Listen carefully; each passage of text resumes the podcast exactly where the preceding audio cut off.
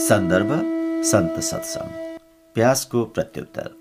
नेपालमा अवस्थित अनेक प्रसिद्ध बुद्ध क्षेत्रमध्ये जनकपुर एक प्रख्यात क्षेत्र हो। कुनै समय यो मिथिला संस्कृतिको केन्द्र र मिथिला राज्यको राजधानी पनि थियो। रामायण कालमा स्वयं भगवान राम धनुष यज्ञमा आएका थिए। फलत चार राजकुमारीहरूको विवाह दशरथका चार छोराहरूसँग भएको थियो। शिरध्वज जनक राजा भएको त्यस कालखण्डमा जनकपुरको प्रसिद्धिले शिखर छोएको थियो। त्यहाँ याज्ञवल्क विश्वामित्र वाल्मिकी अष्टावक्र लोमस इत्यादि ऋषिका आश्रमको उल्लेख भेटिन्छ। भनिन्छ त्यस समय मिथिलामा राजनर्तकी र नगरवधुहरूमध्ये केही ब्रह्मज्ञानीहरू पनि भेटिन्थे। श्रीमद् भागवत गीतामा मिथिलाकी एक नगरवधु पिङ्लाको आत्मग्लानी र प्रार्थनाले भरिएको प्रसिद्ध श्लोक छ जसमा ऊ भन्छे यो विदेह नगरीमा म एक्लै यस्ती मूर्ख छु जो अविनाशी परम पुरुष परमात्मालाई छोडेर अनेक पुरुषको अभिलाषा गर्छु। पारिवारिक अनुष्ठानका सिलसिलामा जनकपुर गएका बेला मैले त्यहाँ एक अद्भुत सन्तको दर्शन पाएको थिएँ। त्यसबेला म त्रिचन्द कलेजमा बिएससीको विद्यार्थी थिएँ। त्यो बेलामा मैले आफ्ना गुरु ओशोलाई भेट्ने सौभाग्य पाएको थिइनँ। तर भारतका अनेक गुरुहरूको दर्शन र उनीहरूबाट दीक्षा लिइसकेको थिएँ। अनेक ढङ्गले साधना गर्ने प्रयास गरे पनि ध्यान जमिरहेको थिएन। मलाई एक मार्गदर्शकको खुब खाँचो थियो। म परमात्मालाई निरन्तर पुकार गर्थे। प्रभु मलाई साधनामा बाटो देखाउने पथ प्रदर्शक पठाइदेऊ। एक दिन बिहानै घरको प्रवेशद्वारमा एउटा गौर वर्णका जोगी भिक्षाका लागि केही नबोली खडा देखिए। बानी अनुसार म घरभित्र गई एउटा रुमालमा दक्षिणा स्वरूप अलिकति चामल लिएर आएँ र उनलाई त्यो चामल दिएँ। जोगी मौनी रहेछन्। उनले स्लेटमा सुन्दर अक्षरले शुद्ध हिन्दीमा लेखेर देखाए मसँग अन्न राख्ने केही छैन त्यसकारण पैसे पाए बेस हुन्थ्यो। त्यसबेला नेपालको तराईमा भारतीय सिक्काकै चलन थियो। मेरो खल्तीमा भएको चार आनाको सिक्का मैले उनलाई दिएँ जो उनले स्वीकार गरे। जोगीलाई दिन निकालेको सिधा फेरि घर भित्राउनु हुन्न भने चामल राम्रोसँग रुमालमा बाँधेर लिएर जानुहोस् काम आउँछ भन्दै उनलाई दिएँ। त्यो पनि उनले स्वीकार गरे। हामी बीच कुनै संवाद भएन। उनी फर्केर हिँड्न लागेका थिए तर फनक्क मतिर फर्के र स्लेटमा सुन्दर अङ्ग्रेजीमा लेखेर देखाए तिमी के साधना गर्छौ? जोगीले अनायस यति राम्रो अङ्ग्रेजी लेखेकोमा मलाई आश्चर्य भयो। अप्ठ्यारो लागेर मैले कुनै पनि साधना गर्दिन भनिदिएँ तर उनले स्लेटमा पुनः लेखे तिम्रो शरीरको तरङ्गले त तिमी साधनाको प्रयासमा छौ भनिरहेको छ। म अक्क बक्क भएँ। साथै आश्चर्यचकित र लज्जित पनि। मैले आफ्नो समस्या भन्नै पर्यो। मेरो साधना ठिकसँग चलिरहेको छैन। अनेक ठाउँबाट नाना कुरा सिके पनि म कुनै मार्ग पक्रेर राम्रोसँग साधना गर्न पाइरहेको छैन। उनले फेरि स्लेटमा लेखे मैले तिमीलाई केही मद्दत गर्न सक्छु भने मद्दत गर्न तयार छु। यो कुरा सुनेर मैले उनलाई सम्मानका साथ घरभित्र लगेँ। आरामले बसालेँ। र विनम्रतापूर्वक आफ्ना जिज्ञासाहरू राख्न थाले जसको उत्तर उनले बडो विशिष्ट बौद्धिकताले सुन्दर हिन्दी र अङ्ग्रेजीमा स्लेटमा लेखेर दिन थाले। केही बेरमा भोजनको समय भयो र मैले उनलाई भोजनका लागि के व्यवस्था गरौँ भने सोधेँ। उनले माछा मासु बाहेक घरमा जे पाकेको छ त्यही ठिक छ भने। सँगै भोजन गर्ने चलन भएकाले सारा परिवार भान्सामा भेला भए परिवारमा अरू सबै व्यक्ति राजनीति रुचिका भएकाले जोगीले पनि स्लेटमा लेखेर यसै चर्चामा सक्रिय भाग लिए। उनको राजनीति विषयको गहन ज्ञान देखेर हामी सबै छक्क पर्यौँ। भोजन पश्चात मैले उनलाई आफ्नो कोठामा लिएर गएपछि हाम्रो सत्सङ्ग अगाडि बढ्यो जसमा उनले अरविन्दको पूर्ण योगदेखि लिएर स्वामी विवेकानन्दको कर्म र ज्ञान योग रमण महर्षिको मौन सबैका बारेमा मलाई दुर्लभ कुराहरू बताए। यी जोगीको ज्ञानको अथा गहिराई देखेर म झन् आश्चर्यचकित हुँदै गएँ। कुरा गर्दै गर्दा कतिखेर अँध्यारो भयो पत्तै भएन। घरका मानिसहरू जोगीको पछाडि लाग्ने मेरो बानीदेखि त परिचित नै थिए तर बिहानदेखि बेलुकासम्म जोगी सत्सङ्गले उनीहरू दिक्क भएछन्। यो अवस्था थाहा पाएर जोगीले आफै तिमीलाई मेरो धेरै आशीर्वाद छ अब म जान्छु भनी स्लेटमा लेखेर उनी हिँड्न लागे। दिनभरको उनको प्रेमपूर्ण सान्निध्यले म भित्र उनीप्रति श्रद्धा र भक्तिको उदय भइसकेको रहेछ। उनले जाने कुरा गर्न साथ मेरो आँखा रसाए। उनले मेरो भाव बुझी तिमी उदास नहौ भोलि बिहान म फेरि आउँछु भने हिँडे। उनको उपस्थितिले उनीप्रति अनायास उम्रेको प्रेमले वियोगको रूप लियो र त्यो रात काट्न मलाई गाह्रो भयो। बिहानी भयो जोगी पनि आइपुगे। सामान्य जलपानपछि हामी सत्सङ्गमा बस्यौं। मेरो मनमा उठेका अनेक आध्यात्मिक र साधना सम्बन्धी व्यावहारिक घटनाहरू उनका सामु मैले राखेँ। उनका उत्तरहरूले उनीप्रति मेरो श्रद्धा गहिरिँदै गयो। उनीसँग साधनाको अनुभव र त्यसबाट निश्रित ज्ञानको अथाह भण्डार थियो। उनका बारेमा मेरो प्रश्नको उत्तरमा उनले लेखे सन्यास पूर्व उनी दक्षिण भारतमा कहीँ प्राध्यापन कार्य गर्थे र वैराग्य भाव जागेपछि सबै छाडी परिव्राजक सन्यासी भए। सुरुमा उनले बाह्र वर्षको मौनको सङ्कल्प लिएका थिए। त्यो पुरा भएपछि पनि बोल्ने प्रवृत्ति भएन र कतै कतै स्लेटमै लेखेर कुरा गर्थे। यत्तिकैमा भोजनको समय भयो। परिवारका सबै सदस्यका बीच उनले जयप्रकाश विनोबा लोहियाको समाजवादबारे लेखेरै सुन्दर र संक्षिप्त विश्लेषण गरे। उनको ज्ञानदेखि सबै प्रभावित त थिए तर उनीप्रति यत्रो लगाव परिवारलाई राम्रो लागिरहेको थिएन। म पनि उनकै पछि लागेर घर छोडेर हिँड्ने हुँ कि भन्ने कुराले उनीहरू पिरो लिइरहेका थिए र अति सशङ्कित थिए। मलाई उनले सानो मन्त्र र राजयोग साधनाको सुन्दर विधि दिए। मैले उनलाई मेरो गुरु बन्नुहोस् र मलाई दीक्षा दिनुहोस् भन्ने आग्रह गरेँ। उनले मेरो आग्रह अस्वीकार गर्दै भने म तिम्रो गुरु होइन। उचित समय आएपछि तिमीले आफ्नो गुरु भेट्टाउँछौ। म त सिलिगुडीमा एक योग स्कुलको उद्घाटन कार्यक्रममा आएको थिएँ। त्यहाँ तिम्रो प्रयास पुकार र प्रार्थना मैले सुने। तिमीलाई मद्दत गर्न मात्र त्यहाँबाट जनकपुर आएको हुँ। तिम्रो जिज्ञासा र अभिप्सादेखि म प्रसन्न छु। तिम्रो यही तिर्खाले उचित समयमा तिम्रो सद्गुरुसँग भेट गराइदिनेछ। त्यसको तीन वर्षपछि मैले ओशोको दर्शन पाएँ। सन्दर्भ गोखले बाबा स्मरण दुई। शुभ काममा विलम्ब नगर्नु एक समय हेटौँडा औद्योगिक क्षेत्रमा मेरो एउटा प्रोजेक्ट थियो छाला उद्योग कारखाना। त्यहाँ ढलान भइरहेको थियो। बीचमा मलाई के आभास भयो भने गोखले बाबाले मलाई जोडले याद गरिरहेका छन्। इन्जिनियरले सामान्यत ढलानको बेलामा साइड छोड्न मिल्दैन। तर त्यो खिचाव यति सशक्त थियो कि मैले आफ्नो सहयोगीलाई केही समयका लागि मेरो काम हेरिदिन अनुरोध गर्दै म मोटरसाइकल लिई बाबाको आश्रमतिर लागेँ। बाटोमा बाबाका लागि मैले केही खानेकुरा र फलफुल लिएको थिएँ। आश्रम पुग्दा त के देख्छु भने उनी आफ्नो इष्ट दत्तात्रयको अगाडि बडो दुखी र उदास बसिरहेका छन्। मैले ल्याएको भेटी उनलाई चढाएँ। उनी प्रसन्न भए। र भने म प्रत्येक दिन दत्तात्रेय भगवानलाई केही न केही चढाउँछु। तर आज आश्रममा चढाउने केही पनि भएन। त्यसैले अत्यन्त दुखी थिएँ। यसै कारण परमात्माले तपाईँलाई तानेर यहाँ ल्याइ पुर्याए एक दिन त्यस्तै उनीप्रति तीव्र आकर्षण महसुस गरेर म उनको आश्रममा पुगेँ। त्यो बेला उनी गहन समस्यामा परेका रहेछन्। उनलाई झाडा पखाला लागेको थियो। अत्यन्त आशक्त भइसकेका थिए। उनी दिशा पिसाबका लागि जङ्गल गएका बेला कुनै निर्दयीले आश्रममा भएका भाँडा कोडा र उनका लुगाफाटा पनि चोरिदिएछ। आश्रम बिल्कुलै रित्तो देखेर मलाई पनि असह्य पीडा भयो। सारा संसार छाडेर वनमा एक्लै साधना गर्न गए पनि समस्याले छाड्दैन भन्ने ओशोको कथन याद आयो। सब व्यवहार छाडेर कहीँ एकान्तमा गई तपस्या गर्ने पलायनवादी प्रवृत्ति म भित्र बच्चादेखि नै थियो। यो घटनाले मलाई राम्रो पाठ दियो। उनी पत्र पत्रिका र पुस्तक नपढे पनि आन्तरिक रूपले घटनाहरू महसुस गर्थे।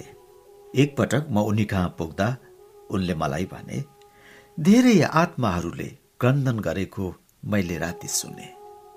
उनले सोधे संसारमा के कहीँ ठुलो दुर्घटना त भएन? कतै धेरै मानिसको जीवन कष्टमा त परेको छैन? उनका यी प्रश्नले मलाई छक्क पारे। त्यही राति न्यू मेक्सिको सिटीमा आठ दशमलव एक रेक्टरको विनाशकारी भुइँचालो गएको र हजारौँ मानिस मरेका र अपरिमेय क्षति भएको थियो। उनले अगाडि थपे, आपके गुरु तो बड़े त्रासदी पूर्ण समय की संकेत अपने प्रवचनों में करते आ रहे हैं। वो प्रारंभ हो गया। सारे संसार में बहुत हिंसा, विध्वंस और विपत्ति आने वाली है। यसले मलाई ओसोको दुईवटा अभिव्यक्ति याद आयो। निर्विचार भइसकेको मनले संसारका घटनाको बोध गर्न सक्छ किनभने ती घटनाले सूक्ष्म जगतमा ठुला हलचल ल्याउँछन्। संसारमा कहीँ पनि विपत्ति आओस् उनीहरूको हृदयमा त्यसप्रति स्वत सहानुभूति अर्थात् इम्प्याथी जन्मन्छ। दोस्रो हामीले प्रकृतिका साथ धेरै दुर्व्यवहार गरेका छौँ। हाम्रो जीवन दर्शन र शैलीमा एक ठुलो परिवर्तन आएन भने विश्वले ठुलो धनजनको क्षति बेहोर्नु पर्नेछ। मनुष्य चेतनामा यही रूपान्तरणका लागि ओशोले आफ्नो पुरा जीवन समर्पित गरे। अन्तिम पटक मेरो गोखले बाबासँग भेट उनले शरीर छाड्नुभन्दा केही दिन अघि मात्र भएको थियो। म पेसागत कार्यको सिलसिलामा गाडी लिई वीरगञ्ज गएको थिएँ बाटोमा मैले उनको दर्शन गरेको थिएँ। त्यो मेरो उनीसँग अन्तिम सत्सङ्ग थियो। उनको शरीर कमजोर भए पनि उनी प्रसन्न र प्रफुल्लित देखिन्थे। म रक्सौल गइरहेको छु आश्रमलाई केही चाहिन्छ कि भनेर सोधेँ। उनले मलाई बडो सहजतापूर्वक भने मुङको राम्रो दाल पाइयो भने ल्याइदिनु होला रक्सौलमा मैले उनका लागि मुङको दाल किनेको थिएँ। मसँग अरू इन्जिनियर मित्रहरू पनि थिए। सँगै हिँडेको हुनाले बाटोमा ढिला भयो र हेटौँडा आइपुग्दा रातको दस बजिसकेको थियो। म आश्रमको छेउ पुगेँ। वातावरण निशब्द मौन र चकमन्न थियो। बाबा सुतिसकेका थिए। म दाल पुर्याउन माथि जान खोज्दा मलाई साथीहरूले जङ्गलको बाटो मध्यराति चढ्न दिएनन्। आज हेटौँडै बास बसौँ भोलि बिहानै बाबाको दर्शन गरेर काठमाडौँ जाउँला भनेर मैले प्रस्ताव गरेँ। साथीहरूले अगाडि नै नारायण घाटमा बास बस्ने तारतम्य मिलाइसकेका रहेछन्। उनीहरू हेटौडा बस्न मानेनन्। मैले पनि सही निर्णय लिन सकिनँ। लाचार नारायण घाटतिर लागे। धेरै समयसम्म त्यो दालको पोको मसँगै रह्यो। त्यसले मलाई मनमा उठेका विचारले घचघचाइरहन्थ्यो। ती जोगीको कोसेली उनकै हातमा पुर्याउनु पाए हुन्थ्यो। त्यसपछि कार्य व्यस्तताले म केही दिनसम्म हेटौडा जान सकिनँ। पछि तारतम्य मिलाएर म उनको कोसेली लिई हेटौडा पुगेँ। तल सडकबाट हेर्दा नै बाबाको कुटी परित्यक्त र जीर्ण लाग्यो। सडकको किनारमा एक महिला सधैँ गिट्टी कुटिरहेकी भेटिन्थिन्। उनी बाबालाई चिन्थिन् मैले उनलाई सोधेँ बाबा कतै बाहिर गएका त छैनन्? माथि नै हुनुहुन्छ? उनले भनिन् ए बाबा बितेको त पन्ध्र दिन भइसक्यो। म झस्के उनी भन्दै थिइन् अहिले त्यहाँ कोही बस्दैन। गाउँलेहरूले त्यहाँका काठपात पनि छेकेर लान थालिसके। यो सुनेर हृदयमा ठुलो आघात लाग्यो। एकछिन म स्तब्ध भए। उनको शान्त र प्रफुल्लित छवि एकटक भई मेरा आँखा अगाडि स्थिर भयो। बाबाबाट पाएको प्रेम आत्मीयता र यो अनपेक्षित बिछोडको सम्मिलित पीडाले मेरा आँखा रसाए केही महिना अघि उनी यही भएको बेला यहाँसम्म आएर पनि उनलाई नभेटी र उनकै लागि किनेको दालको पोको भेटी चढाउन नसकेकोमा बडो ग्लानी र पश्चाताप लागिरह्यो। म त्यही सडकमा दालको पोको राखी रुन थाले तर जति रोए पनि अब उनको दर्शन सम्भव थिएन। जीवनमा भोलिको कुनै भरोसा नहुँदो रहेछ। दान पुण्य र साधु सत्सङ्गको कार्यलाई कहिले पनि पछि सार्नु हुँदो रहेनछ। पछि यो सारा वृत्तान्त आफ्नो गुरुलाई सुनाए। गुरुले मलाई ढाडस दिँदै भन्नुभयो उनको लागि धेरै चिन्ता नगर। उहाँ मृत्यु पूर्व निर्वाण प्राप्त गरेर जानुभयो। अब उनलाई फेरि यो संसार चक्रमा आउनु पर्दैन। यो सुनेर मेरो उद्वेलित मन केही शान्त भयो। एक सय अठार वर्षको उमेरसम्म वनमा एक्लै निरालम्ब निराधार कठिन तपस्या गरेको योगीको प्रयास व्यर्थ गएनछ निर्वाणको यस महायात्रामा उनी जस्तै कति अज्ञात साधक तपस्यारत होलान्। तिनको प्रयासलाई नमन। तोतापुरी बाबाको समाधि। सबै धर्मका तीर्थहरू पवित्र र सुन्दर हुन्छन् तर हिन्दूहरूको तीर्थको विज्ञान अद्भुत छ। हिन्दूहरूले आफ्ना तीर्थ प्राकृतिक दृष्टिकोणले अति सुन्दर स्थानहरूमा निर्माण गरेका छन्। हिन्दूहरूका चार प्रमुख धामहरू हुन् जगन्नाथपुरी रामेश्वरम द्वारका र बद्रीनाथ। यी मध्ये पहिला दुई बङ्गालको खाडीको किनारामा तेस्रो अरब सागरको किनारामा र चौथो हिमाली क्षेत्रको उच्च भेगमा अवस्थित छन्। यी चारै तीर्थहरू प्राकृतिक दृष्टिकोणले अति रमणीय र मनोहर छन्। यिनको यात्रा गर्दा मानिसको मन स्वत अन्तर्मुखी र आनन्दित हुन्छ। विशेषतः हिन्दूहरूको जल तत्व प्रतिको अन्तर्दृष्टि अद्भुत छ। यिनीहरूले जल तत्वको गहन विज्ञान बुझे र आफ्ना सारा तीर्थ या त नदीको किनारामा बनाए या त समुद्रको किनारामा। जहाँ यी दुवै थिएनन् त्यहाँ उनीहरूले ठूला जलाशयको निर्माण गरेर भए पनि तीर्थको स्थापना गरे। रुस जाँदा हामीले जलतत्वमाथि पूर्वी र पश्चिमी जगतका वैज्ञानिकहरूको समष्टिगत खोजका आधारमा बनाइएको एउटा डकुमेन्ट्री फिल्म हेरेका थियौं। अध्ययनहरूबाट के पत्ता लागेको छ भने पानीका अणुहरूको बीचमा सृजना हुने क्लस्टरहरूमा पानीको वरिपरि हुने सबै भाव र विचारलाई कम्प्युटरको चिप्समा चाहिँ संग्रह गर्ने क्षमता हुन्छ र ती विचार र भाव जलले सम्प्रेषित गरिरहेको हुन्छ। यो खोजपूर्ण फिल्मले हिन्दूहरूको जल तत्व प्रतिको बुझाइलाई वैज्ञानिक रूपले पनि प्रमाणित गरेको देखिन्छ। यी प्रमुख चार धाम मध्ये जगन्नाथ पुरीलाई पुरुषोत्तम धाम र मृत्युलोकको वैकुण्ठ पनि भनिन्छ। वैष्णव सम्प्रदायहरूको यस तीर्थसँग अति नै गहिरो सम्बन्ध छ। आदि शङ्कराचार्य रामानुजाचार्य निम्बार्खाचार्य चैतन्य महाप्रभु युक्तेश्वर गिरी जस्ता महाविभूतिहरूले लामो समय स्थानमा प्रवास गरेका थिए। यी चार धाम मध्ये नेपालबाट सबैभन्दा सुगमतापूर्वक पुगिन सक्ने धाम पनि जगन्नाथपुरी नै हो। त्यसै कारण हिउँदको समयमा हरेक वर्ष त्यहाँ हामीले एउटा साधना शिविर लगाउने गरेका छौँ। समुद्रको किनारमा अवस्थित होलिडे रिसोर्ट तीन तारे भए तापनि त्यसका मालिक महापात्रजी धार्मिक व्यक्ति भएकाले हामीलाई अत्यन्त सुलभ दरमा शिविरको अति राम्रो व्यवस्था गरिदिन्छन्। शिविरमा भारत नेपाल र बाहिरका मित्रहरू पनि भाग लिन आइपुग्छन्। गत वर्ष पनि म शिविरपछि त्यहाँका तीर्थ तथा अन्य धार्मिक दृष्टिकोणले महत्वपूर्ण स्थानहरूको दर्शनार्थ केही दिन पुरीमा बसे। एक दिन गाडी लिएर हामी पुरीबाट बाहिर एउटा जंगलमा घुमिरहेका थियौं। त्यहाँ एउटा लोकनाथ शिव नाम गरेको पुरानो सानो मन्दिर रहेछ। त्यही हामीले एक नागा स्वामी समाधिस्थ गरिएको गिरनारीवन्ता नामक आश्रमको बारेमा सुन्यौं जुन जंगलको बीचमा अवस्थित रहेछ। बडो कठिनाईसँग आश्रम फेला पारियो। आश्रमको वरिपरि घनघोर जंगल र बालुई बालुवा थियो। यो आश्रममा पुगेपछि मलाई अत्यन्त आश्चर्य भयो के भने ती समाधिस्थ दिगम्बर परमहंसदेव वा अरू कोही नभएर परमहंस रामकृष्णका गुरु तोतापुरी नै रहेछन्। अद्वैतको महान अनुभूति र जीवनमा यसको व्यावहारिक उपलब्धि दुवै दृष्टिले अद्भुत ती महापुरुषले सन् उन्नाइस सय एकसठी अगस्त अठाइसका दिन दुई सय पचास वर्षको उमेरमा पुरीको त्यो निर्जन वनमा महासमाधि लिएका रहेछन्। रामकृष्ण साहित्यमा ती वेदान्ती गुरुको नाम उल्लेख छ। उनी पुरी सम्प्रदायका नागा स्वामी भएकाले रामकृष्ण उनलाई प्रेमले न्याङटा भनेर बोलाउँथे। उनी स्वयं पाक्य र कुनै ठाउँमा तीन दिन भन्दा बढी नबस्ने परिव्राजक थिए। रामकृष्णलाई उनले अद्वैत वेदान्तको शिक्षा दिएर साधनाको परम लक्ष्य निर्विकल्प समाधिको अनुभूति गराएका थिए। उनी स्वयंले पनि रामकृष्णबाट सगुण भक्तिको प्रेरणा र शिक्षा लिए। उनी रामकृष्णको प्रेममा दक्षिणेश्वरमा एघार महिना बसे। यी घटनाहरूको मिठो वर्णन रामकृष्ण साहित्यमा पाइन्छ र यसको चर्चा हामीले रामकृष्ण सम्बन्धी अगाडिका लेखहरूमा पनि गरेका छौं।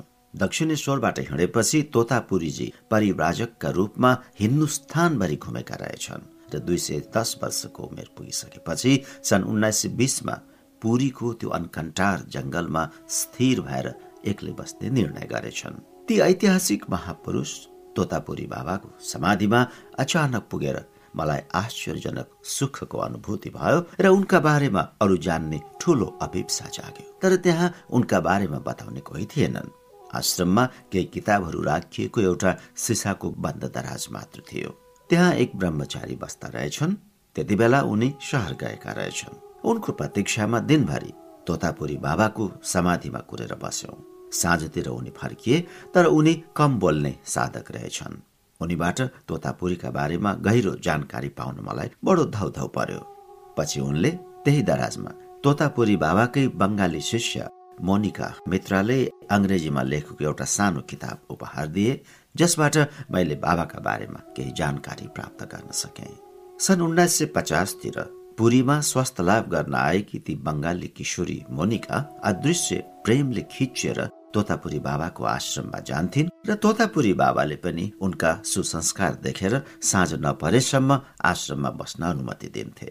एकान्त शान्तवास र मौन मन पराउने बाबा मृग छालामाथि नाङ्गै समाधिस्थ बस्थे।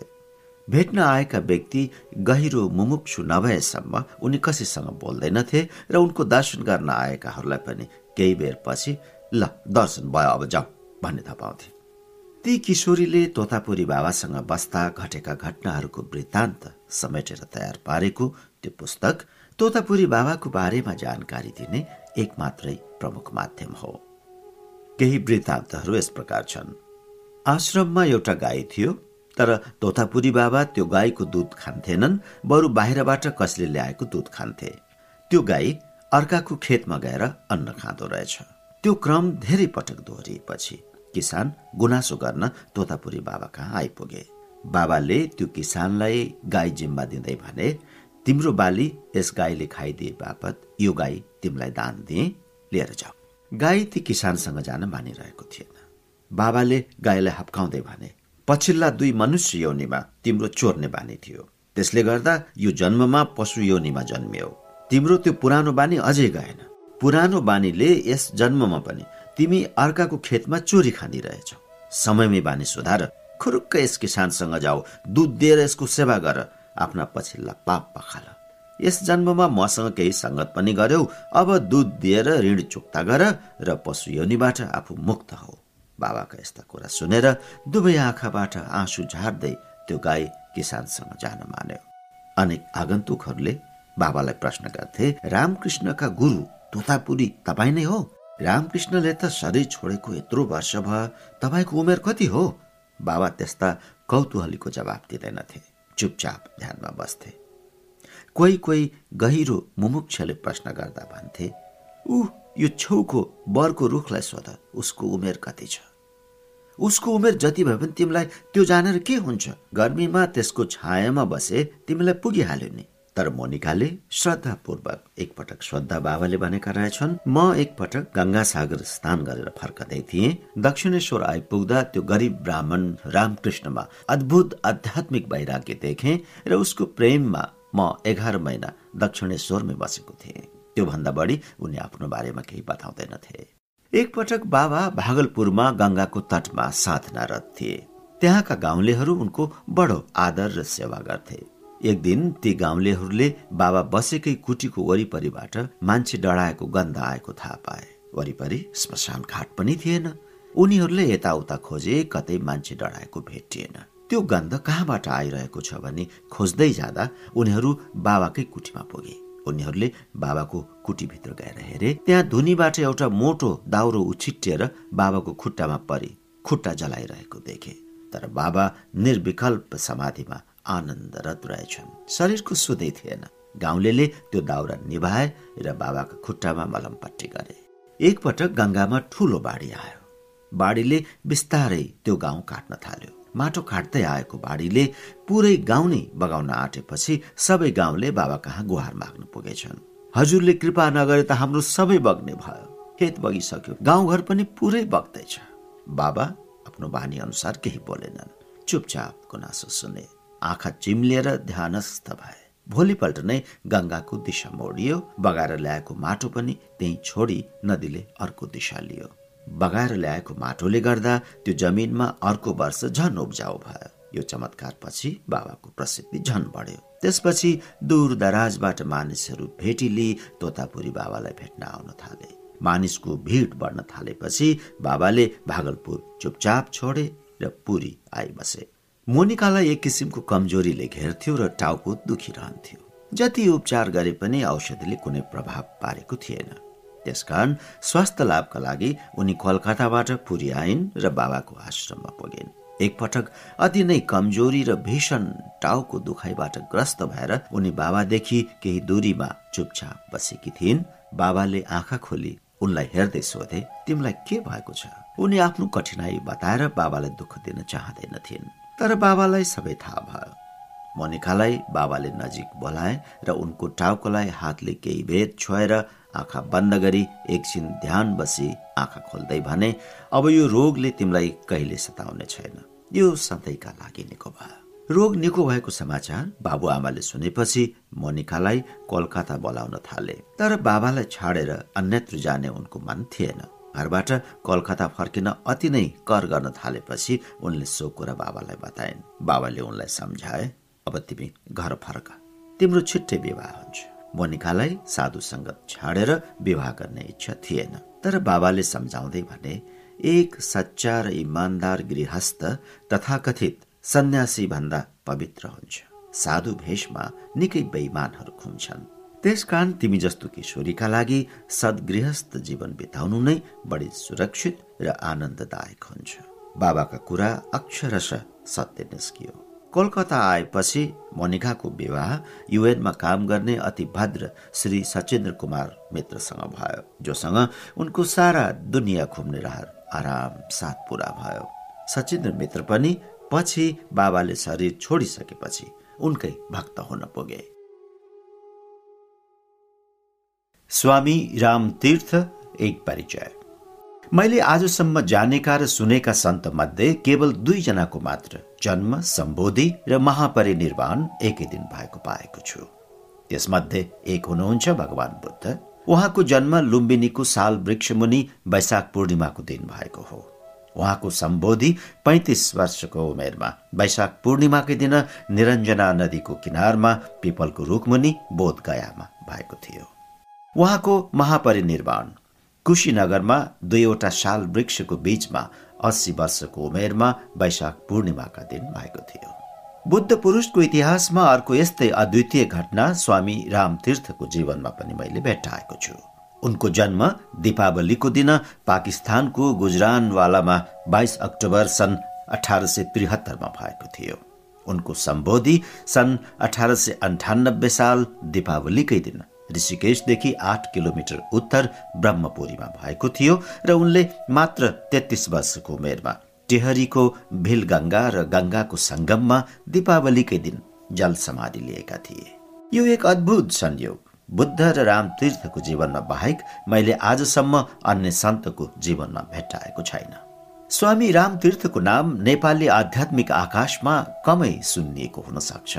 उनी आध्यात्मिक नवमा एक्कासी उदाए उनका समकालीन स्वामी विवेकानन्द श्री अरविन्द जस्तो ख्याति उनले नपाए पनि उनको आध्यात्मिक उचाइ मस्त फकिरीपन अदम्य साहसबाट अत्यन्त प्रभावित भई उनको सागर जस्तो व्यक्तित्वलाई गागरमा समेट्ने विनम्र प्रयास गरिएको छ।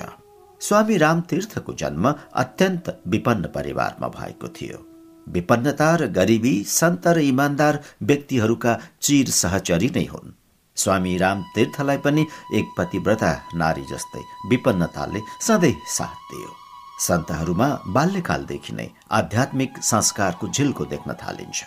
राम तीर्थलाई पनि शङ्खको ध्वनि र मन्दिरको परिवेशले सधैँ तान्थ्यो बाल्यकालमा धेरै रुँदा फकाउन केही सिप नलागेपछि शङ्ख बजाइदिँदा या मन्दिरमा लैजाँदा उनी आनन्द विभोर हुन्थे। सानै उमेरमा एक मुसलमान मौलवी मोहम्मद अली शाहसँग उनले फारसी भाषा सिके र तीक्ष्ण बुद्धिका धनी। उनी थोरै समयमा फारसीमा पारङ्गत भए।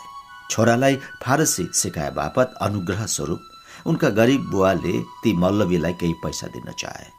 तर मल्लवीलाई दुधका लागि भैँसी चाहिएको रहेछ। रामतीर्थको बुवासँग एउटै मात्र भैँसी थियो जसको दुधबाट परिवारको गुजारा चल्थ्यो। रामतीर्थले उनका बुबालाई त्यो भैँसी मौलवीलाई दिन बाध्य पारे। मौलवी साहब ती बालकको उदारता देखेर छक्क परे र द्रवित भए।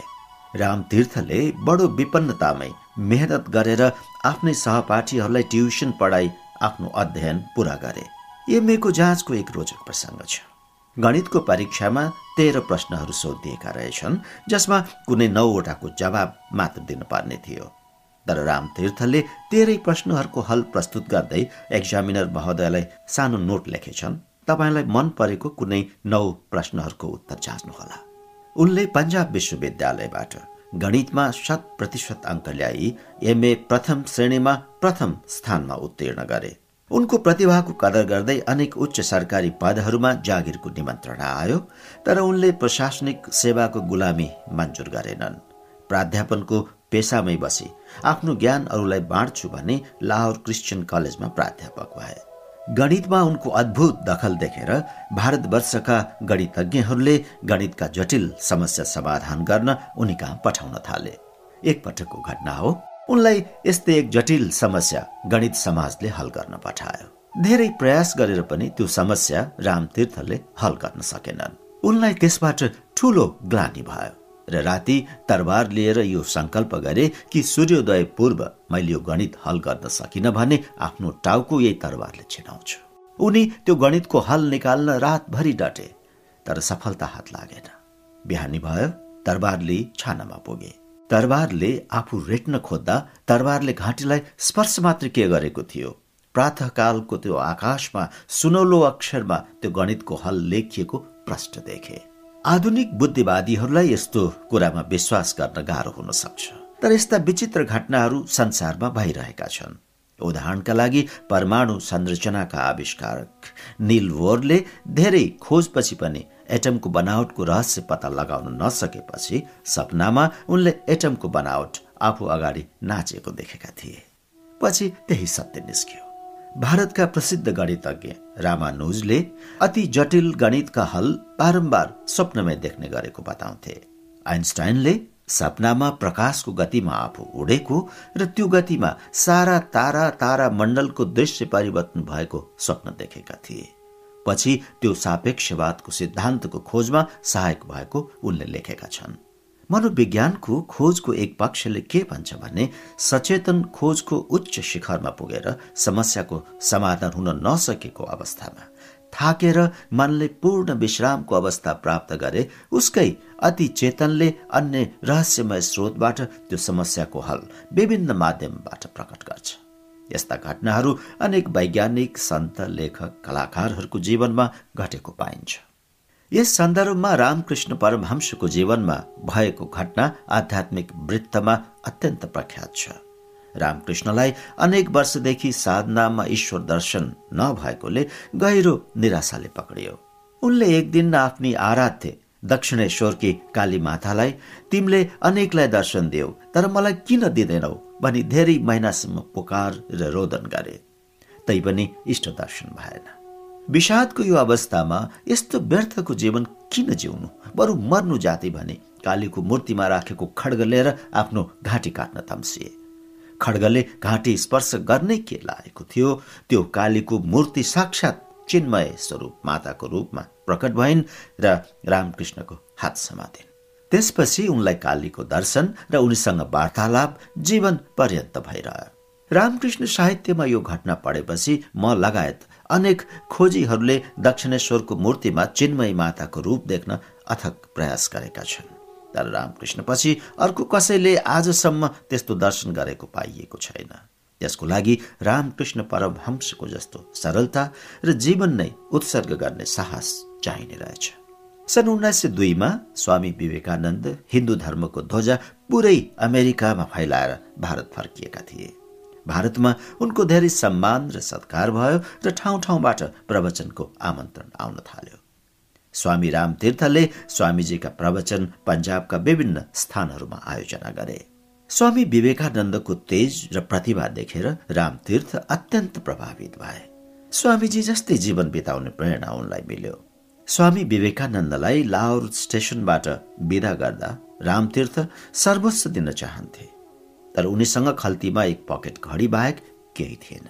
उनले सो घडी श्रद्धापूर्वक स्वामी विवेकानन्दलाई अर्पित गरे। स्वामीजीले त्यो उपहार ग्रहण गरी उनलाई नै फिर्ता गर्दै भने अबदेखि यो घडी मसँगै हुन्छ भन्ने ठान्नु तर मेरो अर्को शरीरको खल्तीमा। तिमी मसँग आफूलाई टाढा भएको कहिले नसम्झनु। त्यस बखत घडीमा पनि ठिक एक बजेको रहेछ। घडीमा एक बजेको देखाउँदै स्वामी विवेकानन्दले सम्झाए हेर यो घडीले पनि के भनिरहेको छ भने हामी एक हौ र यही वेदान्तको निचोड हो। जुन व्यक्तिको खोज वेदान्त प्रचारका लागि म गइरहेको थिएँ त्यो व्यक्ति मैले अब तिमीमा भेट्टाए।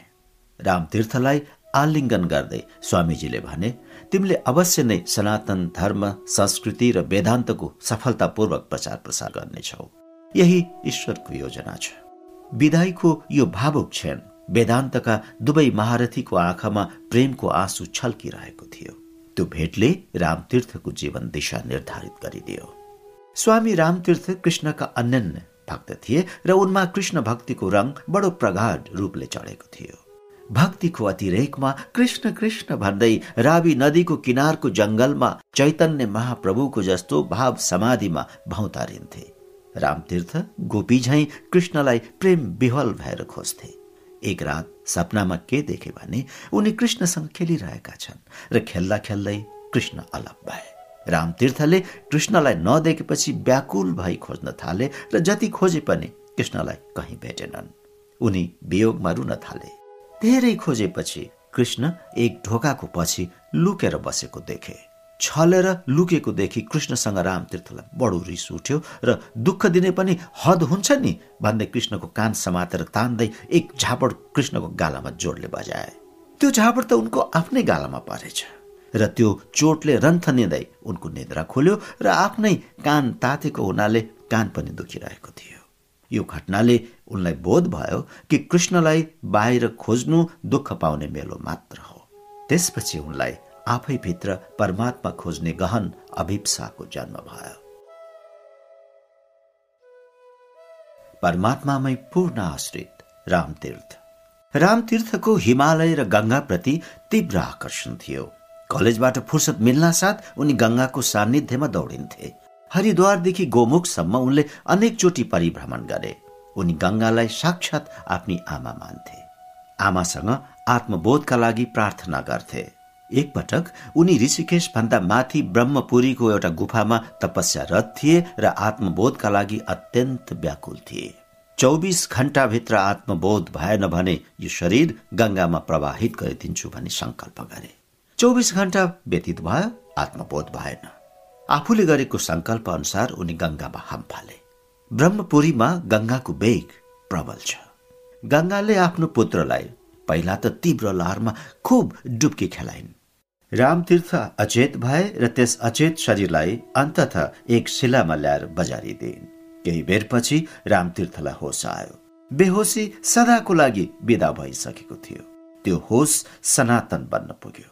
रामतीर्थलाई आत्मबोध भइसकेको थियो। जन्म जन्मान्तरदेखि अनवरत चलिरहेको खोजले अनन्त विश्राम पायो। उनी बडो आनन्दित र तृप्त भएर आफ्नो अध्यापन कार्यका लागि लाहोर फर्किए। तर आत्मबोधपछि पुरै जीवन रूपान्तरित हुँदो रहेछ। गणित पढाउँदा पनि उनी वेदान्तलाई गणितबाट प्रमाणित गर्न थाले। उपनिषदका सूत्रलाई गणितीय समीकरणबाट प्रमाणित गरिदिन्थे। यो उनका इसाई कलेजका प्राध्यापकहरूलाई मन परेको थिएन। उनी नित्य ब्रह्म मुहुर्तमा ध्यानमा बस्थे। कहिलेकाहीँ ध्यानमा बस्दा निर्विचार शून्यमा डुब्थे र समयको भान हुन्थेन र कलेज पुग्न ढिलो हुन्थ्यो। कलेजका प्रिन्सिपलबाट बारम्बार खप्की खानु पर्थ्यो। सन् उन्नाइस सयको जुलाई चौधको घटना हो। त्यस दिन उनी निर्विचार समाधिमा डुबेछन्। दिउँसो दुई बजे मात्रै उनको ध्यान टुट्यो। ध्यान खुल्न साथ उनलाई याद आयो बाह्र बजे गणितको एक महत्वपूर्ण कक्षा लिनुपर्ने थियो। यो सम्झी दौडदै उनी कलेज पुगे र हाजिर गर्न खोज्दा पहिलेदेखि नै उनको हस्ताक्षर हाजिर कापीमा देखियो। सोधे पछि क्लर्कले बतायो कलेज खोल्न साथ तपाईँले यो हस्ताक्षर गरेको हो। अनि ठिक समयमा विद्यार्थीको क्लास पनि तपाईँले लिइसक्नु भएको छ। रामतीर्थ छक्क परे र सोच मग्न हुँदै त्यहीँको कुर्सीमा थचक्क बसे। उनले आफैलाई भने अब कुरो बुझे। यो सबै कृष्णकै करतुत हो। उनलाई लाग्यो उनका लागि कृष्णले नै उनको रूप धारण गरेर कलेज आउनु पर्यो र क्लास लिनु पर्यो। मनमा नै उनले भने अब मबाट यो नोकरी हुन सक्दैन। केही समयसम्म उनी चुपचाप बसे र क्लार्कसँग एक सादा पाना मागे। तुरन्त उनले राजीनामा लेखेर क्लार्कलाई दिँदै प्रिन्सिपललाई पेश गरिदिनु भने। कसैसँग नबोली उनी कलेजबाट बाहिरिए। उनको राजीनामा एक्कासी आएको देखि सारा कलेज स्तब्ध भयो र अफसोस गर्न थाल्यो। प्रिन्सिपलले त रामतीर्थ पागल भएको सम्भव भने जागिर नछोड्न सम्झाए। प्रख्यात शायर मोहम्मद इकबाल त्यही कलेजमा उनका सहकर्मी थिए। उनले भने यदि रामतीर्थ पागल हुन् भने यो संसारमा कोही व्यक्ति पनि सधैँ हुन सक्दैन। जुन परमात्माले म जन्मनुभन्दा अगाडि मेरी आमाको स्थानमा मेरो लागि दुधको व्यवस्था गरिदियो उसैले म र मेरा परिवारको भरण पोषण गर्छ भन्ने पूर्ण विश्वासमा उनले आफ्ना सारा सामान बाँडिदिए र भोलिपल्ट खाली हात ऋषिकेश प्रयाणको तयारीमा बसे। यो देखेर उनकी पत्नी पार्वती देवी रुन थालिन् आफूलाई पनि साथी लिएर जाने अनुनय गर्न थालिन्। रामतीर्थले हिमालयमा बस्ने खाने ठेगान छैन। म पूर्णत परमात्माको आश्रय जाँदैछु। तिमी बच्चाहरूलाई लिएर माइते बस भने पार्वती देवी मानेनन्। उनको तर्क थियो रामले त वनमा जाँदा सीतालाई लिएर गए भने तपाईँ मलाई किन छोड्नुहुन्छ? भन्दै सँगै जाने जिद्दी गर्न थालिन्। आफूसँगै जाने भए तीन शर्त पूरा गर्नुपर्ने कुरा बताए। पहिलो शर्त थियो लगाएको एक सौ लुगा बाहेक बाँकी सबै दान गरिदिनु र खाली हात हिँड्नु। दोस्रो मेरा पति रामतीर्थ सधैँका लागि मर्यो भनी तीनचोटि जोडले उच्चारण गर्ने र यो व्यक्ति आजदेखि मेरो पति होइन साधनाको सहयात्री मात्रै हो भन्ने भावलाई प्रगाड गर्नुपर्ने। तेस्रो शर्त आफ्नो दुवै साना छोराहरूलाई लाहोरको बीच चोकमा कृष्णकै सहारामा छोडेर आउनुपर्ने। जसले यिनीहरूलाई जन्म दिएको छ त्यसैले यिनलाई पाल्नेछ भन्ने पूर्ण श्रद्धामा उनी पक्का थिए। शर्तहरू एक से कठिन र हृदय विदारक थिए। पार्वती देवी रुन थालिन्। म यी बालकहरूलाई कसरी बेसहारा छोडौँ? यो कठिन परीक्षा नलिनुहोस्। रामतीर्थले कठोर शब्दमा भने यदि तिमीलाई परमात्मामा पूर्ण भरोसा छैन भने माइतै गएर बस। पन्जाब वीरहरूलाई जन्माउने भूमि हो र त्यहाँका माताहरू पनि साहसी त्यागी र वीर हुन्छन्। पार्वती देवी पनि साहसी थिइन्। उनले दुवै बच्चालाई बीच सहर चोकमा बेसहारा छोड्दै रुँदै आई रामतीर्थका तीनै शर्तहरू पूरा गरिन्। रामतीर्थले अब तिमी यो वैराग्य पथमा हिँड्न तयार भयो भने पार्वती देवीलाई सँगै लिएर हिँडे। ट्रेन चढ्न उनीहरू लाहोर स्टेसन आइपुगे। लाहोर शहरमा एक उच्च कोटीको वक्ता एवं कुशल प्राध्यापकको रूपमा उनको ख्याति पहिल्यै फैलिसकेको थियो।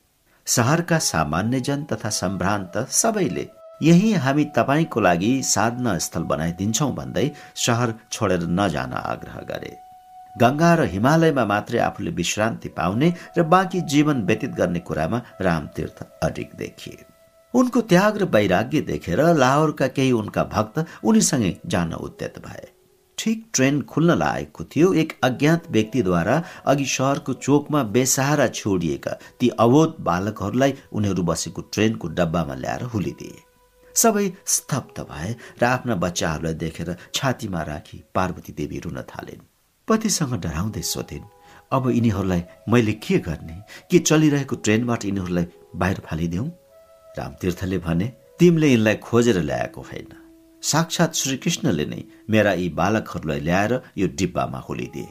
अब उनको इच्छा यही हो भने यिनको लालन पानको व्यवस्था पनि उनले नै जुटाउनेछन्। यो सुनि पार्वती देवीले दुवै बच्चालाई आफूमा लपेटेर आफ्नो बिछोडको व्यथालाई शान्त गरिन्। रामतीर्थसँग एक सानो शिष्य मण्डली ऋषिकेश आइपुग्यो। उनीहरू डुङ्गाबाट गङ्गा पार गर्न लागे। गङ्गाको बीच धारमा पुगेपछि रामतीर्थले भने मसँग हिँड्ने सबैले पुरै परमात्माको आश्रयमा हिँड्नुपर्छ त्यसैले लगाएको लुगा बाहेक अन्य सबै लुगा फाटा गर गहना गङ्गामा फालिदेऊ। जसलाई यो फाल्ने साहस छैन त्यो यही डुङ्गाबाट फर्केर जाओस् केही व्यक्तिले रामतीर्थलाई देखेर साहस जुटाए र सबै गङ्गामा फालिदिए। जसले हिम्मत जुटाउन सकेनन् फिर्ता गए। रामतीर्थले पार्वती देवीको साडीको कुनामा केही बाँधेको गाँठो देखे। यो के बाँधेको? भनी उनले कडा स्वरले सोधे। अरू त सबै फालिदिए तर भर अबेर तपाईँ बिरामी पर्दा चाहिन्छ कि भनेर सुनका दुई चुरा लुकाएर बाँधेर राखेकी हौ भनी पार्वती देवीले कारण बताइन्। तिमीलाई सुनमा यति विश्वास छ तर जसले यो सुनभन्दा पनि सुन्दर र किम्मती शरीर दिएको छ त्यस परमात्मामा कुनै विश्वास छैन? उसैले हाम्रो भरण पोषण गर्नेछ। यो सुनको चुरा बोकेर आफू जान्ने भने उसको कार्यमा बाधा नबन भने पार्वती देवीलाई ती सुनका चुरा पनि बीच गङ्गामा फाल्न लगाए। यसरी निराश्रय निरालम्ब भई पूर्णत ईश्वरकै सहारामा यो सानो मण्डली टिहरीतिर उक्लियो। टिहरीमा सेठ मुरलीधरले साधु र सन्यासीहरूका लागि एउटा धर्मशाला बनाएका थिए। त्यही रामतीर्थको मण्डलीले विश्राम लियो। मध्याह भइसकेकोले सो मण्डलीलाई प्रचण्ड भौ लाग्यो। यतिकैमा ऋषिकेशका काली कमलीवाला क्षेत्रका म्यानेजर बाबा रामनाथ बाटो बेराएर त्यहाँ आइपुगे। जब प्रोफेसर रामतीर्थको मण्डलीको सबै वृत्तान्त थाहा भयो उनले स्वामी रामतीर्थसँग आग्रह गरे कि टिहरी बसिन्जेल सारा व्यवस्था म गर्नेछु। जसले परमात्मामाथि पूर्ण आश्रित भएर सबै उसमा समर्पित गर्छ उसको सारा व्यवस्था गर्न परमात्मा बाध्य हुन्छ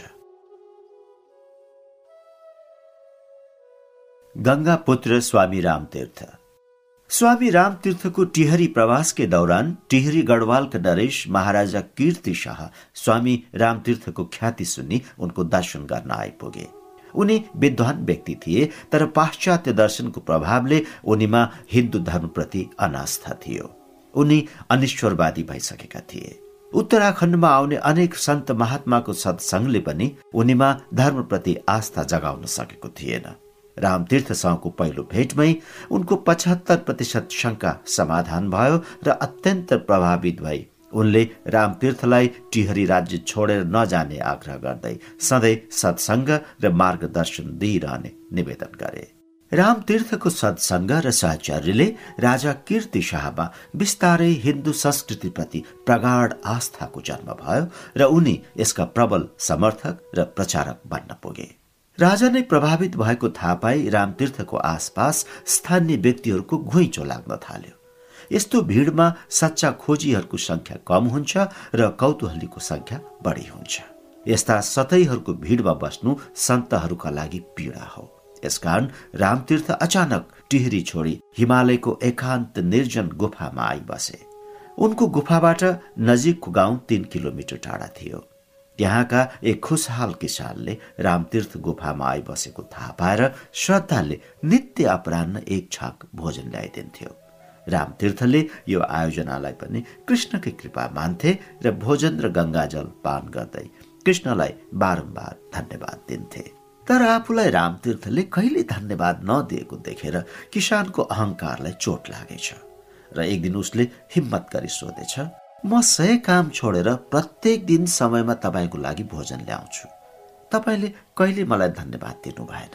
खालि श्रीकृष्णकै रट लगाउनुहुन्छ।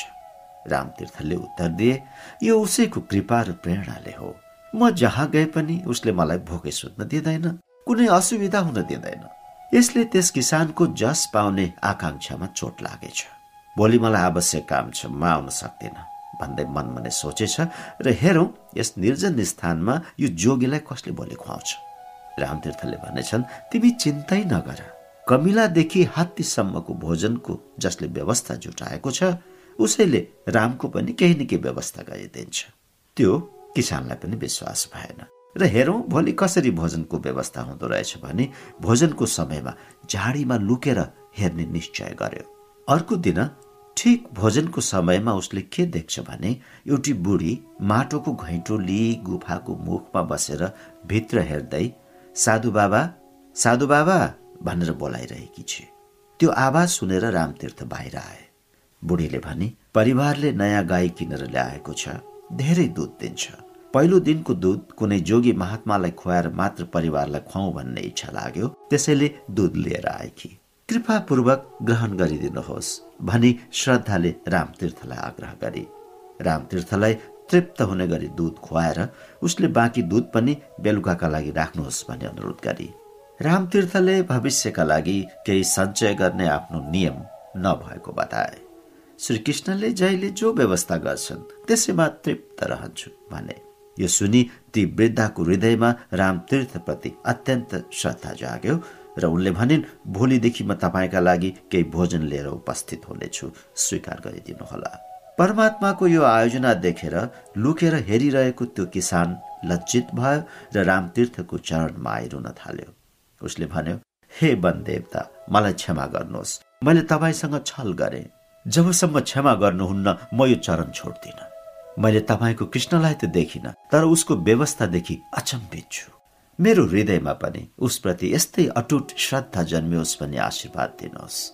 त्यो किसानको अभिमान चूर्ण चूर्ण भयो र अरू गहन श्रद्धाले भोलिदेखि भोजन ल्याई रामतीर्थलाई गुरु मानी रामतीर्थसँग मार्गदर्शन लिन थाल्यो। आफ्नो नाम पनि परिवर्तन गरी राम सेवक राख्यो। स्वामी राम एकपटक गङ्गोत्री प्रवासमा थिए।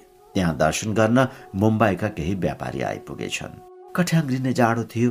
जाडोले उग्र रूप लिएपछि मुम्बईको गर्मीमा बस्ने बानी परेका उनीहरू कराउन थाले।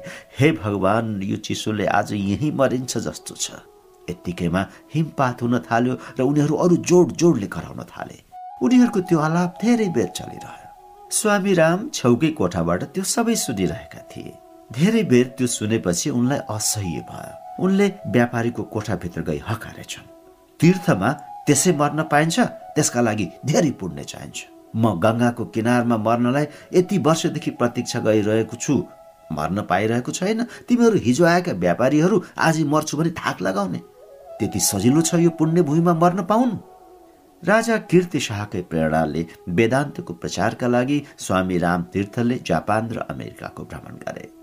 जापानमा उनले आफ्ना परम शिष्य पुरन सिंहलाई भेट्टाए। पुरन सिंह जापानमा एक सफल प्रतिष्ठित सिख व्यापारी थिए। रामतीर्थको प्रथम दर्शन र प्रवचनमै उनी पग्लिए रामतीर्थको ओजस्वी बाणीबाट उनले शक्तिको पुञ्ज र आगोको झिल्को निस्किरहेको अनुभव गर्थे। उनलाई रामतीर्थको ऊर्जावान उपस्थितिले लाग्यो परमात्मा नै स्वयं दर्शन दिन पृथ्वीमा उत्रिएको छ। त्यसपछि उनी रामतीर्थप्रति पूर्ण समर्पित भई सारा व्यवसाय छोडी आजन्म उनकै सेवामा लागे। स्वामी रामतीर्थ एक्लै अमेरिका पुगे। जब जहाज सियाटल बन्दरगाहमा लाग्यो सबै यात्रीहरू उत्रिन आपाधापी गइरहेका थिए।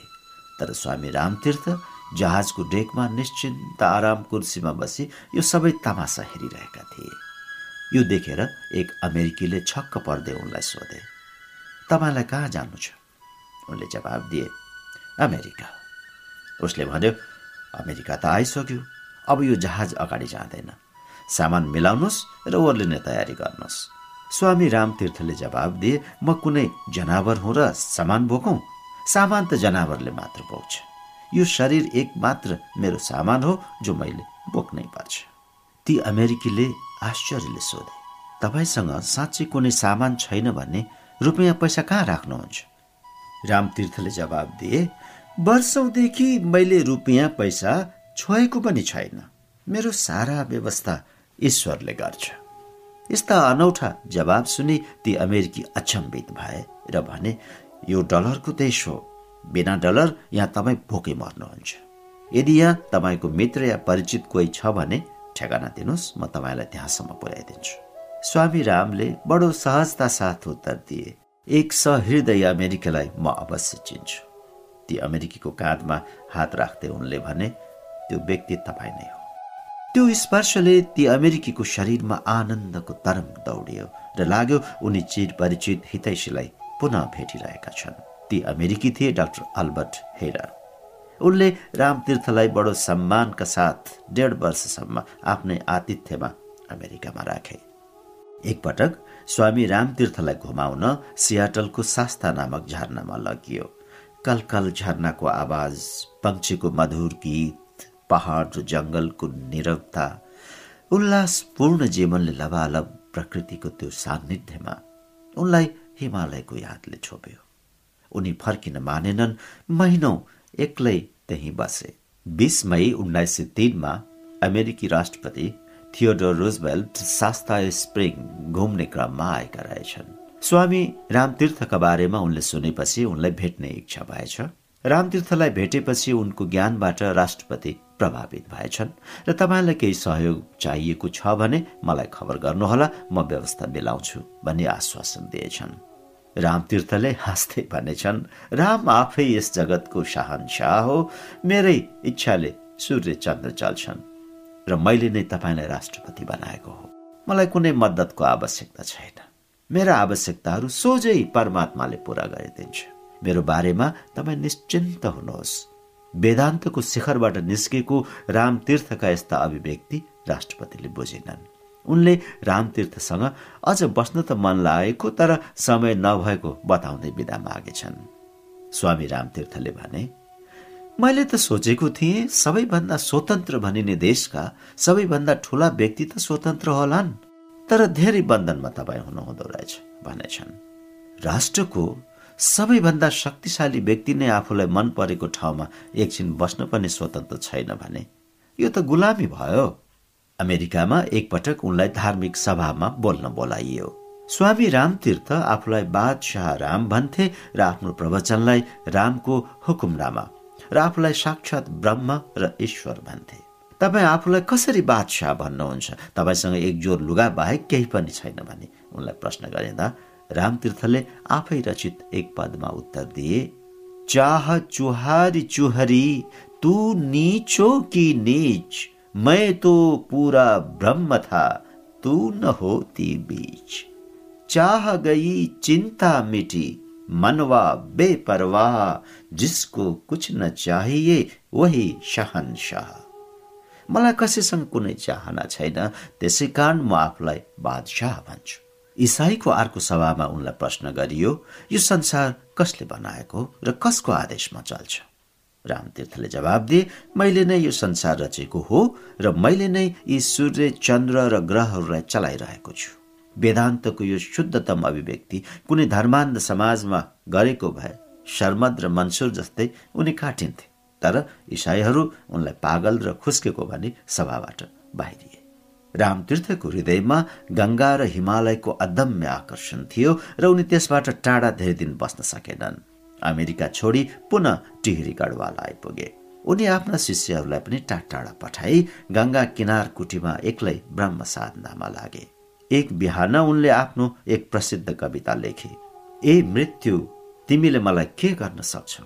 तिमीले मलाई मार्न सक्दैनौ। यो शरीरबाट मुक्त गरायो भने पनि म गङ्गाको बालुवाको हरेक कणमा गङ्गा जलको प्रत्येक थोपामा वनको हरेक पातमा प्राणवान नै भएर सधैँ जीवन्त नै रहिरहनेछु। त्यही दिन दिउँसो गङ्गा स्नान गर्न जाँदा उनले जल समाधि लिए। त्यो दिन पनि दीपावलीकै थियो। म शिविर सञ्चालन गर्ने क्रममा उत्तराखण्ड जाँदा धेरै अशरीरी योगीहरूको उपस्थितिको अनुभूति हुन्छ। जहाँ पनि प्रगाढ प्रेम र श्रद्धाले याद गरे ब्रह्मलीन सन्तको उपस्थिति वास्तवमा ब्रह्माण्डमा जहाँ पनि अनुभव गर्न सकिन्छ। सेती किनार ओसो उपवन पोखराको आश्रममा बसी यो लेख्दा पनि मलाई उनको प्रगाढ उपस्थितिको अनुभूति भइरहेको छ। उनकै प्रेरणाले यो लेख लेखिरहेको अनुभव गरिरहेको छु। परमात्मामै पूर्ण रूपले आश्रित र ईश्वरलाई नै सदा एक मात्र आधार मान्ने। हिमालय र गङ्गाका ती अमृत पुत्र बादशाह रामलाई हार्दिक नमन।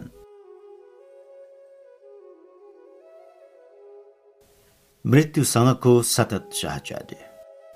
पृथ्वीलाई प्राकृतिक अस्तित्वले अति सुन्दर बनाएको छ तर यो सौन्दर्यप्रति कमै मान्छे मात्र संवेदनशील छन्। अहिलेसम्म ब्रह्माण्डमा जति पनि ग्रहहरू पत्ता लागेका छन् ती सबै जीवन शून्य ढुङ्गा र ग्यासले भरिएका छन्। यो पृथ्वी मात्रै यति सुन्दर विविध जीवन्त प्राणीहरू हरियाली समुद्र झरना ताल खोला नालाले भरपूर छ। तर दुःख लाग्दो पक्ष प्रकृतिको यति विशाल उदारताप्रति मनुष्यमा समादर भाव छैन। लगभग एक हजार प्रकारका वन्य जन्तु र वनस्पति प्रत्येक वर्ष पृथ्वीबाट सधैँका लागि विलुप्त भइरहेका छन्। यसको मुख्य कारण मनुष्य नै हो। उसले सृजना गरेको असन्तुलित व्यवहार हो जसले गर्दा यो पृथ्वी पनि सौर्य मण्डलका अन्य ग्रह जस्तै निर्जन जीवन शून्य बन्ने खतरा छ। यस पृथ्वीमा सुन्दरताले परिपूर्ण क्षेत्र अनेकौं भए पनि आध्यात्मिक साधना गर्नेहरूका लागि सर्वोत्तम स्थान हिमालय क्षेत्र नै हो। त्यसमध्ये पनि गङ्गा यमुना अलकनन्दा र मन्दाकिनीले शोभायमान गढवालको हिमाली क्षेत्र आध्यात्मिक साधकका लागि अति पवित्र स्थान हो। अनादिकालदेखि साधना र तपश्चर्याको आभाले यो क्षेत्र मण्डित छ। विगत पच्चिस वर्षदेखि यो क्षेत्रको म प्रत्येक वर्ष यात्रा गइरहेको छु। विगत एक दशकदेखि यस क्षेत्रमा बारम्बार साधना शिविर सञ्चालन गर्ने सौभाग्य मिलेको छ। यस क्षेत्रका महत्वपूर्ण आश्रम र साधु सन्तहरूलाई म भेटिरहन्छु। त्यहाँ हुने साधुहरूमा कतिपय विगतका डाका कुख्यात अपराधी अधिकांश अल्छी र पलायनवादी छन्। तर त्यस अनगिन्ती भिडमा केही बहुमूल्य हिरा पनि फटफुट भेटिन्छन् जसको सान्निध्यमा एकछिन मात्रै बस्न पाउनु पनि एक सौभाग्य हो। परमात्माको खोजमा हिँडेका उच्च आध्यात्मिक स्तरका स्त्री साधिकाहरू भेट्टाउन त अझ दुर्लभै छ। किनभने हाम्रो सामाजिक परिवेशले गर्दा स्त्रीहरूले अहिलेसम्म पनि धर्म र सन्यासमा सहज प्रवेश पाउन सकेका छैनन्। तर परमात्माको कृपा र आफ्नो खोजले गर्दा त्यस क्षेत्रमा मैले चारजना अद्भुत तपस्विनी महिलाहरूलाई भेट्ने अवसर पाएको छु। तीमध्ये एक हुन् सुभद्रा माता। गुजरातमा जन्मेर युवावस्थामै वैराग्य लागि भागीरथीको उद्गम स्थल गोमुख भन्दा माथि पन्ध्र हजार फिटको उचाइमा अवस्थित करिब बाह्र महिना हिउँले ढाकिरहने तपोवन नामक स्थानमा एक्लै बसी वर्षौं उनले तपस्या गरिन्। गर्मीयाममा तीन महिना मात्रै त्यहाँ मानिस पुग्न सक्छन्। बाँकी महिना त्यहाँ बरफ सिवाय जीवनको कुनै दृश्य देखिँदैन। त्यस क्षेत्रका गुफाहरूमा एक दुई साहसी साधु एकान्त तपस्या गरिरहेका भेटिन्छन्। तल भोज भाषामा भएको लालबाबा आश्रमले अत्यावश्यक भोजन सामग्री वर्षे नै त्यहाँका साधकहरूलाई पुर्याइदिने गरेको छ। दस हजार तिन सय फिट उचाइमा अवस्थित गङ्गोत्रीमा गर्मीयाममा गाडीबाट पुग्न सकिन्छ। त्यहाँबाट माथि एक दिनको बाटोमा गोमुख पर्छ जुन बाह्र हजार आठ सय फिट उचाइमा छ। तीर्थयात्री वर्षको चार महिना मात्र त्यहाँ हिँडेर पुग्न सक्छन्। गङ्गाको यो उद्गम स्थल अत्यन्त रमणीय र रहस्यमय छ। तपोवन गोमुख भन्दा पनि दुई हजार फिट माथि छ। बलिष्ठ र साहसी बिरलै कोही त्यहाँ पुग्छन्। बिरान तपोवन क्षेत्रमा ती एक्ली महिला वर्षौं कसरी बसेकी होलिन् कल्पना गर्न गाह्रो हुन्छ। तपोवन पुग्न हिँडेको म गोमुखसम्म मात्रै पुग्न सके। जटिल बाटो प्रतिकूल मौसमले गर्दा तपोवनसम्म पुग्न सकिएन।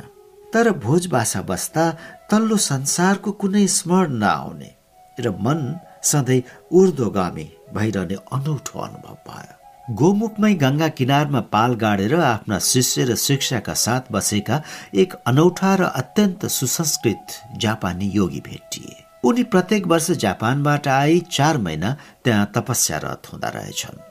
वर्षौंको योग साधनाले उनले लघिमा अर्थात् शरीरलाई भारविहीन गरी जमिनबाट उठ्न सक्ने सिद्धि प्राप्त गरेका रहेछन्।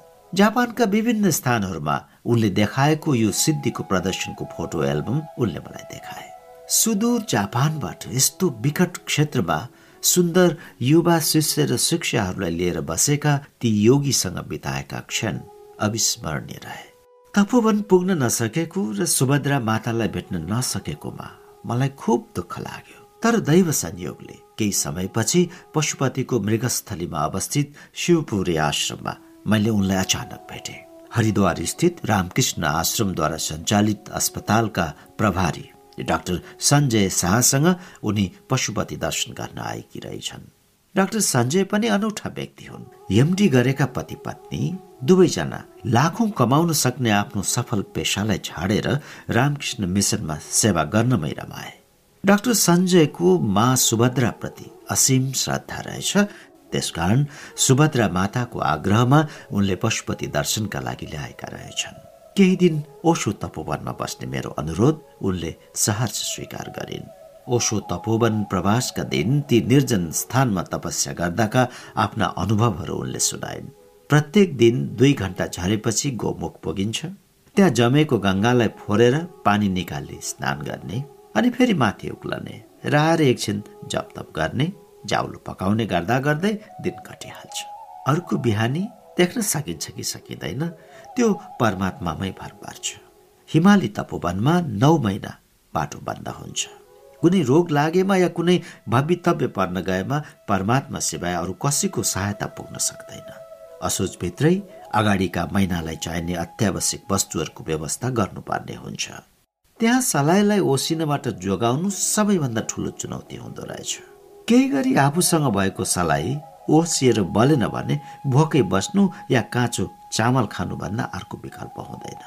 सलाई कोरेर आगो बालिसकेपछि त्यही आगोमा सलाईलाई तताएपछि उनको कपडामा बेरेर चामलभित्र लुकाउनु पर्ने रहेछ। अर्को खतरा राति गुफामा हुने अक्सिजनको कमी। राति सुतिसकेपछि बरफले गुफाको मुख बन्द गरिरहन्छ। गुफाको अक्सिजनले रातभर नपुग्ने भएकाले दुई तिन घन्टा सुतेर उठिहाल्नुपर्छ अनि खन्तीले गुफाको मुखमा जमेको बरफ फुटाउनु पर्छ। बढी फुट्यो भने चिसो स्याटले मार्छ र पुरै बन्द भयो भने निसासिएर मरिन्छ। त्यसकारण सहज श्वास प्रश्वासका लागि ठिक्कको पाल बनाइरहनु पर्छ। हिमस्खलनको खतरा त सधैँ छँदैछ। यसलाई यहाँ शब्दमा राख्नु जति सजिलो छ झेल्न त्यति नै कठिन छ।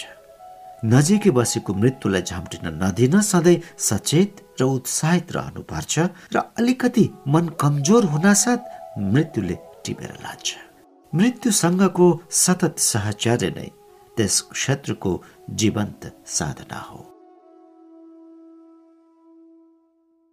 अबोध संसार। न्युयोर्कमा मलाई अत्यन्त मन परेको अर्को स्थान इस्ट वेस्ट लिभिङ पनि हो। यो केन्द्र अति व्यस्त फिफ्थ एभिन्यूमा एक सानो ओयासिस जस्तै छ। यहाँ पूर्वीय दर्शनसँग सम्बन्धित विपुल साहित्य तथा ध्यान र साधनामा उपयोगी वस्तुहरू शाकाहारी आकर्षक क्याफे योग मसाज थेरापीका चेम्बरहरू छन्। एउटा व्यापारिक प्रतिष्ठान भए पनि यसको वातावरण एक आश्रमको जस्तो लाग्यो। यसका मालिक जन म्याथ्यू स्वामी रामासँग दीक्षित शिष्य हुन्। स्वामी रामाको नेपाल प्रवासका बेला उनी पनि स्वामीजीसँग बनेपाको आश्रममा धेरै दिन बसेकी रहेछन् उनी नेपाललाई राम्रोसँग चिन्ने र माया गर्ने अमेरिकी मध्ये एक हुन्। उनी एक आध्यात्मिक महिला भएकीले उनीसँग बडो आत्मीय संवाद भयो। ओसोलाई पनि उनले पढेकी रहेछन्। उनको केन्द्रमा ओसोका सन्यासीहरू पनि कार्यरत भेटिए। मलाई सबैभन्दा आश्चर्य के लाग्यो भने पूर्वीय दर्शनका यता उपलब्ध हुन नसकेका साहित्यहरू त्यहाँका धार्मिक पुस्तक पसलहरूमा पाइने रहेछन्। इस्ट वेस्ट सेन्टरमा पनि त्यस्तै रमण महर्षि योगानन्द कृष्णमूर्ति ओशो रामकृष्ण स्वामी रामा अरविन्दो र अन्य अनेक पूर्वीय रहस्यदर्शीहरूका यस्ता दुर्लभ पुस्तकहरू भेटिए जो हिन्दुस्तान र नेपालमा कहीँ पनि पाइँदैनन्। यति नाना फाँतीका सामान्यत बिरलै पाइने साहित्यका भण्डार देखेपछि मेरो पुस्तक प्रेमी मन लोभिन थाल्यो र आफ्नो बजेट र यसले बढाउने मेरो यात्रा सामानको वजनको ख्यालै नगरी म फटाफट पुस्तकहरू छान्न थाले। जन म्याथ्यूले त्यहाँको क्याफेमा हाम्रो राम्रो सत्कार गरिन्। हामी घन्टौँ आध्यात्मिक तथा नेपालको चर्चामा डुब्यौँ। नेपालको वर्तमान दुःखदायी अवस्थाको बारेमा उनी चिन्तित थिइन् र यस्तै चिन्ता मेरो विदेश भ्रमणको हरेक देशमा मैले पाएको छु। नेपालको भविष्य के होला भन्ने सोद्धा आउने दिनमा माओवादीको नेतृत्वमा गठन हुने सरकारको कार्यशैली र त्यसले अर्जिने अन्तर्राष्ट्रिय सद्भावना र विश्वासमा निर्भर गर्छ भने म उत्तर दिन्छु। स्वामी रामा एक गढवाली परिवारबाट आएका राम्रा शारीरिक गठन भएका योगी थिए। बाल्यकालमा उनका गुरु स्वामी माधवेन्द्र सरस्वतीले उनलाई आध्यात्मिक साधनाका लागि हिमाली जंगलमा लगे। उनले हिमालयका विभिन्न स्थानहरूमा र नर्मदाको तटमा गहन साधनामा वर्षौं बिताए। त्यसपछि उनी अमेरिका खिचिए र पेन्सिल्भेनियाको रोलिङ हिल्समा हिमालय इन्स्टिच्युटको नाममा मुख्य आश्रम खोले। तत्कालीन राजा वीरेन्द्रकी कुनै एक बहिनी सुत्केरी हुँदा अमेरिकामा स्वामी रामाले निकै सहयोग गरेका रहेछन्। त्यसले गर्दा स्वामी रामाप्रति राजपरिवारमा निकै आदर उब्जियो। स्वामी रामालाई तत्कालीन रानी ऐश्वर्याले नेपाल आउने निमन्त्रणा पठाइन् र उनकै सौजन्यले उनलाई आश्रम बनाउन हजार रोपनी जग्गा बनेपामा बकस दिएकी थिइन्। स्वामी रामासँग मेरो परिचय त्यही बेला एक इन्जिनियरिङ कन्सल्टेन्टका रूपमा भयो र त्यो सम्बन्ध पछि आध्यात्मिक बन्न गयो। उनलाई नेपाल प्रिय थियो र नेपालमा अमेरिकाबाट सहयोग जुटाएर ठूलो लगानी गर्ने उनको योजना रहेछ। मेडिकल कलेज र हस्पिटल साथै राम्रो आयुर्वेदिक कलेज लगायत अनेक योजनाहरूका बारेमा बारम्बार मसँग उनी चर्चा गर्थे। त्यसका लागि उनले मेरो कम्पनी बिडिएलाई कन्सल्टेन्ट नियुक्त गरेका थिए। दरबारका अति प्रिय पात्र स्वामी रामाको एक रहस्यमय कारणले दरबारसँग सम्बन्ध भताभङ्ग भयो र उनले सरकारी स्तरमै पाएका सुविधाहरू एक्कासी बन्द भए। उनी पनि रुष्ट भएर सबै योजना अधुरै छोडेर नेपालबाट बाहिरिए। बनेपामा बन्ने योजना भएको त्यो मेडिकल कलेज र ठूलो अस्पताल पछि ऋषिकेश नजिकै हिमालयन कलेजको रूपमा उनले स्थापना गरे। यसरी तत्कालीन रानीको व्यक्तिगत इबीले नेपालमा अरबौं रुपियाँको लगानी रोकियो। पञ्चायतको त्यो एकाधिकार कालमा नेपालमा ठूलो लगानी गर्ने योजना लिएर धेरै व्यक्ति र समूहहरू आए। तर दरबारको कसै अरूद्वारा गरिने ठूलो लगानीलाई हेर्ने दृष्टिकोण र उसका आफ्नै उच्च मागहरू देखेर। कोही सुरुमै भागे भने कोही कार्य थालनी गरिसकेपछि भइरहेको निर्माण बीचमै छाडी कुले लम्ठुके यो परम्परा प्रजातन्त्र आएपछि पनि बन्द भएको छैन। नारायण हिटीको काम बालुवाटार मन्त्री निवास पार्टी कार्यालय र तिनका आसेपासेले गर्न थाले। जनताको सेवा गर्ने शपथ लिएर सत्तामा बसेकाहरूको क्षुद्र स्वार्थ पूर्ति हुन नसक्दा देशको अनुहार नै फेर्न सक्ने अनेक परियोजनाहरू हामीले गुमाउनु परेका अनेक उदाहरण सर्वविदितै छन्। स्वामी रामाको प्रसिद्ध पुस्तक लिभिङ विथ हिमालयन मास्टर्स उनको जीवन वृत्तान्त हो। त्यसमा उनले नेपालमा आएर गरेका साधना र प्रवासको पनि उल्लेख गरेका छन्। त्यसमा अनेक आश्चर्य लाग्दा रहस्यमय घटनाहरूको वर्णन उनले गरेका छन् जो सामान्य बुद्धिले विश्वास गर्न गाह्रो हुन्छ। उदाहरणका लागि एकपटक जब उनी ऋषिकेशको गंगाको त्रिवेणी घाटमा तपस्यारत थिए उनी अति भोकले इन्तु न चिन्तु भए। अपरिग्रही साधुका लागि कहिलेकाहीँ भोजन नै एक जटिल समस्या बनेर आउँछ।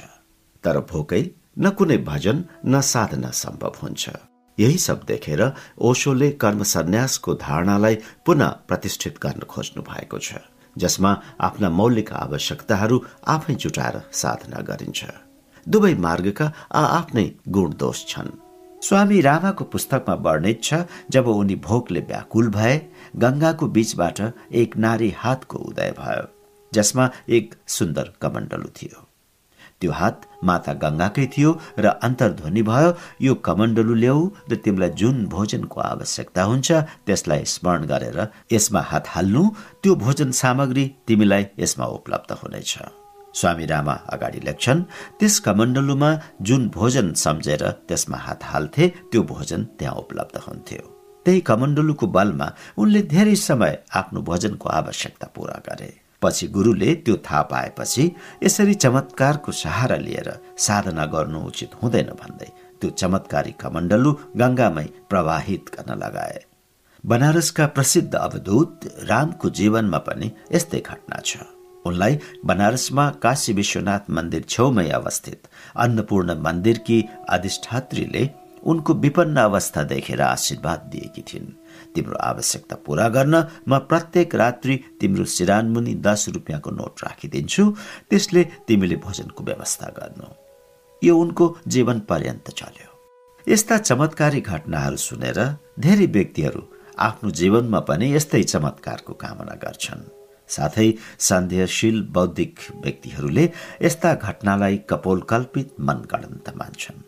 तर मेरो अनुभवले के देखेको छ भने जतिसुकै आकांक्षा गरे पनि चाहेर यस्ता घटना घट्दैनन् र जतिसुकै अविश्वास र विरोध गरे पनि विशेष परिस्थितिमा घट्ने यस्ता अबोध्य घटना रोकिँदैनन्।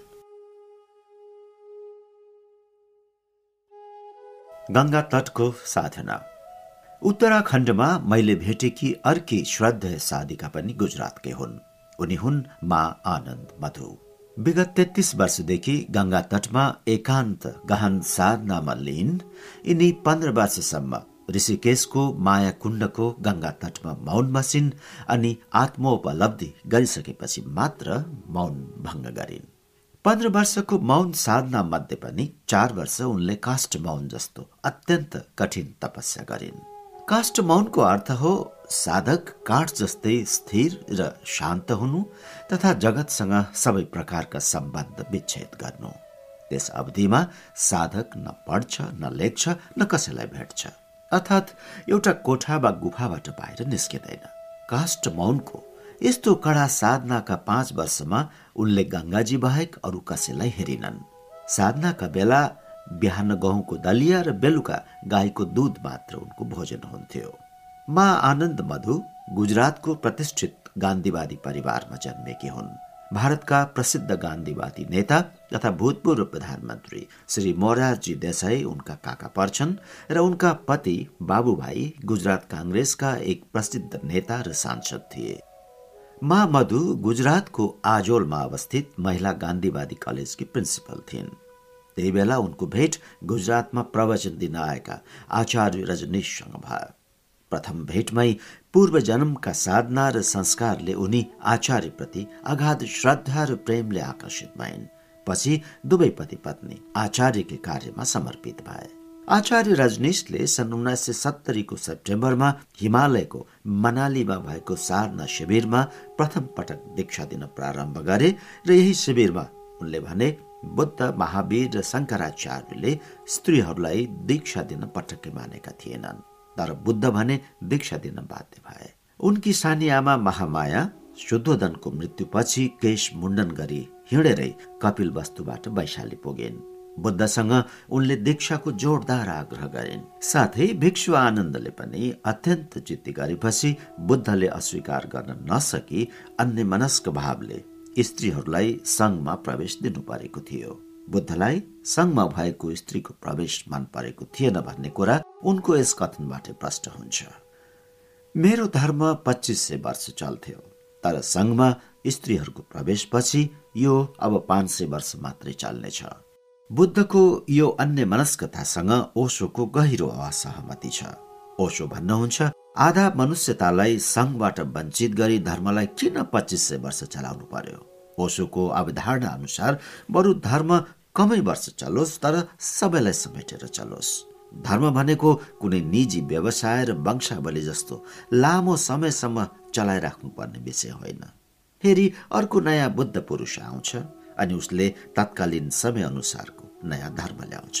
त्यसै कारण ओसोले जब दीक्षा सुरु गरे उनले पहिलो दीक्षा स्त्रीलाई नै दिए। यो बुद्ध महावीर शङ्कराचार्यले स्त्री जातिलाई गरेको अपहेलनाको ओसोद्वारा आफ्नै ढङ्गको प्रतिउत्तर थियो। यसरी ओसोबाट दीक्षा पाउने प्रथम भाग्यशाली महिला आनन्द मधु नै थिइन्। अधिकांश देशमा स्त्रीलाई स्वतन्त्रताको त्यो आकाश अहिलेसम्म पनि उपलब्ध हुन सकेको छैन। तर पाश्चात्य जगत विशेष गरी युरोपेली मुलुकमा भने ओसो शिविरमा भाग लिने र दीक्षा लिने स्त्रीको अनुपात पुरुषको भन्दा झण्डै दोब्बर हुन्छ र युरोपका अधिकांश ओसोका आश्रम र केन्द्रहरू स्त्रीद्वारा सञ्चालित छन्। स्त्री जातिलाई ओसोले जति प्रतिष्ठा र सम्मान अरू कुनै गुरुले दिन सकेका छैनन्। मा मधुका पतिलाई पनि दीक्षा लिने इच्छा थियो। तर पत्नीले पहिले दीक्षा लिएकी हुनाले पत्नी पछि दीक्षा लिन उनको पुरुष अहंकारले मानेन। मोरारजी देसाई ओसो विरोधी हुनुमा मा मधुले ओसोबाट दीक्षा लिनु पनि एउटा कारण थियो। दीक्षा पछि मा मधुले आफूद्वारा सञ्चालित गुजरात स्थित कलेजकै नजिक पहिलो ओसो आश्रम स्थापना गरिन्।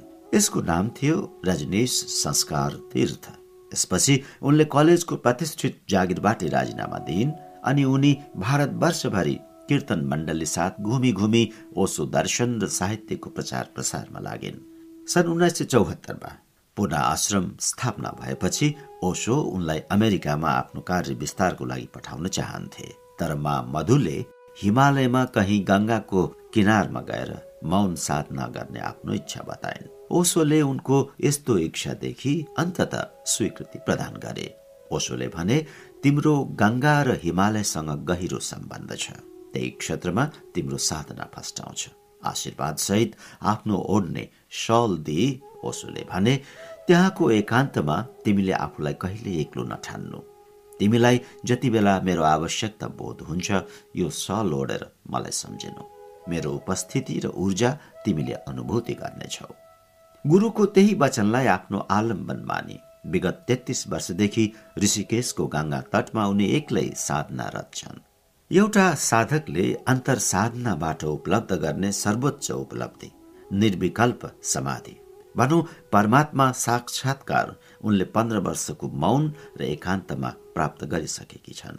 मौनता सहितको एकान्तमा धेरै वर्ष बिताएकीले अहिले पनि उनी धेरै मानिससँग भेट्न र बोल्न मन पराउँदैनन्। तर उनलाई खोज्दै आइपुगेका मुमुक्षलाई अपरान्न चारदेखि पाँच बजेको समयमा भेट्छिन् अनि यथोचित सत्कार र प्रेम दिन्छन्। मा मधुका बारेमा शब्दहरू यहाँ लेख्न जति सहज छन् एक प्रतिष्ठित परिवारबाट आएकी शिक्षित महिलाका लागि गङ्गाजीको सान्निध्य र ओसोको भरमा सारा सुविधा छोडेर एक्लै तेत्तिस वर्षको लामो समयसम्म साधनामा होमिनु सम्भवत त्यति सजिलो नहोला। मौन नै सबैभन्दा ठूलो पुरुषार्थ। मद्रासबाट दुई सय किलोमिटर पूर्व त्रिवन्नामलाई भन्ने शहरमा अरुणाञ्चल पर्वत अवस्थित छ। हिन्दूहरूले यस पर्वतलाई दक्षिणको कैलाश जस्तै आदर गर्छन्। गत शताब्दीमा त्यहाँ एक विश्व प्रसिद्ध अनौठा सन्त भए श्री रमण महर्षि। अठार सय उनासीदेखि उन्नाइस सय पचाससम्म। उनको प्रभावले अरुणाञ्चल पर्वतको ख्याति विश्वभरि फैलिरहेको छ। त्यहाँ अवस्थित रमण आश्रम विश्व आध्यात्मिक यात्रीहरूको एक गन्तव्यको रूपमा चिनिँदै आएको छ। रमण महर्षि एक एकान्त प्रिय मौन सन्त थिए। उनलाई शिष्य बनाउने वा विशाल आश्रम बनाउने कुनै इच्छा थिएन। न उनले कुनै प्रवचन गरे न पुस्तकै लेखे। जो गहन अभिप्सा र आध्यात्मिक प्यास लिएर आउँथे उनको मौन उपस्थितिले नै आफ्ना सबै प्रश्नको समाधान पाउँथे रूपान्तरित भएर फर्किन्थे। जसलाई उनको मौन उपस्थितिले मात्र पुग्थेन त्यस्ता जिज्ञासुलाई उनी छोटो तर गहन उत्तर दिन्थे। सामान्य लङ्गुटीमा बसिरहने पाँच कक्षा भन्दा बढी नपढेका ती अकिञ्चन निरालम्ब जोगीको ख्याति आज सारा विश्वमा फैलिरहेको छ। र विशेषतः पश्चिमी गोलार्धमा उनको व्यापक प्रभाव परिरहेको देख्न सकिन्छ। तीस डिसेम्बर अठार सय उनासीको रात्रि एक बजे तामिलनाडुको त्रिचुली भन्ने गाउँमा सुन्दर अय्यरको सानो घरमा एक बालकको जन्म भयो जसको नाम वेङ्कटरमन राखियो। तिनै बालक पछि गएर भगवान श्री रमण महर्षिको नामले विश्वविख्यात भए। उनको बाल्यकाल पनि चाख लाग्दो छ। त्रिचुलीका अनेक दम्पतिहरू जसका सन्तान थिएनन् उनीलाई आफ्नै सन्तानकै रूपमा माया गर्थे। बच्चादेखि नै बालक वेङ्कट रमनलाई अति लक्षणका बालक भनी सबै मान्थे। गाउँमा कसैलाई सामान्य रोग व्याधि लागेमा रमणको स्पर्श माग्थे र उनले छुनासाथ मानिसको रोग र पीडा हरण पनि हुन्थ्यो। उनकी काकी वेङ्कट रमनलाई अति श्रद्धा गर्थिन्। घरमा जब धेरै पाहुना आउँथे उनकी काकी चामल दाल र अन्य पकाउने सारदामहरू एकपटक स्पर्श गरिदेऊ भनी उनलाई आग्रह गर्थिन्। उनले छोएको खाना मिठो छिटो पाक्ने र सबै पाहुनालाई पुग्छ भन्ने उनको गहन विश्वास र अनुभव थियो। उनी बाल्यकालदेखि नै अन्तर्मुखी र एकान्त प्रिय थिए। सानैदेखि नै देवी देवताहरूको मन्दिरहरूमा पुग्दा स्वत घण्टौं ध्यानमा डुब्थे। आत्मकेन्द्रित प्रकृतिका भएकाले अन्य स्कुले बच्चाहरूको स्वभावजन्य क्रियाकलापमा उनलाई त्यति रुचि थिएन। बाह्र वर्षकै उमेरमा उनका बुबाको मृत्यु भयो। संयुक्त परिवार भएकाले बच्चाहरू हुर्काउने जिम्मेवारी उनका काकाहरूले लिए। सोही मुताबिक वेङ्कट रमन उनका काकाको घर मदुराई ल्याइए। यसरी रमनको प्रारम्भिक शिक्षण मदुराईको अङ्ग्रेजी स्कुलमा सुरु भयो। सोह्र वर्षको उमेरमा रमन महर्षिको जीवनमा एक अद्भुत घटना घट्यो। एक दिन अचानक घरको एकान्त कोठामा उनलाई मृत्युको अनुभूतिले पक्रियो उनलाई लाग्यो अब प्राण गयो। अब मरि नै हाले के हुन्छ भने उनी हेर्न थाले। बिस्तारै सास पनि पुरै रोकियो। विचार बन्द भए। शरीर कडा भयो। शरीरमा पुरै मृत्यु छायो। तर पनि मृत्युको सारा अनुभवलाई हेर्ने र त्यसबाट अस्पर्शित कम्पन चेतनाको उनलाई बोध भयो। आध्यात्मिक भाषामा यसलाई आत्मबोध या सेल्फ रियलाइजेसन भनिन्छ। यो आत्मबोध पश्चात उनलाई संसारको कुनै क्रियाकलापमा मन लागेन। उनको यो व्यवहारदेखि उनका दाजुले तिमी यस्तै पढाइ र घर व्यवहारमा रुचि नलिने हो भने जोगी भएर हिँडेकै बेस भनी कटाक्ष गरे। यो कुरा उनको अन्तर्मनमा गाडियो। त्यही बेला एक नातेदार तीर्थाटन गरी फर्केका थिए जसको मुखबाट उनले पहिलोचोटि अरुणाञ्चलको नाम सुने। यो नाम उनलाई चिर परिचित लाग्यो र सतत उनको मनमा यो नाम गुन्जिन थाल्यो। दाईले आफ्नो स्कुलको फी तिर्न भनिदिएको पाँच रुपियाँबाट अरुणाञ्चलसम्म पुग्न लाग्ने तीन रुपियाँ लिए बाँकी दुई रुपियाँ त्यही छोड्दै म प्रभुको पुकार सुनि उनको खोजमा निस्किएँ मेरो चिन्ता नलिनु मलाई नखोज्नु। भनी सानो चिट छोडेर आत्मबोध भएको छ हप्तापछि कसैलाई केही नभनी उनी घर छाडी निस्किए अरुणाञ्चल शिव मन्दिरमा पुग्न साथ। जन्म जन्मान्तरदेखि हराएको आफ्नो गन्तव्यमा पुगेको आनन्द उनलाई भयो। उनी भाव विहल भई रुन थाले। मन्दिरकै एक कुनामा ध्यानस्थ भई बसे। आफ्नै उमेरको बालक ध्यानस्थ बसेको देखेर अन्यलाई उत्सुकता जाग्यो। उपद्रवीहरू चाहिँ उनलाई चलाउने ढुङ्गा हान्ने गर्न थाले। यसबाट बस्न उनी त्यही मन्दिरको बेसमेन्टमा अवस्थित पाताल लिङ्गममा जहाँ कोही आउँदैनथे गएर ध्यानस्थ भए। तर त्यो ठाउँ एकदम सेपिलो थियो। त्यहाँ किराहरूको बास थियो र अनेक प्रकारका किरा फट्याङ्राले उनको शरीरमा टोकेर घाउ पनि हुन थालेछ। तर उनी यसबाट बेखबर आत्मा आनन्दमा डुबिरहन्थे। उपद्रवी बालकहरूले अझै पनि पाताल लिङ्गममा ढुङ्गा हान्न छाडेनन्। तर त्यहाँ निष्पट्ट अँध्यारो भएकोले उनीहरू तल जानु भने डराउँथे। रमण भने यसबाट अप्रभावित थिए। एक दिन त्यही मन्दिरमा आउने शेषाद्री स्वामीले यो दृश्य देखेछन् ती उपद्रवी बालकहरूलाई थपाएर उनी पाताल लिङ्गममा उत्रिए। त्यहाँको दृश्य देखेर उनलाई अति आश्चर्य र करुणा जाग्यो। सोह्र वर्षे युवक तपस्वी। कुनै सुद बिना ध्यानमग्न बसेको र तिनको शरीर किराहरूले काटेर रगत ताम्मै पारेको देखेर उनी झस्किए। र केही मानिसहरूको सहयोगले उनले तिनलाई बाहिर निकाले। त्यसपछि स्वामीले रमणलाई उपद्रवी बच्चाहरूबाट जोगाउँथे र एक छाक केही खानेकुरा मुखमा लागेर खुवाइदिन्थे। यही क्रममा उनी त्रिवन्नम मलाइका विभिन्न स्थानहरूमा साधना गर्दै उनी आफ्ना अन्तिम गन्तव्य अरुणाञ्चल पर्वत आइपुगे। अरुणाञ्चल पुगेको दस वर्षसम्म उनी केही बोलेनन्। तर उन्नाइस सय सातमा पहिलोचोटि गणपति मुनिलाई केही मौखिक उपदेश दिए। उनको दर्शन गर्न आउनेहरूको संख्या बिस्तारै बढ्न थाल्यो। यसमा भारतीयहरू त थिए नै विदेशीहरू पनि खोजी खोजी आउन थाले। उनको दर्शन गर्न आउने पहिलो विदेशी साधकमा भेल्लोरका प्रहरी विभागका तत्कालीन एसपी एचएफ हम्फ्री थिए। हम्फ्री एक्काइस वर्षको उमेरमै प्रहरी सेवामा एसपी बन्न पुगेका थिए र पूर्व जन्मका संस्कारले उनमा आध्यात्मिक अभिप्सा थियो। उनी आफ्नो अन्तर्दृष्टिमा एक तपस्वी र एक पर्वतलाई देख्थे। उनले आफ्ना अन्तर्दृष्टिहरूको स्केच गरेर त्यहाँका एक दक्षिण भारतीय मित्रलाई देखाए। ती मित्रले त्यो स्केचमा कोदिएका व्यक्ति रमण महर्षि हुन् र त्यो पर्वत अरुणाञ्चल हो भनेर त्यहाँसम्म पुग्ने बाटो पनि बताए। हम्फ्री रमण महर्षिलाई भेट्न मोटरसाइकल चढी त्रिवर्णमलाई आइपुगे। मोटरसाइकल पर्वतको फेदीमै छोडेर प्रहरीको बाक्लो पोसाकमै पर्वतमा अवस्थित स्कन्द आश्रमतिर चढ्न थाले। माथि आश्रम पुग्दा उनी थकित र गर्मीले पसिना पसिना भएका थिए। रमण सदा झै वृक्षमुनि ढुङ्गामा बसिरहेका थिए। हम्फ्रीले नजिक आई रमणको आँखामा अपालक हेर्न थाले। दुवैजना युवा थिए। एक पुलिसको वर्दीमा सजिएका अर्का जोगीको कौपिनमा मात्रै। हाम्रीसँग सोध्ने धेरै प्रश्नहरू थिए तर रमणको आँखामा हेर्दा हेर्दै उनले गहन शीतलताको महसुस गरे।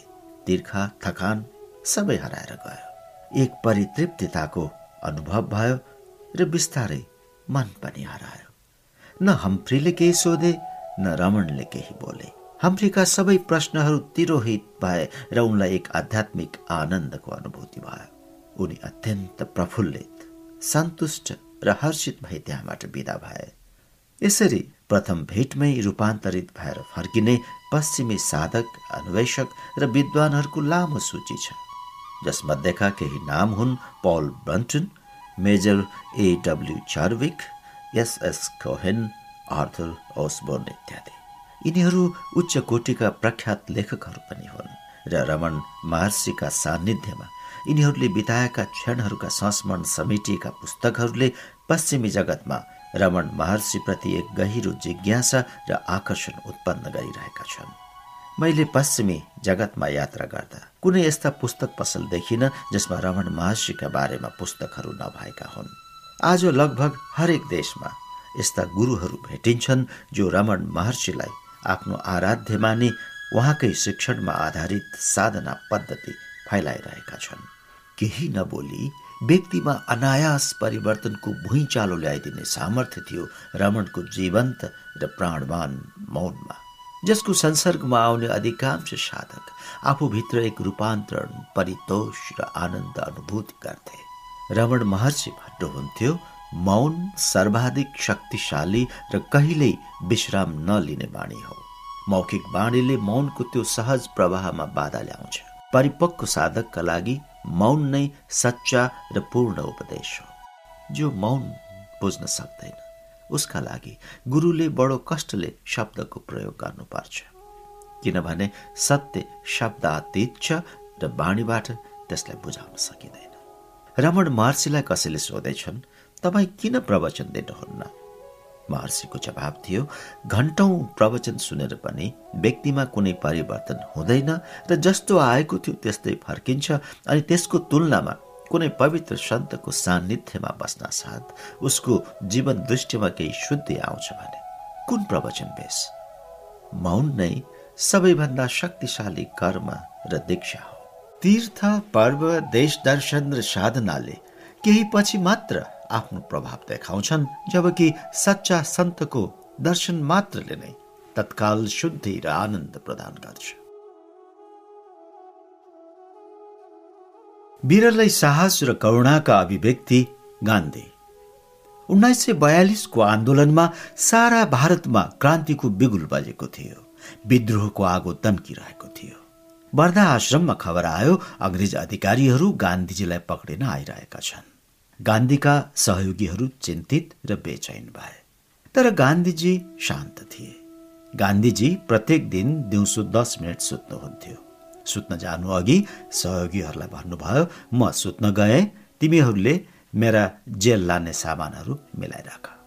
ठिक दस मिनटपछि गान्धीजी उठेर आउनुभयो। यतिमै अङ्ग्रेज अधिकारीहरू पनि आइपुगे। उनीहरूलाई अभिवादन गर्दै गान्धीजीले बडो शालीनताका साथ भन्नुभयो मलाई कागती पानी खान दिनुहोस् कागती पानी पिइसकेपछि उहाँ शान्त भावले जेल जान लाग्नुभयो। अङ्ग्रेजहरू त्यस क्रान्तिबाट आत्तिएका र गान्धीदेखि धेरै रिसाएका थिए। गान्धीजीका सहयोगीहरू गान्धीजी र क्रान्तिको भविष्यप्रति चिन्तित थिए। गान्धीजीलाई दुःख दिने र जेलमा लामै सडाउने हुन् कि भन्ने आशंका थियो। उनीहरूले अश्रुपूर्ण आँखा लिई गान्धीजीलाई सोधे हाम्रा लागि के निर्देशन छ? गान्धीजीले गाडीमा बस्दै भन्नुभयो आज बिहान घनश्याम दास बिडलाले आश्रमबाट बाख्राको दुध लिएका छन् त्यसको दुई पैसा उनले तिर्न बाँकी छ। त्यो पैसा उनीबाट लिएर आश्रमको खातामा आम्दानी चढाउनु यति भनी उहाँ शान्त भावले सबैलाई नमस्कार गर्दै जेलतिर लागे। यस्तै योगी चित्तलाई गीतामा श्रीकृष्णले भन्नुभएको छ स्थित प्रज्ञ। मेरो आध्यात्मिक यात्राका प्रथम प्रेरणा पुरुष हुनुहुन्छ महात्मा गान्धी। स्कुलमा पढ्दाखेरि नै उहाँको साहित्यमा मेरो गहिरो अभिरुचि जाग्यो। विगतका पचास वर्षमा गान्धीप्रति मेरो श्रद्धा र विश्वास निरन्तर बढ्दै गइरहेको छ।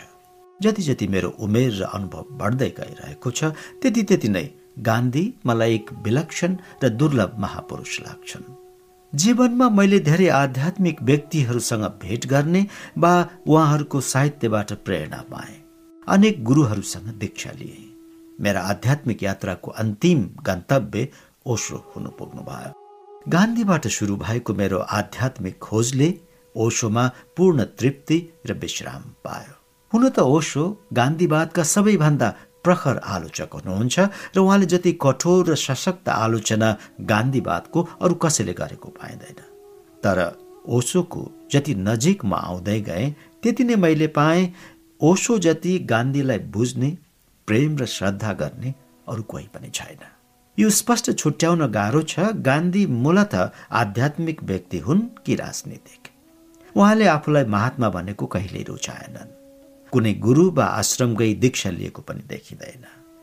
ठाउँ ठाउँमा उनी भन्ने गर्थे गीता नै मेरी आमा हुन् र गुरु पनि। भगवत गीता र रामायण उहाँको प्रेरणा र शक्तिको स्रोत थिए। उनकी आमा पुतलेबाई कवीरपन्थी थिइन् र कवीरको धार्मिक सहिष्णुता र समन्वयको सन्देशले गान्धीजीको जीवनमा स्पष्ट प्रभाव पारेको देखिन्छ। गान्धीजी जन्मेको राज्य गुजरातमा जैन धर्मको पनि व्यापक प्रभाव छ र गान्धीमा आएको अहिंसा सत्य र ब्रह्मचर्य जस्ता महाव्रतमा जैन धर्मका चौबिसौं तीर्थङ्कर भगवान महावीरको गहिरो प्रभाव पाइन्छ। राजा हरिश्चन्द्र नाटक हेरेपछि गान्धीजीको सत्य र इमान्दारी प्रतिको लगाव गहिरिएको थियो। गान्धीजीको कार्यकालमा भारतको आध्यात्मिक आकाशमा अनेक चम्किला ताराहरू उदाएका थिए।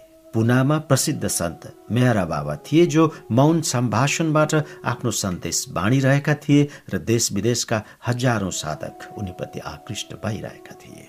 पण्डिचेरीमा श्री अरविन्द दैवी चैतन्यको अवतरणका लागि तपस्यारत थिए। श्री अरविन्दको जीवन पनि राजनीतिबाटै सुरु भएको थियो। उनी भारतको स्वतन्त्रता र उन्नतिका लागि निकै चिन्तित थिए र हिंसक आन्दोलनबाटै भारतलाई स्वतन्त्र गर्न निकै सक्रिय थिए। तर अलिपुर जेलमा बस्दा श्री अरविन्दलाई स्वामी विवेकानन्द र भगवान श्रीकृष्णको भिजन हुन्थ्यो र उनले सन्देश पाउँथे राजनीति छाडी आफ्नो सारा शक्ति आत्मरूपान्तरणमा लगाऊ। किनभने भारतको स्वतन्त्रताको जिम्मा परमात्माले अर्को व्यक्तिलाई सुम्पिएको छ। कालान्तरमा श्री अरविन्दले थाहा पाए परमात्माद्वारा छानिएका ती अर्का व्यक्ति महात्मा गान्धी नै थिए। आफ्ना समस्याको समाधान साधनाको माध्यमबाट मात्रै हुने अटुट श्रद्धा लिएर पोन्डिचेरीको सुन्दर समुद्र तटमा एक निष्ठ भई आत्म रूपान्तरणका साथै मनुष्य मात्रको आध्यात्मिक जागरण र स्वतन्त्रताको प्रयासमा उनी लागेका थिए। फ्रेन्च साध्वी मदरको आगमनपछि उनको प्रसिद्धि अझ व्यापक भइरहेको थियो। त्यस्तै पोन्डिचेरीबाट दुई सय किलोमिटर टाढा पवित्र पर्वत अरुणाचलको फेदीमा अर्का सन्त श्री रमण महर्षि तपस्यारत थिए। उहाँका मौन उपस्थितिको सान्निध्यमै अनेक व्यक्ति रूपान्तरित भइरहेका थिए।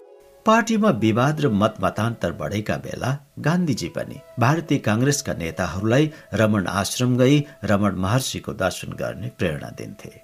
यता तत्कालीन बङ्गालमा गान्धीजी जस्तै सरल परमहंस रामकृष्णले सर्वधर्म समन्वयको नूतन प्रयोग गरेर गएका थिए। उनका सिंह सेनापति स्वामी विवेकानन्दले श्री रामकृष्णको संदेश, दूर दिगन्त देशहरूमा अदम्य साहस र आत्मविश्वासका साथ फैलाइरहेका थिए। बङ्गालमै योगी युक्तेश्वर गिरी थिए र उनका प्रतापी र मेधावी शिष्य परमहंस योगानन्द पश्चिममा युगको सन्देश फैलाइरहेका थिए। एनी वेसेन्ट र कृष्णमूर्ति विश्व बन्धुत्वको नयाँ सन्देश लिएर उदाइसकेका थिए। भारतको आध्यात्मिक आकाशमा जहाँ ज्वल्यमान भएर यी ताराहरू चम्किरहेका थिए। यी सबैको गान्धीप्रति श्रद्धा र प्रेम थियो। यी सबै सिद्ध पुरुषहरू गान्धीजीलाई आध्यात्मिक मदत पुर्याउन चाहन्थे।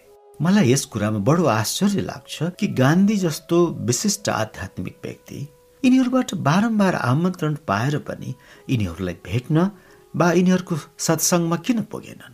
यसमध्ये एकमात्र भेट स्वामी योगानन्दसँग भएको प्रसङ्ग भेटिन्छ।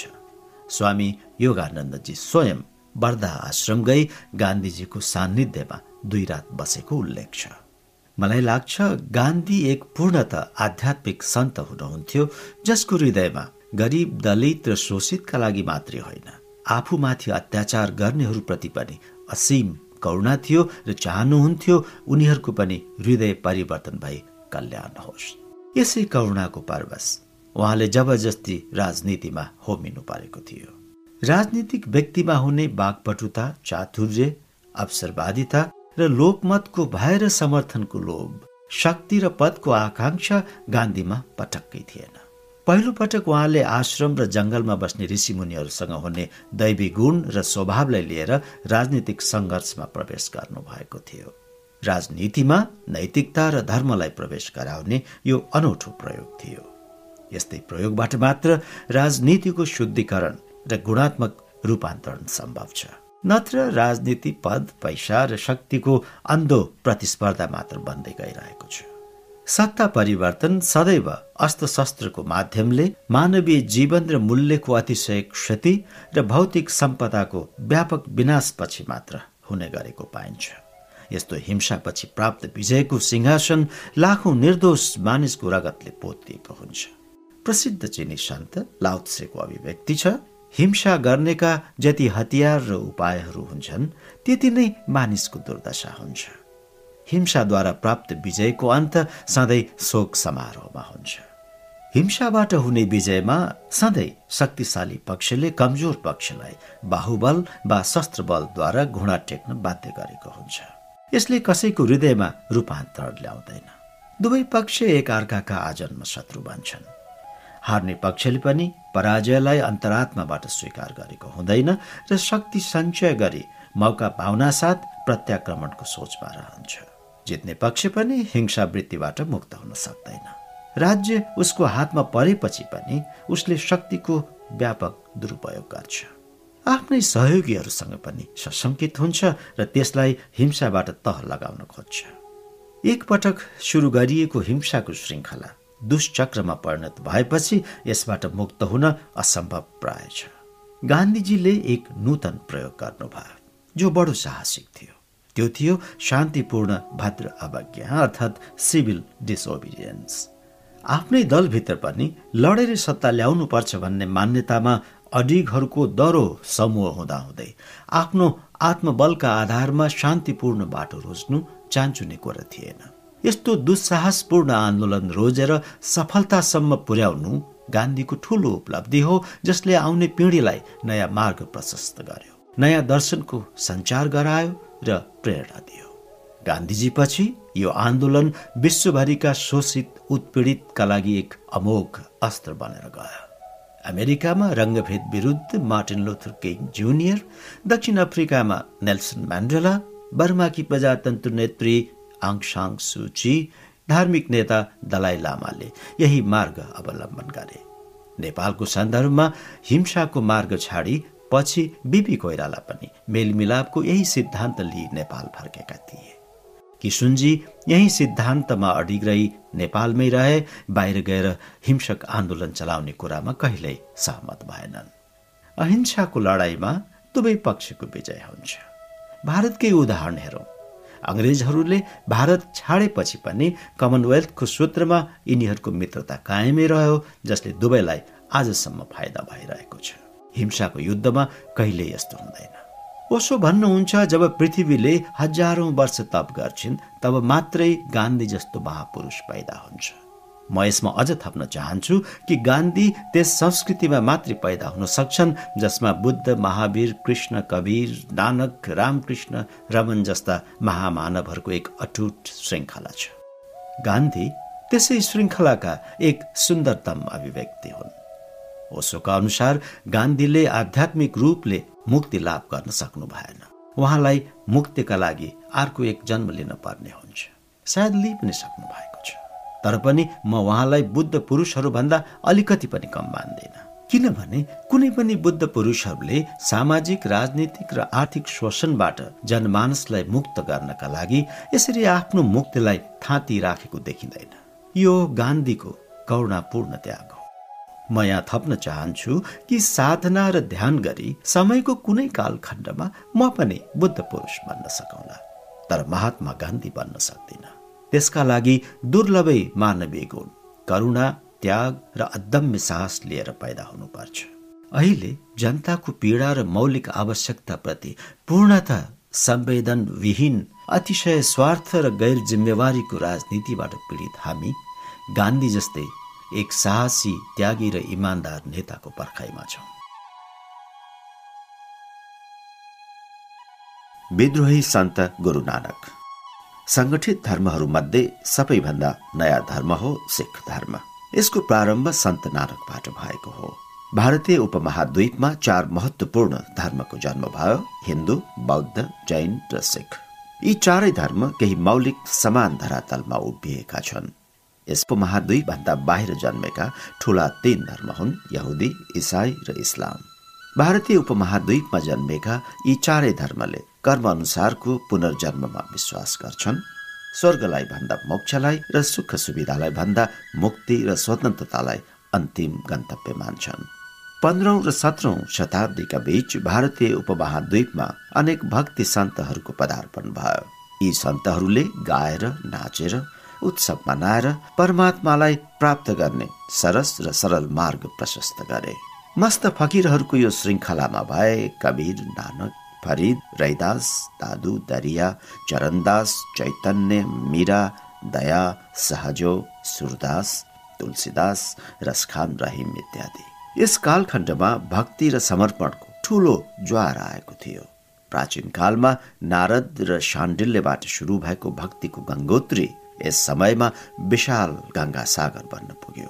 हुन त परमात्मातर्फ जाने अनेक बाटा छन् तर हरेक समय विशेषमा एक प्रकारको बुद्ध पुरुषको आगमन हुन्छ र चेतनाले एक विशिष्ट मार्गबाट शिखर छुन्छ साधो सहज समाधि भली भनी सहज मार्गद्वारा सत्य प्राप्तिको सन्देश कवीरले दिए। नानक कवीरबाट अत्यन्त प्रभावित थिए। विनम्र भावले उनी कवीरको चरणको धुलो मात्र हुँ भन्थे।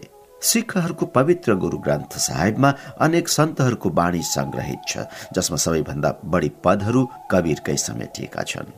गुरु नानक देवको जन्म हालको पाकिस्तानको लाहोरको नजिकै तलबन्डी भन्ने गाउँमा भएको थियो। हाल यो स्थान ननखाना साहेबको नामले प्रसिद्ध छ।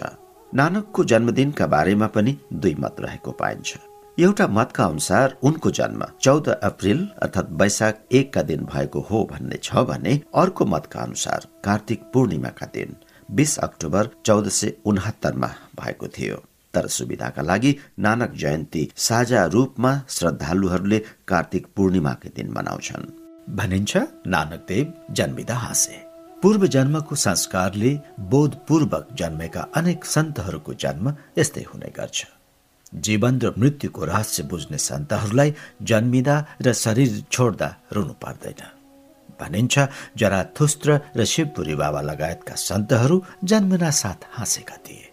बाल्यकालदेखि नै नानकमा विलक्षण प्रतिभा र तीक्ष्ण बुद्धि देखिन्थ्यो। संस्कृत फारसी र पन्जाबी तीनै भाषा उनले सिके।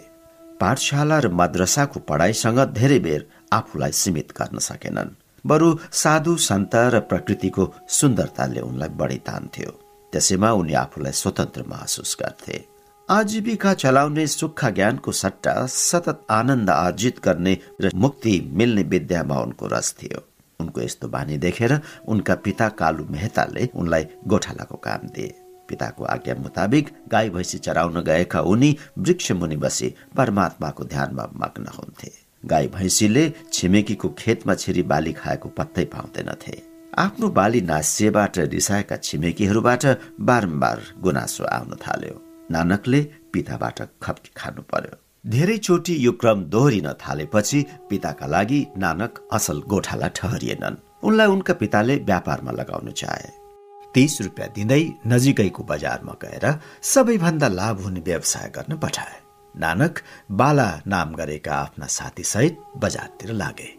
उनले साधुहरूको एक जमात बाटोमा देखे साधुहरू केही दिनदेखि भोकै रहेछन् र बजार जान लागेको नानकलाई देखेर हामीलाई भोजन गराए खुब लाभ र पुण्य मिल्नेछ भन्नेछन्। लाभको यस्तो अवसर देखेर नानकले सबै साधुहरूलाई तृप्त हुने गरी खुब भोजन गराए र दान दिई घर फर्किए। उनका पिताले खाली हात बजारबाट फर्केका नानकलाई देखि खै त सामानहरू भन्दा खुब लाभ हुने सौदा गरेर आए भन्दै इति वृत्तान्त सुनाए। भोकालाई भोजन दिनु र दुखीलाई मदत गर्नु नै सबैभन्दा ठुलो व्यापार र लाभप्रद सौदा हो पितालाई उनले भनेछन्। छोराको यस्तो अव्यवहारिक कुरा सुनेर उनका पिता जिल्ल परे। नानकको यस्तो वैराग्य भाव देखेर गृहस्थ धर्मको जिम्मेवारी बोक्ला अनि सांसारिक कार्यमा आफ्नो मन लगाउला भन्ने ठानी अठार वर्षको उमेरमै नानकको सुलक्षणा नामकी कन्यासँग विवाह गरियो। उनले त्यो विवाहको प्रस्ताव पनि सहज रूपले स्वीकार गरे। गृहस्थ धर्ममै सबैभन्दा सहज रूपले मुक्ति प्राप्त गर्न सकिन्छ भन्ने उनको मान्यता थियो। उनका दुई सन्तान भए श्रीचन्द र लक्ष्मीचन्द। गृहस्थ भए पनि उनी सन्यासी नै थिए तथा कहिल्यै र कुनै पारिवारिक मोहले उनलाई बाँध्न सकेन।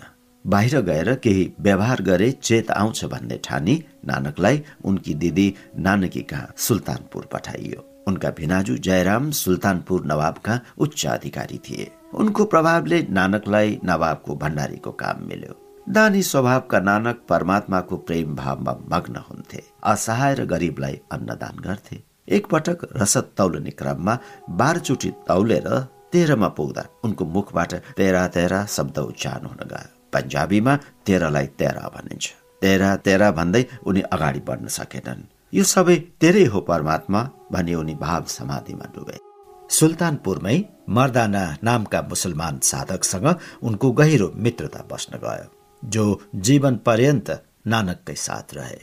उनी तारको वाद्ययन्त्र रबाब राम्रो बजाउँथे।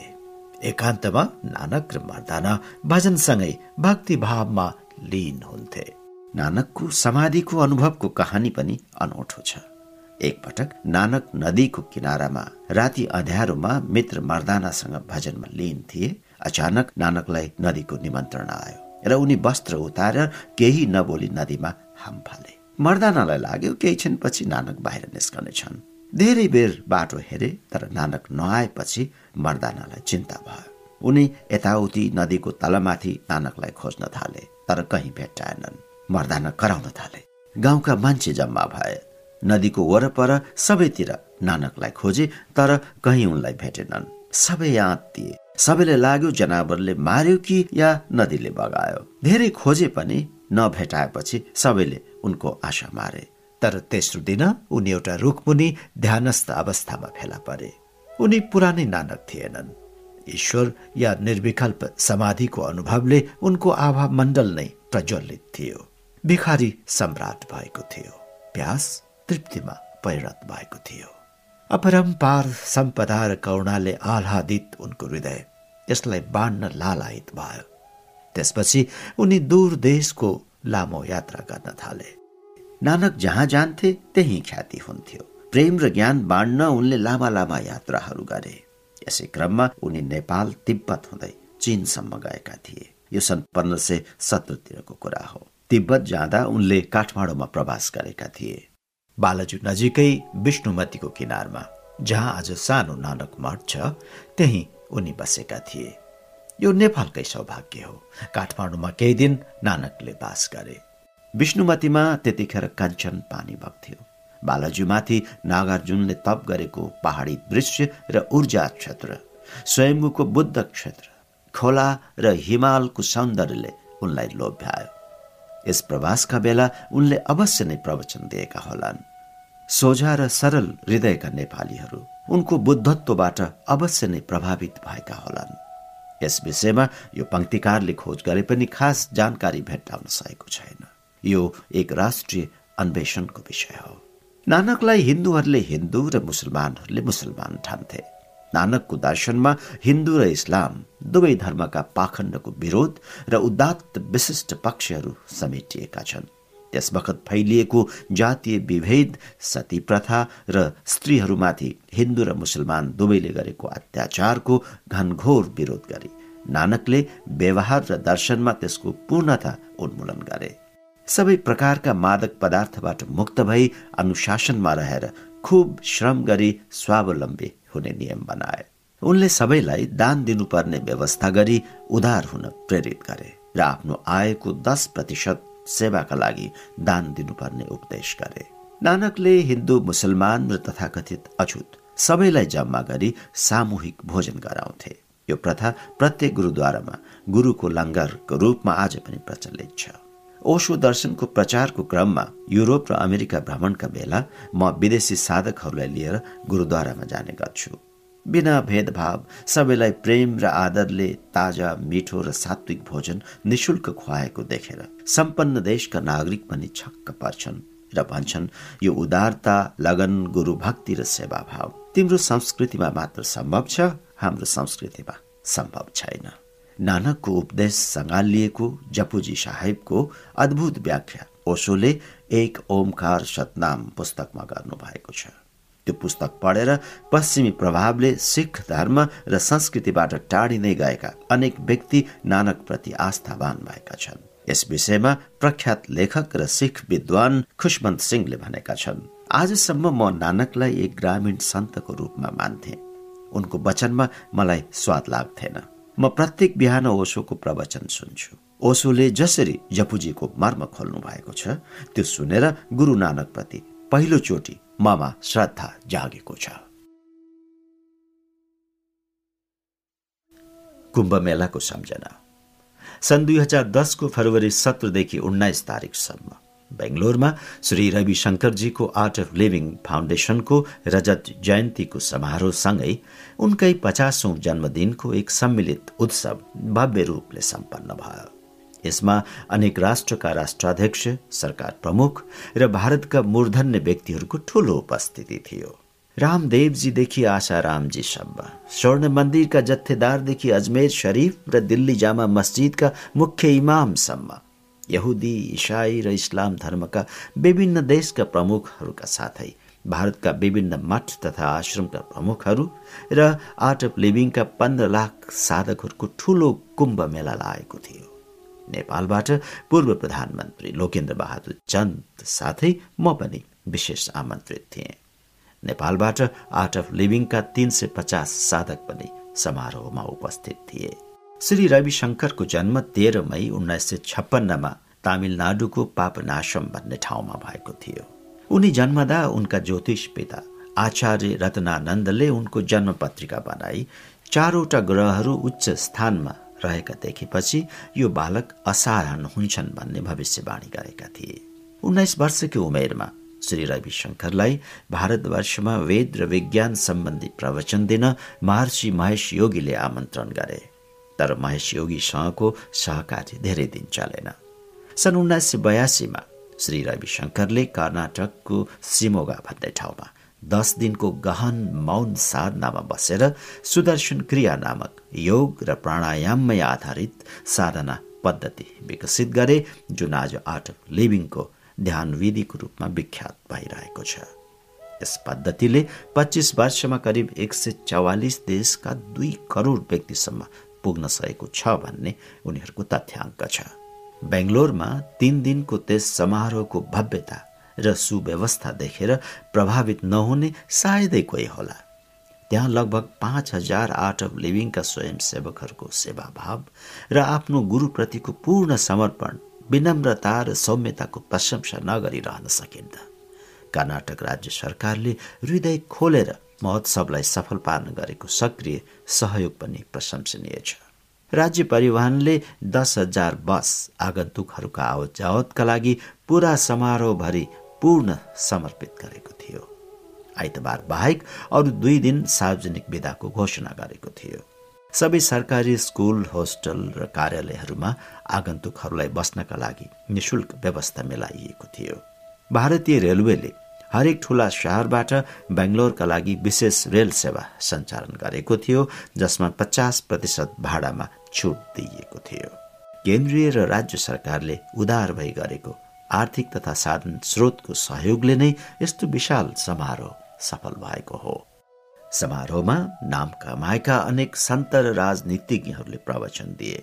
तर मेरो हृदयलाई आन्दोलित गर्यो भारतका प्रख्यात वैज्ञानिक तथा राष्ट्रपति एपीजे अब्दुल कलामको हृदय स्पर्शी प्रवचनले। अन्य कुनै महात्माको प्रवचनले आँखा रसाएनन् तर जब कलाम बोल्न थाले मेरो हृदय पग्लेर आँखाबाट आँसु बग्न थाले यस्तो मलाई बुद्ध पुरुषहरूको प्रवचन सुन्दा र पढ्दा मात्र हुन्छ। उनका प्रत्येक शब्द उनको हृदयको गहिराई र इमान्दारीबाट उठिरहेका थिए। उनी मलाई पूर्ण प्रामाणिक र मञ्चमा आसिन सबै सन्त भन्दा महासन्त लागे। यस वर्ष नोबेल पुरस्कारका लागि श्री रविशङ्करको नाम अनेक गण्यमान्य व्यक्तिहरूले सिफारिस गरेका छन्। मैले सुने अनुसार उनको नाम यस पुरस्कारका लागि अन्तिम छनौटमा परेको छ र यस आध्यात्मिक जाम्बोरीपछि पाउने सम्भावना अझ बढेको छ। हुन त नोबेल पुरस्कार प्राप्त गर्नु कुनै पनि आध्यात्मिक गुरुका लागि महत्वपूर्ण होइन। ओशोले भन्नुभएको छ यो संसारमा जिससलाई भने सुलीमा झुन्ड्याइन्छ तर मदर टेरिसालाई चाहिँ नोबेल पुरस्कार दिइन्छ। Martin Luther King junior Nelson Mandela र दलाई लामा तीनैजनाले नै आफ्नो प्रेरणाको स्रोत र आध्यात्मिक गुरु महात्मा गान्धीलाई मानेका छन्। यिनीहरूले नोबेल पुरस्कार पाए तर गान्धीलाई शान्तिका लागि नोबेल पुरस्कार नदिएकोमा गान्धीको प्रतिष्ठा त घटेन तर नोबेल पुरस्कारले नै आफ्नो उचाइ आफै घटाएको छ। त्यस्तै ओशोको भनाइ छ अरविन्दको महाकाव्य सावित्रीले नोबेल पुरस्कार नपाएकोमा सावित्रीको गुणवत्ता कम होइन बरु नोबेल समितिमा सावित्रीलाई बुझ्न सक्ने प्रतिभा भएका व्यक्ति नै नभएकाले हो। त्यस्तै सन् उन्नाइस सय सन्ताउन्नमा ग्रिक उपन्यासकार गजान जाकिसलाई नोबेल पुरस्कार नदिइनुमा पनि पर्दा पछाडि इसाई धर्मगुरूहरूले चलाएको फोहोरी खेल नै थियो। उनको साटो सो पुरस्कार पाएका अल्बर्ट खामुले त्यति बेला आफ्नो भाषणमै भनेका थिए यसका लागि म भन्दा कैयौँ गुणा बढी लायक गजान जाकिस नै हुन्। श्री रविशङ्करका केही विशेषता छन् जसले विगत दस वर्षमा उनलाई यस युगको अति लोकप्रिय गुरु बनाएको छ। उनले बिहानको समय साधनालाई दिउँसो सेवालाई र साँझ सत्सङ्गका लागि निर्धारित गरे साधना सेवा र सत्सङ्गको सुन्दर त्रिवेणी बनाएका छन्। उनको संगठनले भारतका पच्चिस हजार गाउँमा वृक्षारोपण स्वास्थ्य अर्ग्यानिक फार्मिङ र मद्यपान निषेधका अनेक प्रशंसनीय कार्यक्रमहरू सञ्चालन गरेको छ। जेलका कैदीहरूका लागि प्रिजन स्मार्ट जस्ता लोक कल्याणकारी कार्यक्रम थालनी पनि गरेको छ। त्यसैले श्री रविशङ्करले नोबेल पुरस्कार पाउन् या नपाउन् उनमा रहेको मानवीय गुण सरलता र सबै धर्महरू तथा गुरुलाई एकै मञ्चमा भेला गर्न सक्ने अद्भुत साङ्गठनिक क्षमता र ध्यानप्रति उत्सुकता जगाई। विपरीत विचारधाराका मूर्धन्य राजनीतिज्ञहरूलाई एकै मञ्चमा ल्याउन सक्ने खुबीले उनको प्रसिद्धिमा वृद्धि हुनेछ। साधो सहज समाधि भले। उत्तरमा हिमालय जस्तै मध्य भारतमा पुरातन कालदेखि नै साधकहरूले प्रकृतिमा शरण लिने र जीवनको परम सत्य खोज्ने एक बुद्ध क्षेत्र हो अमरकण्टक। मध्य भारत अत्यन्त गर्मी क्षेत्र हो। बिन्दे र सतपुरा पहाडीको मध्य एक हज़ार मिटरभन्दा बढीको उचाइमा घनघोर जंगलले भरिएको जलप्रभात र अनेक तालसहित धेरै प्रकारका जडीबुटीको प्राकृतिक सम्पदाले धनी मानिने यो क्षेत्रमा हिउँदमा बिहान हल्का जाडो तर वर्षैभरि आनन्ददायी मौसम पाइन्छ। मेरा आराध्य शिवपुरी बाबाले प्राप्त गर्नुभएको बोधि ज्ञानका कारणले पनि मेरा लागि अमरकण्टकको विशेष आकर्षण छ। दक्षिण भारतको कन्याकुमारी नजिकैको गाउँमा जन्मिनु भएका उहाँले अठार वर्षको उमेरमा आफ्नो सबै जायज आफ्नी जुम्ल्या बहिनीलाई दिई अमरकण्टकलाई तपस्या स्थलीको रूपमा रोज्नुभयो बत्तीस वर्षको कठिन र अथक तपस्या पश्चात पचास वर्षको उमेरमा ईश्वर साक्षात्कारको त्यो चिर प्रतीक्षित क्षण उहाँले बडो लालित्यपूर्ण र काव्यमय ढङ्गले भन्नुहुन्थ्यो finally the god as a flash all questions answered and all problems solved forever. बिजुली चम्के झै परमात्मा प्रकट भयो र सबै प्रश्नको उत्तर प्राप्त भयो र सबै समस्या सधैँका लागि समाधान भए। समस्या समस्या र प्रश्नै प्रश्नको विषादले ग्रसित बुद्धिजीवीका लागि त्यो स्थितिको कल्पना गर्न पनि कति सुखद हुन्छ। त्यो सुखद अनुभूतिका लागि कुनै पनि मूल्य चुकाउनु पर्यो भने पनि त्यो कमै हो। त्यस्तो मानिसलाई भेट्नु जसको मनमा कुनै प्रश्न छैन र कुनै समस्या पनि छैन दुर्लभ घटना हो। त्यस्तो मानिसको दर्शन गर्न पाउनु र सत्सङ्गमा बस्न पाउनु ठुलो सौभाग्य हो। अनेक जन्मको पुण्यले मैले पनि यस जन्ममा त्यस्तो व्यक्तिको दर्शन पाएँ र उनको पाउमा शिष्यको रूपमा बस्ने परम सौभाग्य प्राप्त भयो र हाँस्दै रमाउँदै सहज साधना गर्ने शिक्षण पाए। ती व्यक्ति हुन् ओशो। त्यस्तो व्यक्तिको सान्निध्यमा श्रद्धा र ध्यानपूर्वक बस्दा आफू पनि त्यति नै क्षण सबै प्रश्न र समस्याबाट मुक्त भएको सुखद अनुभूति हुन्थ्यो। तर त्यो आफ्नै साधनाको बलले नभएर त्यस भगवत चैतन्यको सान्निध्यको प्रभावले हुने भएकोले त्यो स्थायी हुँदैनथ्यो सान्निध्यबाट टाढा भएपछि त्यो बिस्तारै हराएर जान्थ्यो। अनेक जन्मदेखि कामना तृष्णा र दुःखै दुःखको दावा नलमा जलिरहेको चेतनाले अथक प्रयासपछि जहाँ उन्मुक्ति पाउँछ त्यस क्षेत्रको कण कणमा उन्मुक्तिको त्यो अलौकिक आह्लाद सधैँका लागि तरङ्गित र संरक्षित हुन्छ। कुनै सत्यको खोजीले त्यो संरक्षित अनुभूतिको तरङ्गलाई आफ्नै श्रद्धा र पात्रता अनुरूप ग्रहण गर्न सक्छ। यस्ता स्थानहरू मलाई अति प्रिय छन्। परमहंस योगानन्दले आत्मोपलब्धि गरेको कोलकाताको चार गारापाडा रोडमा अवस्थित उहाँको ध्यान कक्ष बुद्धले आत्मबोध गरेको बोध गयाको बोधि वृक्ष ओशोले आत्मबोध गरेको जबलपुरको भवरताल उद्यानको मौलश्री वृक्ष।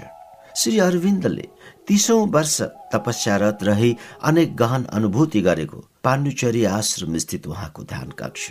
बुद्धका अनेक शिष्यले आत्मबोध गरेका श्रावस्तीको जेतवन विहार जस्ता अनेक ऊर्जा स्थलहरूको म भ्याएसम्म परिभ्रमण गरिरहन्छु। त्यस्ता पवित्र स्थानमा पुगेपछि थोरै समयका लागि भए पनि आत्मबोध भएकै जस्तो अनुभूति हुन्छ। साधकहरूका लागि त्यस्ता अलौकिक स्थानहरूमा आनन्द र आशिषको अमृत वर्षा सधैँ भइरहन्छ। शिवपुरी बाबाका म जस्ता भक्तका लागि अमरकण्टक पनि त्यस्तै महातीर्थ हो। त्यो तीर्थको आकर्षण म भित्र प्रबल छ।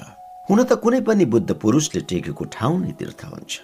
तर विशेष रूपले उनीहरू जन्मेको निर्माण प्राप्त गरेको शरीर छोडेको र लामो बसोबास गरेका स्थानहरू महातीर्थ हुन्छन्। मेरो मनमा एउटा प्रश्न सधैँ उठ्थ्यो। शिवपुरी बाबाले तपस्याका लागि हिमालय र गङ्गाको सिद्ध क्षेत्र छोडेर किन अमरकण्टक रोज्नु भयो मलाई अमरकण्टकमा तीन पटक साधना शिविर सञ्चालन गर्ने अवसर मिलेको छ। भर्खरै सञ्चालित शिविरपछि मैले यसको उत्तर पाएँ। दक्षिण भारतीयका लागि उत्तरी हिमाली जाडो कष्टकर हुन्छ। धेरै हिमालयमा बस्ने योगीहरूलाई पनि जाडोको मौसममा तल झर्ने बाध्यता पर्छ। अमरकण्टकको मौसम भने शरीरलाई कष्ट नगरी वर्षभरि आनन्दपूर्वक बस्न सकिने खालको छ। अमरकण्टक वनमा प्रचुर मात्रामा कन्दमूल र जडीबुटी अहिले पनि उपलब्ध छन् जसको आधारमा जोगीहरूलाई सहज जीवन निर्वाह गर्न सम्भव छ। त्यहाँ विभिन्न प्रकारका स्वास्थ्यवर्धक औषधिजन्य जडीबुटीहरू अहिले पनि उपलब्ध हुन्छन् जसको सेवनले रोगमुक्त र स्वस्थ रहन मद्दत मिल्छ। अमरकण्टकका झरना खोला नालामा प्रचुर मात्रामा ब्राह्मणी बुटी पाइन्छ। ब्राह्मणी बुटी मस्तिष्कको लागि परम औषधि हो। यसले स्मरण शक्तिलाई तीक्ष्ण बनाउँछ मस्तिष्कलाई शीतल राख्छ र तनावजन्य रोगबाट मुक्ति दिलाउँछ। ब्राह्मणी बुटीको जलको सेवनले मानसिक रूपमा विक्षिप्त व्यक्तिहरू पनि ठिक भएका केही घटना त्यहाँका जोगीहरूले सुनाए। यसपालिको यात्रापछि थाहा भयो आदि शङ्कराचार्यले आठौं शताब्दीमा आफ्ना गुरु श्री गोविन्द पादबाट यही दीक्षा लिई तपस्या गरेका रहेछन्। त्यस अतिरिक्त पौराणिक ऋषि मार्कण्डे भृगु दुर्भाषा कपिल साथै आधुनिक सन्तहरूमा शिवपुरी बाबा र बर्फानी बाबाको तपस्या स्थली यही हो। कबीर र नानकले परस्पर यही भेटेको पनि भनिन्छ धेरै साधकहरूको साधनाका कारणले यो क्षेत्र अलौकिक तरङ्गले तरङ्गित छ यो सिद्ध क्षेत्र भइसकेको छ। नर्मदा सौन्द्र जोहेला तीन नदीको अमरकण्टक उद्गम स्थल पनि हो। हिन्दू शास्त्रमा सरस्वतीमा तीन दिन जमुनाजीमा सात दिन गङ्गामा एक दिन स्नान गर्दा जुन शुद्धि हुन्छ नर्मदाको दर्शन मात्रले त्यति नै शुद्ध भइन्छ भन्ने उल्लेख छ। यसबाट पनि नर्मदालाई धेरै महत्व दिएको देखिन्छ। हिन्दू संस्कृतिमा नर्मदा एउटा मात्र यस्तो नदी हो जसको उद्गम स्थान अमरकण्टकदेखि अरब सागरको सङ्गम मिठाठाईसम्म परिक्रमा गर्ने चलन छ। यो परिक्रमा अठाइस सय छप्पन्न किलोमिटरको हुन्छ। यस परिक्रमका आश्चर्य लाग्दा आफ्नै विधान छन्। सनातन कालदेखि आजसम्म अक्षुण्य चलिरहेको यो परिक्रमा आकाश वृत्तिमा अर्थात् कुनै पैसा या अन्न नबोकिकन गर्ने चलन छ।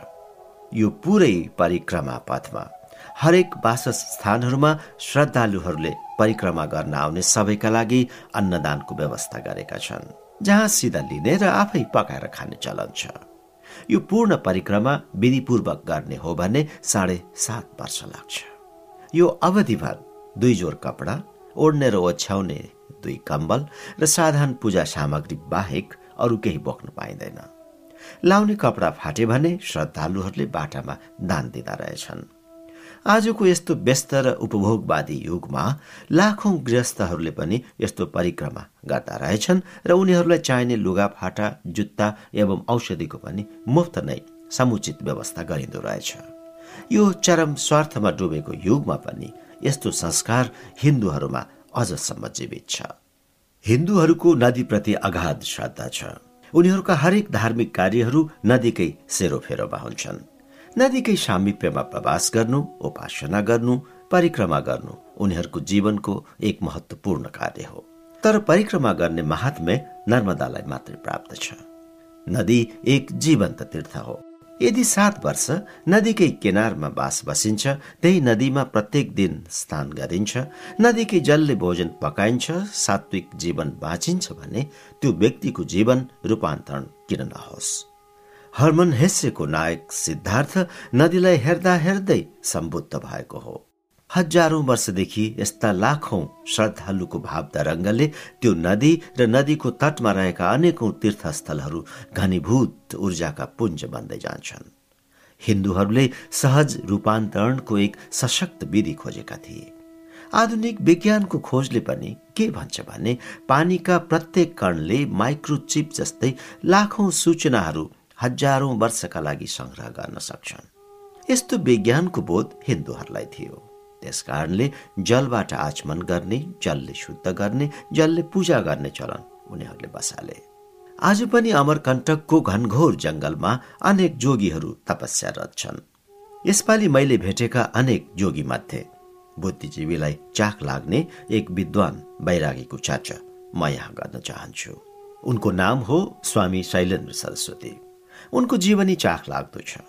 उनले क्वान्टम फिजिक्समा एमएससी गरी अहमदाबादको प्रख्यात आइआइएमबाट म्यानेजमेन्टमा मास्टर्स गरे। भारतका प्रतिष्ठित व्यावसायिक संस्थामा मुख्य व्यवस्थापक भई काम गरिसकेका रहेछन् र सबै सुख सुविधा सहित उनको आय महिनामा लाखौंको थियो। व्यावसायिक सफलताको चरम चुलीमा पुगेपछि उनले जीवनको व्यर्थता निरस्ता र असारताको गहन पीडा अनुभूति गरे। जतिसुकै कुशल व्यवस्थापनबाट पनि यो संसारका समस्याहरू र मानिसका पीडा दूर गर्न सकिँदैन भन्ने उनलाई बोध भयो।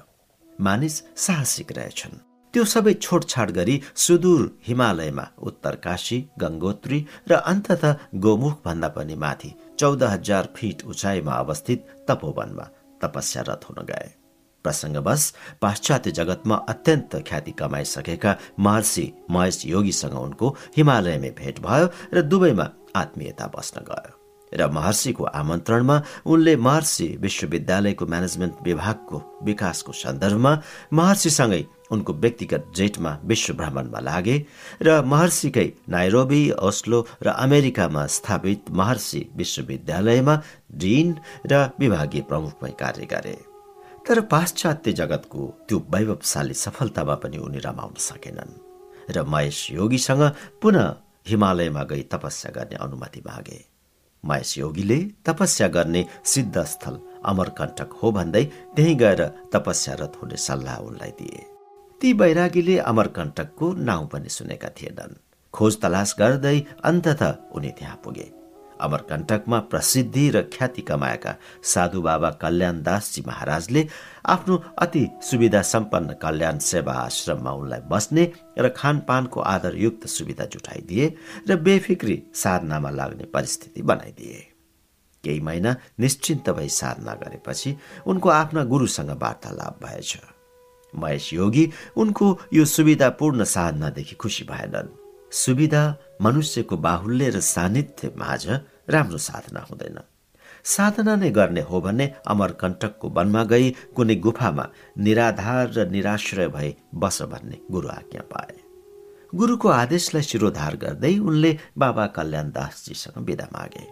उनीसँगै दुईटा कम्बल दुई गौरिक वस्त्र र दुई किलो पिठो दान स्वीकार गरी अमरकण्टकको घनघोर जंगल बीच दुईटा रुखमा एउटा कम्बल बाँधी एउटा कम्बल भुइँमा ओछ्याई साधनारत भए।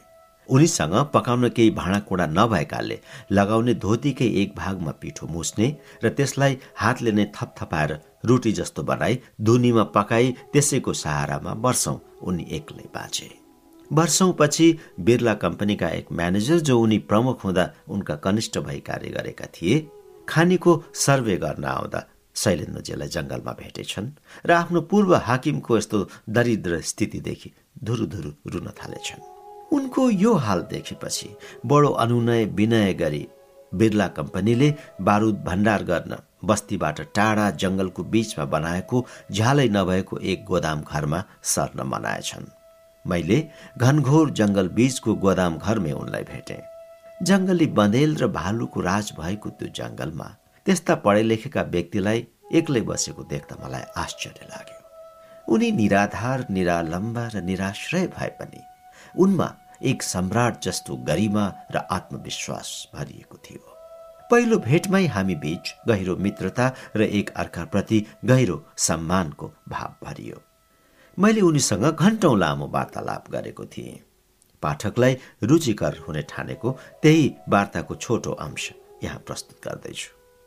प्रश्न यहाँ एक्लै बस्दा अरूसँग भेट्न कुरा गर्न मन लाग्दैन? उनले भने कहिले आवश्यक सामान लिन बजार जानुपर्छ? तपाईँ जस्तै कोही खोज्दै साधक आयो भने अर्कै कुरा हो तर मान्छेसँग भेट्न र मानिसको भिडमा जानु पर्यो भने पीडा हुन्छ। एक्लै बस्दैमै आनन्द छ। प्रश्न। यहाँ तपाईँका आवश्यकताहरू कसरी पूर्ति हुन्छन् उनले भने वर्षौं मैले हातले बेलेको रोटी धुनीमा सेकेर रमाएर बसेको छु। पिठो सकिन लागेको बेला कसैले अचानक ल्याएर दिन्छन्। लुगा फाटेका बेला लुगा आइपुग्छ। ईश्वरमा पूर्ण आश्रित भएर बसेको छु। सबै आवश्यकता पूरा गर्ने जिम्मेवारी उसैको हो। मैले आफ्नो जीवन र धेरै साधकहरूको जीवनमा पनि यसको प्रत्यक्ष प्रमाण भेट्टाएको छु। प्रश्न। तपाईँ यत्रो विद्वान व्यक्ति। संसारमा के भइरहेको छ भन्ने जान्न अखबार पढ्न रेडियो सुन्न मन लाग्दैन? उनले भने बिल्कुलै मन लाग्दैन। रेडियो र अखबारमा अधिकांश नराम्रै कुराको चर्चा हुन्छ। त्यसबाट मन अझ खिन्न हुन्छ। मलाई चाहिने लायक कुनै राम्रो खबर छ भने तपाईँ जस्तै साधक आएर यही मलाई दिइहाल्छन्। प्रश्न। यस्तो एकान्तमा तपाईँ त खुब अध्ययन गर्नुहोला। के के किताब पढ्नुहुन्छ उनले भने केही वर्ष पहिलेसम्म तपाईँ जस्तै मेरो पनि पुस्तकप्रति खुब अनुराग थियो। खुब धार्मिक साहित्य पढे ओसोलाई पनि पढे। खुब आनन्दित भए र उहाँको ठुलो प्रशंसक हुँ। तर पछि आएर बोध भयो पुस्तकीय ज्ञान पनि एक बौद्धिक व्यसन मात्र हुँदो रहेछ। र बाहिरबाट आएको ज्ञान पनि साधनाको एक स्थितिमा पुगेपछि एक प्रकारको बोझ हुँदो रहेछ। प्रारम्भमा केही सहयोगी देखिए पनि आत्मोपलब्धिमा अन्तत यो बाधकै रहेछ यो बोध भएपछि भएका सबै किताब बाँडिदिए वर्षौंदेखि मैले केही पढेको छैन र पढ्ने इच्छा पनि छैन। म जस्तो प्रत्येक दिन खोजी खोजी पत्रिका पढी देश र सारा दुनियाँको हाल खबर सुनि दुखी हुने र नयाँ उत्तम साहित्य देखेपछि किन्नबाट आफूलाई रोक्नै नसक्ने पुस्तक बेसनीलाई ती योगिकाई शब्दले भित्रैसम्म प्रतिध्वनित हुने एक झापड गालामा हान्यो यस्तै झापड वर्षौँ अघि आफ्ना गुरु ओसोबाट पनि पाएको हुँ। ओसोलाई एकपटक मैले सोधेको थिएँ आत्मबोधमा अब मलाई कुन चिजले रोकिरहेको छ गुरु? उहाँले तुरन्तै उत्तर दिनुभयो तिम्रो ज्ञान नै बाधक छ। तिमी सोध्छौ तिमीलाई धेरै थाहा छ तर तिमीलाई केही थाहा छैन। त्यो दिन पनि मैले यस्तै गुरु चड्कन पाएको थिएँ। सामान्यत बाहिरबाट सङ्ग्रह गरेको पुस्तकीय जानकारीलाई नै हामी ज्ञान भन्ने ठान्छौँ। तर मेरो यो पनि स्पष्ट अनुभव के छ भने गुरुको सान्निध्यमा आएपछि माछा मासु रक्सी चुरुट छोड्न साधनाको प्रयासबाट सजिलै सकिन्छ। तर पुस्तक र अध्ययनको दुर्व्यसनबाट मुक्त कुनै दुस्साहसी मात्र हुन सक्छ। प्रश्न तपाईँ प्रवचन र शिक्षण किन दिनुहुन्न? उनले भने सन् दुई हजार सत्रमा मलाई आत्मज्ञान हुन्छ भन्ने मेरो चिनामा लेखिएको छ। अहिले साधनाको काल छ र यस बेला शिक्षण गरे साधना कमजोर पर्छ। यसबाट पनि मैले अर्को धक्का र झापड पाएँ तर तुरन्तै मलाई गुरुको वाक्य सम्झना भयो। अरूलाई सिकाउनु सिक्ने सबैभन्दा राम्रो उपाय हो। मैले गुरुको आदेश सम्झिएँ तिमी सारा विश्वमा गएर शिक्षण देऊ तर आफूमा म गुरु हुँ भन्ने अहमबोध कहिले आउन नदेऊ। यसो भएमा शिक्षण पनि साधना भएर आउँछ। प्रश्न तपाईँ दिनभरि के गर्नुहुन्छ? कसरी दिन काट्नुहुन्छ? उसले भने पाँच घन्टा जति सुत्छु तिन बजीदेखि उठेर ध्यानमा लाग्छु।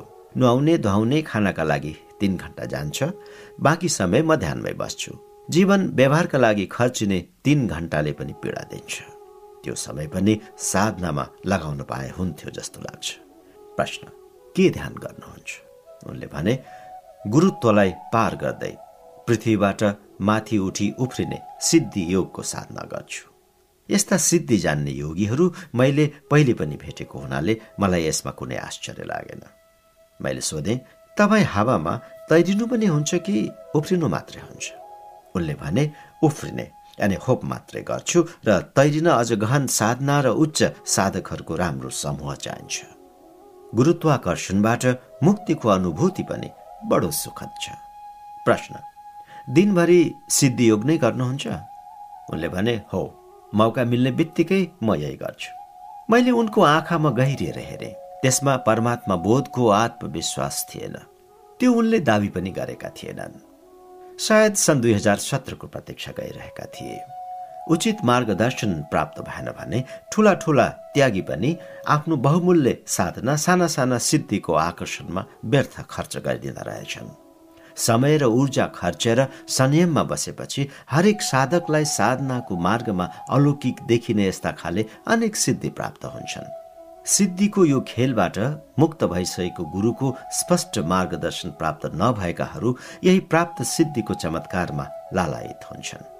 यो सिद्धिको घनचक्करमा आफू पनि पर्छन् र अरूलाई पनि यस माखे साङ्लोमा पार्छन्। किनभने कुनै पनि आफूले गर्न नसक्ने खालका कुराबाट जस्तासुकै बुद्धिमान भनाउँदाहरू पनि आकर्षित र प्रभावित हुँदा रहेछन्। चाहे त्यसको आध्यात्मिक या मानवीय मूल्य शून्य किन नहोस्। वार्तालापका बेला स्वामी शैलेन्द्रजीबाट पाएका दुई झापटको जवाब स्वरूप मलाई पनि यो कुरा उनलाई बिन्ती गर्न मन लागेको थियो। तर शिष्टाचार बस मनमनै राखी उनलाई आदरपूर्वक दण्डवत गरेर बिदा लिए। पुस्तकभन्दा पनि खतरनाक। सिद्धिको दुर्व्यसनमा फँसेका यी परम वैरागीको व्यसन अगाडि मेरो पुस्तक व्यसन फिक्का पर्यो। बाटोभरि ओशो शिवपुरी बाबा परमहंस राम कृष्ण रमण महर्षि कृष्णमूर्तिको कथन याद आयो। सबै प्रकारका सिद्धिबाट सधैँ सावधान रहनु यो महाबन्धन हो। कवीरको यो महाकथनले मलाई पछ्याइरह्यो। साधो सहज समाधि भले। राजा जनकको वैराग्य। प्राचीन कालमा मिथिला एउटा प्रसिद्ध राज्य थियो। सूर्य वंशीय इच्छुको राजाका पुत्र निमिका छोरा मिथिजनक भन्नेले मिथिला राज्यको स्थापना गरे। यसपछिको राज परम्परा जनक उपाधिबाट परिचित हुँदै आयो। यसै कारण मिथिला राजधानीको नाम जनकपुर रहन गयो। त्यसै वंशका बाइसौं जनक राजा शिरध्वज नामबाट विख्यात भए। यिनी सीताको पिताका रूपमा विश्व प्रसिद्ध छन्। पौराणिक कथा अनुसार मिथिलामा एकपटक धेरै ठुलो अनिकाल पर्यो। राजाले स्वयं हलो जोतेर यज्ञ गरे भने वर्षा हुन्छ भनी विद्वान ज्योतिषहरूले सल्लाह दिएका कारण राजा जनक हलो लिएर भूमि जोत्न गए। हलो जोत्ने क्रममा एउटी बालिका जमिन मुनि भेटिन्। हलोको टुप्पोलाई संस्कृतमा शिर भनिन्छ।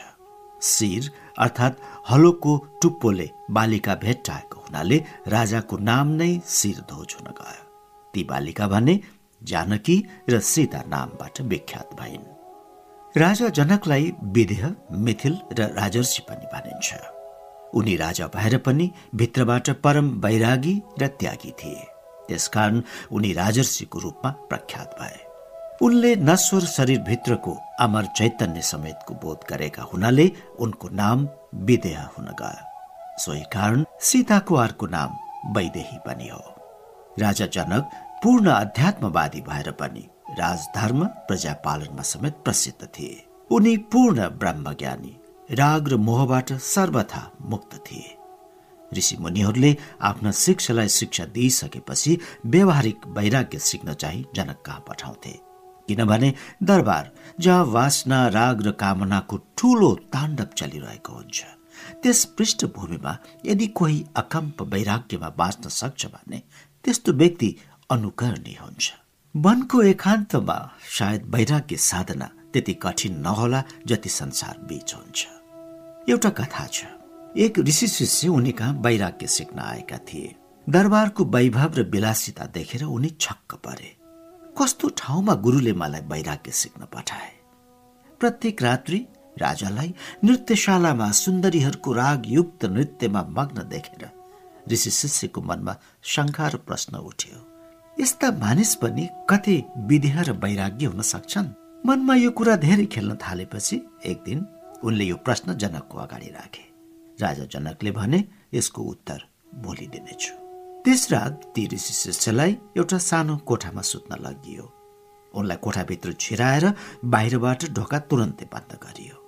उनी खाटमा सुत्नै लाग्दा माथिपट्टि सिलिङमा पातलो धागोमा तरबारहरू र धारिला हतियारहरू झुन्डिरहेको देखे र कुनै बेला पनि ती हतियारहरू आफूमाथि खस्ने सम्भावनाले गर्दा उनको सातो गयो।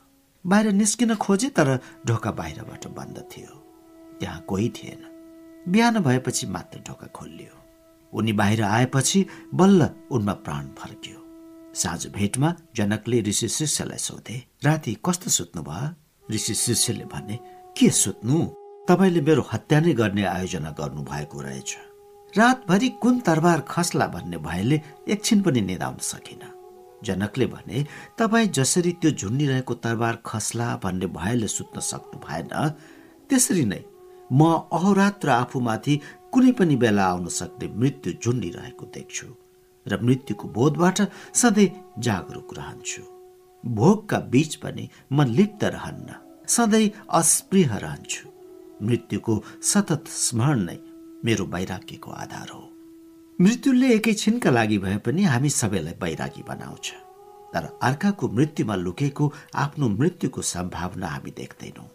मरेकालाई हामी बिचरा मरेछ भने दया देखाए जस्तो गर्छौँ तर आफू पनि त्यस्तै बिचरा हो र आफ्नो मृत्युपछि अरूको बिचरा पात्र आफै बन्ने छौँ भन्ने बोध हामीलाई आउँदैन।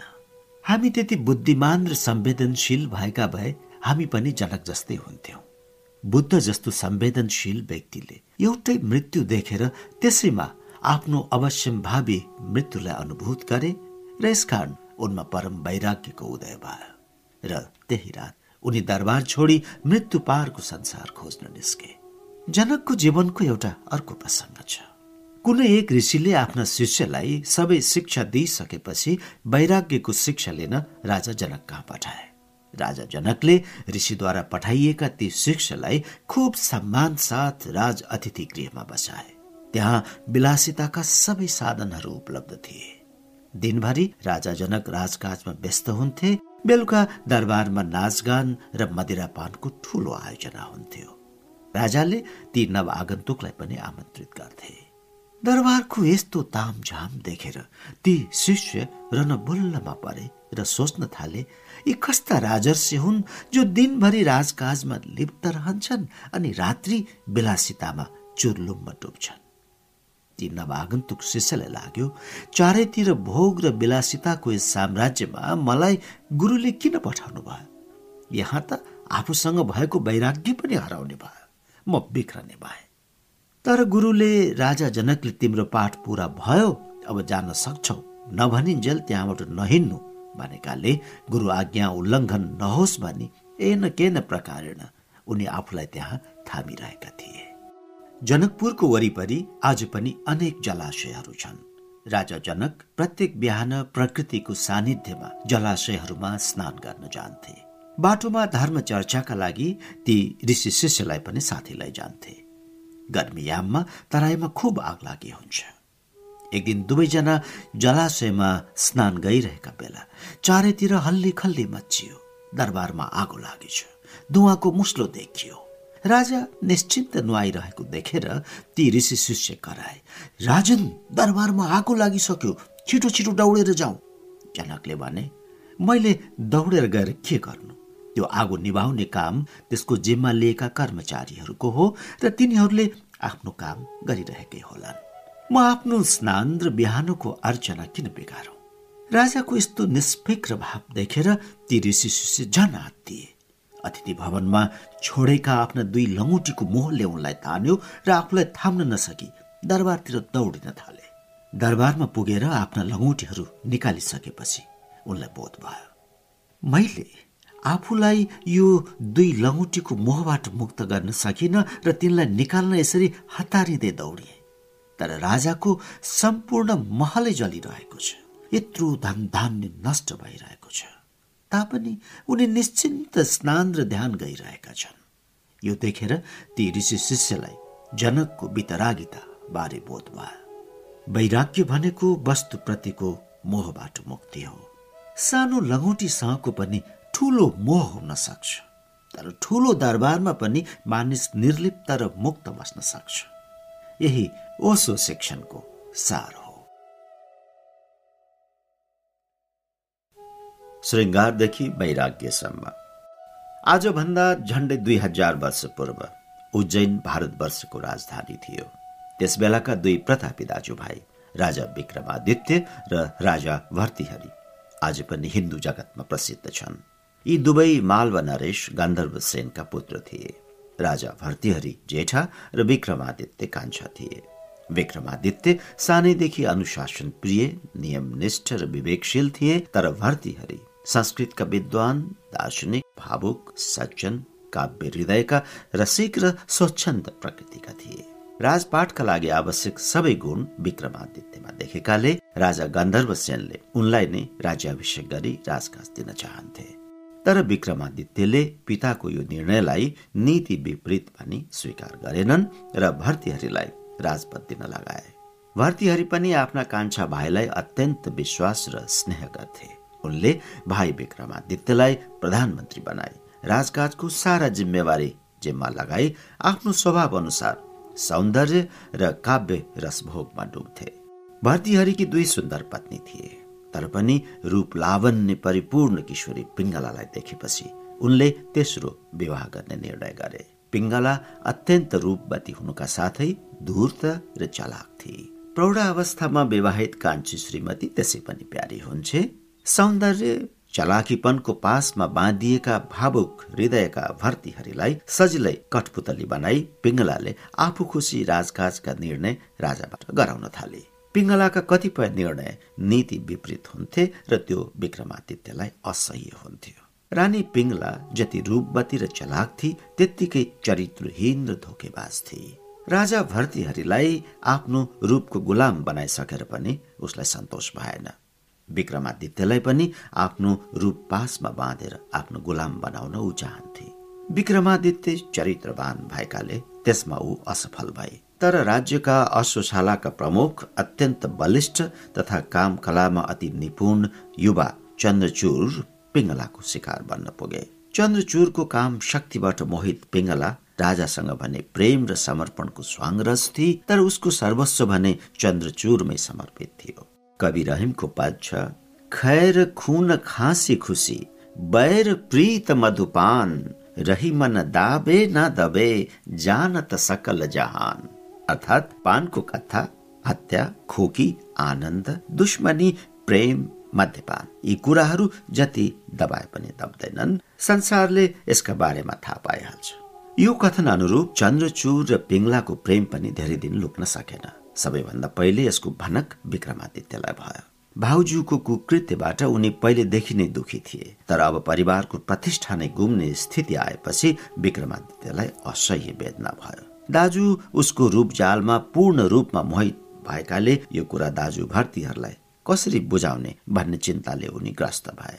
पिङ्गला पनि अति चलाक भएकीले आफ्नो अवैध सम्बन्धको बारेमा विक्रमादित्यले चाल पाइसकेका छन् भन्ने बुझेकी थिए र आफ्नो सुरक्षाको लागि राजा भर्तीहरिप्रति अरू स्नेह र प्रेमको नाटक रच्न थाली मानौ ऊ भर्तीहरि बिना एक पल पनि बाँच्न सक्दिन। सहवासका क्षणमा स्त्रीले लट्ठ परेको पुरुषको कानमा जे भर्छे त्यो पुरुषको हृदयले सोझै स्वीकार गर्छ। यस्तै क्षणहरूमा पिङ्गलाले पनि भर्तृहरीलाई विक्रमादित्यका विरुद्धमा नाना थरीका कुरा लगाउन थाले। विक्रमादित्यको चरित्र राम्रो छैन।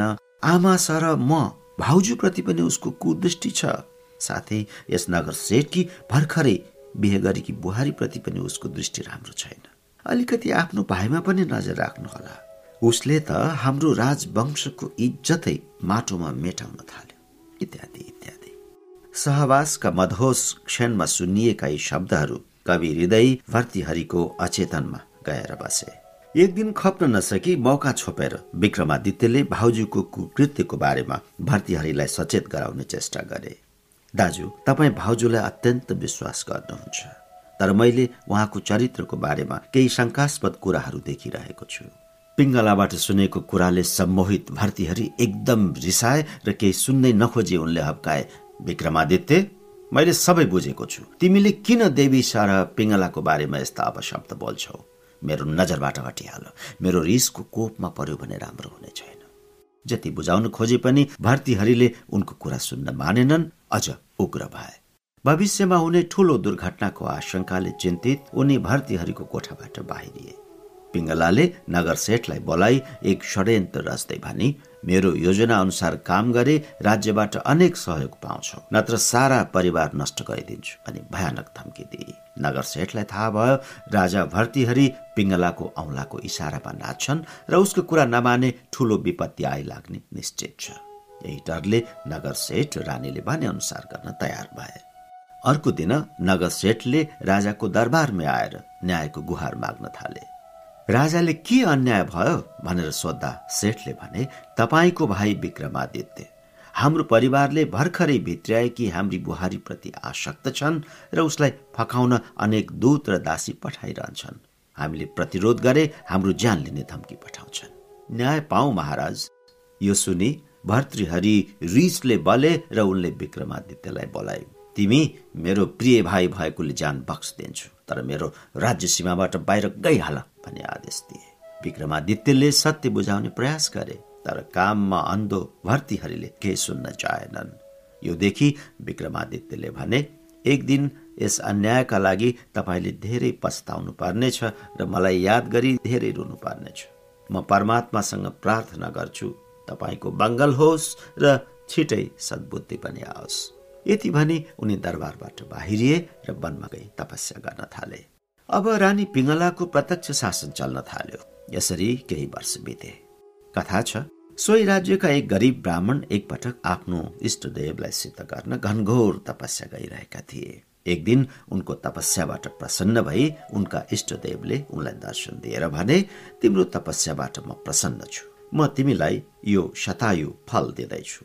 यो फल खाएपछि तिमी सय वर्षसम्म युवा र स्वस्थ बाँच्नेछौ। फल पाएपछि ती ब्राह्मणले सोचे म गरिबले सय वर्षसम्म बाँचेर के गर्ने?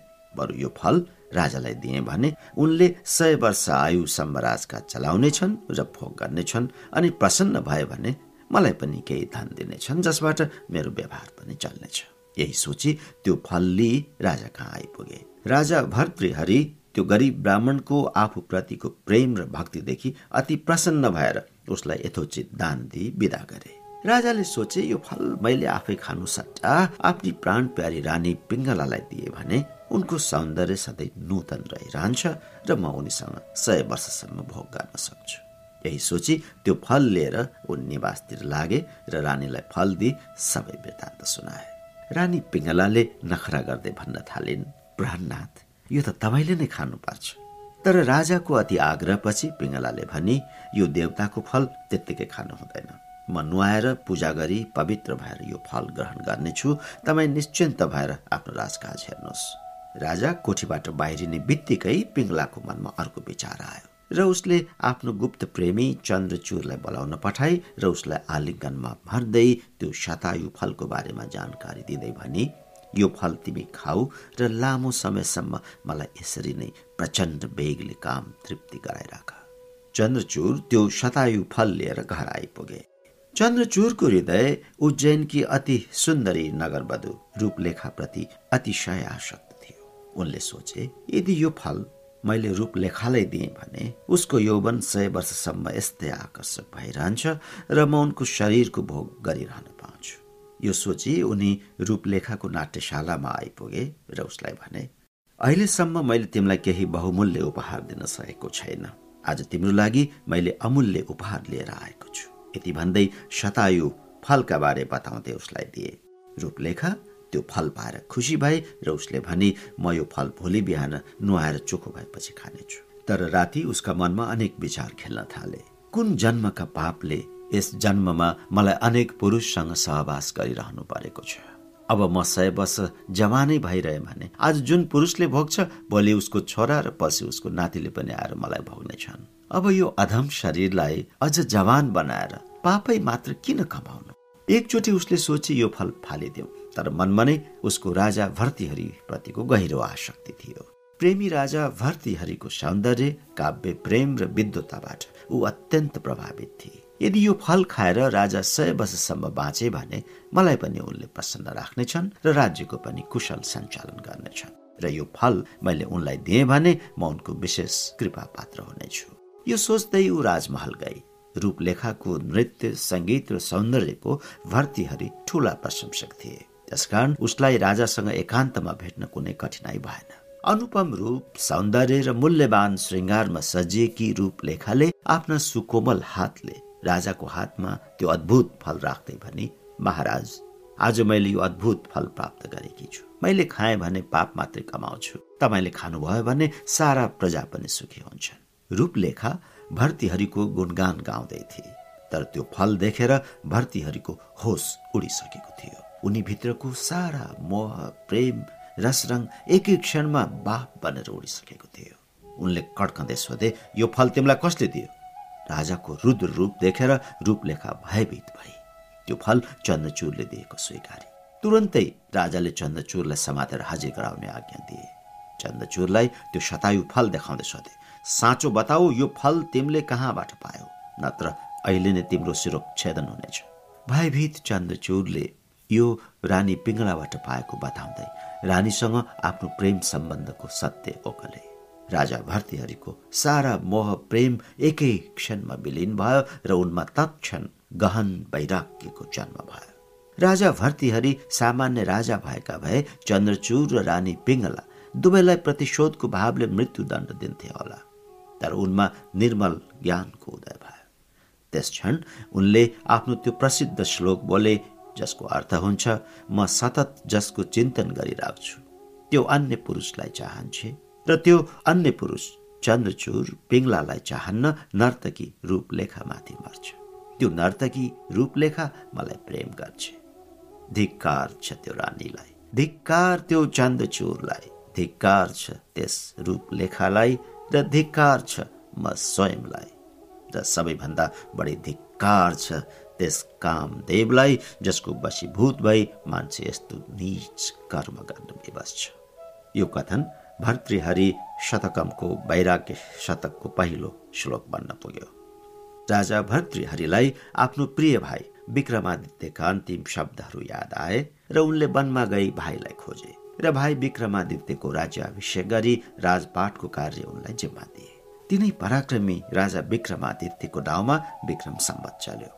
कुनै बेला मोह र काममा लिप्त तिनै राजा भर्तृहरि आफ्नो तपोबलले प्रसिद्ध योगी बने जसबाट रचित श्रृङ्गार नीति र वैराग्यका सय सय श्लोक भर्तृहरि शतकका नाममा विश्व साहित्यको अनमोल निधि बन्न पुगे।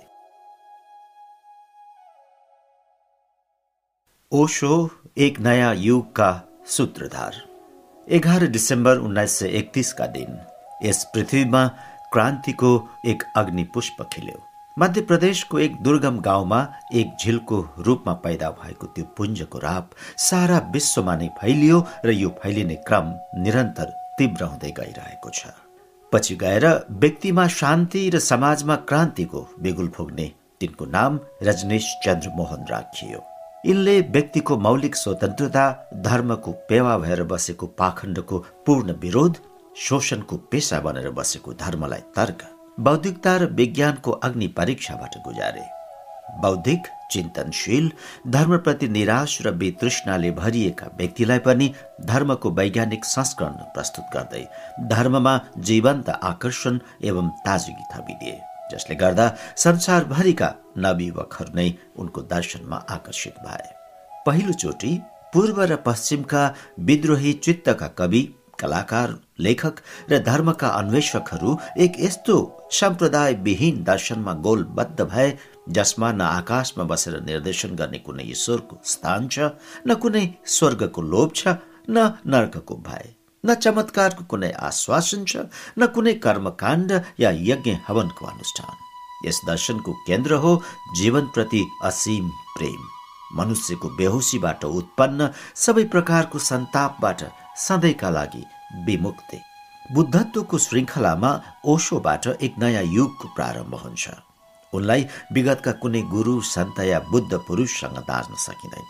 उनी विभिन्न कारणले मौलिक र अनौठा देखिन्छन्। सामान्यत धर्मगुरु तथा वक्ताहरू लोकप्रिय हुनलाई जुन क्षेत्रमा जान्छन् त्यो क्षेत्रको परम्परावादी मूल्य र मान्यताको खुब प्रशंसा गर्छन्। चाहे ती परम्पराहरू जतिसुकै रूढिवादी गलत र समय बाह्य किन नहुन्? लोकप्रिय हुने यो प्रचलित र सस्तो उपाय हो। ओसोले यसको ठिक विपरीत व्यवहार गरे। जब उनलाई गुजरातमा गान्धी शतवार्षिकीको उपलक्ष्यमा आदरणीय वक्ताको रूपमा आमन्त्रित गरियो उनले गान्धीवादको नाममा प्रचलित केही अवैज्ञानिक धारणाहरूको विरोधमा आफ्नो हात उठाए र आग्नेय प्रवचन दिए। जुन अस्वीकृति में उठा हात र गान्धीवाद एक समीक्षा पुस्तकको रूपमा संग्रहित छन्। भारतमा बसुन्जेल उनले भारतमा झाङ्गिएको अन्धविश्वास पाखण्ड र जडग्रस्त कर्मकाण्डमै सीमित भएको रुग्ण धर्मको जोरदार आलोचना गरे। दुश्मनी पनि कमाए तर पूर्वका उपनिषद वेदान्त र गीताका अमर सन्देशलाई पुनर्जीवन प्रदान गरे। जिससका वचनहरूको सुन्दर र सरस शैलीमा व्याख्या गर्दै सयौं प्रवचनहरू दिए जसबाट सातवटा पुस्तक प्रकाशित छन्। इसाईहरू नै मान्छन् जिसस र बाइबलको यति सुन्दर व्याख्या कुनै इसाई विद्वान समेतले आजसम्म पनि गर्न सकेको छैन। उनले भारतमा बस्दा अमेरिकी स्वतन्त्रताको प्रशंसा गरे।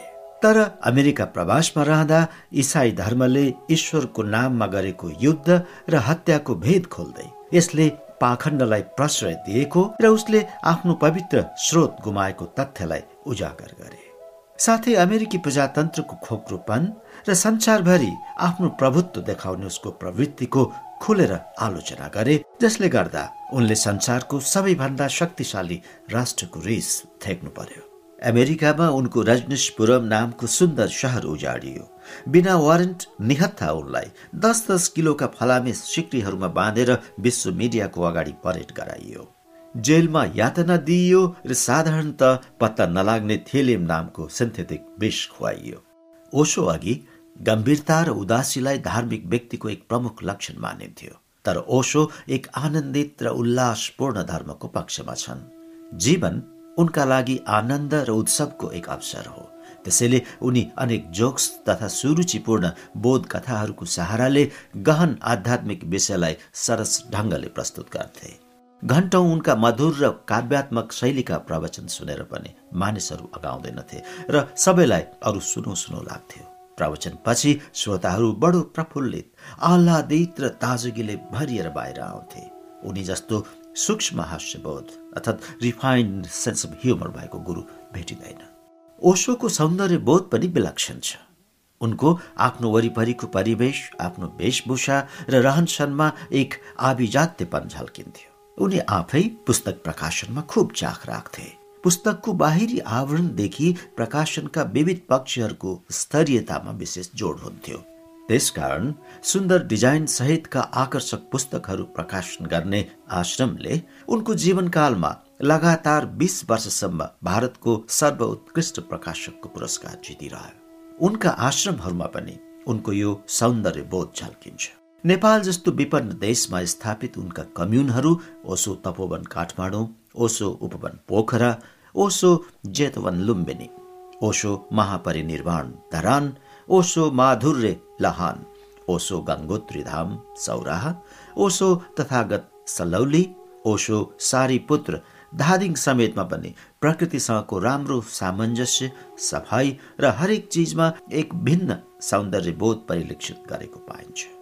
सौन्दर्यप्रतिको सम्मान ओसो संस्कृतिको एक आधार स्तम्भ हो।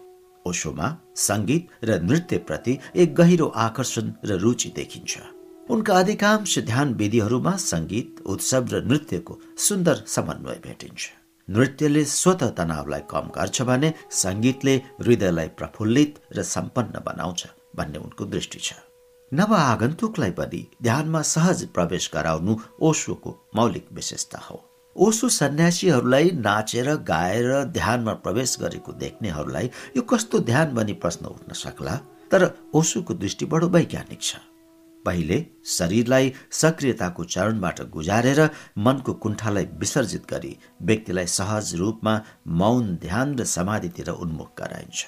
यो ओसोको नितान्त मौलिक देन हो। अरू बुद्ध पुरुषहरूले यस्तो सरस बाटो लिन सकेका थिएनन्। ओसोको स्मरण शक्ति पनि एक आश्चर्यजनक खोजकै विषय हो। उनले जीवनकालमा लगभग दुई लाख पुस्तक पढे। धारा प्रवाह प्रवचनका बेला बिना कुनै नोट प्रसङ्गवश उनी आफूले पढेका ती पुस्तकहरूबाट तथ्य घट्टा व्यक्ति विशेष र समयको उदाहरण दिन्थे। एकचोटि भेटेको मानिसलाई उनी कहिले बिर्सदैनथे कुनै व्यक्तिलाई दोस्रो चोटि भेट्दा पहिलो भेटमा भएका कुरा र घटनाको प्रसङ्ग पनि सहजै उठाउने गर्थे। उनका जीवनकालमै उनका लाखौं शिष्यहरू भइसकेका थिए। शिष्यलाई भेट्दा उनीहरूद्वारा विस्मित विगतका घटनाहरू पनि उल्लेख गर्दै ओसो उनीहरूका समस्या सुल्झाउँथे। यसबाट सबै चकित हुन्थे। प्रेम र आत्मीयता अझ प्रगाढ हुन्थ्यो। ओशो एक नितान्त यस्ता बुद्ध पुरुष हुन् जसले धर्मका सबै पक्षहरू साधकका लागि खोलिदिए। साधारणत कुनै पनि गुरुले आफ्नो परम्परा आफ्नो ग्रन्थ र आफ्नै बारेमा मात्र कुरा गर्छन्। तर ओशोले अतीतका सैकडौँ बुद्ध पुरुषहरू र अनेकौं धर्म ग्रन्थको बारेमा पुरै प्रवचनमाला दिए र उनीहरूको सन्देशलाई जनमानसका सामु बुझ्ने भाषा र शैलीमा प्रस्तुत गरी अतीतको गर्भमा हराइरहेका ती बुद्ध पुरुषहरूलाई पुनर्जीवित गरे र समकालिक बनाए। ओशो नभएका भए गुर्जिएभ दादु, जगजीवन, पल्टु, मल्लुकदास, धरमदास, दया, सहजो चरणदास वादिज, Sarahapa, Tilopa बेखा Raidas, Mabel, Collins, Blavatsky, Hasid जस्ता व्यक्तिको हामीले सायदै नामै पनि सुन्ने थिएनौँ होला। तर आज ओसो मार्फत। यी लगायत अनेकौं सन्त पुरुषहरूसँग हामी एक आत्मीयता निकटता र प्रेम अनुभूति गर्छौँ। ओसो साहित्यबाट यिनीहरूको जीवन र शिक्षणको विस्तृत जानकारी ओसो पाठकलाई सहज रूपले प्राप्त हुन सक्छ। ओसोलाई सबैभन्दा विवादास्पद र अरूभन्दा अलग बनायो उनले सेक्स या काम ऊर्जाका बारेमा दिएका प्रवचनले। गहन विषयहरू बोकेका ओसोका जम्मा सात सय पुस्तक छन् तर तीमध्ये सबभन्दा चर्चित रह्यो एक पुस्तक सम्भोग से समाधि की ओर।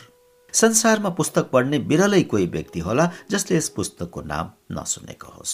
पढ्दै नपढेकाले पनि यो पुस्तकको चर्चा गर्छन्। यो पुस्तकको केन्द्रीय सन्देश काम ऊर्जालाई रूपान्तरित गरी आध्यात्मिक अनुभूतिमा परिणत गर्ने भए पनि रूपान्तर र खोजमा चाक लिनेको संख्या कमै हुने तर हल्लामा रमाउने जमातका लागि यस पुस्तकको नामले काम भन्ने गरेकै हो। कामको शक्ति र महत्वलाई बुझ्न धेरै टाढा जानु पर्दैन। अलिक शान्त भएर इमान्दारीपूर्वक आफ्नै जीवनलाई हेरे पुग्छ कामको कस्तो वेग आकर्षण र प्रभाव कस्तो हुन्छ भनेर। तर यो नग्न सत्य स्वीकार गर्ने साहस विरलैमा हुन्छ। हामी कामबाट कति उद्वेलित प्रभावित र उत्प्रेरित हुन्छौँ। फ्रायड जोङ एडलर र रेकको वैज्ञानिक विस्फोटक खोजपछि पनि कामको बारेमा हाम्रो धारणा सैकडौँ वर्ष अघिकै छ। हाम्रा औपचारिक कुरा र धार्मिक प्रवचन सुन्दा लाग्छ सबै हामी कामबाट बिल्कुलै मुक्त छौँ। तर हामीलाई पनि थाहा छ ती कुरा फोस्रा औपचारिकता मात्र हुन्। ओसोले स्वस्थ काम ऊर्जाका विषयमा बोल्दा सबैभन्दा बढी विरोध गर्ने जमात नै दमित कामको प्रकोपमा फसेर अनेक रुग्ण व्यवहार गरेको प्रत्येक दिन सुन्न पाइन्छ। ओसो एकमात्र यस्ता आध्यात्मिक गुरु हुन् जसले ठूलो मूल्य चुकाएर पनि यो पाखण्डको पर्खाल तोड्ने प्रयास गरे। ओशो भन्छन् काम एक नैसर्गिक आवश्यकता हो। यदि पनि हामी सुन्न तयार छैनौँ यसको विकल्प दमित र पाखण्डी बनिरहनुमै छ। ओसो न कामको पक्षमा छन् न विपक्षमा। उनी एक स्वस्थ र इमान्दार मनुष्यताको पक्षधर हुन् त्यस्तै प्रामाणिक व्यक्तिलाई नै उनी धार्मिक मान्छन्। ओसोले एक नयाँ मनुष्यको परिकल्पना गरेका छन् जसको नाम उनले दिएका छन् जोरबादी बुद्ध।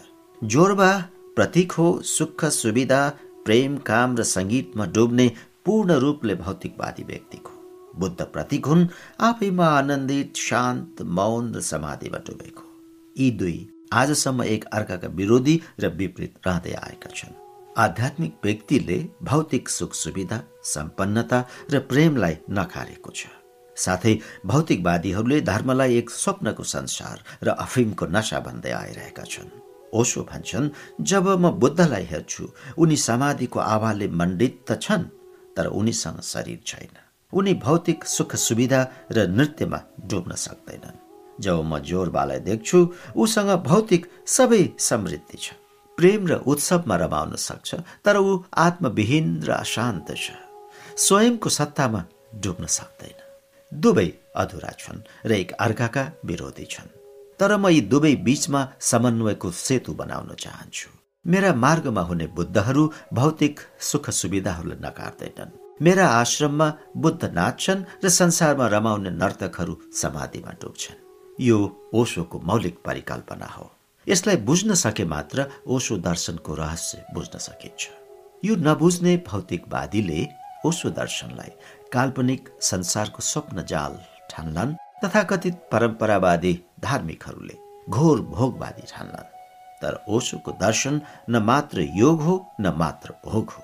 न भोगवादी हो न त पलायनवादी न त रागी हो न त वैरागी। यो दर्शन हो वितरागी। यस्ता अनेक दुर्लभ गुणहरूले गर्दा अन्य सबै बुद्ध पुरुषहरूमा पनि ओशो अद्वितीय छन्। जति जति मनुष्यताले पूर्वाग्रह छोड्दै जाने साहस जुटाउँदै जान्छ। ओशो त्यति त्यति सान्दर्भिक हुँदै आउनेछन्। विद्रोह र साहसको दीप। एकपटक ओसोलाई मैले सोधेको थिएँ बुद्धले प्रवचनमा आफ्ना अनेक विगत जन्मको चर्चा गर्नु भएको छ जुन जातक कथामा संग्रहित छ।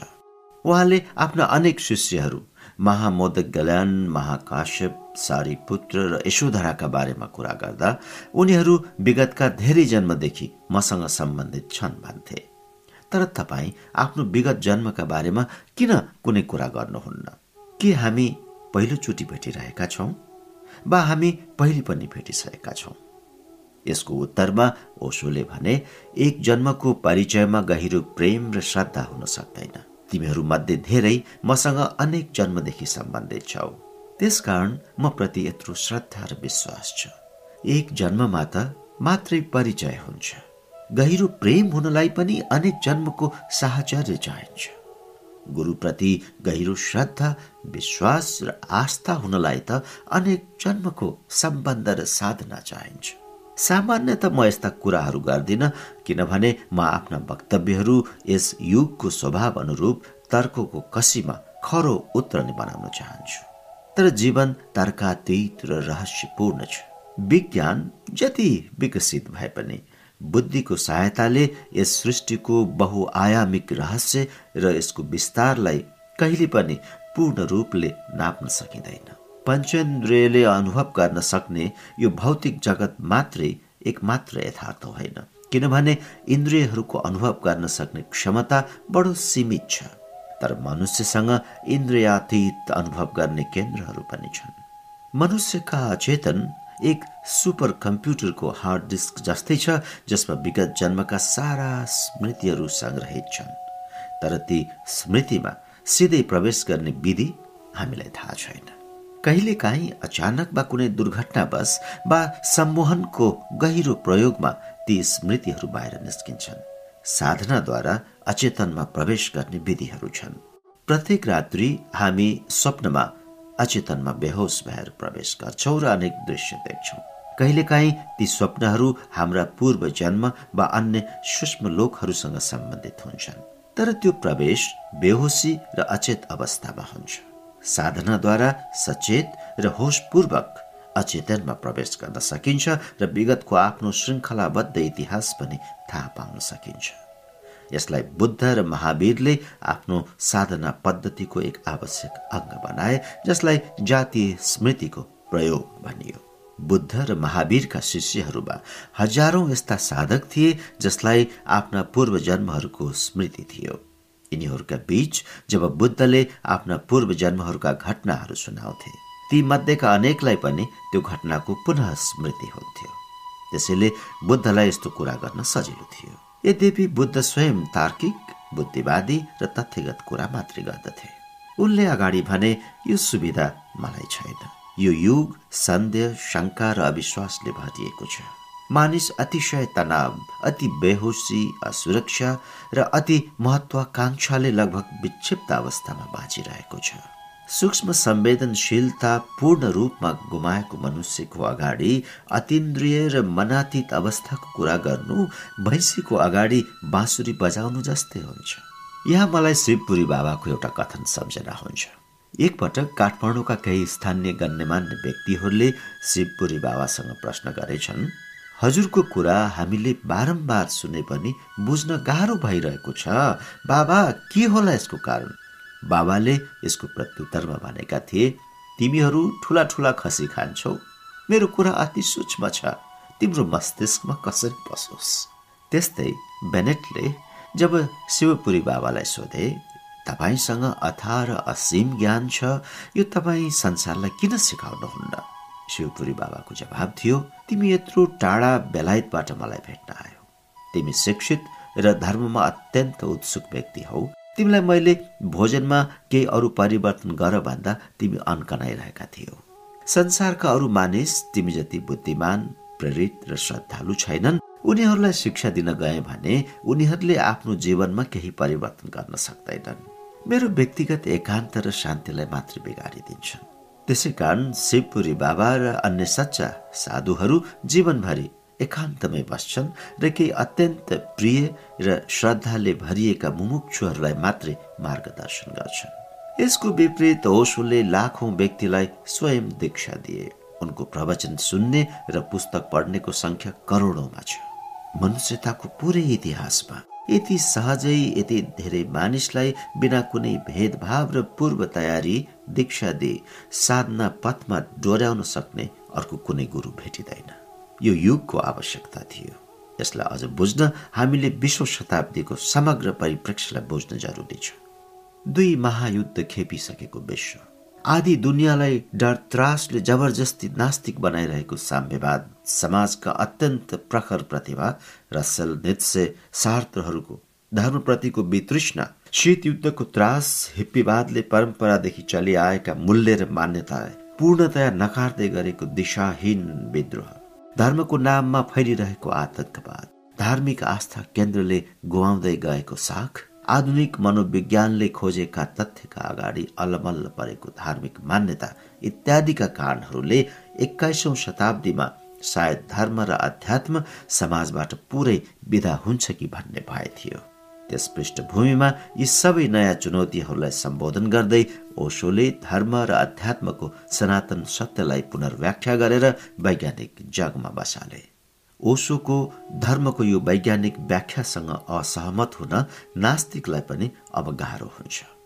ओसोले नास्तिकता र विज्ञानको भवनमा धर्म ध्वजा फहराए। परिवारमा यसलाई पुर्याए घरमा मन्दिर र बजार तथा संसारमा वैराग्य र सन्यासलाई प्रतिष्ठापित गर्ने अथक प्रयास गरे।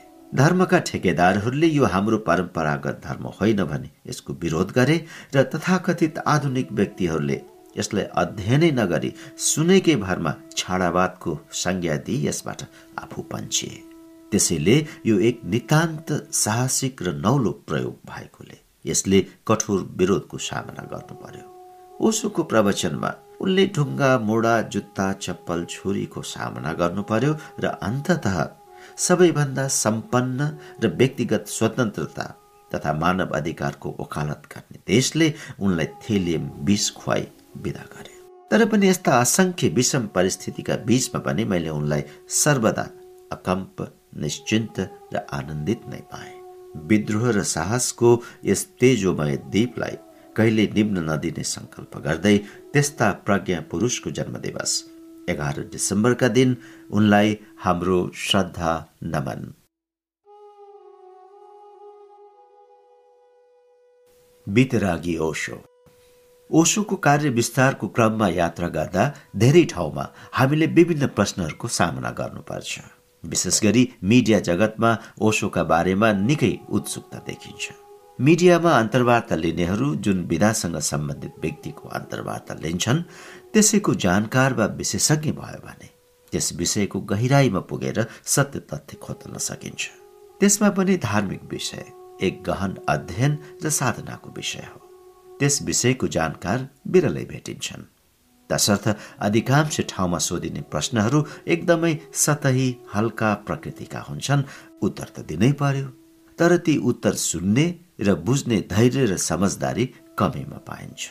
जहाँ गए पनि ओसोका बारेमा यस प्रकारका प्रश्नहरू नै प्राय उठाइने गरेको पाएको छु। प्रश्न के ओसो धनीहरूका मात्र गुरु हुन्? उत्तर कुनै पनि गुरुले शिष्यको आर्थिक स्थिति हेर्दैन उसको जिज्ञासा र अभिप्सा हेर्छ। सुरुका दिनमा ओसोले जब आफ्नो कार्य प्रारम्भ गरे उनका आग्नेय विचारहरूप्रति आकृष्ट हुने पहिलो समूह हामी जस्तै युवा र विद्यार्थीहरू थिए।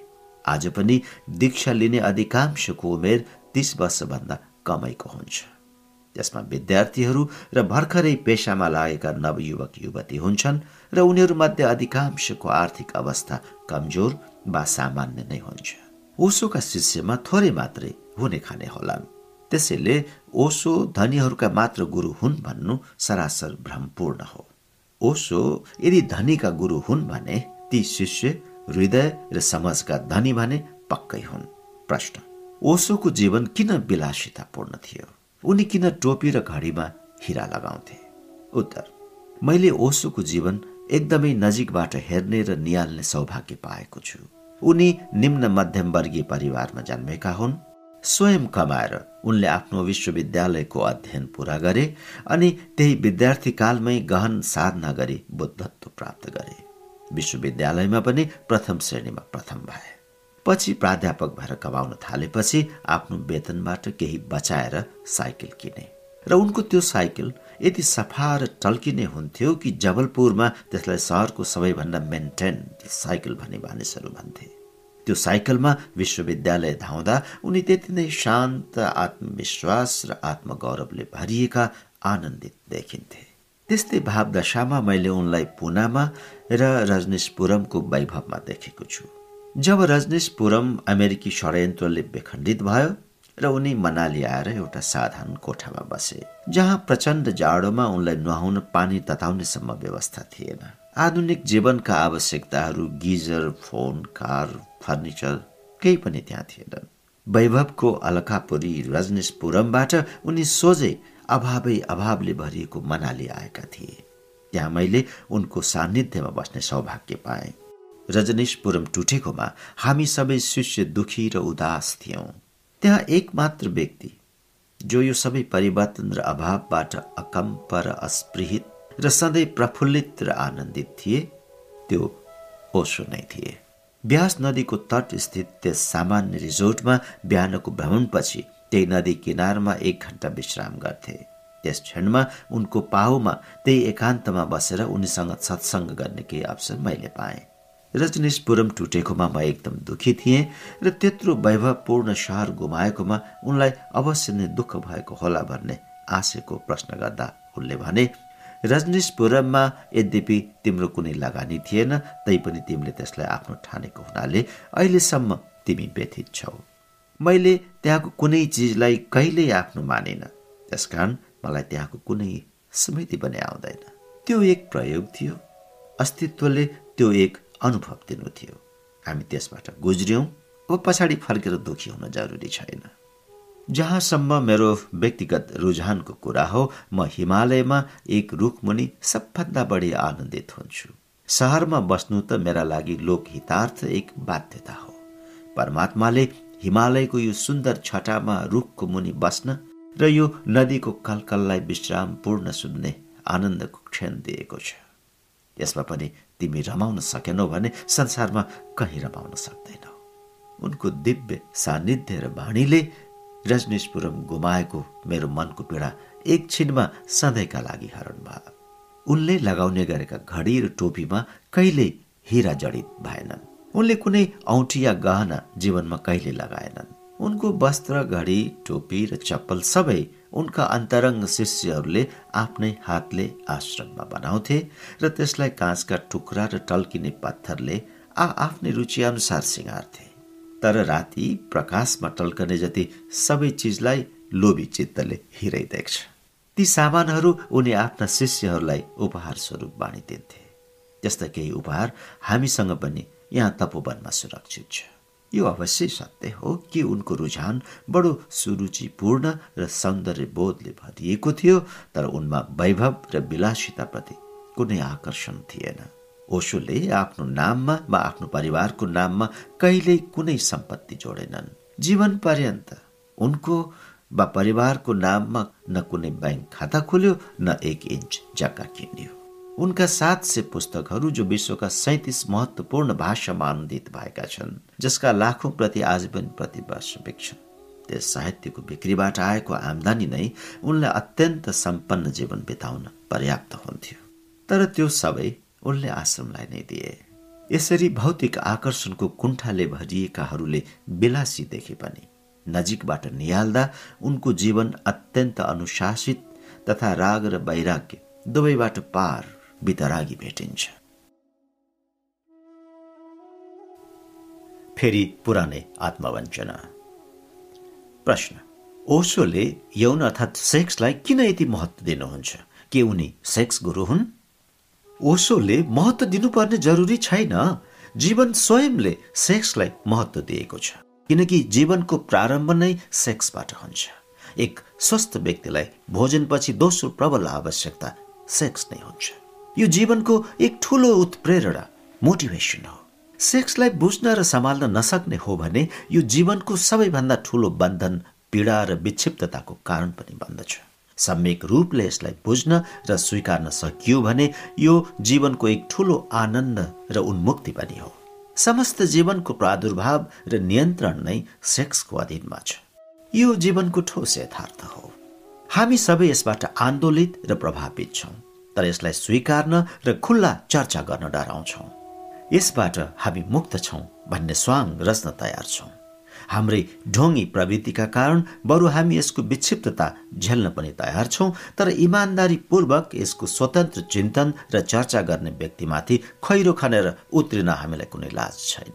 यस्तै निर्लज पाखण्डको कुण्ठाले ग्रस्त मनुष्यतालाई त्यसबाट मुक्त गर्न आध्यात्मिक जगतमा पहिलो दुस्साहस ओसोले गरेका हुन्। ओसोले मनुष्य जीवनका सबै महत्वपूर्ण आयामहरू आफ्ना प्रवचनमा छोएका छन्।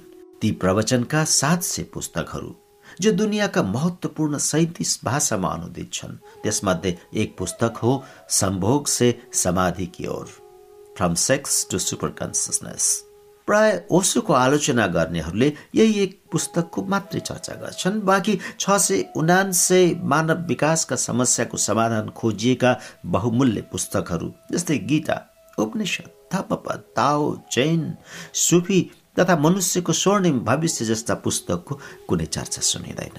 यस्तो लाग्छ कि मनुष्य आफ्नो विकासमा त्यति उत्सुक छैन। उसको उत्सुकता मात्र ऊ भित्र दमित कामप्रति छ। यसमा दोष कसको छ? ओसोको या कामप्रति हाम्रो अबुझ र अतृप्त कुण्ठको। त्यस पुस्तकको पुरा नाम हो सम्भोगदेखि समाधिसम्म। तर त्यसको गन्तव्य समाधि कसैले सुन्दै सुन्दैन। सबैको एउटै रुचि छ एउटै रटान छ सम्भोग। यसरी आलोचना गर्नेहरूले पनि त्यो पुस्तक राम्रोसँग नपढिकनै वा पढ्दै नपढिकनै मात्रै सम्भोग भन्ने एक शब्दले सुरुमै चिडिएर आफ्नो पूर्वाग्रही धारणा ओकलेको पाइन्छ। वास्तवमा यो पुस्तक काम ऊर्जालाई प्रेम करुणा प्रार्थना र अन्त्यमा समाधिमा रूपान्तरण गर्ने तन्त्रको गुह्य विज्ञान समेटिएको महत्वपूर्ण पुस्तक हो। ओशोले जति ध्यान समाधि र निर्वाणको चर्चा र व्याख्या गर्नुभएको छ त्यति अरू कुनै विषयको चर्चा गर्नुभएको छैन। ध्यानका तीन सय भन्दा बढी नयाँ र वैज्ञानिक विधिहरू खोजेर र संसारका सबै धर्म ग्रन्थहरूको वैज्ञानिक विश्लेषण गरेर ओशोले मनुष्यतालाई ठूलो गुण लगाएका छन्। तर आश्चर्यको कुरा के भने यी सबै तथ्यप्रति सामान्य जन र संचार जगतको कुनै उत्सुकता देखिँदैन। उनको पुरा परिचय एक पुस्तकको आदि शीर्षकसँग मात्रै जोडेर हेरिन्छ। विश्वविद्यालयबाट प्राप्त प्रमाणपत्रहरूले प्राय आफूले बोकेर ल्याएकै पूर्वाग्रह र अहङ्कारलाई झन् चाम्रो बनाइदिन्छ। मनको पूर्वाग्रहप्रति सचेत भई कुनै नवीन कुरालाई सम्यक रूपले बुझ्ने र तर्कको कसौटीमा मूल्याङ्कन गर्ने क्षमता नै वास्तविक शिक्षा हो। धर्म र साधनाको आयामलाई बुझ्न ध्यान र आत्म अनुशासन आवश्यक हुन्छ। यसमा पनि ओसो जस्तो रहस्यदर्शी र बहुआयामिक व्यक्तित्वबाट भएको आध्यात्मको समसामयिक व्याख्या बुझ्ने अपेक्षा म बहुसङ्ख्यक मनुष्यबाट राख्दिन। तर उनका सामाजिक आर्थिक शैक्षिक र मनोवैज्ञानिक विश्लेषणहरू मात्रै कसैले खुला मनले पढ्यो भने उनको प्रज्ञा र मौलिक प्रतिभाको विलक्षण गहिराईबाट ऊ पक्कै पनि विस्मित र अनुग्रहित हुनेछ। हाम्रा नैसर्गिक वृत्तिहरू प्रकृति प्रदत्त हुन् तर यस्ता वृत्तिहरूलाई कुण्ठित गर्ने र स्वस्थ रूपले व्यक्त गर्ने कुरामा व्यवधान भयो भने मानिस दुखी क्रोधी र विक्षिप्त हुन्छ। युद्धमा लड्ने सिपाहीको यौनलाई दमित गरेर क्रोधमा परिवर्तित गर्नुपर्छ। नत्र आफ्नो परिवार र बालबच्चासँग सुखी बसिरहेको मानिसले अर्काको परिवार उजाड्न सक्दैन। त्यसकारण युद्ध पिपासुहरूले सैनिकलाई घरमा बस्न दिँदैनन्।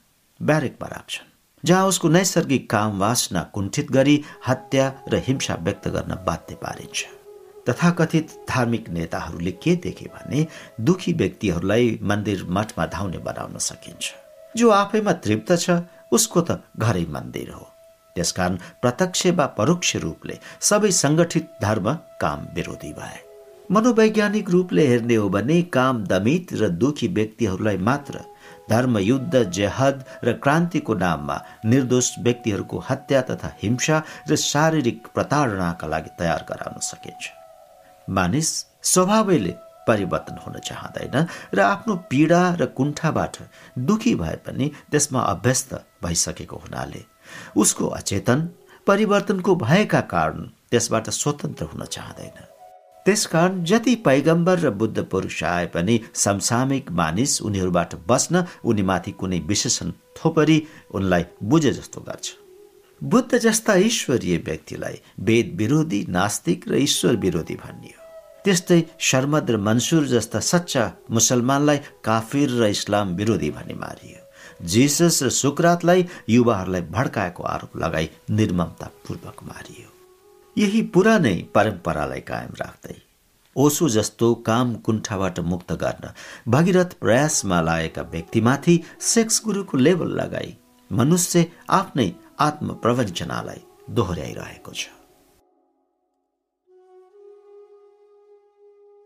विलक्षण पुस्तक अनुरागी ओशो ओशो संसारमा सबैभन्दा बढी पुस्तक पढ्ने व्यक्तिका रूपमा चिनिनुहुन्छ। आफ्नो जीवनकालमा उहाँले प्रत्येक सप्ताह लगभग एक सयवटा किताब पढ्नुभयो। अहिले पनि पुनः स्थित उहाँको व्यक्तिगत पुस्तकालयलाई संसारको सबैभन्दा ठूलो व्यक्तिगत पुस्तकालयको दर्जा प्राप्त छ जसमा करिब एक लाख बिस हजार पुस्तकहरू संग्रहित छन्। यो संग्रहमा दर्शन धर्म मनोविज्ञान साहित्य इतिहास कला राजनीति काव्य जस्ता विविध विषयहरू पर्दछन्। हुन त अरू पनि धनाढ्य व्यक्तिहरूले संग्रह र शोभाका लागि भए पनि आफ्नो व्यक्तिगत पुस्तकालयमा किताबहरू जम्मा गरेका पाइन्छ त ती सबै किताब पढिँदैनन्। अमेरिकी रेलवे टाइकुन हेनरी अल्बर्ट हटिङटनको पुस्तकालयमा एक लाख पुस्तक संग्रहित छन् तर उनले ती मध्ये अधिकांश पुस्तक भने पढेका छैनन्। ओशोको पुस्तकालयमा संरक्षित प्रत्येक पुस्तकलाई ओशोले राम्रोसँग पढ्नु भएको छ। ती पुस्तकहरूमा नोट टिपोट गरिएका छन् अन्डरलाइन गरिएको छ र पुस्तक समाप्त गरिसकेपछि त्यो दिनको मिति सहित उहाँको दस्तखत छ। पुस्तकालयमा संरक्षित हुन नसकेका तर ओशोद्वारा पढिएका लगभग अस्सी हजार पुस्तक अरू पनि छन्। यी पुस्तक ओशोले संग्रह गर्न लायक ठान्नु भएन। आवास स्थानान्तर गर्दा स्थानीय व्यक्ति वा पुस्तकालयलाई दान र उपहार दिनुभयो। पचास वर्षको उमेर पुगेपछि सन् उन्नाइस सय एकासीतिर आएर ओशोले पुरै पढ्न छोड्नुभयो। उहाँले एक अन्तर्वार्तामा भन्नुभएको छ कुनै समयमा एक हप्तामा दुई सय किताबसम्म पढ्थे। सुरुका दिनमा छोराको पुस्तक प्रेमबाट संग्रहित पुस्तकको संख्या आकाशीबाट चकित ओशोका बुवाले भन्ने गर्थे पहिले हाम्रो घरमा एउटा पुस्तकालय थियो अब पुस्तकालयमा हाम्रो घर छ। आजभन्दा एकचालिस वर्ष पूर्व मैले ओशोलाई भेट्दा उहाँ दिनमा लगभग दसदेखि पन्ध्र पुस्तक पढ्नुहुन्थ्यो। छेउमा बसेर हेर्दा लाग्थ्यो किताब नपढेर उहाँ मात्र पाना पल्टाइ अघि बढिरहनु भएको छ। तर आफ्ना धारा प्रवाह प्रवचनमा पुस्तकका तथ्यहरू सन्दर्भ सहित बिना कुनै नोट सुरुचिपूर्ण उल्लेख गर्न सक्ने अद्भुत क्षमता ओशोमा थियो। यस्तै अद्भुत स्मरण शक्ति स्वामी विवेकानन्दसँग पनि थियो। अमेरिका प्रवासका दौरानमा प्रोफेसर पल डासनले स्वामीजीलाई आफ्नो निवासमा बोलाएका थिए। स्वामीजीलाई एक काव्य ग्रन्थको पाना पल्टाइरहेको प्रोफेसरले देखे।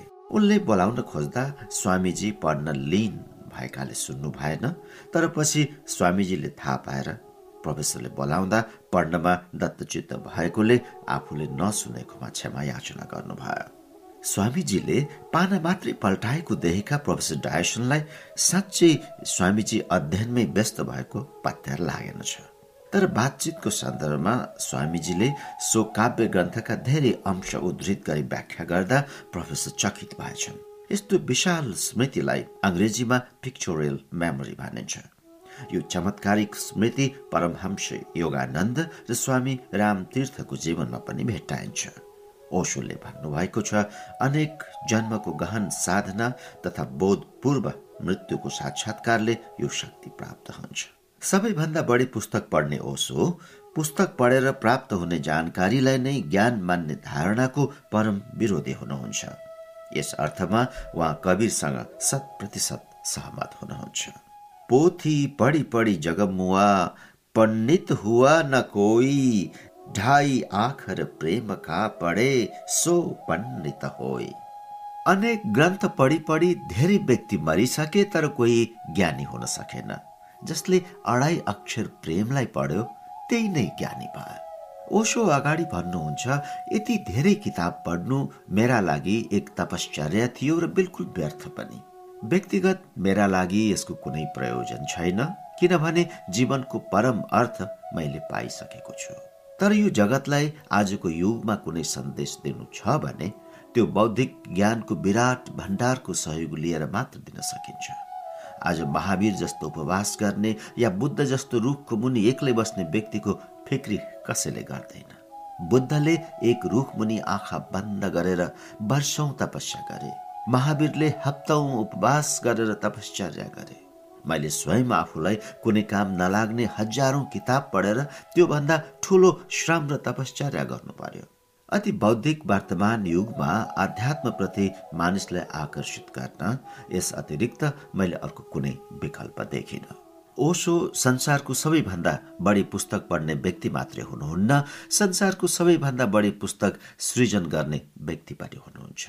मूलत उहाँका चार सय पुस्तक अङ्ग्रेजीमा र तीन सय हिन्दीमा रचित छन्। यी सात सय पुस्तक विश्वका त्रिसठी महत्वपूर्ण भाषाहरूमा अनुदित छन्। विश्वमा प्रत्येक मिनट तीनवटा ओसोका पुस्तक बिक्री हुन्छन् र प्रत्येक दिन कुनै न कुनै भाषामा एक पुस्तक प्रकाशित हुन्छ भारतमा मात्र प्रत्येक वर्ष उहाँका दस लाख भन्दा बढी पुस्तक बिक्छन् जो भारतका तेह्र भाषाहरूमा अनुदित छन्। विश्वमा सबैभन्दा बढी अडियो बुक कसैको बिकेको छ भने त्यो ओसोको नै हो। यस अतिरिक्त ओसो प्रवचनका तीन हजार घण्टा भिडियो प्रवचन पनि उपलब्ध छन्। आफूले पढेका दुई लाख पुस्तक मध्ये एक सय सडसठीवटा पुस्तकलाई उहाँले अति प्रिय मान्नु भएको छ। ओशोको एक प्रसिद्ध पुस्तक छ the books I have loved जसमा आफ्नो जीवनको पुस्तक प्रेमको रोमाञ्चकारी वर्णन आफूद्वारा चुनिएका पुस्तक र तिनका रचयिताको बारेमा रोचक विचार पढ्न सकिन्छ। यो पुस्तक ओसोले द वे अफ जेनका लेखक एलेन वार्सलाई समर्पित गरेका छन् जसले पूर्व र पश्चिमलाई जोड्ने आध्यात्मिक सेतुको निर्माणमा ठूलो भूमिका खेलेका थिए। ओसोको विचारमा एलन वाट्स कुनै बुद्ध होइनन् तर बुद्धत्वको नजिक छन् र कुनै दिन अवश्य नै बुद्ध हुनेछन्। कुनै बेला उनी इसाई पादरी थिए तर त्यो पद छोडिदिए। धर्मगुरुको पद छोड्ने साहस बिरलै व्यक्तिसँग हुन्छ। किनभने यो पदसँग धेरै सांसारिक सुविधा र आदर स्वत प्राप्त हुन्छन्। ओसो भन्नुहुन्छ एलन वाट्स अत्यन्त प्रतिभाशाली थिए। साथै ठुला जड्या पनि। उनको विलक्षण प्रतिभा र अति शराब प्रेमको संयोगले उनको किताबलाई रसपूर्ण बनाइदिएको छ। ओसोका सात सय पुस्तक मध्ये तीन पुस्तक ओसोले अत्यन्त अनौपचारिक परिवेशमा आफ्ना तीन अन्तरङ्ग शिष्यसँगको व्यक्तिगत भेटमा डिक्टेट गराउनु भएको हो। ती पुस्तकहरू हुन् the books I have loved notes of the mad man र glimpses of the golden childhood यी तीन पुस्तकमा ओसोलाई नितान्त भिन्न शैली भाषामा भेटाउन सकिन्छ।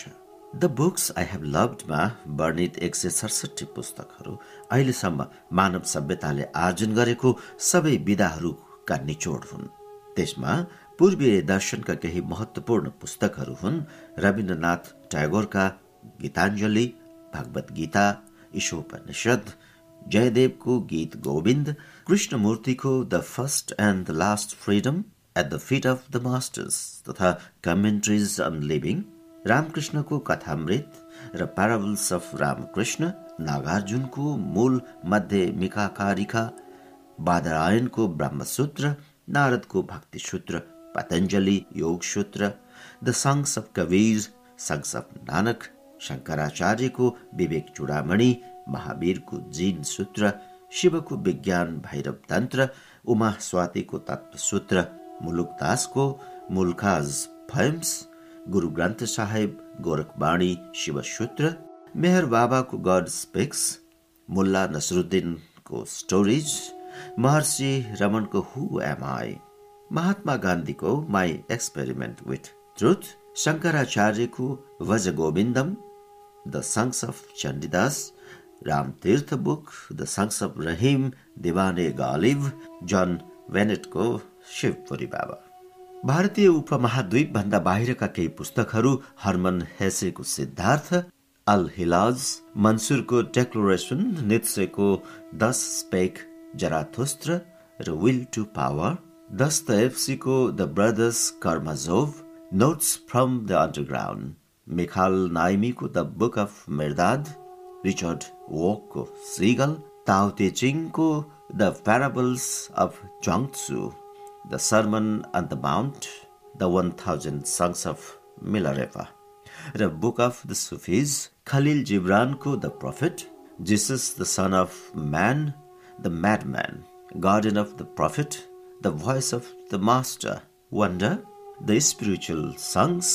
prose and poems thoughts and meditation the book of Lieh Tzu Omar खयामको Rubaiyat गुर्जिएभको all and everything Aspens, Kiko, The Search of Miracles र Tertium Argenum, T.D. Suzuki-को Jain and Japanese Culture, Quran, Stories of Walsam Tov, George Bernard Shaw-को Maxims of a Revolutionary, Idris Saha-को The Sufis, Martin Heidegger-को Time and Being, Colin Wilson-को The Outsider, Karl Marx-को The Communist Manifesto, Das Kapital, Sigmund Freudको lectures on psychoanalysis, Leo Tolstoyको Resurrection, War and Peace, Anna Karenina, Gorkyको Mother, Turgenevको Fathers and Sons, Arvind Ednalको Light of Asia, Paul Reevesको Jen Flesh, Jen Bone,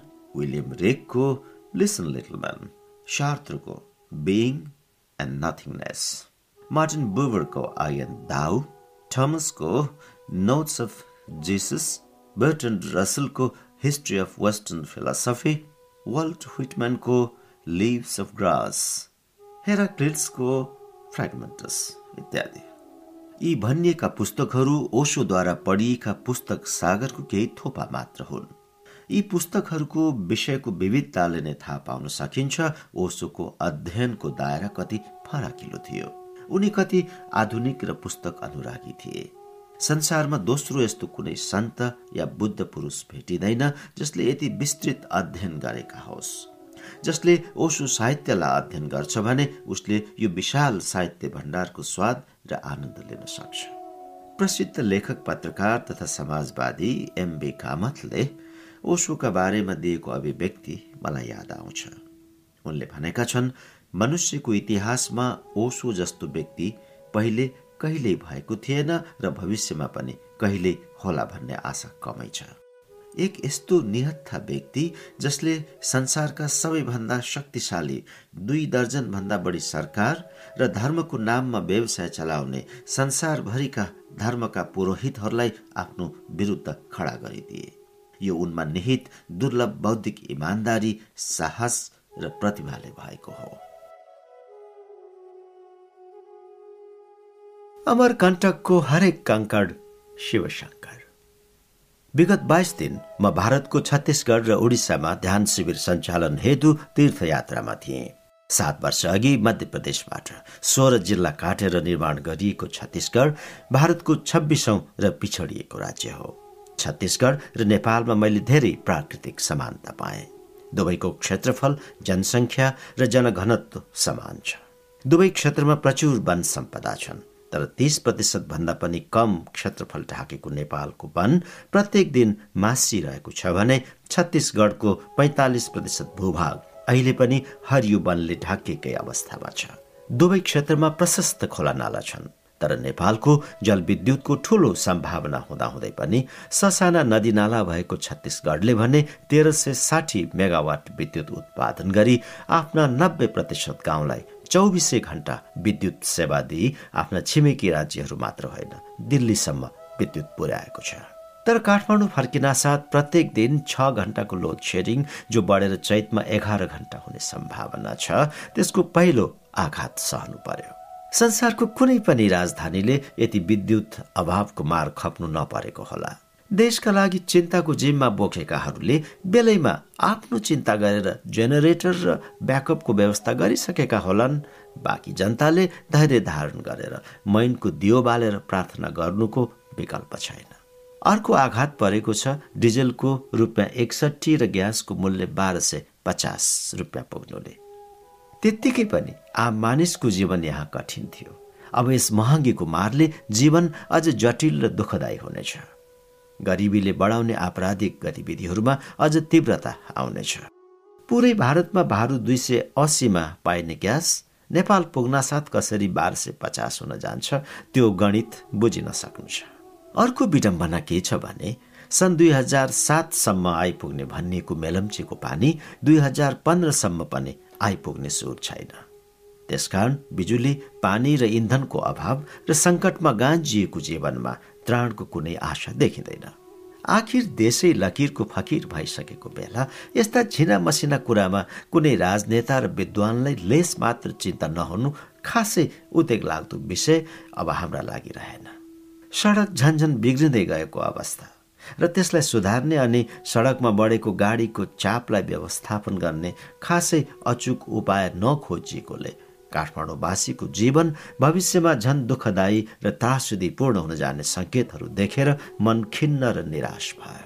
जस्तो सुकै विषम परिस्थितिमा पनि आपसी सद्भाव र मिलापमा बस्दै आएका सोझा साझा नेपालीको जीवनमा क्षेत्रीय र जातीय कटुताको झिल्को दन्किँदै राष्ट्रिय अखण्डतालाई नै भस्म पार्ने दिशातिर उन्मुख भइरहेको भयावह स्थिति देखेर पनि त्यस्तो स्थितिलाई साम्य पार्ने जिम्मेवारी बोकेकाहरूको कुम्भकर्णीय नेत्र शीघ्राति शीघ्र खुलोस् र यो दावा नल साम्य भई नाक नक्सा र छालाको रङको आधारमा भइरहेको विभेद अन्याय र हिंसा सधैँका लागि अन्त्य होस् भन्ने प्रार्थना हृदयमा जाग्यो।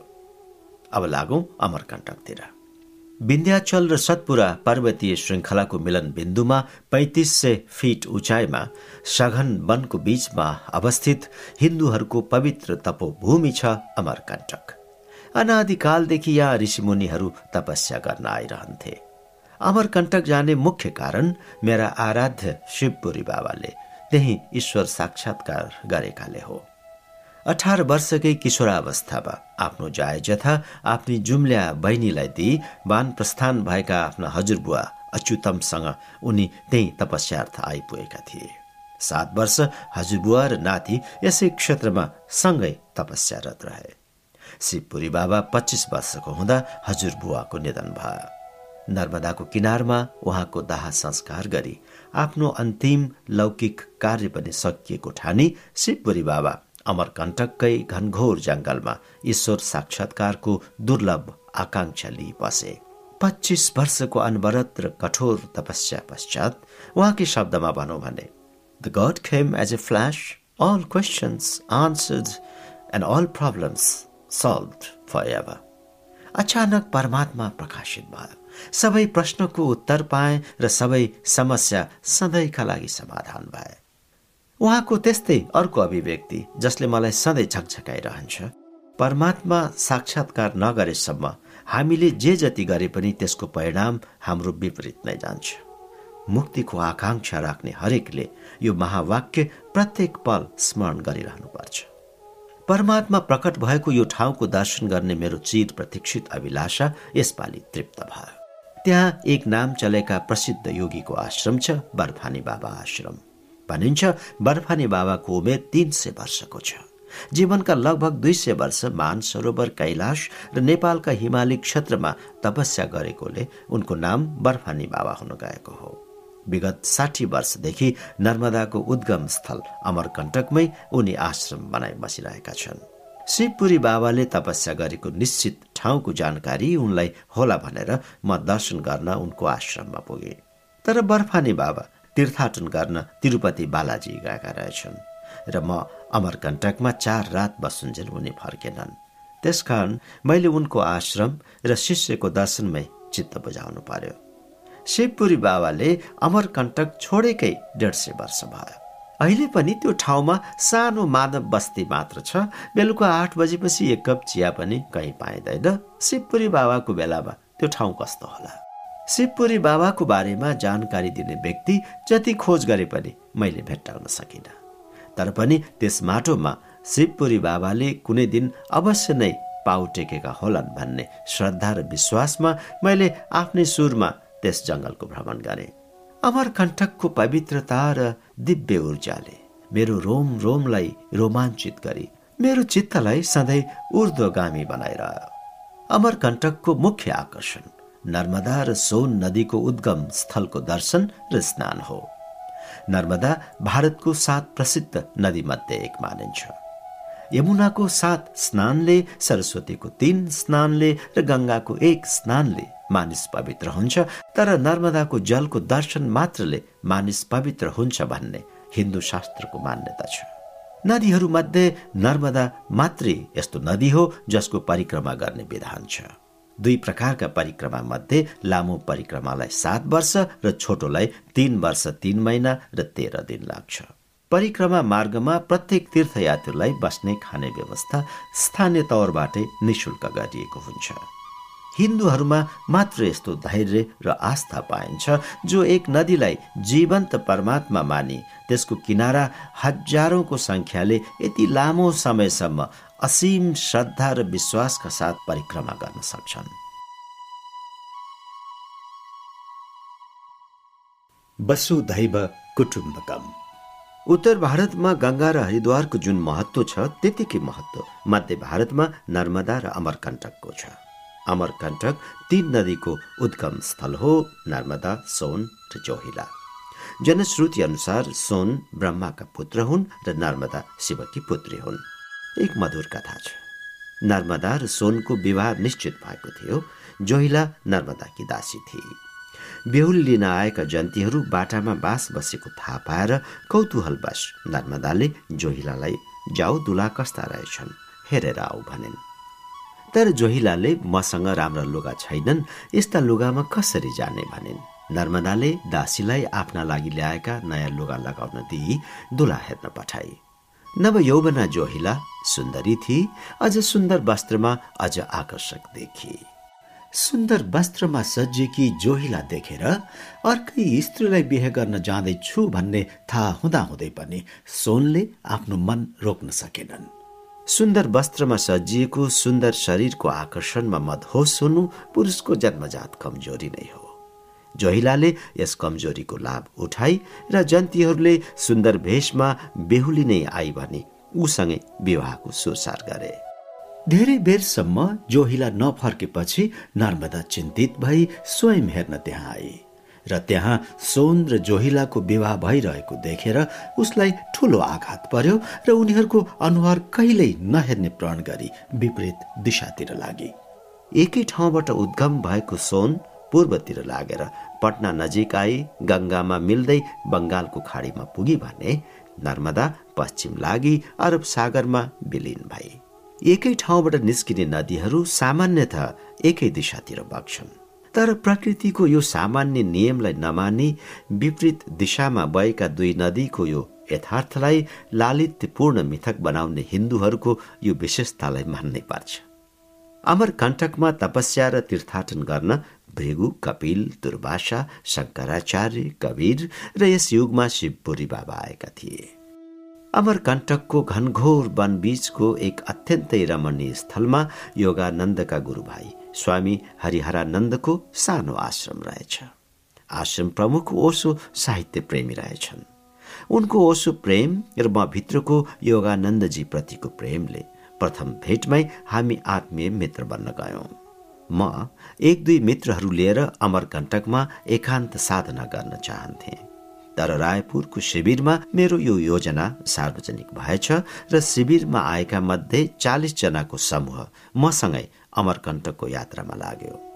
आश्रमका ती सहृदय मित्रले मसँगै आएको त्यत्रो मण्डलीलाई आवास र ध्यान कक्षको सुविधा प्रदान गरे। बिहान र बेलुका हामी साधना र परिचर्चा गर्थ्यौं जसमा त्यहाँ अवस्थित अन्य आश्रमका सदस्यहरूले पनि भाग लिन थाले र ओशुप्रतिको उनका मनमा उठेका जिज्ञासाहरूको समाधान गर्ने अवसर मिल्यो। हाम्रा प्रवासका चार दिन पुरै अमरकण्टक ओशोमय भयो र त्यहाँ अर्को वर्ष साधना शिविर सञ्चालन गर्ने निमन्त्रणा पनि प्राप्त भयो। यसपालिको प्रथम यात्रामा अमरकण्टकमा अनेक साधकहरूसँग मेरो गहिरो आत्मीयता बस्न गयो। त्यो पवित्र तीर्थले मलाई सधैँ प्रेरणा र शक्ति दिइरहनेछ। अमरकण्टक पछिको हाम्रो अर्को साधना शिविरको गन्तव्य थियो बंगालको खाडीको तटमा अवस्थित हिन्दूहरूका चार धाम मध्येको एक जगन्नाथपुरी।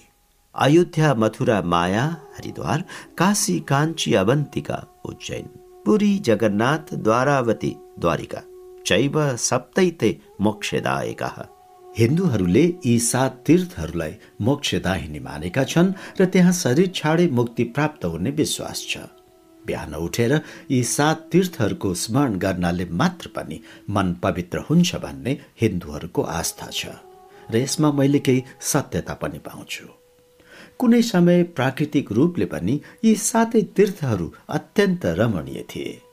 हिन्दूहरूको तीर्थस्थानको चयन अत्यन्त सौन्दर्य बोधले भरिएको हुन्छ। नदी नाला जङ्गल पर्वत र सागरको तटमा उनले आफ्ना तीर्थको निर्माण गरेका छन् जहाँ पुग्न साथै मन त्यसै रमाउँछ। पर्यावरणको विनाशले हाम्रो पृथ्वी नै विनष्ट हुने सम्भावना बढ्दै गएको छ। बढ्दो अन्धाधुन्द शहरीकरण र प्रदूषणबाट यी तीर्थहरू पनि अब अछुत रहेनन्। तर तुलनात्मक रूपमा जगन्नाथपुरीको स्थिति अहिले पनि राम्रै छ। पुरी रेलवे स्टेसनमा ओर्लने बित्तिकै शान्ति र आनन्दको तरङ्गले हृदय घेरिन्छ। पवित्र ऊर्जाको यस्तो घनीभूत अनुभूतिको अर्को कारण के हो भने यहाँका पाइला पाइलामा कुनै न कुनै सिद्धको समाधि साधना स्थली आश्रम वा मन्दिर छन्। हिन्दू तीर्थहरूको दुखद पक्ष हो तीर्थहरूमा आक्रामक र लोभी पण्डाहरूको बाहुल्य। यस रोगले पुरी र भुवनेश्वरका पुराना हिन्दू मन्दिरहरू आक्रान्त छन्। भावुक र संवेदनशील हृदय लिएर गएका भक्तहरू पण्डाहरूद्वारा हुने दुर्व्यवहारले बडो आहत र मर्माहत हुन्छन्। मलाई लागेको हिन्दू मन्दिरको दोस्रो दुखद पक्ष हो छालाको रङको आधारमा विभेद। न्युयोर्क र लन्डनमा पनि जगन्नाथको रथयात्रा निकाल्ने। इस्कोन र वैष्णव सम्प्रदायका साहसी विदेशी भक्तहरू प्रवेश निषेध भए। मन्दिरको बाहिरी ढोकाबाटै सजल नेत्रले दण्डवत गरेको देख्दा मेरो मनमा विद्रोहको भाव तरङ्गित भयो। मन्दिरमा कुकुर बिरालो मुसा बाँदरले चाहिँ हाली मुहाली गर्न पाउने। तर तथाकथित अछुत पानी नचल्ने साथै म्लेक्ष भनिएका हिन्दूहरूले प्रवेश नपाउने तर जगन्नाथ सारा जगतका नाथ हुन्। भक्तका प्रार्थना जहाँबाट उठे पनि अवश्य नै सुन्लान्। यहाँ पशुपतिमा पनि फिजी र इन्डोनेसियाका हिन्दूहरू छालाकै रङको आधारमा प्रवेश पाउँदैनन्। हिन्दूहरूलाई मात्र प्रवेश भनी मूलद्वारमा लेखेको भए पनि शरीरको रङले हिन्दू जस्तै देखिने गैर हिन्दूले प्रवेश पाइरहेको अवस्थामा हिन्दू धर्म अप्नाएका विदेशमा जन्मेकाहरूले किन प्रवेश नपाउने? विदेश गएका मित्रहरूले देखेका होलान् कति कठोर सङ्घर्ष गरेर हिन्दूहरूका संस्कारलाई विपरीत पृष्ठभूमिमा पनि स्कुल लगायत पश्चिम पुगेका अनेकानेक हिन्दू धर्मका नयाँ प्रशाखाहरूले जीवन्त राखेका छन्। तिनीहरूलाई नि म्लेक्ष भनी नेपाल लगायत भारतका हिन्दू मन्दिरहरूमा प्रवेश रोक्दा यस्ता असंवेदनशील र दुराग्रही व्यवहारले हिन्दू धर्मको विस्तारलाई कति क्षति पुर्याएको छ भन्ने यसका महन्त र ठेकेदारहरूले बुझ्दैनन्।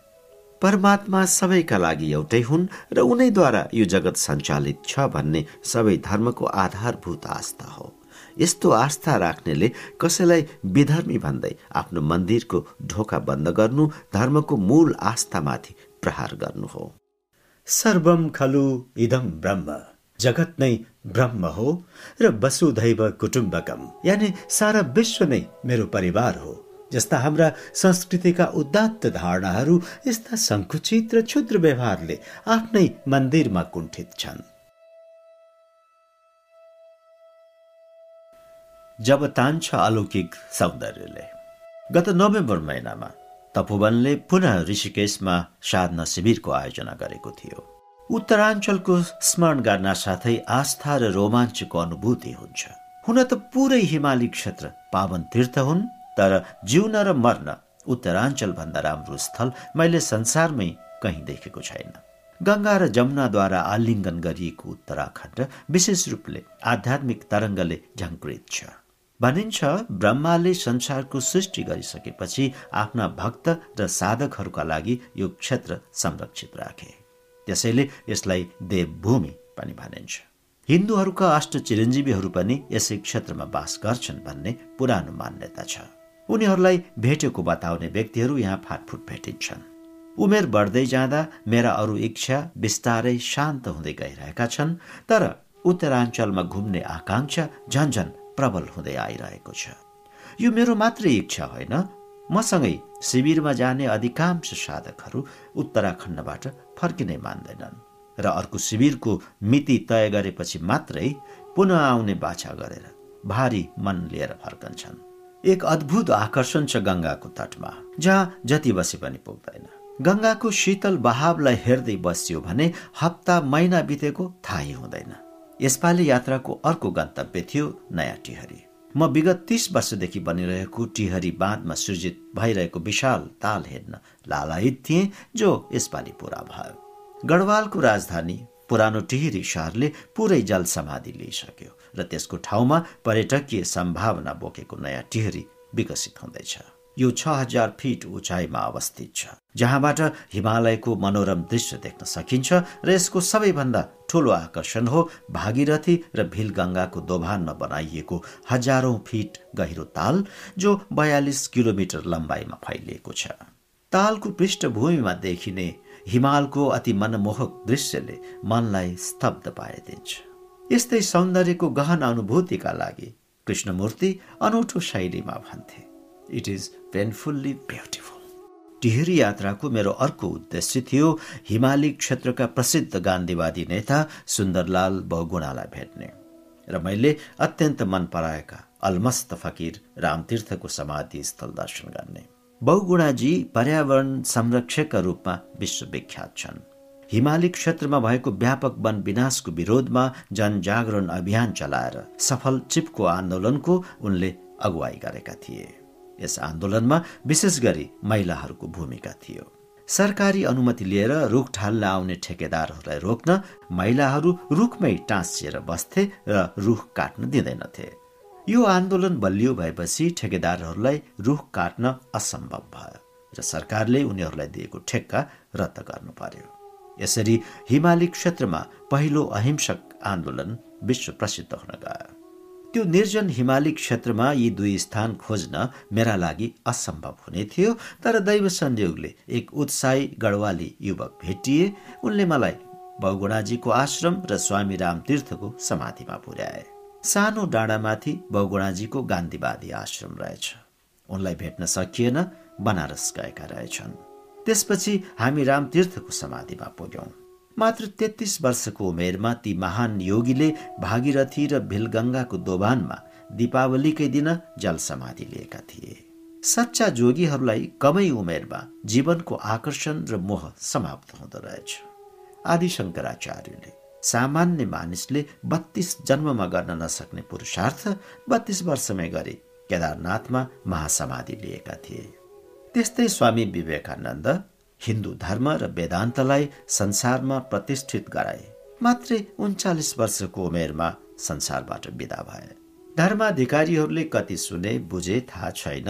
पर्वत नदीनाला र सागरले अवश्य सुने र त्यसको प्रतिध्वनि सारा संसारमा गुन्जियो जसले गर्दा आज इसाई धर्म सबैभन्दा ठुलो धर्म बनेको छ र संसारको हरेक तेस्रो व्यक्ति इसाई छ। ओशो र शिवपुरी बाबाको धारणा अनुसार सुली चढेपछिकै क्षण मात्रै जिससमा पूर्ण बुद्धत्व घट्यो। शुक्रबार अपरान्न सुलीमा चढाइएका उनलाई सूर्यास्त पूर्व नै जीवित उतारिएको थियो। यहुदीको पवित्र र विदाको दिन शनिबार पछि उनलाई पुनः सुलीमा चढाउने आयोजना थियो। यद्यपि उनी अत्यधिक रक्तस्रावका कारण बेहोस थिए र शरीरमा कमजोरी छाएको थियो। तर जुन गुफामा उनको शरीर राखिएको थियो त्यसको चौकीदार यहुदी नभई रोमन थियो। यही कारणले जिससलाई गुफाबाट बाहिर निकाल्न शिक्षकगणलाई सम्भव भयो। जिसस जुडियाबाट बाहिरिए।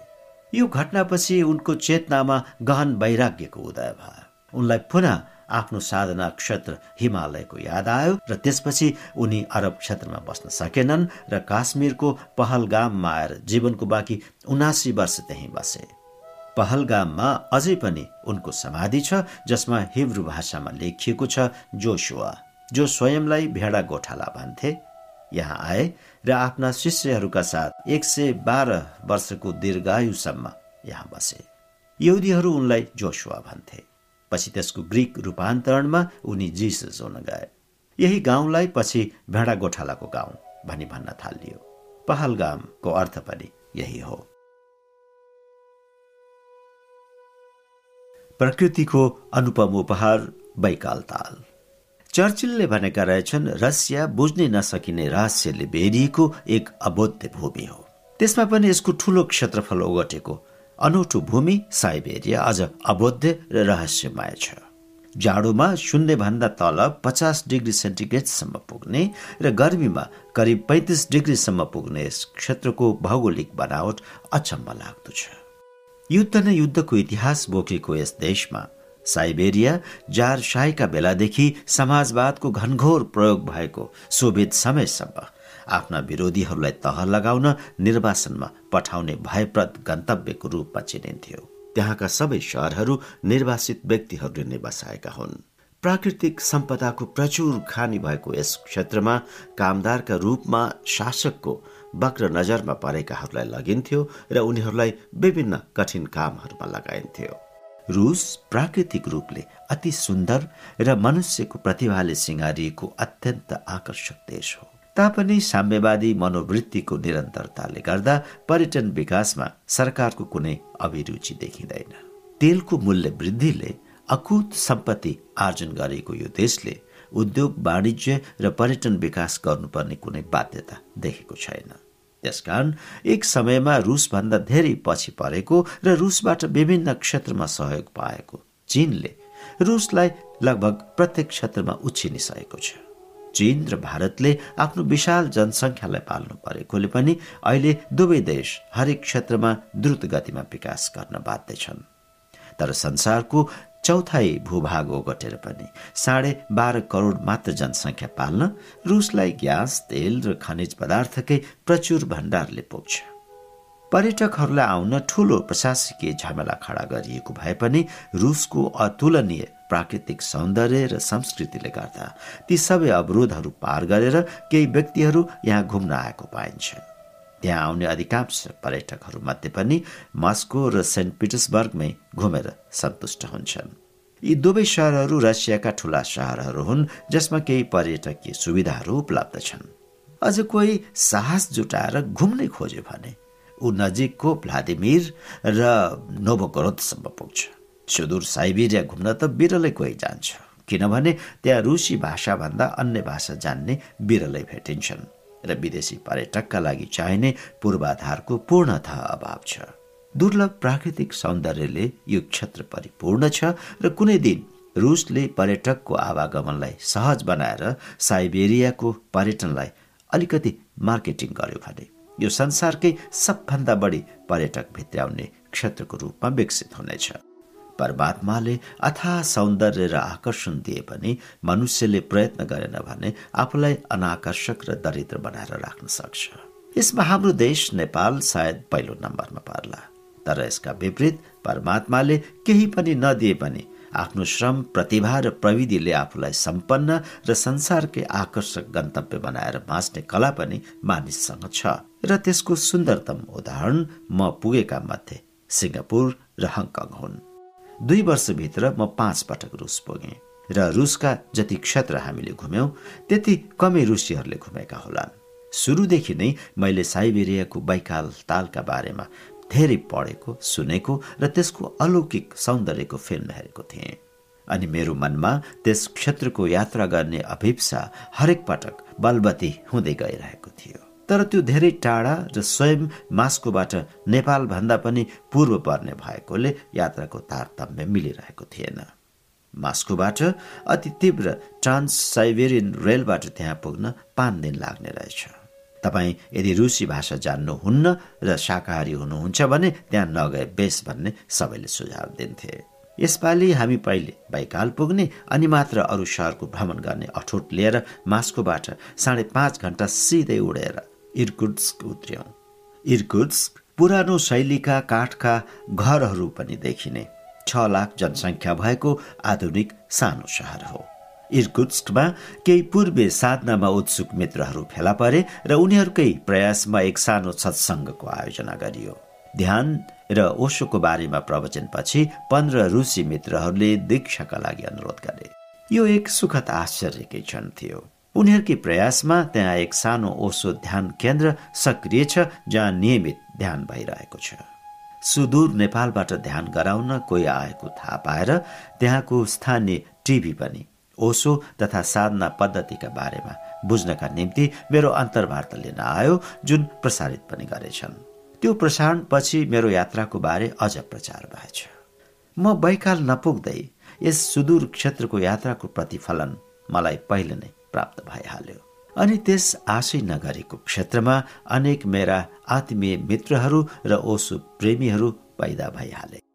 बैकाल ताल अति विशाल भएकोले त्यसको कुन किनारमा गएर बस्ने भन्ने निर्णय गर्नु पनि अप्ठ्यारै रहेछ स्थानीय मित्रहरूको सहायताले हामीले बैकाल ताल बीचमा अवस्थित अल्होन भन्ने टापुमा बस्ने निश्चय गर्यौं। सो टापु बहत्तर किलोमिटर लामो छ र बैकालको मुटु मानिन्छ। यो भौगोलिक ऐतिहासिक र पवित्र स्थान मानिन्छ। यो टापु धेरै कथा र मिथकको केन्द्र तथा बैकालको आत्माको वासस्थानको रूपमा प्रसिद्ध छ। यसका मुख्य रैथानेहरू शमन धर्म मान्ने बुरियातीहरू हुन्। यो धर्म मृतलोकका आत्मा तथा प्रकृतिको पूजा गर्ने। हाम्रो यहाँ भएको झाँक्री परम्परा जस्तै हो।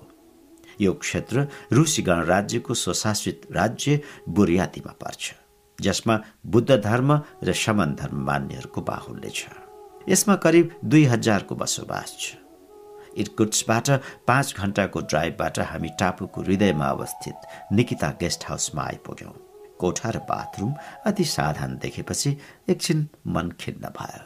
तर त्योभन्दा राम्रो त्यो क्षेत्रमा अन्य कुनै स्थान नभएकोले हामी त्यहीँ बस्ने निधो गर्यौँ। कुनै बेला रुसका टेबल टेनिसका च्याम्पियन तथा प्रकृति प्रेमी निकिता र उनकी सुन्दर पत्नी नथालिया मास्को कोलाहलमा बस्न नसकी सुदूर साइबेरियामा आई प्रकृतिको काखमा सानो गेस्ट हाउस चलाएर बसेका रहेछन्। यी दम्पति भद्र र सज्जन लागे। पैसा कमाउने व्यावसायिकता उनमा थिएन। हामी शाकाहारी हौ भन्ने थाहा पाएपछि शाकाहारी भोजनको पनि व्यवस्था गरिदिए। बेलुका हामी घुमेर फर्किँदा डाइनिङ हलमा एकडेनमा हिन्दी फिल्मी धुन बजेको सुन्यौँ। प्रत्येक रात्रि त्यहाँ पर्यटक र गेस्ट हाउसका मित्रहरू भेला भएर नाचगान गर्दा रहेछन्। सोभियत सङ्घमा कुनै बेला भारतीय फिल्महरू खुब लोकप्रिय थिए। पुराना पुस्ताले राज कपुर र त्यसपछिकाले मिथुन चक्रवर्तीलाई राम्रै चिन्ता रहेछन्। गेस्ट हाउसको वातावरण बडो सौहार्दपूर्ण थियो। लामो बस्ने पाहुनाहरूको पैसा कम भएमा भान्सामा खाना पकाउन र बाँड्ने कार्यमा सहयोग गरेर पनि बस्ने गर्दा रहेछन्। यस्ता केही युरोपेली दम्पतिहरू त्यहाँ सित्तैमा बसेका पनि देखिए।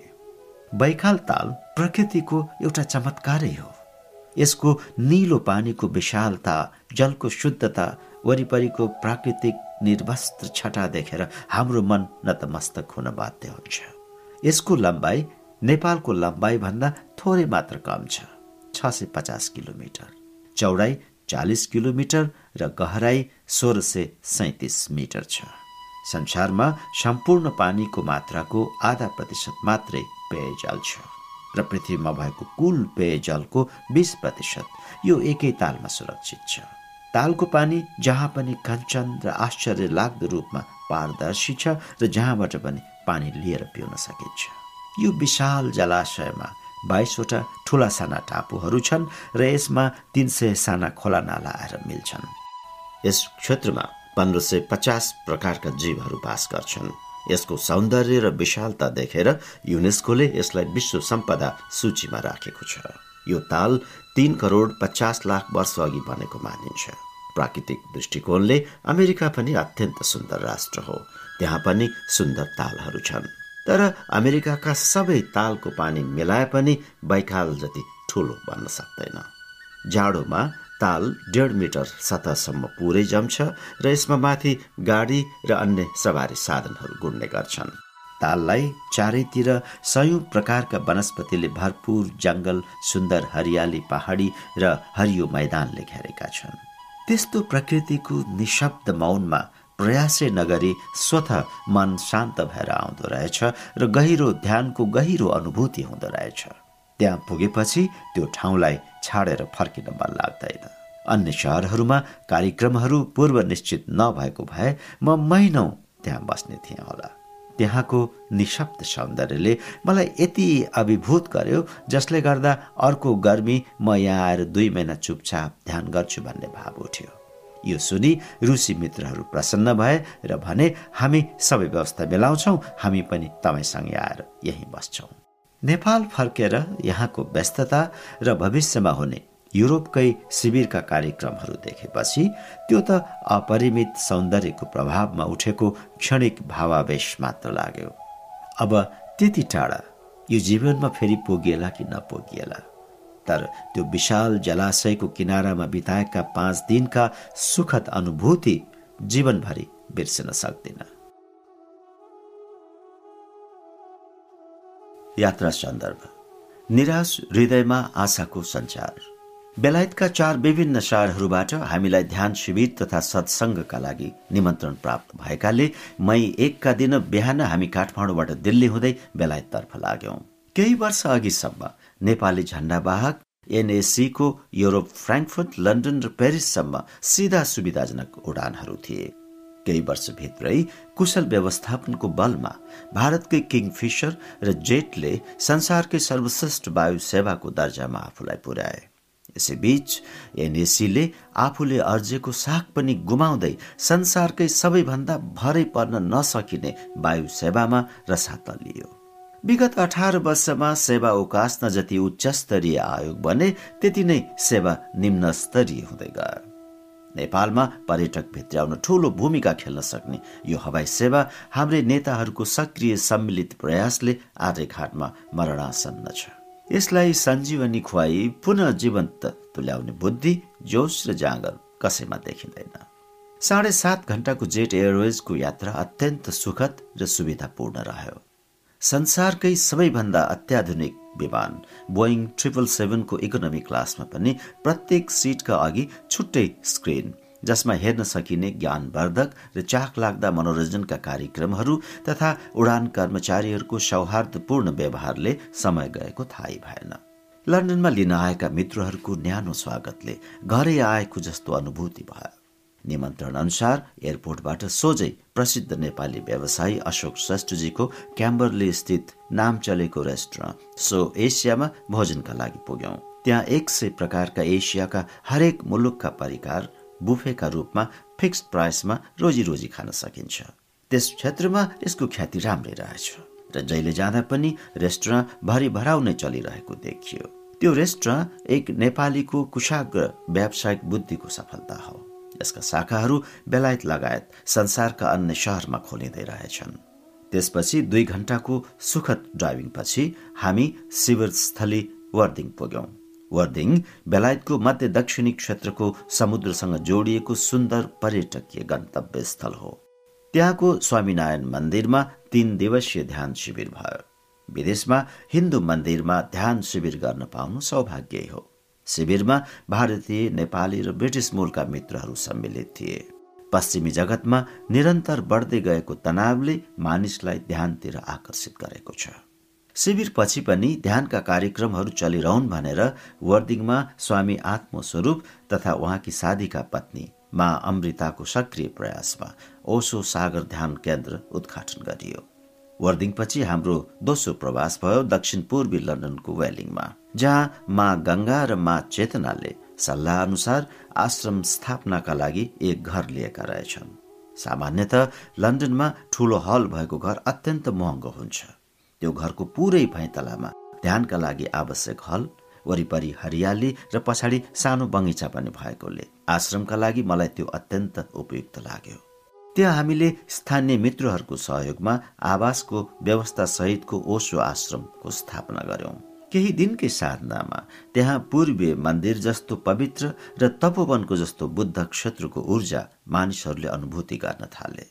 पश्चिमी जगतमा तपोवनले प्राप्त गरेको अहिलेसम्मको त्यो ठूलो उपलब्धि हो।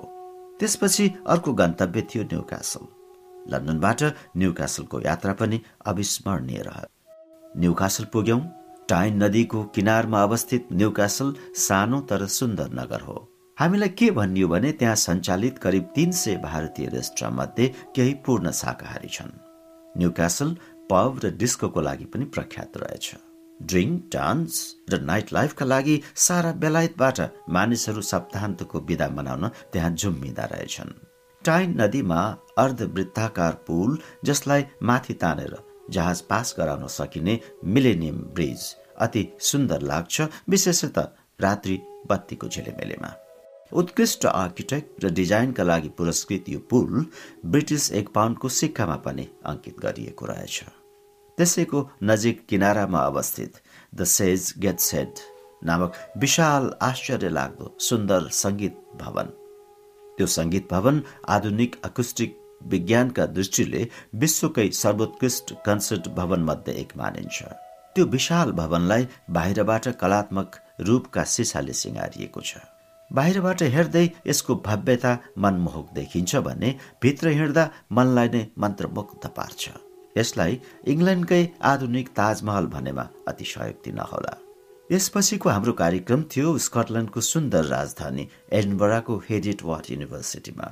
यहाँ दुई दिने शिविर सञ्चालन भयो। यस शिविरमा पाँचजना स्कटिसले नवसन्यासमा दीक्षा लिए। त्यसपछि हामी पुनः लन्डन फर्क्यौं जहाँ सेन्ट्रल लन्डनको बोस्टन म्यानर होटलमा चार दिने आवासीय ध्यान शिविरको व्यवस्था गरिएको थियो। चुरोट रक्सी र मासु चलिरहने होटल उपनिषदका प्रार्थना मन्त्र ओशो प्रवचन र ध्यानहरू हुन थालेपछि मन्दिर जस्तो पवित्र स्थलमा परिवर्तित भएको शिविरार्थीहरूले त महसुस गरे नै होटलका भारतीय मूलका मालिकले पनि स्वीकारे र प्रत्येक वर्ष त्यही कार्यक्रम गर्ने आग्रह गरे। एक महिनाको बेलायत प्रवासमा अनेक व्यक्तिसँग हाम्रो आत्मीय सम्बन्ध गाँसिन गयो। सैकडौं व्यक्ति ओसो र तपोवनको सम्पर्कमा आए। त्यसमध्ये छब्बिस जनाले दीक्षा लिई ओसोको पञ्चशीलमा आधारित सात्विक र आध्यात्मिक जीवन जिउने संकल्प गरे। शिविरमा भाग लिन लन्डनमा पढिरहेकी ल्याटभियन एक नवयौवना पनि आएकी थिइन्। व्यक्तिगत भेटमा उनले बताइन् कि उनी एचआईभी पोजिटिभ हुन्। त्यो थाहा पाएपछि दुःख र विषादले उनले आत्महत्या गर्ने प्रयास पनि गरिन्। अनेक चर्च र मनोवैज्ञानिक काउन्सिलिङ गइन् तर कहीँ उनमा आशाको सञ्चार भएन। उनले शिविरमा भाग लिइन् र सोधिन् के म दीक्षा लिन सक्छु? मैले उनलाई ससम्मान दीक्षा दिएँ। दीक्षाको क्षणमा उनी ट्रान्समा गइन् र पछिका दिनमा आश्रम आई नियमित ध्यान गर्न थालिन्। केही दिनमै उनको जीवनबाट विषाद दुःख र निराशाले सधैँका लागि विदा लियो। उनी अत्यन्त आशा उमङ्ग र उत्साहले पुल्कित थिइन्। शरीरको प्रत्येक कोष कोषमा आनन्द र अहोभाव भरिएको हामी सबैले देख्यौं। उनले जीवनका बाँकी वर्षहरू आध्यात्मिक साधिकाको रूपमा बिताउने र ओशोको कार्य विस्तारमा लाग्ने संकल्प गरिन्। एक साधारण मानवीय भूलले पूर्ण अन्धकार र निराशाले घेरिएकी एक किशोरीको जीवनमा उदाएको आशाको नयाँ किरण र विधायक परिवर्तन देख्दा मैले यस भ्रमणलाई सार्थक ठानेको छु। राम नवमी र राम राज्य आर्थिक सांस्कृतिक सामाजिक र ऐतिहासिक दृष्टिले युरोपका दुई अति विकसित र विशिष्ट राष्ट्र जर्मनी र फ्रान्स हेर्ने मेरो मनमा धेरै अघिदेखिको इच्छा थियो जुन यसपालि पूरा भयो। जर्मनी र फ्रान्सबाट हामीलाई साधना शिविर सञ्चालन र प्रवचन कार्यक्रमको आमन्त्रण प्राप्त भयो। ओशोको कृपाले तपोवनका हामी तीन सदस्यलाई एक महिना ती दुई देशको भ्रमण गर्ने अवसर मिल्यो। साधारणत हामीले जर्मनी भन्ना साथ स्मरणमा आउने कुराहरू हुन्। हिटलर दोस्रो विश्वयुद्ध बर्लिनको पर्खाल निर्माण र ध्वंस जर्मन संस्कृतिको अभिन्न अङ्ग रहेको बियर परम्परा र फुटबल। यसमा पनि गहिरिएर हेर्ने हो भने विश्वको कला साहित्य विज्ञान र दर्शनको क्षेत्रमा जर्मनीको देन अद्वितीय छ।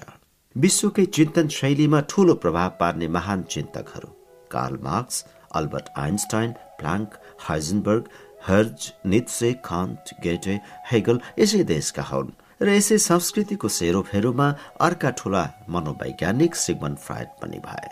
अर्का ठूला विश्वविख्यात संगीतकार बाक बिथोवेन पनि यही जन्मे। विज्ञान र प्रविधिको विकासमा पनि यो देश सुरुदेखि अग्रस्थानमा छ। नोबेल पुरस्कार जित्नेहरू मध्ये छयानब्बे जना जर्मनहरू छन्। जर्मनी आर्थिक रूपले दुनियाँको सबैभन्दा शक्तिशाली राष्ट्र मध्ये एक हो र आफ्नो बजेटको ठूलो भाग अन्य देशहरूलाई सहयोग गर्ने देशहरू मध्ये यो दोस्रो स्थानमा पर्छ। जर्मनी संसारको सबैभन्दा कल्याणकारी राज्य व्यवस्था भएको एक राष्ट्र हो जसमा बेरोजगार तथा सेवा निवृत्तहरूले ठूलो आर्थिक अनुदान पाउँछन्। कमाउने व्यक्तिको आयबाट चालिस प्रतिशत भाग त्यस सामाजिक कल्याणका लागि राज्यले करको रूपमा काट्छ। तर प्रत्येक गाउँका कुना कुनामा एउटै मात्र घर छ भने पनि त्यहाँसम्म सहरमा हुने सबै सुविधा पिच रोड ढल बत्ती पानी र सुरक्षाको जिम्मा इमान्दारीका साथ पूर्ण रूपमा राज्यले पुर्याउँछ। सामाजिक दृष्टिकोणले पनि त्यहाँको समाज उदार र अत्यन्त सहनशील छ। यसै कारण दुनियाँबाट आएका सबैभन्दा बढी शरणार्थीलाई यसले आश्रय दिन्छ। सरकार र जनताको मानव अधिकार प्रतिको सच्चा सम्मान र निष्ठा यहाँ देख्न पाइन्छ। यौन र समलैङ्गिक सम्बन्धबारे पनि यो देश अति उदार रहेछ। जर्मनीका दुई सबैभन्दा ठूला सहर बर्लिन र ह्याम्बर्गका सम्मानित मेयरहरू पनि घोषित रूपमा समलिङ्गी हुन्। तर यसले उनीहरूको राजनीतिक सफलता र सामाजिक सम्मानमा कुनै बाधा ल्याएको छैन। मानव अधिकार र मानव स्वतन्त्रतालाई यति आदर गर्ने यस देशको संस्कृति देख्दा भित्र त्यस देशैप्रति आदर भाव जाग्यो। यही जर्मनहरूको विशिष्टताले होला एक समय ओसोको सबैभन्दा बढी कार्य जर्मनीमै फस्टाएको थियो। यसपालिको भ्रमणमा स्थानीय मित्रहरूको सक्रिय सहयोगले दक्षिण आल्प्स पहाडी श्रृङ्खलाको नजिक विल्हेमसन नामक अति सुन्दर ठाउँमा नौ दिवसीय ध्यान शिविरको आयोजना भयो। त्यहाँ हामीले पूर्वीय दर्शन र साधनाबारे बतायौं र ध्यानका प्रयोगहरू पनि गरायौं। युरोपमा जर्मनहरूलाई अरूले अलिक गम्भीर ठान्छन्। मेरो अनुभवमा उनीहरूले कुरा बुझिसकेपछि त्यसलाई बडो निष्ठा र गम्भीरताले लिँदा रहेछन्। बुद्ध धर्म तिब्बत दलाइ लामा र हिमालयप्रति उनीहरूको विशेष आदर र रुचि छ। जर्मनहरू साहित्य प्रेमी हुन्छन् र पुस्तकको सङ्ग्रह गर्न मन पराउँदा रहेछन्। सानो गाउँमा जाँदा पनि घरहरूमा पुस्तकको राम्रो सङ्ग्रह गरेको पाए। सानो सहरको पुस्तक पसल पनि विशाल बजार जस्तो ठूला हुँदा रहेछन्। उनीहरूको साहित्यको सम्पन्नता र विशालता कुनै अर्थमा अङ्ग्रेजी साहित्य भन्दा कम देखिएन। पर्यटनमा सबैभन्दा बढी पैसा खर्च गर्नेहरू जर्मनहरू हुन्। नेपाल भित्रिने पर्यटकहरूमध्ये जर्मनहरूको संख्या अग्रस्थानमा छ। जर्मनीमा जनसङ्ख्याको एक तिहाई प्रोटेस्टेन्ट एक तिहाई क्याथोलिक थोरै मात्रामा मुसलमान र यहुदी छन् अनि झन्डै एक तिहाई कुनै धर्म नमान्ने छन्। सरकारले प्रोटेस्टेन्ट र क्याथोलिकहरूको आयबाट दस प्रतिशत आय स्रोतमा इकट्ठा गरी सोझै चर्चलाई बुझाउँछ। त्यसकारण चर्चहरू त्यहाँ धेरै धनी छन्। सानोदेखि सानो गाउँमा पनि सबैभन्दा ठुलो र सुन्दर घर चर्चकै हुन्छ। तर अधिकांश चर्च मानव शून्य नै हुन्छ। आइतबार मात्रै त्यहाँ केही बुढाबुढीको आवत जावत देखिन्छ।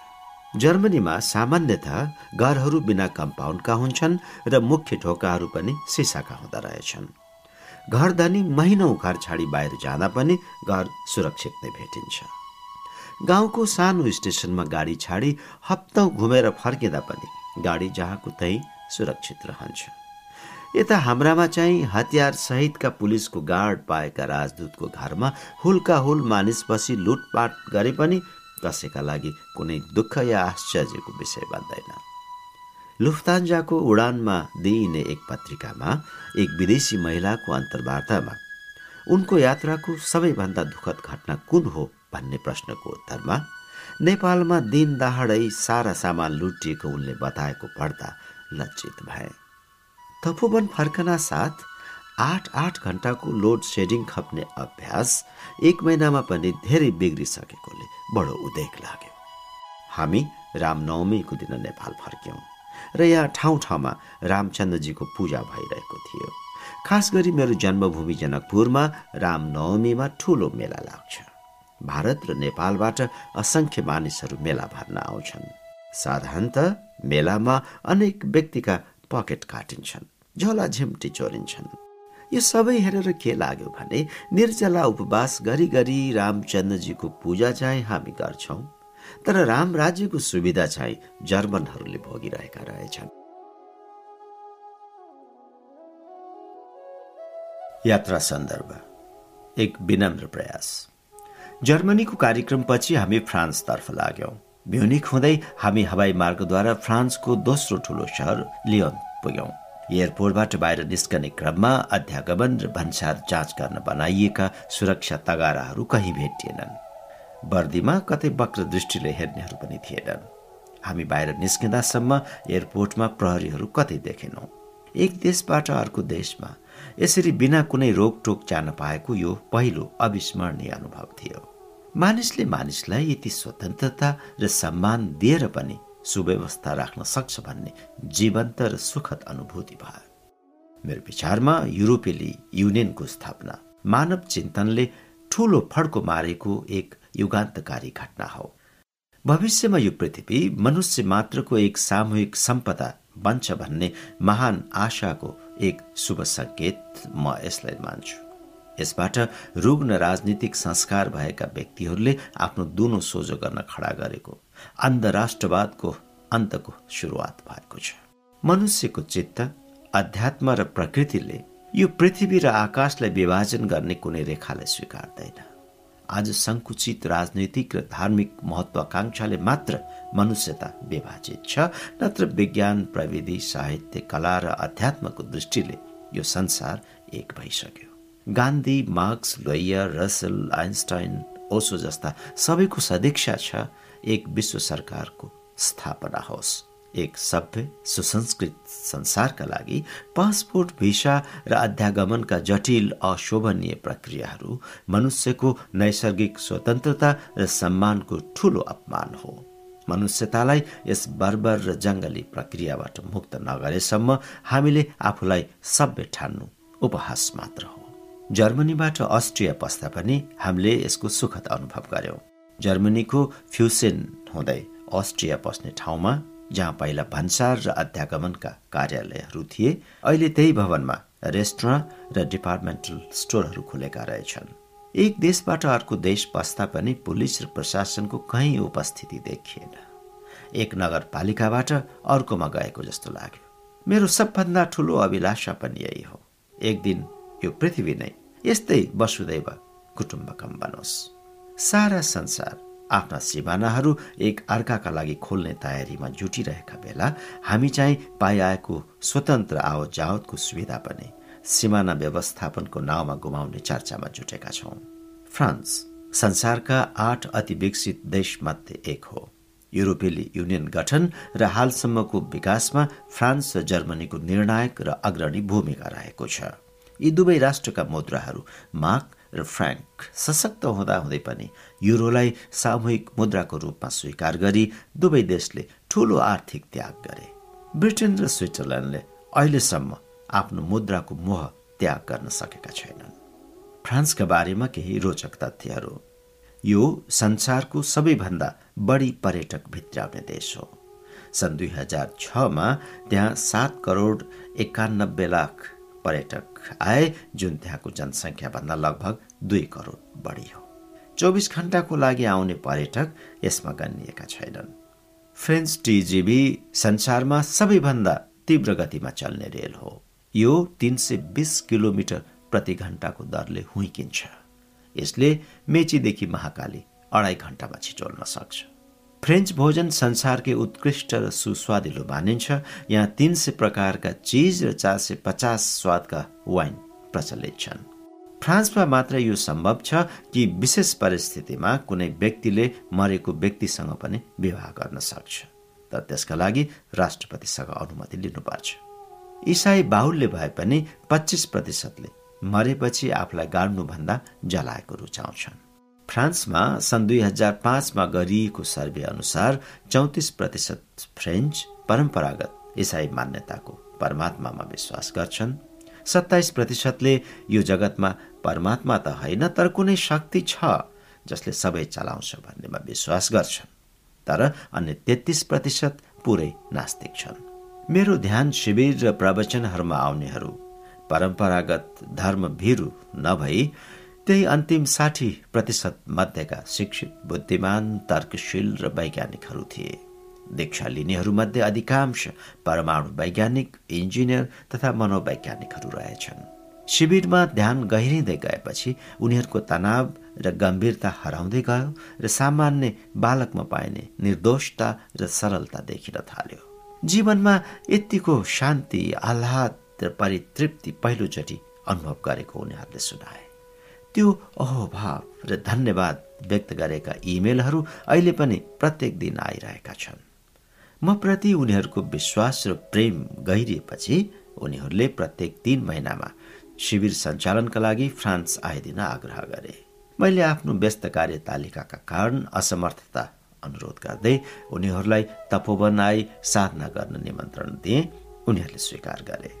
अब तपोवनमा सधैँ आइरहने रुसी र पूर्वी युरोपका मित्रहरू जस्तै फ्रान्स र जर्मनीका साधकहरू पनि सधैँ भेटिनेछन् युरोप र अमेरिकामा मानिसहरूका सामान्य भौतिक आवश्यकताहरू पूरा भइसकेका छन्। त्यहाँ एक नयाँ किसिमको आध्यात्मिक अभिप्साको जन्म भइरहेको छ। त्यस अभिप्सालाई सम्बोधन गर्न त्यहाँका परम्परागत धर्महरू असफल देखिन्छन्। यसै कारण पश्चिममा आध्यात्मिक शून्यता बढ्दै गएको छ र विकल्पको खोज छ। मेरो अहिलेको पश्चिमी देशहरूमा भइरहेको निरन्तर यात्रा यही विकल्प प्रस्तुत गर्ने एक सानो र विनम्र प्रयास हो। स्वतन्त्रता र भविष्य। म भर्खरै छ हप्ताको प्रवासपछि एक्काइसौँ शताब्दीमा धेरैका लागि ड्रिमल्यान्डको महादेश अमेरिकाबाट फर्किएको छु। यो वर्ष मैले युरोपका अनेक विकसित देशको भ्रमण गरेँ तर अमेरिकाको यात्राले म भित्र अनौठो अनुभूति जन्माएको छ। हरेक वर्ष दुनियाँबाट हजारौं मानिसहरू विभिन्न सिमानाबाट अनेक बहानामा अमेरिका पस्छन् तर त्यसमध्ये धेरैजसो अमेरिकाबाट कहिल्यै फर्किँदैनन्। लाग्छ अमेरिका छिर्ने हजार बाटा छन् तर निस्कने थोरै। स्वर्णिम भविष्यको सपना बोकेर अमेरिका पस्ने सबैका आँखा अगाडि समृद्धिका अनन्त सम्भावनाहरूको कल्पना नाचिरहेको हुन्छ। किनभने अमेरिका बनेकै यस्तै सपना बोकेकाहरूको सम्मिलित जमातले हो। सुन फलाउने देश भारतको खोजीमा हिँडेका क्रिस्टोबल कलोन पश्चिम दिशाबाट भारत पुग्ने प्रयासमा बाह्र अक्टोबर चौध सय बयानब्बे मध्यरात बहामा द्वीप पुगे। अमेरिका पत्ता लगाउने भनिएका यी प्रथम नायक अहिले क्रिस्टोफर कलम्बसको नामले चिनिन्छन्। यिनी पूर्वीय गोलार्ध पुग्ने लक्ष्य लिएर जहाजको तेस्रो पटक यात्रामा मध्य अमेरिकाको हन्डुरसको किनार पुगेर अब दस दिनमा गङ्गामा पुगिसक्ने पत्र लेखेका थिए। भारत पुग्न भने यिनी सकेनन्। तर समग्रमा युरोपका लागि त्यो विशाल भूमिको खोजले नयाँ सम्भावनाको द्वार खोलिएको थियो। हुन त करिब बिस हजारदेखि तीस हजार वर्ष अघि साइबेरिया र अलास्काका बीच भएको भूमि मार्ग हुँदै एसियाबाट उतातिर मानिसहरू गएपछि ठूला र विकासोन्मुख संस्कृतिहरू त्यहाँ बनेको इलिनोय र न्यू मेक्सिको भग्नावशेषहरूबाट बुझ्न सकिन्छ।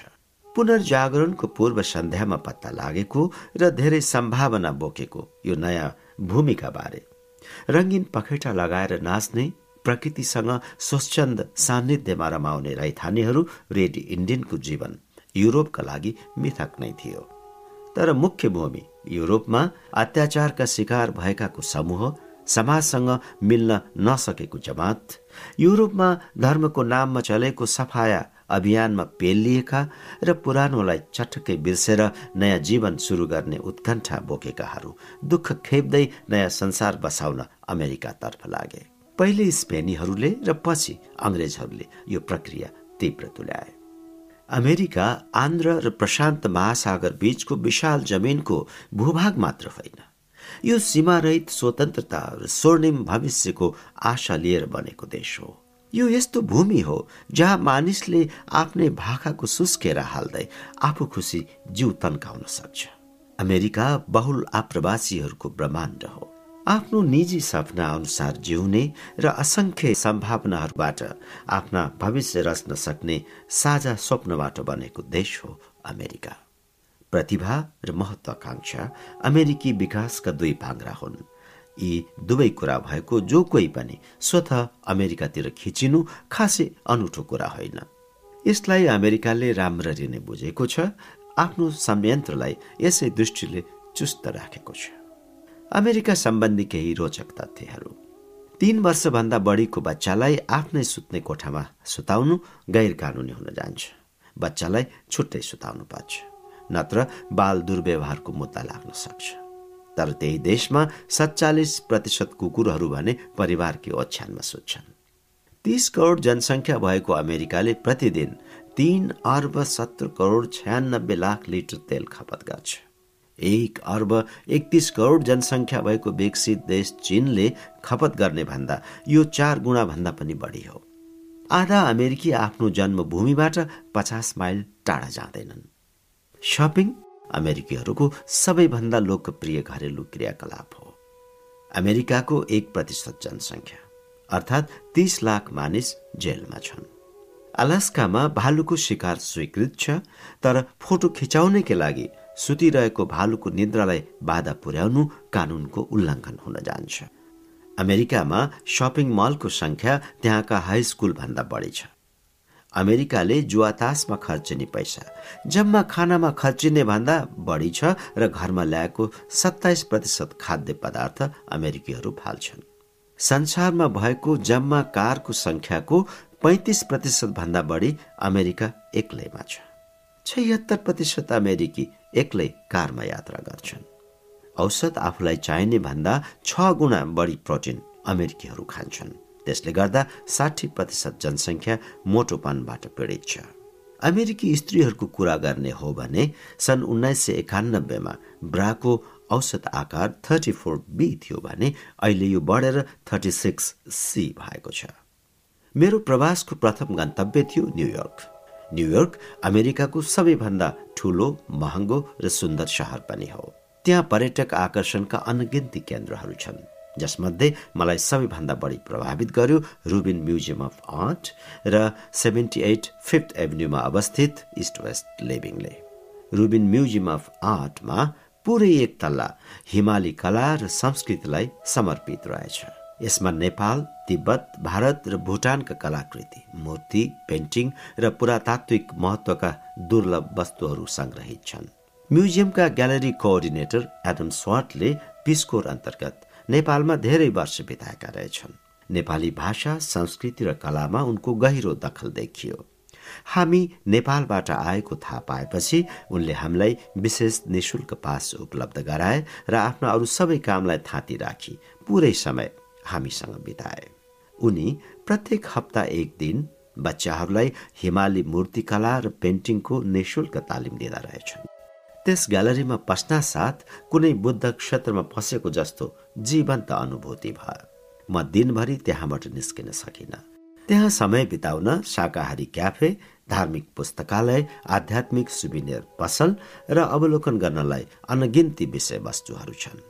मनुष्यको निष्ठा र सुव्यवस्थाले म्युजियमलाई पनि एक जीवन्त सुन्दर शान्त बुद्ध क्षेत्र बनाउन सकिँदो रहेछ र मनुष्यकै कुव्यवस्थाले मन्दिर र आश्रमले मानिसहरूलाई नास्तिक बनाइदिन सक्ने सम्मको विरक्ति पैदा गरिदिन सक्छ। प्रेरक प्रसङ्ग सङ्गतको प्रभाव। वनमा अवस्थित आश्रममा बसेका आफ्ना गुरुलाई भेट्न राजा गएछन्। सन्ध्योपासनाको समय आइपुग्यो। गुरुले राजालाई पनि आफैसँग ध्यानमा बस्ने इसारा गरे। गुरु ध्यानस्थ भए। तर बसमा नभएको चञ्चल मनले राजालाई ध्यानमा बाधा गरिरहेको थियो र उनी घरिघरि आँखा खोलिरहन्थे। त्यत्तिकैमा एउटा बाघ उनीहरू बसेतिर गर्जिँदै आइरहेको राजाले देखे। जंगलको राजालाई देखेर देशका राजा भयभीत भई बस्न हतपत रुखमाथि चढे। तर गुरु टस्का मस भएनन्। उनलाई लाग्यो गुरुको इह लीला आज सिद्धियो। बाघ गर्जिँदै आयो र गुरु ध्यानस्थ बसेकै ठाउँ हुँदै आफ्नै बाटो वनतिर लाग्यो। ज्यान बचाउन बाघबाट बच्न रुख चढेका राजा छक्क पर्दै तलवर लिए। ध्यानस्थ गुरुले केही बेरपछि आँखा खोले र दुवै कुटीतिर लागे। बाटामा सँगै हिँडिरहेका बेला गुरुको गालामा एउटा लामखुट्टे टोक्न आयो। लामखुट्टेलाई उनले प्याट्ट हानेर मारे। यो देखेर राजाले आफूलाई रोक्न सकेनन् र आश्चर्यचकित हुँदै गुरुलाई प्रश्न गरे गुरुदेव मेरो मनमा एउटा प्रश्न उठेको छ। केही छैन अघि हाम्रो नजिक एउटा खतरनाक बाघ आएको थियो। तपाईँ डराउनु भएन र उसबाट बस्न तपाईँले केही प्रयास पनि गर्नु भएन। तर अहिले एउटा लामखुट्टेले टोक्दा त्यसप्रति क्रोधित भई तपाईँले त्यसलाई मारिदिनु भयो बाघ आउँदा विचलित नहुने गुरु किन लामखुट्टेसँग यति क्रोधित हुनु भएको गुरु गम्भीर भए र भने तिम्रो भनाइ ठिक छ। जुन बेला बाघ आयो म परमात्माको सत्सङ्गमा थिएँ। जसरी बाघ कराउँदै आयो त्यसरी नै गयो। मलाई कुनै डर लागेन। तर जब मलाई लामखुट्टे टोक्न आयो म तिम्रो साथमा थिएँ। तिमी राजा हौ रिसाउनु तिम्रो स्वाभाविक गुण हो।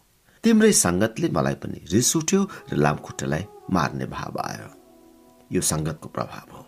मानिस जसको सङ्गत गर्छ त्यसैको गुण धर्म उसमा सर्दो रहेछ। अपेक्षा। मूल बाटोको चौतारीमा एक साधु प्रभु कीर्तनमा मग्न थिए। नजिकबाट राजाको सवारी निस्कियो।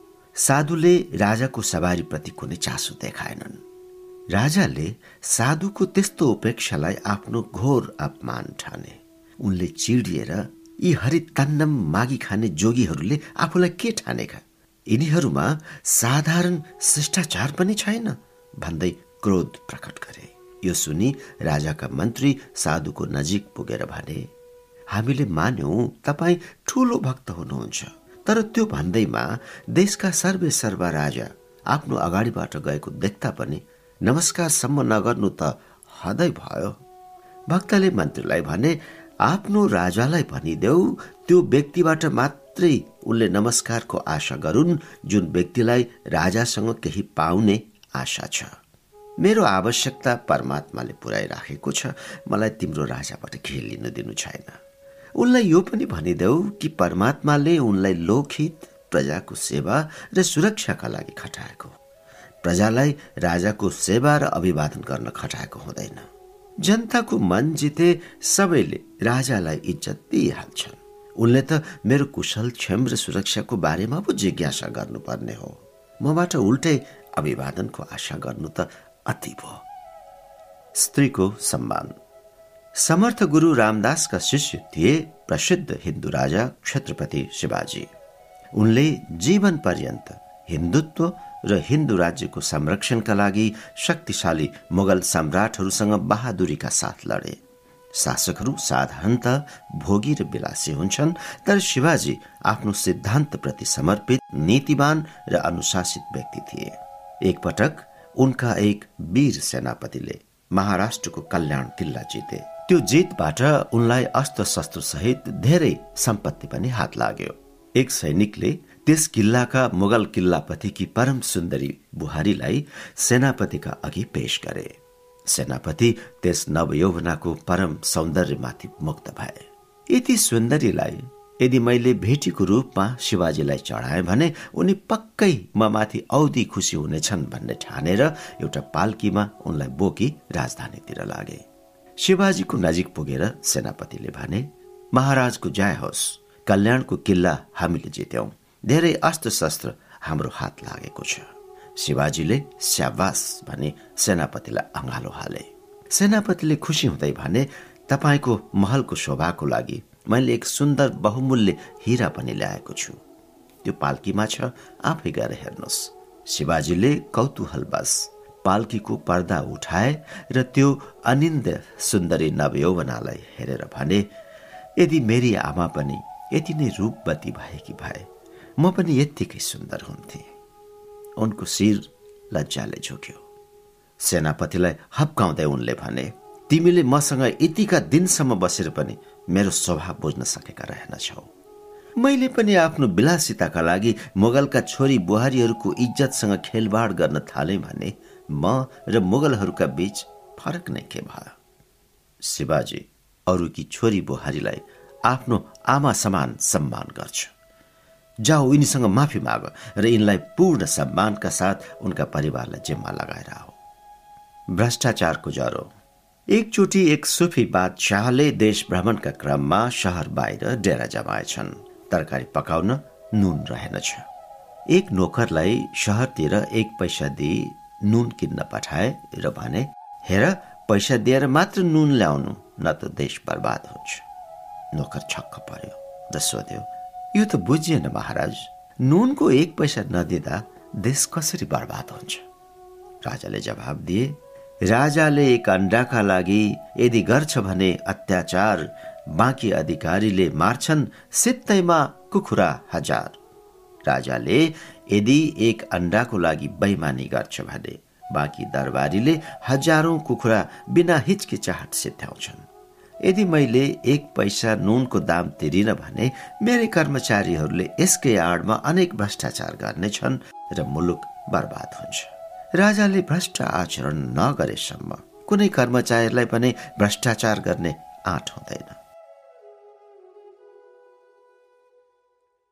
सन्दर्भ बोध कथा बुझ्नेलाई श्रीखण्ड। ज्ञानका कुरा साधारणत गम्भीर हुन्छन् र साधनामा रुचि नभएका व्यक्तिलाई बुझ्न गाह्रो हुन्छ। गलत मानिसको हातमा ज्ञानका गहन सूत्रले दुष्परिणाम पनि ल्याउँछन्। बुझ्न सकिएन भने अर्थको अनर्थ पनि हुन जान्छ। त्यसकारण गहन उपदेश सीमित साधकहरूको बीचमा गरिन्थ्यो र सामान्य जनबाट गोप्य राखिन्थ्यो।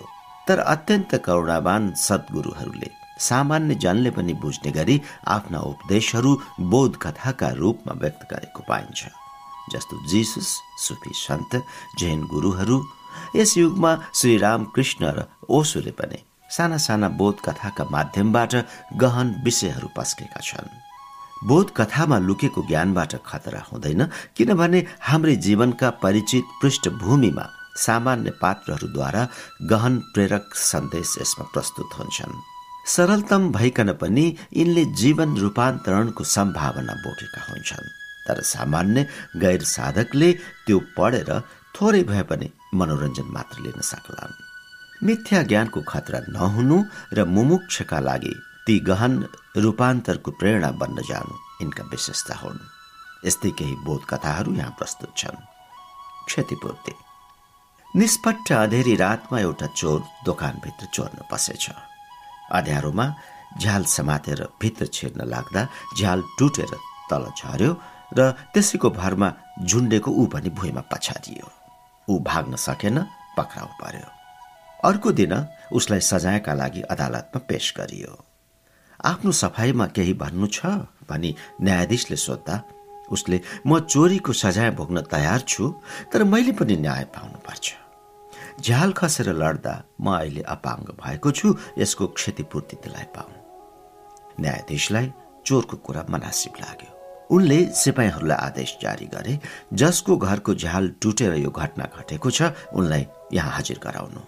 दोकानदारलाई हाजिर गराइयो। उसले भन्यो हजुर मैले त्यो झ्याल भर्खरै मात्र लगाएको थिएँ। त्यो शिखरबीले कमजोर झ्याल बनाएछ। गल्ती उसको छ क्षतिपूर्ति उसैबाट असुलिनु पर्छ दोकानदारको कुरा तर्कसङ्गतै थियो। न्यायाधीशले शिखरमीलाई अदालतमा हाजिर गराउने आदेश दिए। शिखरमीले आफ्नो बचाउ गर्दै भन्यो जब म यो झ्याल बनाइरहेको थिएँ बाटामा एक अति नै सुन्दरी युवती गइरहेकी थिए। मेरो ध्यान अन्जानैमा उतर्फ मोडियो र झ्याल राम्ररी कसिएन। यसमा गल्ती त त्यो युवतीको छ। त्यस युवतीलाई पनि खोजियो। अदालतमा उसले भने म त एक साधारण युवती हुँ। त्यस दिन मेरा पतिले मलाई यति आकर्षक पोसाक ल्याएर दिए जुन पोसाक लगाएर हिँड्दा जो पनि मलाई हेरेको हेरै हुन्थ्यो। यसमा मेरो के कसुर? यति सुन्दर कपडा मलाई ल्याएर दिने मेरो पतिकै यसमा गल्ती छ। त्यस युवतीको पतिलाई खोज्नै परेन किनभने त्यो चोर नै उसको पति थियो। दया एकचोटि केही सिपाही मोहम्मद साहबलाई पक्रिन उनको पिछा गर्दै थिए। उनका साथ उनका एक मित्र पनि थिए। ज्यान नै खतरामा परेको त्यस क्षणमा उनका मित्रले भने हजरत सिपाहीहरू नजिक आइरहेका छन्। त्यसैले हामीले लुक्न उपयुक्त ठाउँ खोज्न अति जरुरी छ। त्यत्तिकैमा उनीहरूले नजिकै एउटा गुफा देखे। त्यसको नजिक पुग्दा गुफाको मुखमा एउटा माकुरोले जालो बुनेको रहेछ। ज्यान जोगाउन आतुर उनका मित्र त्यस जालोलाई हटाउँदै गुफाभित्र पस्न खोजेका मात्रै के थिए मोहम्मद साहबले उनलाई रोक्दै भने मित्र जालोलाई नतोड कति मेहनत गरेर माकुरुले आफ्नो सुरक्षाको लागि यो जालो बुनेको छ। त्यसैले यसलाई यहाँबाट हटाउन उचित हुने छैन। तर मित्रलाई त्यो कुरो उचित लागेन। उनले भने हामीसँग समय छैन।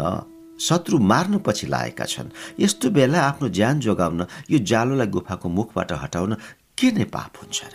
अहिले यति भावुक बन्नु भनेको आफ्नै ज्यान गुमाउनु हो। मोहम्मद साहबले भने तिमीले भनेको ठिकै छ तर त्यति स्वार्थी पनि नबन। आफ्नो ज्यान जोगाउन अरूलाई दुःख दिनु ठिक छैन। यदि हामीले यस्तो बेला दया गरेनौँ भने कहिले गर्ने? मोहम्मद साहबका यस्ता कुराले मित्रको हृदय छोयो र होसियारीपूर्वक दुवैले जालोलाई जगाउँदै गुफाभित्र छिरी लुके उनीहरूलाई खोज्दै आएका सिपाहीहरू पनि गुफाको नजिकै आई अडिए र यताउता लुकेका छन् कि भनी खोज्न थाले। खोज्दै अझ नजिक आई हेर्दा गुफाको मुख जालोले बन्द भएको देखे र सिपाहीहरूलाई लाग्यो यदि उनीहरू गुफाभित्र छिरेका भए त अवश्य जालो फाटिएको हुने थियो।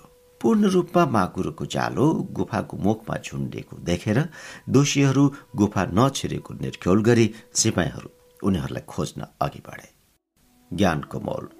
विश्व प्रसिद्ध चिनिया यात्री युएन साङले आफ्नो प्रसिद्ध भारत यात्राका दौरान त्यसबेलाको शिक्षाको विशाल केन्द्रको रूपमा प्रख्यात नालन्दा विश्वविद्यालयमा सात वर्षसम्म विद्यार्थीका रूपमा रहेर शिक्षा हासिल गरेका थिए। केही समय उनले त्यही शिक्षकको रूपमा पनि कार्य गरे। एक दिन उनले चीन फर्किने निश्चय गर्दै आफूले लेखेको केही पुस्तक चिनी भाषामा अनुवाद गरेका सयौं अद्भुत बौद्ध साहित्यहरू आफूसँगै लिएर जाने तयारीमा लागे। युएन साङ फर्कने कुरा सुनेपछि नालन्दा विश्वविद्यालयमा पढ्ने अरू पन्ध्रजना चिनिया विद्यार्थी पनि उनीसँगै चीन फर्किने तयारी गर्न थाले। उनीहरूका लागि चीन फर्किने महत्वपूर्ण एक कारण थियो युएन साङसँगको लामो सामिप्य र सत्सङ्ग। उनीहरू यात्राको तयारीमा लागे। समुद्र यात्रा गर्नुपर्ने भएपछि एउटा नौकाको व्यवस्था गरियो। निश्चित दिन सबैजना समुद्री मार्गबाट रवाना भए। केही दिनपछि समुद्रको बीचमा पुगेपछि दुर्भाग्यवश ठूलो समुद्री तुफान आयो र नौका डुब्न थाल्यो। नाविकले युवेन साङलाई भने महाशय नाउ भारी भइरहेको छ अगाडि जान मुस्किल छ। कृपया केही गरौँ पुस्तकहरू फालिदिनुहोस्। लामो समयको आफ्नो मेहनत र परिश्रम। यसरी व्यर्थेमा जान लागेको देखेर युवेन साङ असमञ्जस्यमा परे। त्यत्तिकैमा एक विद्यार्थी उठेर भने गुरुदेव यी पुस्तकहरू कहिले नफ्याँक्नुहोला? किनभने यिनीहरू ज्ञान अमृतले परिपूर्ण छन् र हाम्रो देशमा यिनीहरूको अति ठुलो उपयोगिता हुनेछ। हामी आफ्नो देश नपुगे ठुलो हानि हुने छैन। तर यी पुस्तकहरू पुगेनन् भने देश ठुलो ज्ञानबाट वञ्चित हुनेछ। त्यसैले यी पुस्तकहरू जसरी भए पनि मातृभूमिमा पुग्नै पर्छ। यति भनेर तिनले आफ्ना साथीहरूतिर हेरे र सबै विद्यार्थीहरू बिना कुनै हिचकिचाहट सागरमा हाम फाले। श्मशान वैराग्य। अति धनाढ्य र प्रतिष्ठित आफ्ना आफन्तलाई अन्तिम दाह संस्कार गर्न आएका तीन बुद्धिमान नवयुवकहरूलाई वरिपरि मानिसहरूको चिता जलिरहेको देखेपछि जीवनको क्षणभङ्गुरता र व्यर्थताको बोधले चापेछ यत्रो सम्पत्ति इज्जत र कीर्ति आर्जन गरेका महाशेठ त खाली हात दुखी रोगी भएर मरे। हामी के का लागि यत्रो उपद्रव गइरहेका हौ? यो कसैलाई नछोड्ने मृत्युलाई नै पहिले चिनौ। बुद्धले मृत्यु देखेर यो संसार छाडे र ज्ञान प्राप्त गरेर फर्के। हामी पनि सबभन्दा पहिले मृत्यु के हो त्यसलाई चिनौ यसमाथि विजय प्राप्त गरौँ। अरू कुरा पछि देखा जाएगा। भन्दै मृत्युलाई खोज्न तिनैजना यात्रामा हिँडेछन्। उनीहरूले अनेक गुरु साधु सन्तलाई भेटी हामीलाई मृत्युको दर्शन गराइदिनुहोस् उसलाई चिन्न र बुझ्न चाहन्छौँ भन्दै धेरै ठाउँ भौतारिए। तर कसैले उनीहरूको जिज्ञासा शान्त गर्न सकेन। घुम्दै जाँदा अन्तत उनीहरू एउटा गाउँमा नाम चलेका पाको उमेरका ज्ञानी कहाँ पुगे र पुरानै आफ्नो प्रश्न दोहोऱ्याए। उनीहरूको प्रश्न सुनेर ती ज्ञानीले भनेछन् तिमीहरू घर फर्क। यसरी भौतारी र मृत्युको पछाडि लाग्नु ठिक छैन। उसलाई नखोजे पनि एक दिन तिमीहरूलाई लिन मृत्यु स्वयं आफै आइहाल्छ। तर हठी नवयुवकहरूले अत्यन्त जिद्दी गरे हामी जसरी भए पनि जति सक्दो चाँडो मृत्युलाई भेट्न चाहन्छौँ। उसलाई नभेटिन्जेल हामी फर्कनेवाला छैनौँ। त्योभन्दा अघि हामीलाई संसारमा फर्क भनेर नभन्नुहोस् नवयुवकहरूको अति जिद्दीपना देखेर टाढाको डाँडालाई देखाउँदै उनले भने ऊ त्यो डाँडाको टुप्पोमा झ्याम्म परेको जुन ठुलो रुख छ त्यसको फेदमा मैले मृत्युलाई बसेको देखेको छु। त्यहाँ तिमीहरू पुग्यौ भने मृत्युलाई भेट्नेछौ तर बुढाले उनीहरूलाई सावधान गर्दै भने सकभर तिमीहरू त्यहाँ नगए बेस त्यहाँ गएपछि कोही पनि सही सलामत फर्किँदैन। मृत्युको ठेगाना अन्तत भेट्टाएकोमा युवकहरू उत्साहित भएर बुढाको पुरा कुरा सुनि नसक्दै सुन्दै नसुनी त्यस रुखतर्फ दौडिहाले। हस्याङ फस्याङ गर्दै ती तिनैजना अन्तत डाँडा माथिको त्यो रुखको फेदमा पुगे। त्यहाँ पुगेपछि उनीहरूले एउटा ठूलो थैलोमा राखिएका निकै बहुमूल्य सुनका गहना असर्फी र थुप्रै नोटहरू देखेछन्। यो देखि तिनीहरू अचम्बित भए।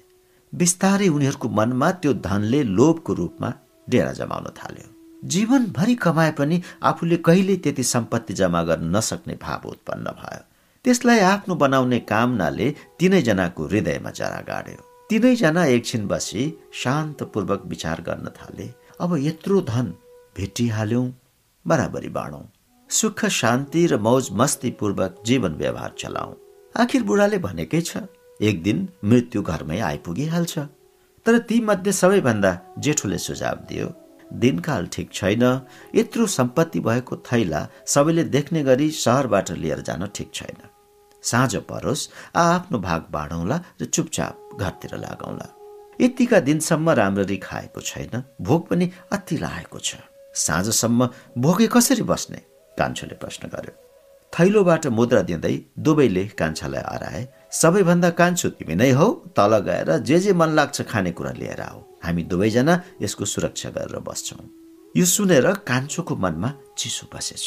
यी दुवै मिलेर मलाई मात्रै किन पठाउँदैछन्? धनको त्यत्रो थैलो छोडेर जान कान्छालाई मन थिएन तर अरू कुनै विकल्प नदेखि ऊ खानेकुरा लिन तलतिर लाग्यो। बाटोमा उसको मनमा लोभ छिर्यो र मन धमिलियो। नाना विचारहरू चल्न थाले। यत्रो सम्पत्ति तीन भाग लगाउँदा मैले एक भाग मात्रै पाउँछु। त्यसले मेरो सबै इच्छा कहाँ पुरा हुन्छ? त्यो पुरै सम्पत्ति आफ्नो भए मात्र मौज हुन्छ तृष्णाले कलुषित उसको मनमा एकाएक भयानक षड्यन्त्रको जन्म भयो। बजार पुगी उसले टन्न खायो र अनि आफै पनि रक्सी चढायो। मिठो मिठो खानेकुरा साथै उनीहरूलाई पनि रक्सी किनिदियो र त्यसमा विष मिलाइदियो। यो खाएपछि ती दुवै त्यहीँ ढल्छन् अनि म त्यो सारा सम्पत्ति एक्लै लिएर टाप कस्छु भविष्यको कल्पनामा डुबेर ऊ त्यो खाना लिई डाँडातिर लाग्यो। टुप्पामा धनको पोको कुरेर बसेका दुईजनाको मनमा त्यस्तै लोभको जन्म भएछ तीन भाग लगाउँदा आफ्नो भागमा कम पर्ने र त्यतिले सबै इच्छा पनि पूरा नहुने निष्कर्षमा उनीहरू पुगे। पहिलोले भन्यो यही मौका हो त्यो तल गएको बेला यो सम्पत्ति लिएर भागौँ र घर पुगी यसलाई दुई भागमा बराबर बाँडौँ। अर्कोले भन्यो कान्छो मूर्ख छ र घरमै आफ्नो भाग लिन आइपुग्छ। हल्ला खल्ला मचाउला अनि फसाद पर्छ। त्यसकारण उसलाई यहाँ माथि आउन दिउँ। यदि साँच्चै नै सम्पत्ति हामी दुईजनामै बाँड्ने हो भने उसको इह लीला यही समाप्त गरेर हामी यो सम्पत्ति लिएर निश्चिन्त यहाँबाट निस्कौँला। यही षड्यन्त्र पूरा गर्न उनीहरूले कान्छोलाई कुरेर बसे। यति बेला प्रशस्त खाने कुराले कान्छो आइपुग्यो। कान्छोले आउना साथ भन्यो मैले टन्न खाएर आएको छु। माथिसम्म आइपुग्दा थाके पनि तिमीहरू खाओ म रुखमुनि एकछिन विश्राम गर्छु। यो कुरा सुनि उनीहरू अझ प्रसन्न भए। कान्छोले आँखा चिम्लिना साथै ती दुवै मिलेर छुरी हानी उसको जीवन लीला समाप्त गरिदिए। ठुलो झन्झट सकियो। अब आराम साथ खाना खाउँ र साँझ परेपछि सम्पत्ति बाँडी बिस्तारै घरतिर लागौँला। त्यो सम्पत्तिले अनेक रूप लिएर उनीहरूको आँखाको अगाडि भविष्य सपनाको रूपमा नाच्न थाल्यो। विशाल घर नोकर चाकर सुन्दरीहरू विलासिताका अनेक सामानको रूपमा। त्यही भविष्यको कल्पनामा रमाउँदै उनीहरूले टन्न खाए र विषालु भोजन र मदिराको प्रभावले दुवै त्यही ढले। त्यो धनको पोको जस्ताको त्यस्तै त्यही रह्यो। रुखमुनि तिमीहरूले मृत्यु भेट्टाउनेछौ भनेको बुढाको कथन पनि सत्य निस्कियो। मृत्यु सधैँ छद्म भेषमा आउँदो रहेछ। कहिले लोभ बने कहिले काम बने। जिब्राको तृष्णा र निरीहको हत्याको बीचमा देवी देवता बङ्गालमा नवरात्रि नेपालमा झै बडो धुमधामसँग मनाइन्छ त्यस अवसरमा शक्तिपीठहरूमा खुब बलि चढाइन्छ श्री रामकृष्ण परमहंसका एक बङ्गाली भक्त प्रत्येक वर्ष कलकत्तामा हरेक शक्तिपीठहरूमा बडो उत्साहका साथ बलि चढाउँथे यतिका वर्षसम्म बडो लगन साथ उनले गर्ने यो काम एकपटक नगरेको देखेर रामकृष्णले उनलाई सोधे यसपालि देवीप्रतिको तिम्रो भक्तिभाव एक्कासी कता बिलायो के पर्यो त्यस्तो? ती भक्तले न्याउरो मुख लगाउँदै भने यसपालि मेरा सारा बङ्गाराहरू छारे अब मासु खानै नसक्ने भए अब कसका लागि बलिदिने हिन्दूहरूको महान चाड दशैंमा देवी देवताको नाममा हजारौं निरीह र मुख प्राणीको हत्या हुन्छ। देवीलाई हामी जगत माता भन्छौं जगत जननी भनी सम्बोधन गर्छौं। ती यदि माता हुन् भने मनुष्यको मात्रै किन हुन्थिन्? उनी त प्राणी मात्रकी माता हुन्। कुनै पनि माता आफ्ना सन्तानको हत्यामा कसरी प्रसन्न होलिन्? आफ्नो सन्तान मृत्युको पीडामा छटपटाइरहेको देखेर उनको हृदय कति विधि रुँदो होला। देवी देवताको त्यो मूर्ति बोल्न सक्दैन भन्ने हामीलाई लाग्छ। तर त्यो विभत्स दृश्य देखेर मूर्तिले बोलेकै हुनुपर्छ। तर जिब्रोको तृष्णाले भरिएको संवेदनहीन तथाकथित भक्तले त्यो क्रन्दन न सुन्न सक्छ न बुझ्न नै। वरदान पाउने खोक्रो आशामा गरेको हत्याले उसलाई वास्तवमै वरदानको स्वर्गमा लान्छ कि सापको नर्कमा। प्रत्येक कर्मको फल र त्यसले सृजना गर्ने कर्म बन्धनमा विश्वास गर्ने हिन्दूहरूको महान संस्कृतिमा जीव हत्याको त्यो अकारुणिक प्रचलनले कसरी संस्थागत रूप लियो यो ठुलो खोजीकै विषय हो। मलाई लाग्छ सामन्तवादको उदय भएपछि राज्य विस्तारको लागि हत्या र हिंसा अनिवार्य हुन गयो।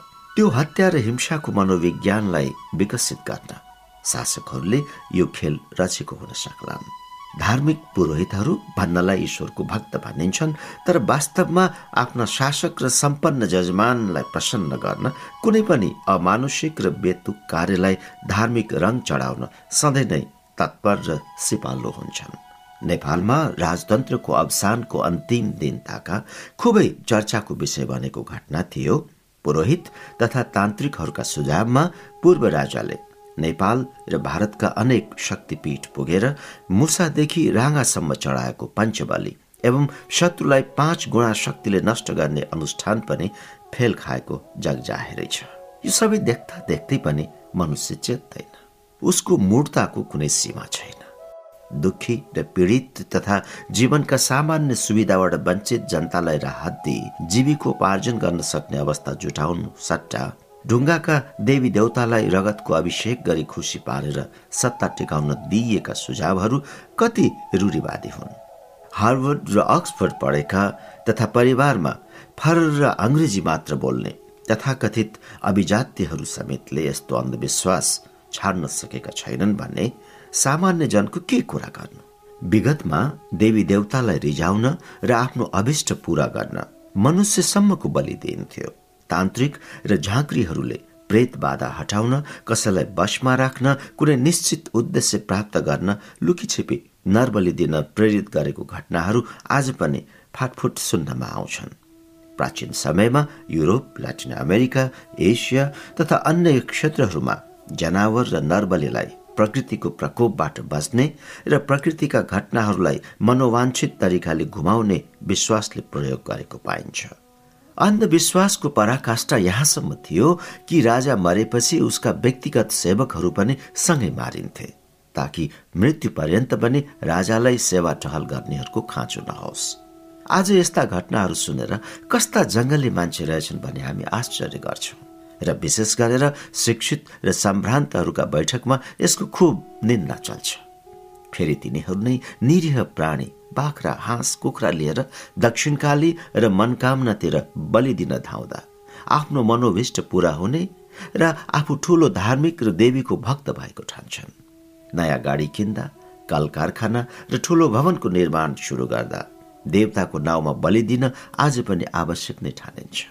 सर्व खलु इदम ब्रह्म अर्थात् सबै ब्रह्म या परमात्मा नै हुन् भन्नेमा आस्था राख्ने अत्यन्त उदार संस्कृति भएको हिन्दू धर्म यस्तो कुरीतिको दलदलमा फसेको र यसबाट निकाल्न नसकेकोमा हामी सबै बौद्धिक र शिक्षित वर्ग जिम्मेवार छौँ। जस्तो सुकै पूर्वाग्रहबाट पनि मुक्त हुन गाह्रो हुन्छ किनभने ती पूर्वाग्रहहरूले हाम्रो अचेतनमा गहिरो जरो जमाइसकेको हुन्छ। अझ त्यसमा पनि धर्मको नाममा चलेको पूर्वाग्रहबाट मुक्त हुन त अत्यन्त दुराह छ बुद्धले पच्चिस सय पचास वर्ष पहिले गरेको विद्रोह मुख्यतया वैदिक धर्मको आधार बनिसकेको यज्ञमा हुने बलि प्रथाको नै थियो। यसै कारणले हिन्दूहरूले बुद्धलाई वेद विरोधी र नास्तिकको संज्ञा दिए। गत साता म बुद्ध जन्मस्थली लुम्बिनीमा थिएँ। त्यहाँ बुद्धका पञ्चशील ठाउँ ठाउँमा लेखिएका थिए। प्राणी मात्र प्रति कुनै हिंसा नगर्नु पञ्चशीलको सन्देश हो। तर त्यहाँ बस्ने बुद्ध विहारका सबै भिक्षु मांसाहारी रहेछन् पुरै लुम्बिनीमा धेरै खोजे पनि मैले एउटा पनि शाकाहारी भोजन गर्ने ठाउँ भेट्टाउन सकिनँ। त्यहाँ एउटा शाकाहारी रेस्टुरेन्ट खोलिएको त रहेछ तर त्यो पनि ग्राहक नपाएर बन्द भएछ। प्राणी मात्र प्रति अहिंसाको बिहान बेलुका पाठ गर्ने बौद्ध भिक्षुहरू पनि आफ्नो जिब्राको तृष्णाका लागि अरूको जीवन लिन बिल्कुलै नहिचकिचाएको देखेर म छक्क परे। बुद्ध मांसाहारी परिवारमा जन्मेका थिए। तर साधना सुरु गरेपछि उनको आहार विहारमा व्यापक परिवर्तन भएको थियो। उनी शुद्ध शाकाहारी बनेका थिए। बुद्ध धर्ममा मांसाहारले कसरी प्रवेश पायो यसको पनि एक रोचक प्रसङ्ग छ। बुद्धले आफ्ना भिक्षुहरूलाई भन्ने गर्थे भिक्षा लिँदा विशेष भोजनको आग्रह नगर जसले जे दिन्छ त्यही स्वीकार गर। बुद्ध र उनका सबै शिष्य शाकाहारी हुन् भन्ने समाजमा सबैलाई थाहा थियो र भिक्षामा सधैँ शाकाहारी खाद्य पदार्थ नै दिइन्थ्यो। एकपटक एक भिक्षु भिक्षा लिई सङ्घतिर फर्किरहेका थिए। मासुको टुक्रा लिएर उडिरहेको एक पंक्षीको टुँडोबाट त्यो मासुको टुक्रा भिक्षा पात्रमै खस्न गएछ। ती भिक्षु दुविधामा परे यो भोजन म गरौँ कि नगरौँ? भिक्षा पात्र लिई उनी बुद्ध कहाँ आफ्नो प्रश्न लिई उपस्थित भए। उनको प्रश्न सुनेर बुद्ध पनि एकछिन चिन्तनमा डुब्नु भयो यदि यो भोजन नखाऊ फाल भनियो भने भोलिदेखि अरू भिक्षुहरूले पनि भिक्षा पात्रमा आएको मन परेको चिज मात्रै खानेछन् र मन नपरेको फाल्नेछन्।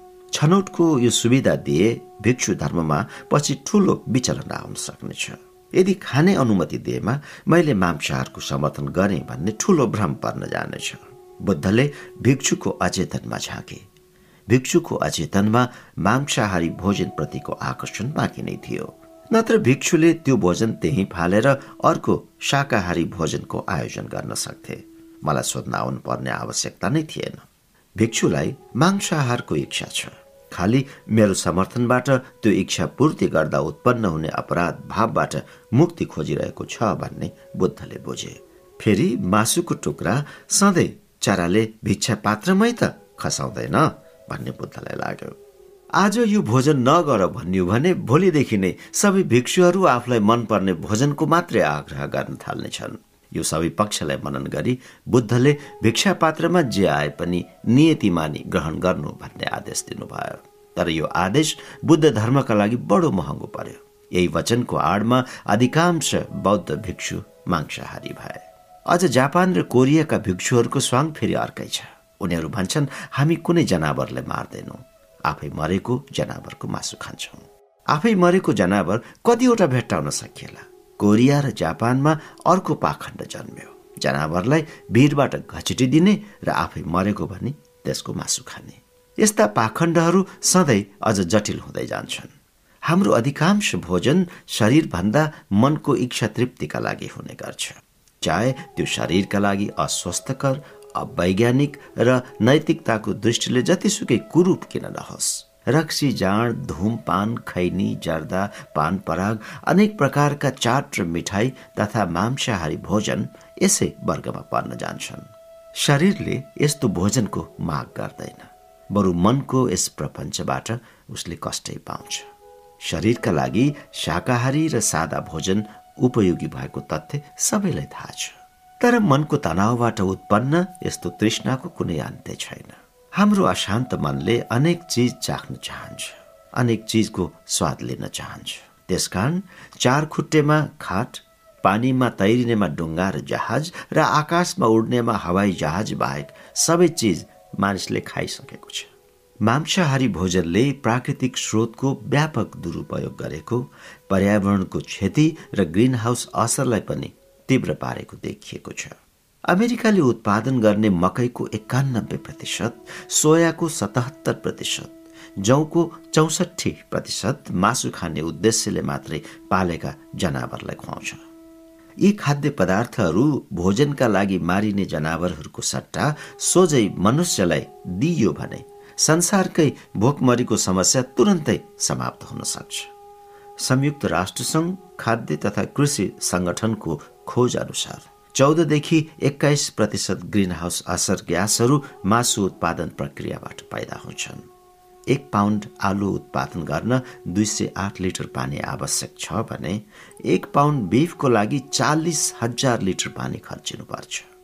अमेरिकीहरूले आफ्नो भोजनबाट मांसाहार दस प्रतिशतले मात्रै घटाए भने दस करोड भोका व्यक्तिलाई पर्याप्त शाकाहारी भोजन दिन सकिन्छ। मांसाहारबाट भइरहेको विश्वस्तरीय पर्यावरणीय क्षतिका अन्य आँकडाहरू पढ्नुभयो भने ती अत्यन्त डर लाग्दा छन् यो सबै देखेर के लाग्छ भने मानिस विचारशील प्राणी भने पक्कै होइन। उसले जे गर्न चाहन्छ त्यो निर्णय पहिले गरिसकेको हुन्छ। तर पछि तर्कद्वारा उसले त्यसको समर्थन मात्र जुटाउँछ। देवी देवताको नाममा चलेको बलि प्रथा यस्तै जेब्राको स्वादको लागि समर्थन खोज्ने एक उपाय मात्र हो। त्यसकारण Leo Tolstoy Gandhi Rabindranath Tagore Bernard Shaw Einstein जस्ता शाकाहारी भोजन गर्ने र गहिरो अन्तर्दृष्टि राख्ने व्यक्तिहरूको दावा छ। जबसम्म हिंसाद्वारा भोजन जुटाइन्छ तबसम्म संसारमा कुनै न कुनै प्रकारले युद्ध चलि नै रहन्छ। यो पंक्तिकारलाई थाहा छ भोजन आवश्यकता भन्दा पनि बानी हो। यो अचेतनमा लुकेको आदत र तनावबाट उठ्छ। भोजनमा परिवर्तन ल्याउनु सहज कुरो पक्कै होइन। पुरै जीवनको परिवर्तन नगरी भोजनमा परिवर्तन आउँदैन। भोजन परिवर्तन बिना जीवन व्यवहारमा पनि परिवर्तन सम्भव हुँदैन। त्यसकारण यो लेख सुनेरै तपाईँ शाकाहारी बन्नुहुन्छ भन्ने त्यति असम्भव आशा म राख्दिनँ। मेरो निवेदन यति मात्रै हो कि आफ्नो जिब्राको स्वाद पूर्तिका लागि गर्ने हत्याको जिम्मेवारी तपाईँ आफै बोक्नुहोस्। अमुक देवी देवताको काँधमा नहाल्नुहोस् उनीहरू बिचरा निर्दोष छन्। गरिबीको प्रेत योनिबाट मुक्ति दिलाउने भगीरथको प्रतीक्षा। चालिस वर्ष पूर्व द्वारिका साधना शिविरमा ओसोसँग पहिलो व्यक्तिगत संवादमा उहाँले भन्नुभएका दुई कुराको मलाई स्मरण छ जो मेरो जीवनको मार्गदर्शन बन्न गयो र हजारौं व्यक्तिको जीवनमा परिवर्तनको सूत्रधार बन्न गए।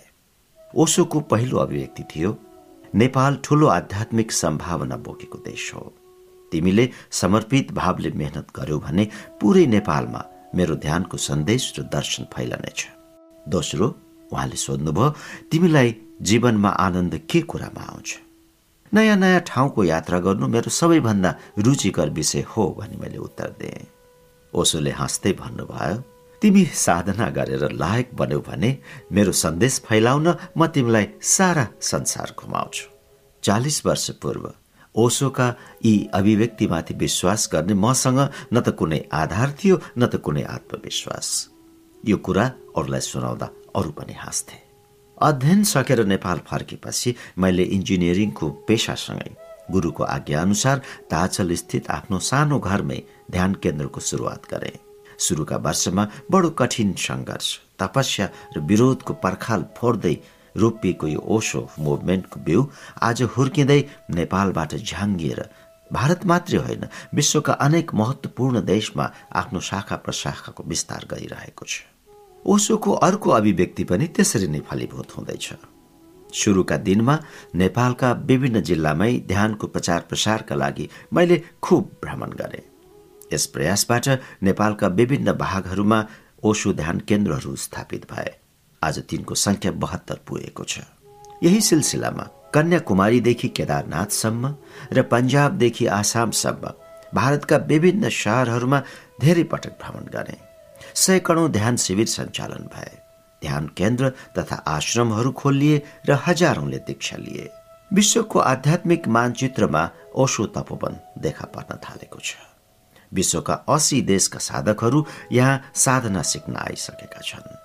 सन् उन्नाइस सय नब्बेमा ओशो तपोवनको स्थापना पछि यहाँ आउने विदेशी साधकहरूको आमन्त्रणले गर्दा हाम्रो यात्रा र कार्यक्षेत्र विश्वभरि फैलँदछ वर्षका धेरै समय मैले विदेश यात्रामा बिताइरहनु पारेको छ। त्यसै क्रममा हामी प्रत्येक वर्ष America Canada France Germany England Italy Holland Switzerland Norway Ukraine Russia Malaysia Singapore इत्यादि देशमा पुग्ने गरेका छौँ। तापनि नयाँ नयाँ मुलुकहरूबाट आइरहेका आमन्त्रण हामी पूरा गर्न सकिरहेका छैनौँ। यसरी चालिस वर्ष पूर्व सामान्य झैँ लाग्ने गुरुका ती अभिव्यक्तिहरूले ठोस मूर्त रूप लिइरहेका छन्। त्यो बेला मलाई के थाहा बुद्ध पुरुषको मुखबाट जे कुरा निस्कन्छन् ती ब्रह्म वाक्य नै हुन्छन्। मनको सीमाबाट मुक्त भई समष्टि चेतनासँग एक भइसकेको व्यक्तिबाट अस्तित्व नै बोल्दो रहेछ र उनका शब्दहरूलाई अस्तित्वले नै मूर्त रूप दिँदो रहेछ। त्यसकारण संसारका सबै धर्म र संस्कृतिहरूमा सच्चा र निस्वार्थ साधु र जोगीहरूको आशीर्वाद लाग्ने आस्था त्यसै बसेको होइन। हाम्रो यात्राको उद्देश्य आध्यात्मिक भए पनि भ्रमणका सन्दर्भमा त्यस देशका विभिन्न विषयवस्तुहरू निहालेर अवलोकन गर्न पाइन्छ र उनीहरूको भौतिक प्रगतिको चमत्कार देख्न पाइन्छ। यसै क्रममा आफ्नो देशको अवस्था र दुर्गतिको टड्कारो बोध हुन थाल्छ। विदेश गएपछि त्यहाँ हरेक वर्ष देखिने प्रगतिले आफ्नो देशको यथास्थितिवाद र दिनदिनो भइरहेको दुर्गतिले पिरोल्छ। फ्रान्समा प्रति घण्टा तीन सय किलोमिटर भन्दा तीव्र गतिमा दौडिने टिजिबी ट्रेन चढ्दा एक सुखद आश्चर्य लाग्छ।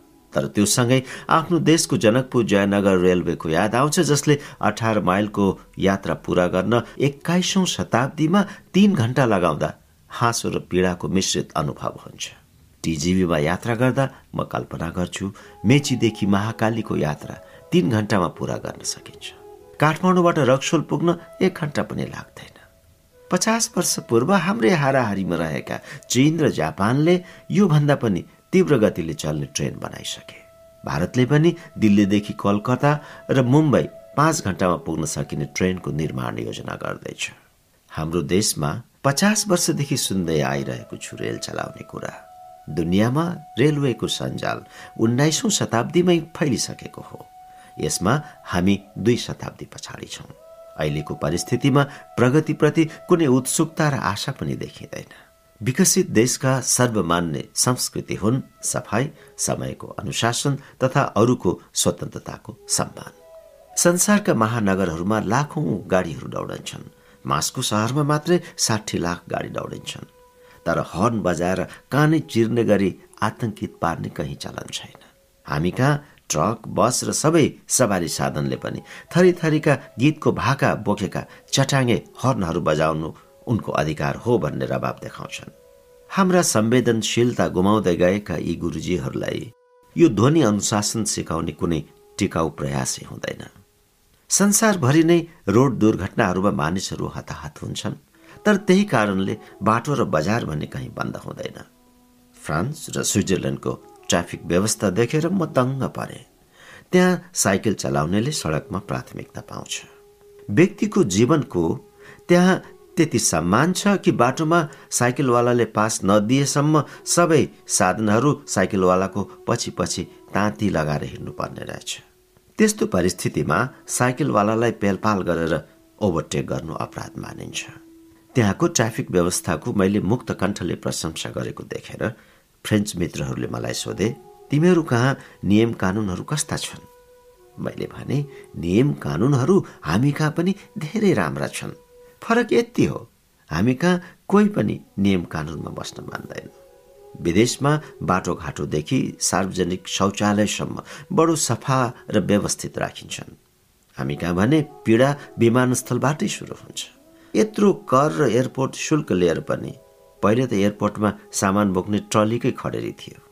गैर आवासीय नेपालीहरूले यो समस्या देखेर आफ्नै तर्फबाट ट्रली उपलब्ध गराइदिएका छन्। अन्य समस्याहरू जहाँको त्यही छन्।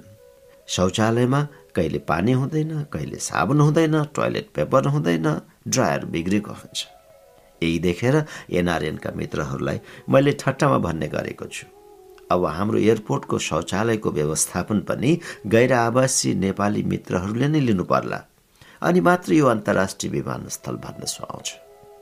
सबैभन्दा अपमानको बोध त्यतिखेर हुन्छ जब अरू देशका मानिसहरू खुरुखुरु गइरहेका हुन्छन्। तर नेपाली हरियो पासपोर्ट देख्ने बित्तिकै विदेशी अध्यागमन र भन्सारले नेपालीलाई अनावश्यक घेरकार गर्न सुरु गर्छन्। आधा शताब्दी पूर्व हाम्रा छिमेकी र दुनियाँका अधिकांश मुलुकहरूको आर्थिक र सामाजिक विकासको अवस्था हाम्रो जस्तै थियो। विगत केही वर्षहरूमा एसियाकै हाम्रै छिमेकी केही देशहरूका विकासोन्मुखी नेताहरूको प्रयासले ती देशहरू अविकसित देशको श्रेणीबाट एकैचोटि विकसित मुलुकको स्तरमा फड्को मारिसके। चीनका देन पिङले माओको कठोर साम्यवादलाई ली क्वान युले मानव अधिकारका धारणालाई मलेसियाका महाथिर मोहम्मदले इस्लामिक आकांक्षाहरूलाई मनमोहन सिंहले भारतले वर्षौंदेखि पेवा राखेको समाजवादलाई नेपथ्यमा थन्काई आर्थिक विकासलाई प्रमुख मुद्दा बनाई निरन्तर लागिरहे। अनेक विरोध खेपे तर खुट्टा कमाएनन् आर्थिक प्रगतिका यी सम्वाहकहरूले आफ्नै देशका अनुदार यथास्थितिवादीबाट अनेक विरोध खेपे तर जनताले गरिबी र पछौटेपनबाट केही उन्मुक्ति र आर्थिक समृद्धिको सुख पाइसकेपछि यी सबै नेताहरूले देशमा मात्र इज्जत कमाएनन्। विश्व परिदृश्यमा आफ्नो नौलो र साहसिक पहिचान कायम गरे। सैद्धान्तिक र राजनीतिक विवादलाई थाँती राखी तीव्र विकासको मौलिक मोडलहरूको प्रयोग गरेर देशलाई प्रगतिको केही खुड्किलो चढाएपछि मात्र अरू कुरा निकाल्नुपर्छ भन्ने कुरा हामीले सिक्नै पर्छ।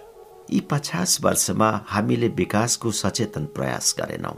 खालि राजनीति गर्यौं आज पनि हाम्रा राजनेताहरूको भनाई र व्यवहार हेर्ने हो भने विकास उनीहरूको प्राथमिकतामा पर्दैन। उनीहरूमा खालि अरूको खोट र गल्ती निकाली जनता उत्तेजित गर्ने विकास र आर्थिक प्रगतिका लागि समय नखर्ची खालि सैद्धान्तिक मतभेदमै समय बिताउने बानी छ। नेपाल जस्तो प्रकृतिले सुन्दर र समृद्ध बनाएको देशलाई पनि गरिब बनाइराख्ने राजनेताहरूको क्षमता देखेर विदेशीहरू छक्क पर्छन्। हामी गरिब कुनै आर्थिक सम्भावना नभएको भएर होइन। हामी गरिबीको दर्शनले डसिएका र गरिबी मनोविज्ञानले पीडित छौँ। हामी पनि समृद्ध हुन सक्छौँ भन्ने याउ नै हाम्रो टुटिसकेको छ।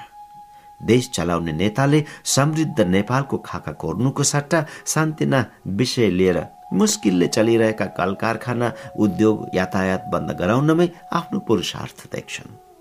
जसरी भगीरथले आफ्नो त्याग र तपश्चर्याले स्वर्गमा लुकेकी गङ्गालाई पृथ्वीमा उतारेर हजारौं आफ्ना पुर्खालाई मुक्ति दिए त्यस्तै समृद्धिको गङ्गालाई नेपालमा उतारेर दरिद्रता अपमान र आत्महीनताको यो दुश्चक्रमा फँसेका हामी दुई करोड पचहत्तर लाख नेपालीलाई दरिद्रताको प्रेत योनिबाट मुक्ति दिलाउने भगीरथको पर्खाइमा नेपाल आमा छिन्। सृजनात्मक र लोक कल्याणकारी राजनीति। साधना शिविर सञ्चालनको क्रममा यसपटक म युरोपमा छँदा नेपाली राष्ट्रिय दैनिकहरूमा सम्माननीय प्रधानमन्त्री श्री माधव कुमार नेपालको अभिव्यक्ति पढ्न पाए। उहाँले माओवादी पार्टीका अध्यक्ष आदरणीय प्रचण्डजीलाई तपोवनमा गई ध्यान गर्ने सुझाव दिनुभएको रहेछ। यस भनाइका दुई पक्ष हुन सक्छन्। एक हो राजनीतिक। राजनीतिमा यस्ता घोचपेच चलि नै रहन्छन् जो हामी साधकका लागि विशेष सरोकारको विषय भएन। तर त्यसको अर्को पक्ष राज्यका सम्माननीय राज्य प्रमुखले व्यक्तिमा रूपान्तरणका लागि तपोवनलाई सम्झनु र तपोवन जाने सुझाव दिनु। तपोवनको स्थापना र विकासमा जीवन अर्पित गर्ने व्यक्तिलाई औधी खुसी लाग्नु स्वाभाविक नै थियो। म मात्रै होइन। नेपालका पैँसठी हजार ओसो सन्यासी तथा लाखौं ओसोका पाठक र प्रेमीका लागि योभन्दा ठूलो सम्मानजनक अर्को अभिव्यक्ति के हुन सक्थ्यो र? यस अतिरिक्त अध्यात्ममा अभिरुचि राख्ने जोसुकैलाई पनि जनताका लागि निर्णय गर्ने व्यक्तिहरूले केही समय शान्त भई आँखा चिम्लेर आत्मचिन्तन र आत्मशुद्धिमा बिताए उनीहरूको हृदयमा करुणा र विवेकको जन्म हुन्थ्यो। उनीहरूका निर्णय अझ विधायक र सृजनात्मक हुने थिए। त्यही आशाले पनि होला मैले भेटेका देश विदेशका मूर्धन्य बुद्धिजीवीहरूले पनि राजनेताहरूलाई पनि ध्यान गराउनु पर्यो भन्ने सल्लाह दिइरहन्छन्। समस्या समस्याको भुमरीले घेरिएका सम्मान्य प्रधानमन्त्रीजीलाई तपोवनको याद आउनु र साधनालाई पनि समाधानको एक विकल्पको रूपमा बुझ्नु एक सुखद र शुभ सङ्केत हो। यस्तो भावनाले व्यावहारिक रूप लिन पाए।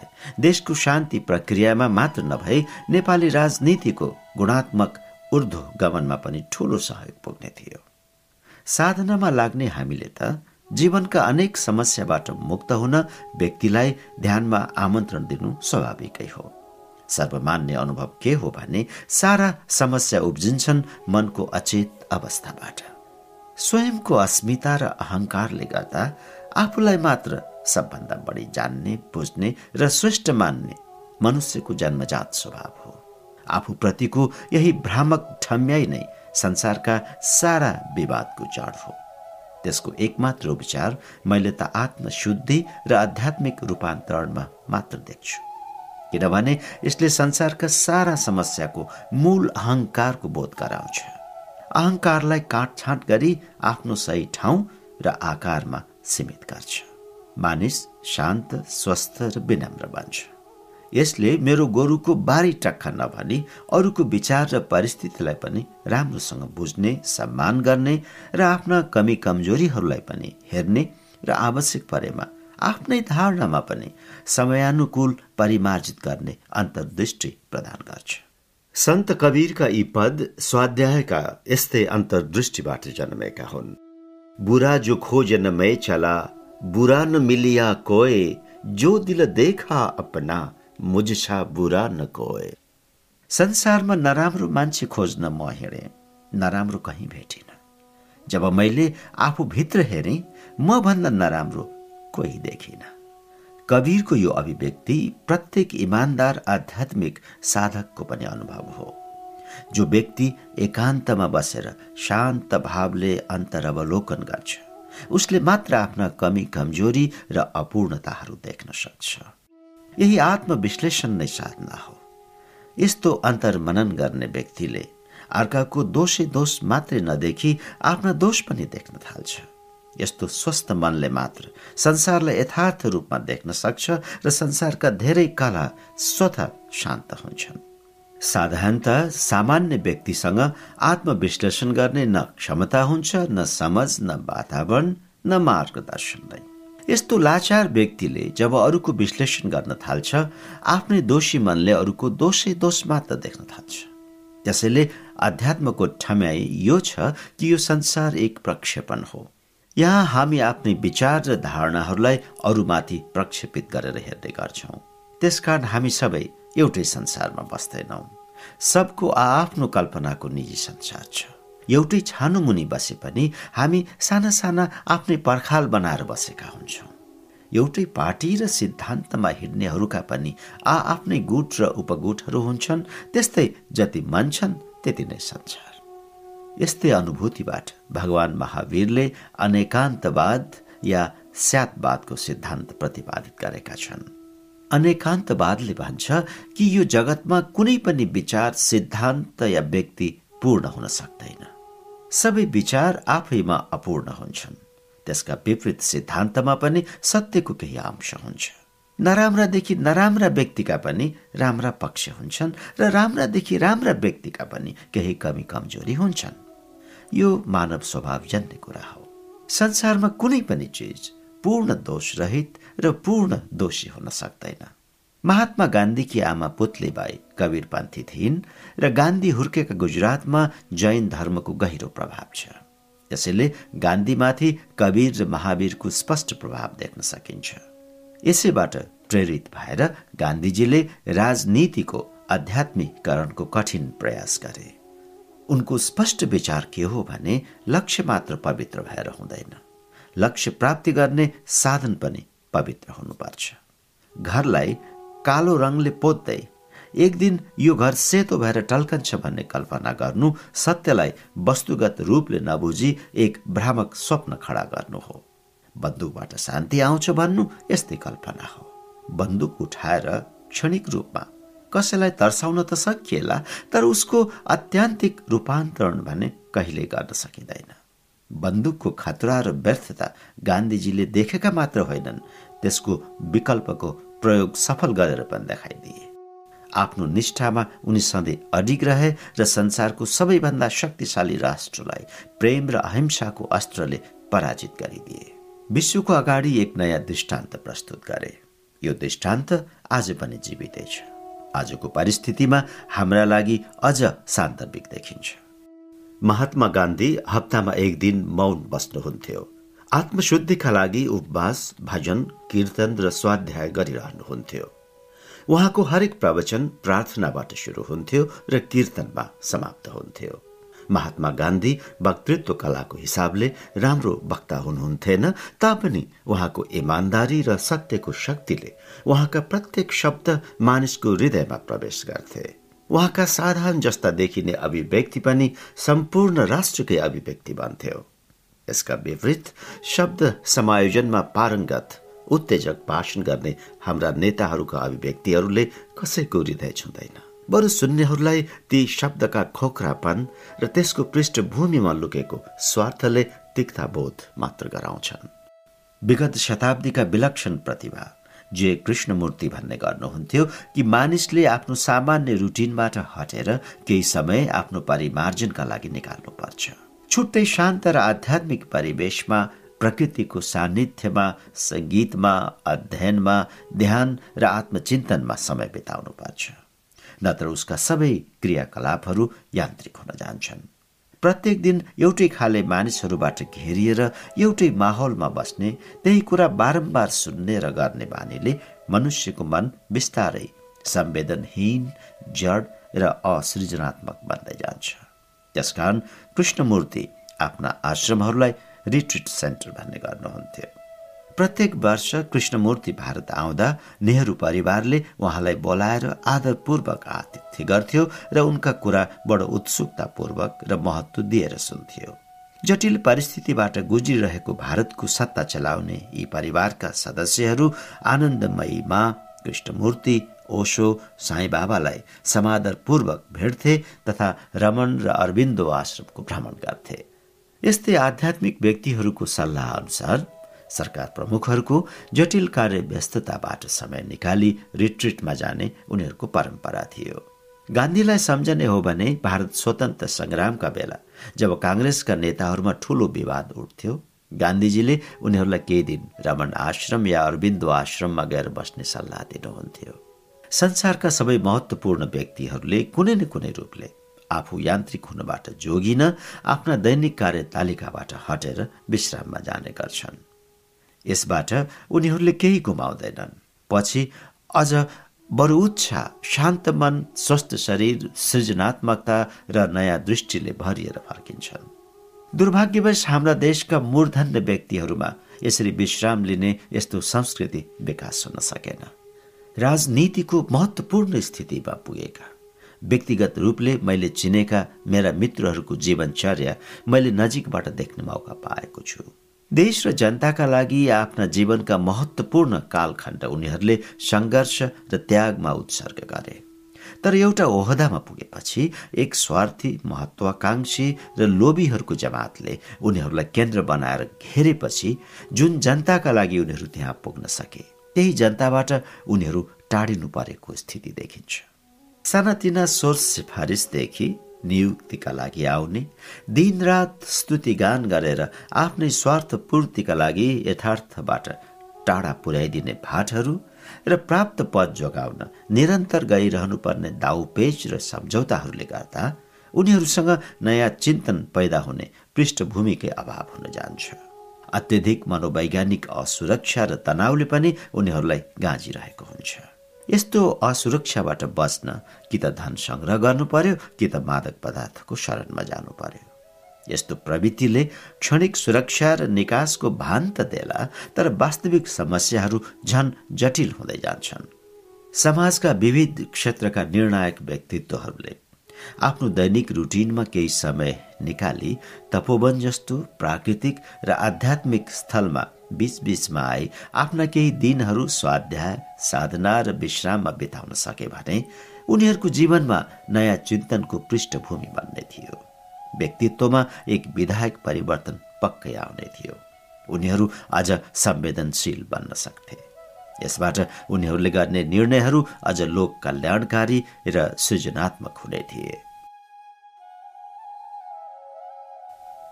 पुनर्जन्मको वास्तविकता।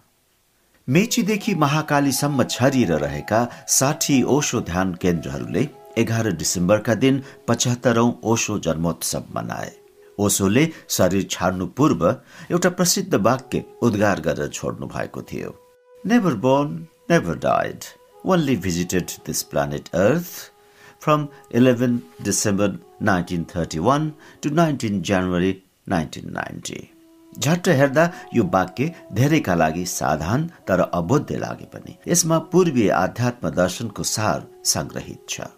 गीताको चौथो अध्यायको छैठौं श्लोकमा भगवान श्रीकृष्णले पनि यही भनेका छन् म अजन्मा अविनाशी तथा सबै प्राणीहरूको ईश्वर भए पनि प्रकृतिको अधीनमा आफ्नो योग मायाद्वारा प्रकट हुन्छु। अजन्मा र अविनाशी स्वरूपको अर्थ जसको न जन्म छ न मृत्यु।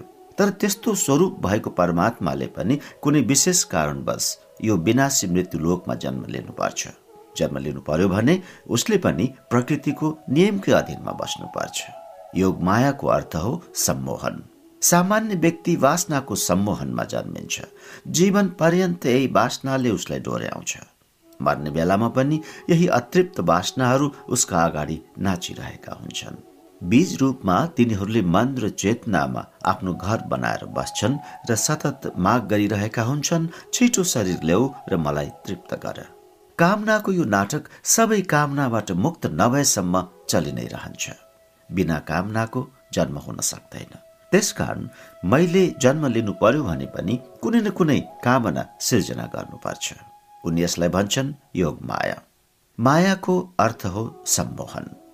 हामी पनि सम्मोहनमै जन्मन्छौँ तर हाम्रो सम्मोहन हुन्छ कामना तृप्तिमा पाइने क्षणिक सुखको। त्यो कामनामा पनि सबैभन्दा प्रबल कामना हो यौन इच्छा। अधिकांश व्यक्तिहरूको मर्ने बेला पनि मनमा यौन इच्छा नै खेलिरहेको हुन्छ। त्यसैले यौनद्वारा नै उसलाई जन्माइन्छ। कृष्ण चैतन्य जस्तो व्यक्तिलाई पनि जन्मिनलाई पनि केही माया सृजित गर्नुपर्छ। त्यो होसपूर्वक आफै सृजित गरेको हुनाले श्रीकृष्ण त्यसलाई योग माया भन्छन्। तर सम्मोहन नभइकन चेतना पदार्थसँग संयुक्त हुनै सक्दैन। शरीर पञ्चतत्वको पार्थिव खोल हो त्यसभित्र चैतन्यलाई बास गर्न वासनागत सम्मोहन चाहिन्छ। श्रीकृष्णले यही कुरालाई यसै अध्यायको सातौं र आठौं श्लोकमा वर्णन गर्छन्। जब जब धर्मको हानि र अधर्मको वृद्धि हुन्छ तब तब म धर्मको उत्थानका लागि आफ्नो साकार रूपमा प्रकट हुन्छु। त्यस्तै साधुको उद्धार र दुष्टको विनाश तथा धर्मको उत्थानका लागि युग युगमा प्रकट भइरहन्छु। यो सुखको इच्छाले प्रेरित बेहोस आकांक्षा होइन। कल्याणको कामनाले स्वयंद्वारा होसपूर्वक रचित र प्रायोजित आकांक्षा हो। यसै सन्दर्भमा चौथो अध्यायको सुरुको श्रीकृष्ण र अर्जुन बीचको संवाद पनि रोचक छ। हे अर्जुन मेरो र तिम्रो धेरै जन्म भइसके तर तिमीलाई यो याद छैन मलाई सबै याद छ। यो श्लोकले हाम्रो आध्यात्मिक चिन्तनको मूल धारणालाई प्रतिस्थापित गर्छ। भारतमा जन्मेका हिन्दू बौद्ध जैन र सिख धर्मले पुनर्जन्मको सिद्धान्तलाई आफ्नो आधार मानेका छन् र कर्म अनुसार जन्मको प्रक्रिया अगाडि बढ्छ भन्ने यिनको आधारभूत सत्य हो।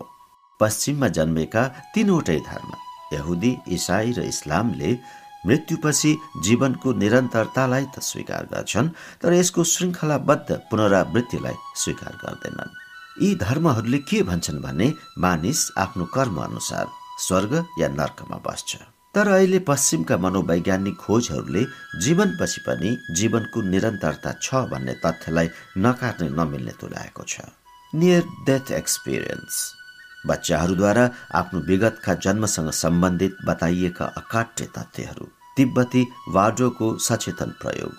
अशरीरी आत्माहरूद्वारा सम्प्रेषित जानकारीहरू तथा स्वप्नमा प्राप्त पराजीवनको अनुभूति र संकेतहरूको खोजले जीवन पछिको जीवनको निरन्तरतालाई प्रत्येक दिन अझ रहस्यमय तर स्पष्टता पनि दिँदै गएको छ। इसाई पूर्वाग्रहमा हुर्केका पश्चिमा वैज्ञानिकहरूलाई यी तथ्यहरू स्वीकार्न गाह्रो भइरहेको छ। सूर्यलाई पृथ्वीले परिक्रमा गर्छ र बृहस्पति ग्रहका पनि उपग्रहहरू छन् भन्ने ग्यालिलियोका खोजलाई मान्न स्थापित चर्च र वैज्ञानिक समाजले अस्वीकार मात्रै गरेन। ग्यालिलियोलाई बन्दी जीवन जिउन बाध्य पारेको थियो। भ्याटिकनका पोपले सन् उन्नाइस सय त्रियानब्बेमा आएर ग्यालिलियोको यो खोजलाई आधिकारिक मान्यता दिए। पूर्वाग्रहले धर्ममा लागेका व्यक्तिहरूलाई मात्र होइन विशुद्ध बौद्धिक र वैज्ञानिकहरूलाई पनि छोड्दैन। किनभने बच्चैमा समाज र परिवारले सिकाएका वृत्तिहरूको परिवर्तन त पीडादायक हुन्छ भने त्यसमा मुक्ति त झन् असम्भव नै लाग्छ। तर अहिले पश्चिममा पूर्वीय दर्शन साधना प्रणाली तथा अनेकन गुरुहरू जस्तै महेश योगी कृष्णमूर्ति ओशो प्रभुपाद अरविन्द रविशङ्कर सत्य साई बाबा योगानन्द रामकृष्ण मिशन रमन आश्रम आदिका बढ्दो प्रभावका कारणले पनि आफ्ना विश्वासको जग धर्मराएको अवस्था छ प्रसिद्ध मनोवैज्ञानिक तथा चिकित्सक डाक्टर ब्रायन बेसको मेनी लाइफ मेनी मास्टर्स तथा सेम सोल मेनी बडिज जस्ता पुस्तकहरूका दसौं लाख प्रतिहरू बिक्री भएका छन् यस्ता विषयवस्तु समेटिएका पुस्तकहरूको लोकप्रियताले पश्चिमको बौद्धिक जगतमा एक क्रान्तिकारी परिवर्तनको संकेत दिइरहेको छ। प्रतिष्ठित चिकित्सक तथा डाक्टर वेजले अज्ञात भय र चिन्ताद्वारा सानैदेखि सताइएकी क्याथरिनको चिकित्साको क्रममा यी भय र चिन्ताको कारणहरू यो जीवनमा घटेका कुनै घटनासँग सम्बन्धित नभेटाएपछि उनले सानो सम्मोहन प्रयोग गरे। यसबाट क्याथरिनले जुन जानकारी दिइन् त्यसप्रति डाक्टर बेजलाई पनि विश्वास भएन। क्याथरिन अँध्यारोदेखि डराउँथिन्।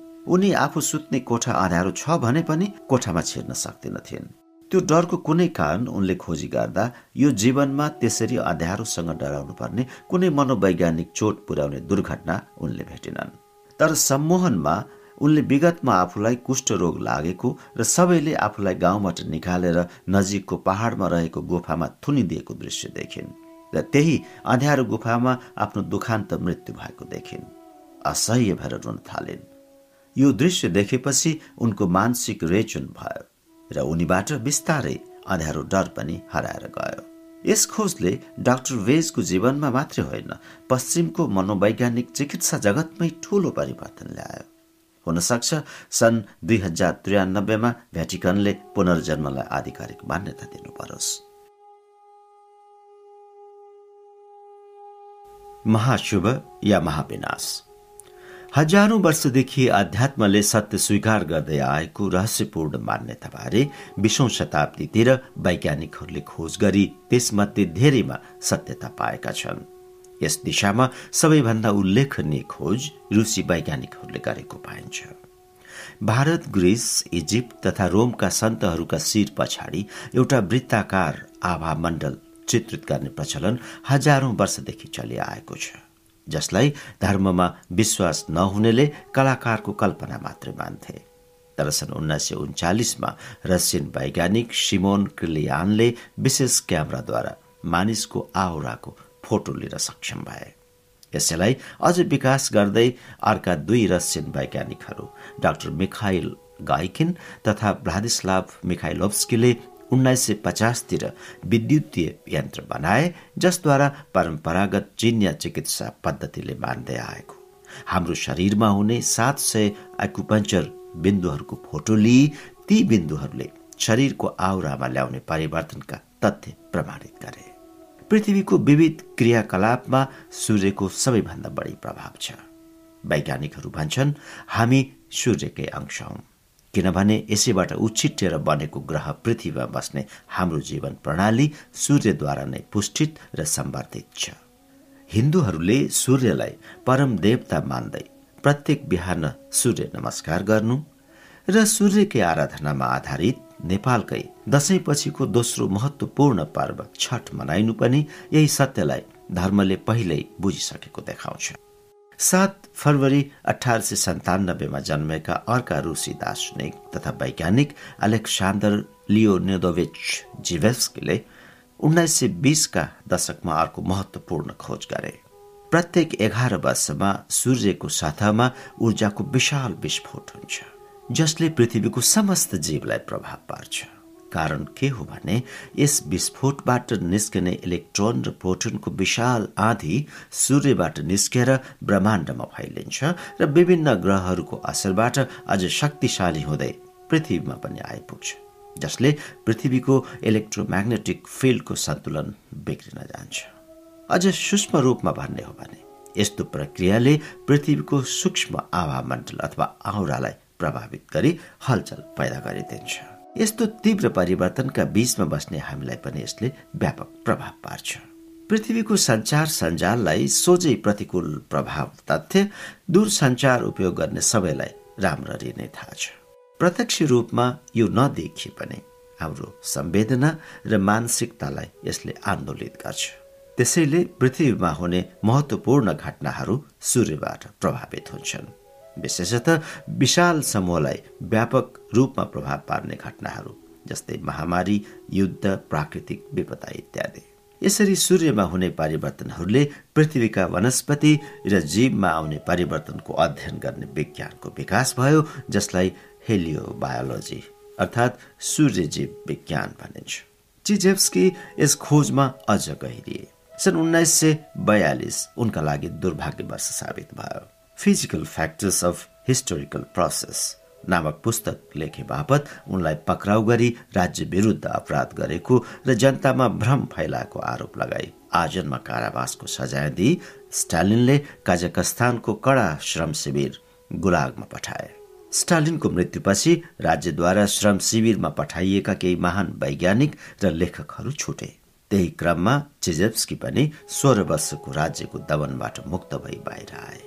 रुग्ण भए तापनि आफ्ना त्यसपछिका बाँकी छ वर्ष। उनले सूर्यले पृथ्वी र वायुमण्डलमा पार्ने असरको अध्ययन र खोजमै बिताए।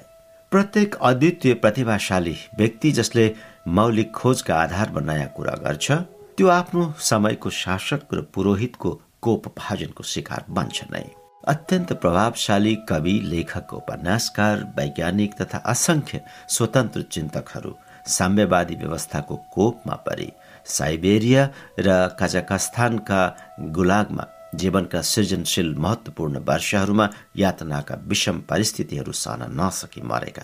विक्षिप्त र विकलाङ्ग भएका। असंख्य दारूण कथा रुसको बारम्बार यात्राका क्रममा सुन्दा हृदय विदीर्ण हुन्छ। यदि उनीहरूले त्यो समय स्वतन्त्र रूपले खोज र अध्ययनमा समर्पित गर्न पाएका भए सायद रुसको आज अर्कै गौरवमय इतिहास हुने थियो र पुरै मनुष्यता सम्पन्न हुने थियो।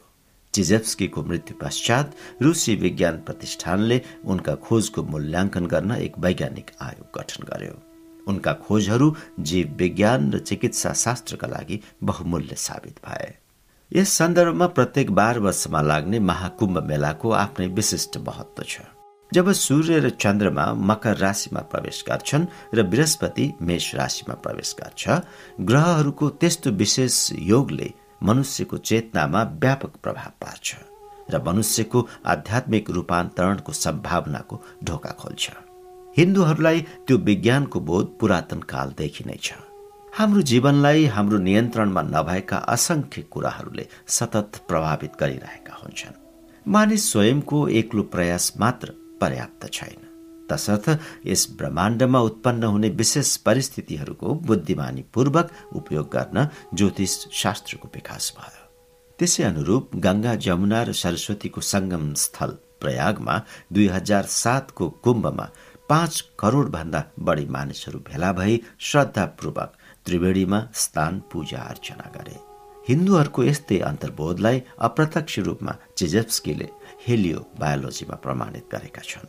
अध्यात्मवादीहरूको आफ्नै मान्यता छ कि प्रत्येक पच्चिस सय वर्षपछि सूर्यले अर्को कुनै महासूर्यको एक परिभ्रमण पूरा गर्छ र त्यसले मनुष्यको चेतनामा एक दूरगामी परिवर्तन ल्याउँछ।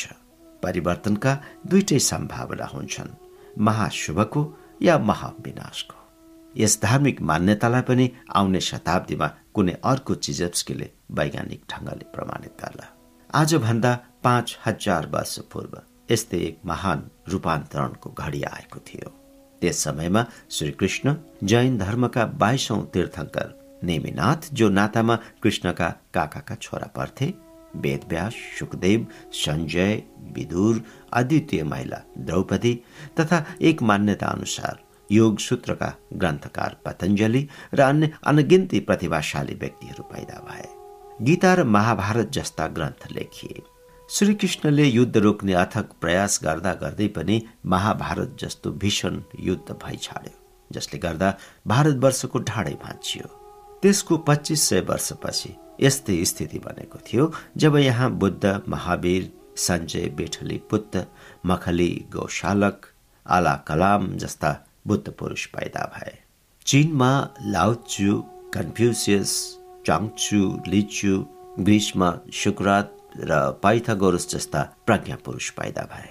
सम्पूर्ण जगतमा मनुष्यको चेतनाले एक शिखर छोयो जसको गहिरो प्रभाव आजसम्म छ। त्यसको पच्चिस सय वर्षपछि आज हामी त्यस्तै रूपान्तरणकारी क्षणमा उभिएका छौँ। यो कालखण्डमा एकसाथ अनेक बुद्ध पुरुष पैदा भइरहेका छन्। रामकृष्ण विवेकानन्द अरविन्द र परमहंस योगानन्द कृष्णमूर्ति रमण महर्षि आनन्दमयी मा शिवपुरी बाबा साई बाबा दलाई लामा र ओसो इत्यादि यिनीहरूको सम्मिलित प्रयासले मनुष्यको चेतना एक उचाइ लिन प्रयासरत छ युद्ध हिंसा आतंकवाद अतिभोगवादी चिन्तन मादक पदार्थ तथा घातक औषधिहरूमा निर्भर हुँदै गएको मनुष्य जीवन प्रकृतिको अति दोहन र अविवेकी विकास नीतिले भएको वातावरणीय क्षयबाट यस पृथ्वीको सम्पूर्ण जीवन नै नष्ट हुने सम्भावना पनि बढ्दै गइरहेको छ। हामी एक महान संक्रमण कालबाट गुजिरहेका छौँ। या त पृथ्वी पुरै विनष्ट हुन्छ या त हाम्रो चेतनाको रूपान्तरणबाट सम्पूर्ण पृथ्वी एक परिवार बन्छ। विश्व सरकारको गठन हुन्छ र हजारौं वर्षदेखि हामीले कल्पना गरेको स्वर्णिम काल अवतरित हुन्छ। यसै सन्दर्भमा ओसो भन्छन् time is short either we have to change or vacate this beautiful planet, Earth.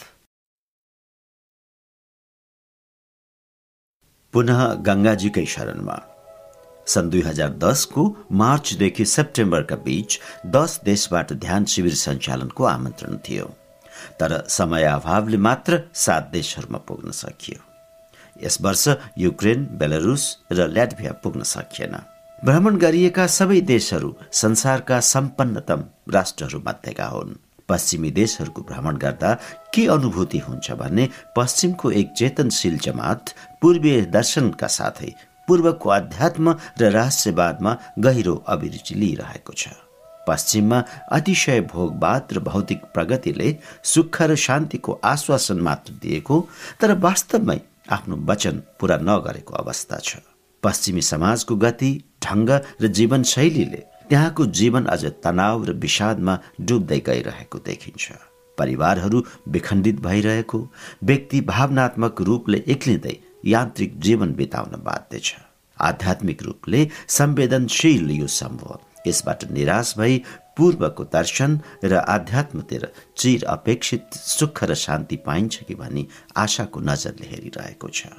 यता पूर्वीय देशमा के देखिन्छ भने भौतिकतामा आधारित पश्चिमी संस्कृति र त्यसले जन्माएको अन्ध उपभोगवादप्रति आकर्षण बढ्दो छ र परम्परागत रूपले चलिआइरहेका धार्मिक मान्यताहरूप्रति नवयुवक र बुद्धिजीवीहरूको आकर्षण घट्दो छ। यहाँको समाज अति धर्म र अवैज्ञानिक धर्मले त्यत्तिकै पीडित भएर पश्चिमको अन्त नक्कल गर्न खोजिरहेको छ। सबै दुखी छन् अशान्त छन् किनभने दुवैसँग जीवन जिउने कलाको आधी पाटो मात्र उपलब्ध छ। मनुष्यको सुख र शान्ति भौतिक र अध्यात्मको विवेकपूर्ण समन्वय या फ्युजनमा मात्र सम्भव छ। ओसोको यही सन्देश बोकेर पूर्व र पश्चिम गोलार्धमा मेरो यात्रा चलिरहेको छ। तर पूर्व र पश्चिमको विभाजन भौगोलिक मात्रै नभएर मनोवैज्ञानिक हुँदै गइरहेको देखिन्छ। पश्चिममा पनि यस्तो जमात तयार हुँदैछ जसले भन्न थालेको छ मात्र भौतिक उन्नतिले हामीलाई अपेक्षित सुख दिन सकेन। चलिआएको हाम्रै धर्मले हाम्रो आध्यात्मिक प्यास मेटाउन सकेन। यसैले उनीहरू तिब्बतीयन र जैन बुद्धिज्म उपनिषद वेदान्त र योगप्रति उत्सुक देखिन्छन्। अधिकांश पूर्वीय आश्रममा पश्चिमी शिष्यहरूको बाहुल्य देखिन्छ। उनीहरूले पूर्वीय संस्कृति र शिक्षणलाई सहयोग पनि पुर्याइरहेका छन्। पश्चिममा पूर्वीय दर्शनलाई सशक्त र आत्मविश्वासपूर्वक प्रस्तुत पहिलो व्यक्ति हुन् स्वामी विवेकानन्द। यसको सूत्रपात उनले सिकागोमा एघार सेप्टेम्बर अठार सय त्रियानब्बेमा भएको धर्म महासभामा हिन्दू धर्मको प्रतिनिधित्व गर्दै यसको उदार पक्षको वकालतमा आग्नेय प्रवचन दिएका थिए। उनका शब्द र व्यक्तित्वको तेजले उनको प्रसिद्धि फैलियो साथै हिन्दू धर्मको प्रतिष्ठा पनि बढ्यो। यसपालि शिविर लिने सिलसिलामा स्वामी विवेकानन्दले सिंहनाद गरेको सिकागोको आर्ट हलको दर्शन गर्न म गएँ र मनमनै स्वामीजीसँग तपाईँको जस्तै आत्मविश्वास गुरु भक्ति र आफ्नो सिद्धान्तमा आस्था अटल होस् भन्ने आशीर्वाद मागे। स्वामी विवेकानन्दले शरीर छाड्नु अघि उन्नाइस सय दुईमा भेलुर मठको शान्त गंगा किनारमा भविष्यका केही दृश्यहरू ध्यानमा देखेका थिए। उनले गरेका सबै भविष्यवाणी सत्य सिद्ध भएका छन्। त्यसमध्येको भविष्यवाणी हो अमेरिका जस्ता देशहरूले भौतिकताको शिखरमा पुगेर भौतिक समृद्धिले मात्र शान्ति र सुख दिन सक्दैन भन्ने शिक्षा पाउनेछन् र बिस्तारै अध्यात्मतिर लाग्नेछन् यता पचास वर्षभित्र भारत स्वतन्त्र हुनेछ र उसले बिस्तारै पश्चिमकै भौतिकवादलाई ग्रहण गर्नेछ। अमेरिका क्यानाडा र युरोपका जुन जुन सहरहरूमा मैले प्रवचन र ध्यान शिविर सञ्चालन गरेँ मैले र आयोजकहरूले सोचे भन्दा बढी मानिसहरू भेला भए। उनीहरूभित्र एक इमान्दार आध्यात्मिक अभिप्सा मैले देखेँ र मैले गहन साधनाका लागि ओसो तपोवन आउने निमन्त्रण दिएँ। जुन उनीहरूले अनुग्रहपूर्वक स्वीकार गरे। पश्चिमको हाम्रो यात्रामा हामीले प्रवासी नेपालीहरूबाट सधैँ चाहिँ सद्भाव र प्रेम पाएका छौं र नेपालबाट गएर सुदूर देशमा हामीले नेपालप्रति चाख लिने यति प्रेमी मित्र बनाएकोमा उनीहरूले पनि गौरव अनुभव गरेका छन्। पूर्व र पश्चिमलाई बुझ्ने अर्को दृष्टि पनि छ। त्यो हो अध्यात्मको दृष्टि। भारत तथा हिमाली क्षेत्रमा सत्य र आत्माको खोजमा कमसेकम दस हजार वर्षदेखि लाखौं व्यक्तिहरूले चेतनाको सर्वोच्च स्थिति प्राप्त गरेका छन्। पूर्ण रूपले आध्यात्मिक खोजमा समर्पित यति लामो समय र यति धेरै मानिसको अद्भुत सामूहिक प्रयासले एक विशाल ऊर्जाको शक्तिशाली क्षेत्र बनेको छ। यो क्षेत्र जीवन्त ऊर्जाको क्षेत्र हो जो विश्वका अन्य कुनै मुलुकमा पाइँदैन। सामान्यत पर्यटकीय आँखाले यसको शारीरिक ढाँचा मात्र देखिन्छ। यसको प्राणलाई अनुभूत गर्न सकिँदैन। यो स्पन्दित प्राणको अनुभूतिका लागि आध्यात्मिक संवेदनशीलता चाहिन्छ। पश्चिममा धेरै दिन बसेपछि त्यहाँको वातावरणमा आध्यात्मिक ऊर्जाको अभावले गर्दा पानीबाट बाहिर निकालेको माछा जस्तै मेरो मन आध्यात्मिक स्पन्दनको लागि छटपटाउन थाल्छ। दिनरात हिमालय र गङ्गाको स्मृति मनमा उब्जिन थाल्छ। त्यसैले पश्चिमको प्रत्येक यात्रापछि म पुनः पुनः गङ्गाजीकै शरणमा जाने गरेको छु। यसपालि पनि मास्कोबाट दिल्ली हुँदै सोझै केदारनाथ क्षेत्रमा पुगियो। केदारनाथबाट पैँतालिस किलोमिटर तल गुप्तकाशी नजिक मेरा मित्र स्वामी अवशेषानन्दजीको मन्दाकिनी किनारामा तपोवन भन्ने सानो सुन्दर आश्रम छ। त्यहाँ विभिन्न मुलुकबाट जम्मा भएका पैँसठी जना ओसु शिष्यहरू नौ दिनसम्म प्रवासमा थियौं। गंगा स्नान गंगाजल सेवन र गंगाजीको दर्शन तथा गंगा तटमै साधना हाम्रो दिनचर्या रह्यो। त्यहाँ प्राप्त आध्यात्मिक अनुभूतिलाई म शब्दमा बान्न असमर्थ छु। जुन आनन्द र विश्रान्ति न्युयोर्कको टाइम्स स्क्वायरमा वैभवशाली सेन्ट्रल लन्डनको व्यस्त गल्लीमा। मास्को रेड स्क्वायर तथा ओन्टारियोको गगनचुम्बी टावरमा पाइएन। त्यो गङ्गाजीको बालुवामा पल्टिएर सहजै पाइयो। नवसन्यासको अवधारणा। निष्काम कर्मयोगीले सम्पूर्ण कर्महरू गर्दै अविनाशी पद प्राप्त गरोस्। यो भगवत गीताको साहसी परिकल्पना हो। यही परिकल्पनाले गीतालाई अनुपम शास्त्र बनाएको छ। यस विषयमा ओशोले पहिलोचोटि व्यापक रूपले सन्यासलाई संसारको बीचमा ल्याएर यो परिकल्पनालाई साकार गर्नु भएको छ। निश्चय नै गीताको यो परिकल्पना जति महत्वपूर्ण छ उति नै दुस्साहसपूर्ण पनि छ। ओशो भन्नुहुन्छ सन्यास बिनाको संसार जति सतै छ त्यति नै संसार बिनाको सन्यास पनि छ। सन्यासी जो संसारलाई त्यागेर सन्यासी हुन्छ त्यो पङ्गु हुन्छ लङ्गडो हुन्छ आधा हुन्छ। यदि कसैलाई संसार छाड्नुपर्छ छोड्न योग्य लाग्छ भने उसका लागि परमात्मा पूर्ण रूपमा स्वीकार्य छैन भन्ने बुझिन्छ। उसलाई संसार छाड्ने आफ्नो चिन्तन र निर्णय परमात्मा भन्दा पनि श्रेष्ठकर लाग्यो भन्ने ठहरिन्छ। एउटा कुरा पक्का हो कि मानिसले संसार छाडेर सन्यास लिएको भए पनि परमात्माले अहिलेसम्म संसार छाडेर सन्यास लिएको छैन। संसार व्यर्थ छ त्यागीहरू भन्दै जान्छन् तर परमात्मालाई उनीहरूको त्यो उडन्ते कुरासँग खासै मतलब छैन। उसले संसार बनाउँदै लगेको छ। ऊ यो खेलबाट थाकेको छैन विरत छैन। जुन आनन्दले ऊ अहिले सृजन गरिरहेको छ त्यही आनन्दले उसले विगतमा सृजन गरेको थियो। र भविष्यमा पनि गर्नेछ। उसको जोस र जागरमा एक थोप्पा कमी आएको छैन। जसले संसारको त्याग सिकाउँछन् उनीहरू अप्रत्यक्ष रूपमा परमात्मालाई पनि छाड भनी सिकाइरहेका हुन्छन्। त्यसको मतलब बनाउनेलाई स्वीकार गर तर उसले जो बनाएको छ त्यसलाई अस्वीकार गर भन्नु झै हो। कविताको निन्दा अनि कविको प्रशंसा कसरी सम्भव छ? कवि कविताकै कारणले कवि हुन्छ। ऊ काव्यमै प्रकट भएको हुन्छ ऊ भित्रको महिमायुक्त स्वर र आफ्नै प्राणको गीतलाई पङ्क्तिबद्ध गरेर। रविन्द्रनाथको गीताञ्जलीलाई मिल्खाएर रविन्द्रनाथको गुणगान र स्तुति गर्न असङ्गत हुन जान्छ। तर गीताञ्जलीमा उनकै हृदय छ उनकै हस्ताक्षर छ। वस्तुत हरेक कविताबाट कविको काव्य धर्म अरू निखारिन्छ। स्वभावत कवि सदा आफ्नो कविताभन्दा ठुलो हुन्छ किनभने कविता त उसको अनन्त सम्भावनाहरू मध्येको एक हो। फेरि परमात्मा किन स्वीकृत छ? यदि उसको सृष्टि स्वीकार्य छैन भने? संसारका अतिरिक्त हामीले परमात्माको छवि कहीँ देखेका पनि छैनौँ। यदि यो संसार रहेन भने के हामीमा परमात्माको सोच पनि पैदा हुन सक्छ? संसारमै त हामी उसको आभास पाउँछौँ उसको छाया देख्छौँ उसको प्रतिबिम्ब समात्छौँ। हाम्रा सामु परमात्मा यो संसारलाई आफ्नो दर्पण बनाएर उपस्थित छ जसको प्रारम्भिक झलक हामी यही संसारमा पाउँछौँ। भले यो झलक साफ छैन अस्पष्ट छ तर यस संसार अतिरिक्त उसको प्रतीति पाउने अरू कुनै ठाउँ छैन। संसारलाई छाडेर सन्यास सजिलो लाग्न सक्छ तर यसले वास्तविक समस्याको हल हुन सक्दैन। संसार छाडे जाने सन्यासीको जीवनमा एक सरलता त आउला तर त्यो सरलता त्यति प्रशंसायोग्य छैन। किनभने त्यस्तो सरलता अनुभवद्वारा खादिएको पाकेको हुँदैन। संसारको भट्टीबाट गुज्रिएको हुँदैन। त्यो सरलता सानो बालकको जस्तो हुन्छ। सच्चा सन्तको जस्तो हुँदैन। सानो बालक सरल हुन्छ। त्यो सरलता उसले अर्जेको होइन। जीवनको अनुभवको अभावले गर्दा उसमा स्वत देखिएको मात्रै हो। भोलि जीवनका अनुभवले उसको चित्तको स्लेटमा लेखिदिने सिधा तेर्सा र वक्र धर्काहरूका कारण त्यो सरलता स्वत तिरोहित हुनेछ। त्यो सरलतालाई जोगाउन उनीहरू असक्षम हुन्छन् किनभने त्यो होसपूर्ण हुँदैन अचेतन हुन्छ। त्यस्तै संसार छाडेका अधिकांश व्यक्तिहरूमा बालपनको जस्तो सरलता देख्न सकिन्छ। तर त्यो संसारमा गए कुनै बेला पनि डगमगाउन सक्छ। त्यो काँचो वैराग्य हो।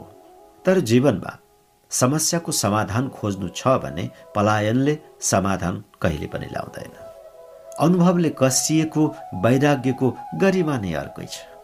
त्यसको गुण सौन्दर्य र आनन्द नै अर्कै हुन्छ। एउटा रुखबाट तोडिएको फल हो भने अर्को पाकेर आफै झरेको फल हो।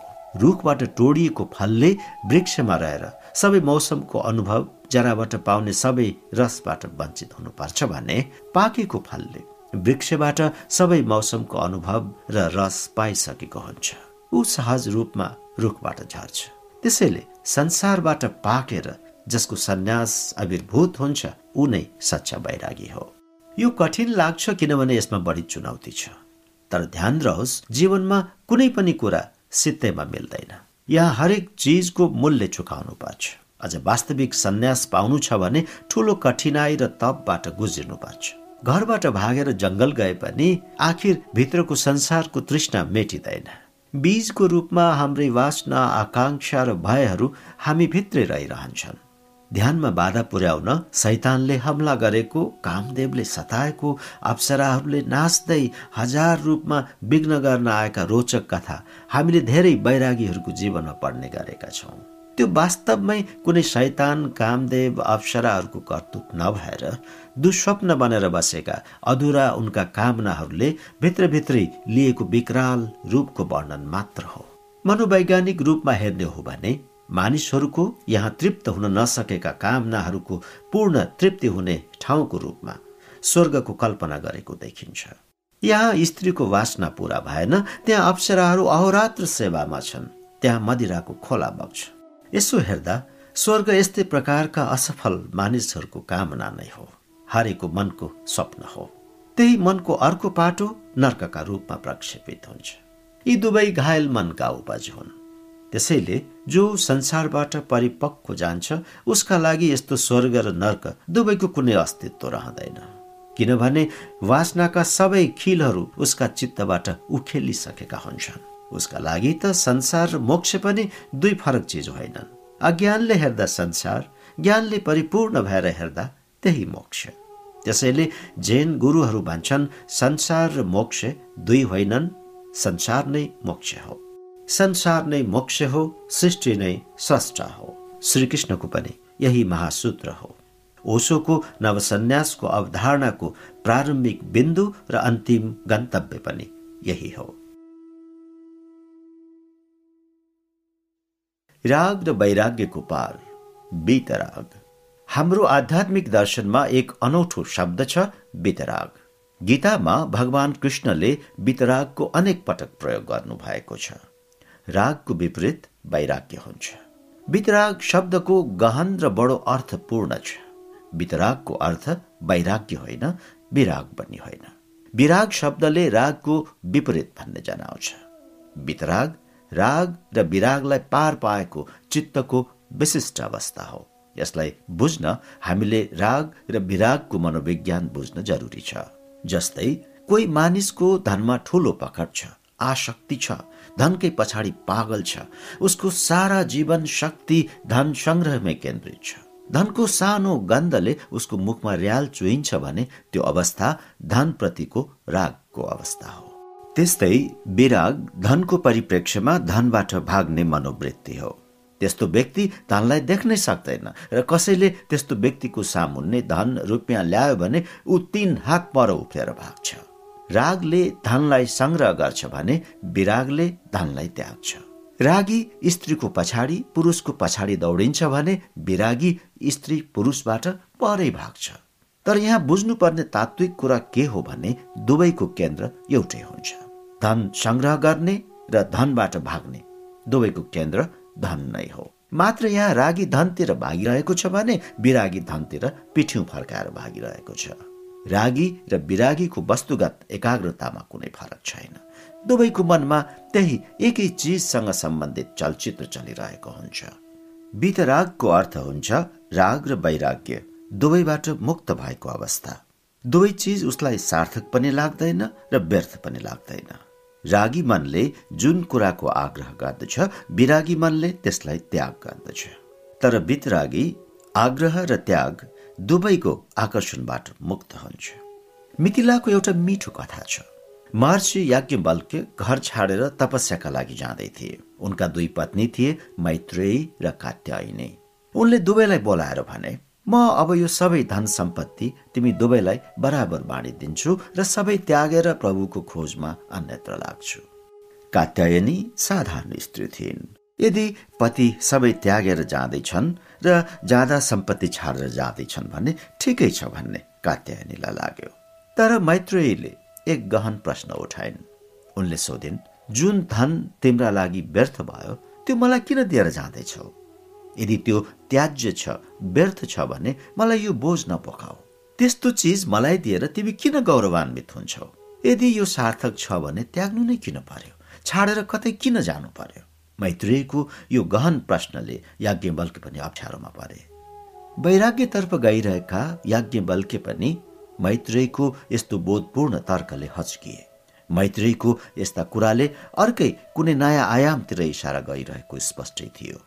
त्यो आयाम थियो वितरागको वितरागको अर्थ हो आसक्तिबाट पारको अवस्था। तर यसको अर्थ विरक्त भने होइन। विरक्त आसक्तिको विपरीत अवस्था हो तर यसबाट पनि परको मुक्तिको अवस्था भने होइन। आशक्ति द्वन्द्वको एक अवस्था हो भने विरक्ति त्यसको एक सय अस्सी डिग्री विपरीतको अवस्था हो। दुवैमा द्वन्द्व भने कायमै रहन्छ। यस्तो अवस्थामा मानिस एक अवस्थाबाट बस्न एक द्वन्द्वबाट अर्को द्वन्द्वतिर हाम फाल्छ तर उसको चित्त द्वन्द्वातीत हुन भने कहिल्यै सक्दैन। वितराग भनेको द्वन्द्वातीत अवस्था हो। वितराग अवस्थामा कुनै वस्तु आफूसँग होस् या टाढा होस् कुनै फरक पर्दैन। बुद्धले भन्नुभएको छ रागको अर्थ हो आफन्त प्रियजन घर आउँछन् सुखद लाग्छ तर कुनै अप्रियजन घर आयो भने दुःख लाग्छ। मित्र घरबाट जान्छ भने दुःख लाग्छ शत्रु घरबाट जान्छ भने सुख लाग्छ। शत्रुका प्रति सबै वैरागी हुन्छन् भने मित्रका प्रति सबै रागी हुन्छन्।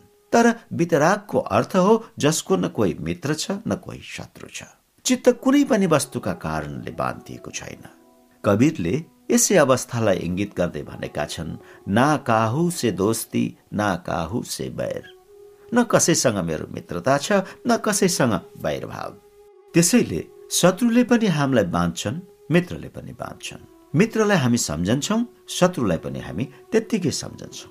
साँच्चै भन्ने हो भने शत्रुको याद हामीलाई अलि बढी आउँछ। मित्रहरूलाई भुल्न सजिलो छ शत्रुलाई भुल्न कठिन छ। रागलाई भुल्न सजिलो छ वैराग्यलाई भुल्न गाह्रो छ। प्रेमलाई भुल्न सजिलो छ घृणालाई भुल्न गाह्रो छ। साधारणत हामीले जीवनमा सिक्ने त्याग पनि त्यही वैराग्यकै अवस्था हो। हामीले हाम्रा वरिपरि देख्ने अनेकानेक त्यागी धार्मिक व्यक्तिहरूको जीवन। यही वैराग्यको सानो हाँगामा अल्झेको पाउँछौँ।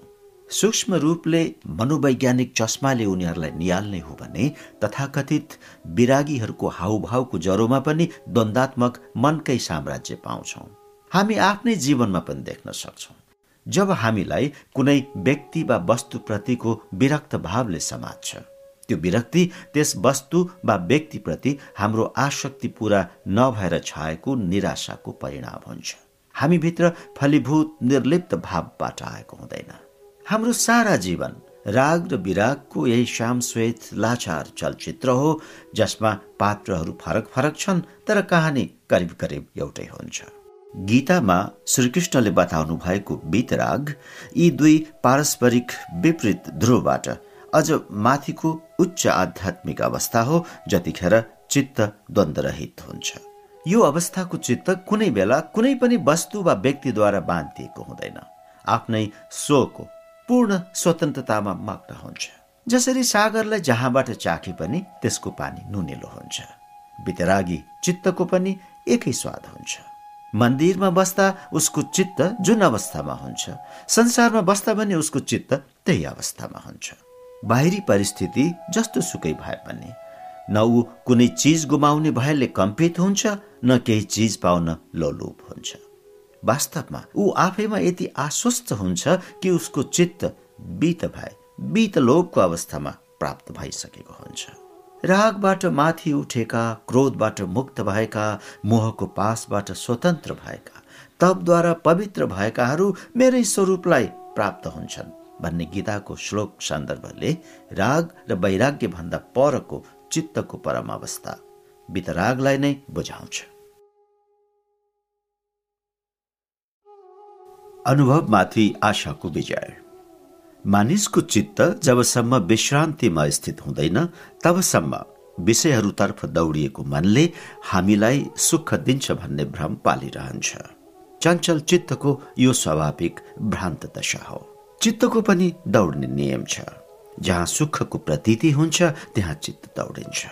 र जहाँ दुःख छ त्यहाँ ऊ दौड्न मान्दैन जसरी पानी खाल्डातिर बग्छ त्यसै गरी चित्त सुखतिर दौडिन्छ।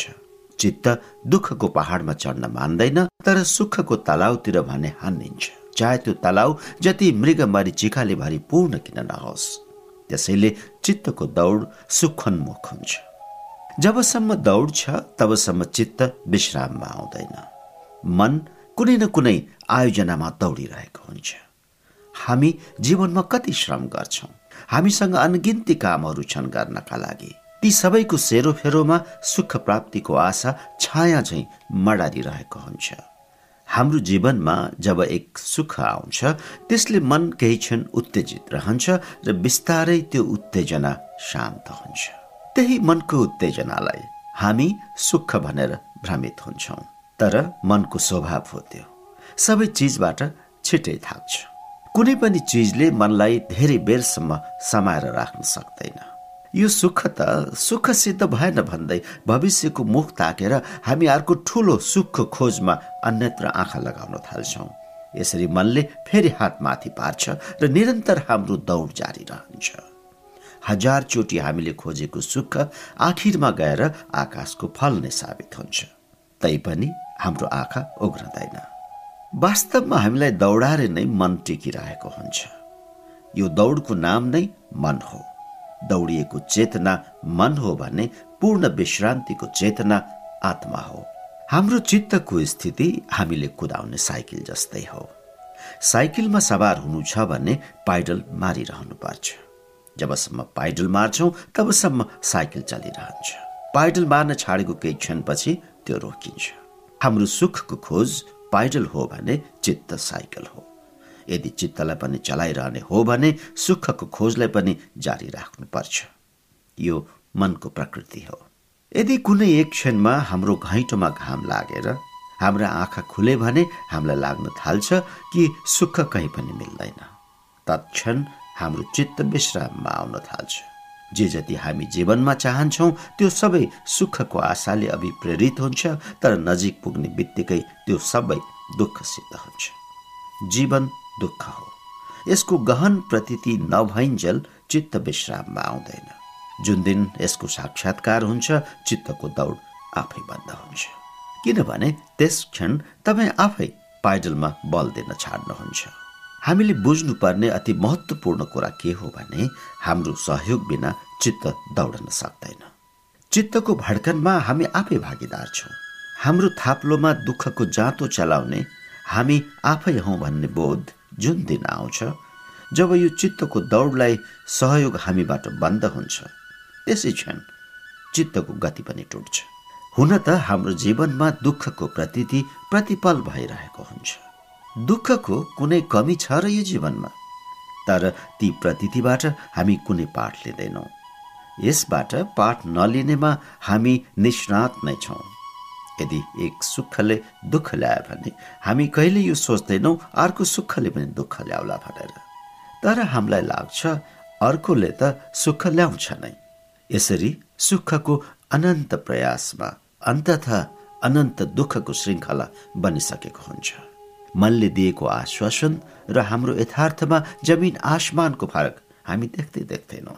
प्रत्येक जन्मको यही कथा हो। अगाडिको जन्मको त कुरै छाडौँ। यही जन्मको पनि लाखौँ चोटि हामीलाई यही अनुभव छ तर लाग्छ मानिस अनुभवबाट शिक्षा लिने प्राणी होइन। निरन्तर भूल माथि भूल गरिरहन्छु। तर गजबको कुरो के छ भने हामीले हिजो भूल गरेका थियौँ आज पनि गर्छौँ। तर अझ कुशलताले। भूलबाट मानिसले सिकेको एउटै मात्र कुरा हो फेरि भूल गर्ने कुशलता हामी हाम्रो मनबाट दुई स्थिति मात्र पैदा गर्छौँ गलत गर्ने अभ्यास र त्यसमा कुशलता। जबसम्म हामी मनको यो आत्मघातक बठ्याइबाट वास्तवमै सचेत हुँदैनौँ तबसम्म चित्तमा विश्रान्ति ल्याउने कुनै पनि प्रयास सफल हुँदैनन्। कृष्णले गीतामा भनेका छन् जबसम्म चित्त योग र ध्यानबाट विश्रान्ति प्राप्त गर्दैन तबसम्म जीवनको दुःखको अन्त हुँदैन। बुद्ध पनि आफ्नो आर्य सत्यद्वारा यही सत्य प्रतिपादित गर्छन्। गीता र बुद्ध वचनको अभिव्यक्ति मात्र अलग ढङ्गको हो निष्कर्ष एउटै हो। गीताका सात सय श्लोकको सार बुद्धले आफ्ना चार आर्य सत्यमा खिचेका छन्। जीवन दुःख हो भन्ने अनुभव हामीले जीवनभरि नै अनेकचोटि गरिरहेका हुन्छौँ। तर हाम्रो अनुभवलाई हाम्रो मनको आशाले जितिदिन्छ। उसले निरन्तर भनिरहन्छ अहिले त दुःख भयो तर पछि हामीले चाहेको जस्तो परिस्थिति बनाउन सके हामी अवश्य नै सुखी हुन्छौँ। हामीले चाहेको जस्तो परिस्थिति न कहिले बन्छ न हामी कहिले सुखी हुन्छौँ। तर मनको आशा थाक्दैन र ऊ फेरि भविष्यमा सुखको आयोजना गर्न थाल्छ। हाम्रो जीवनको अनुभवमाथि सधैँ आशाको विजय हुन्छ। त्यही आशा नै मन हो जसले हामीलाई कहिल्यै विश्राम दिँदैन। जबसम्म जीवनको अनुभवमाथि आशाले जितिरहन्छ तबसम्म हामी संसारको चक्रमा घुमिरहन्छौँ। यसलाई नै बुद्धले जीवन चक्र भने र सारनाथको अशोक चक्र भारतले आफ्नो राष्ट्रिय झण्डाको मध्यमा हालेर विजयको प्रतीक बनाइयो। त्यो वास्तवमा मनुष्यको आशाको पराजयको प्रतीक हो। जुन क्षण जीवनमा बारम्बार हुने यस पराजयको गहन अनुभूति यानि कि रियलाइजेसन हुन्छ त्यही क्षण सन्यासको हो सच्चा वैराग्यको हो र जीवनको दुष्चक्रबाट मुक्तिको हो। समय र जगतको रहस्य। यी पंक्तिहरू म अमेरिकाबाट लेख्दैछु। निम्न दुई चिज बाहेक अमेरिकामा सबै चिज छ। एक हो समय अमेरिकामा बस्ने कसैसँग पनि समय छैन। यहाँ धेरै सुख र सुविधाहरू उपलब्ध भइसकेका छन् तर त्यसलाई उपभोग गर्न र त्यसको आनन्द लिने समय भने कसैसँग छैन। दोस्रो अमेरिकामा नभएको कुरा हो ध्यान। ध्यान नभएकोले सुविधा जति जति बढ्दै गइराखेको छ त्यत्तिकै यहाँको जीवन जटिल तनावग्रस्त एकाङ्गी र कठिन हुँदै गइराखेको छ। एक सय वर्ष अघिसम्म दुनियाँमा यो भ्रम थियो। मनुष्यको दुःखको कारण अशिक्षा र गरिबी हो। अहिले पनि गरिब देशहरूमा यस्तै सोचाइ छ। अशिक्षा र गरिबी दूर हुनासाथ हाम्रो सारा दुःख दूर हुन्छ। यो धारणा अनुरूप धेरै गरे पनि नतिजा त्यस्तो नदेखिएकोले युरोप र अमेरिकामा यो गलत सिद्ध भइसकेको छ। यहाँ शत प्रतिशत साक्षरता छ भौतिक सम्पदा विलासिता र मनोरञ्जनका साधनहरू बढ्दै गइराखेका छन्। तर जीवन यसले सुखी र सन्तुष्ट हुन सकेको छैन।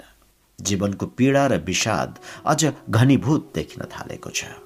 समृद्ध देशका मान्छे गरिब देशका भन्दा बढी पागल हुन्छन् डिप्रेसन र अनिद्राले ग्रसित हुन्छन्। यसले के सिद्ध हुन्छ भने दुःख गरिबी र अशिक्षामा छैन। दुःख मनुष्यको चेतनामै छ। र त्यो दुखी चेतनालाई परिवर्तन नगरेसम्म बाहिरी परिस्थितिको परिवर्तनले मात्र मनुष्यको दुःखको अन्त्य हुने छैन। हुन त आज एक्काइसौँ शताब्दीमा सारा जगत नै समयबाट पीडित छ। एकचोटि विचार गरौँ त। समय भनेको के हो?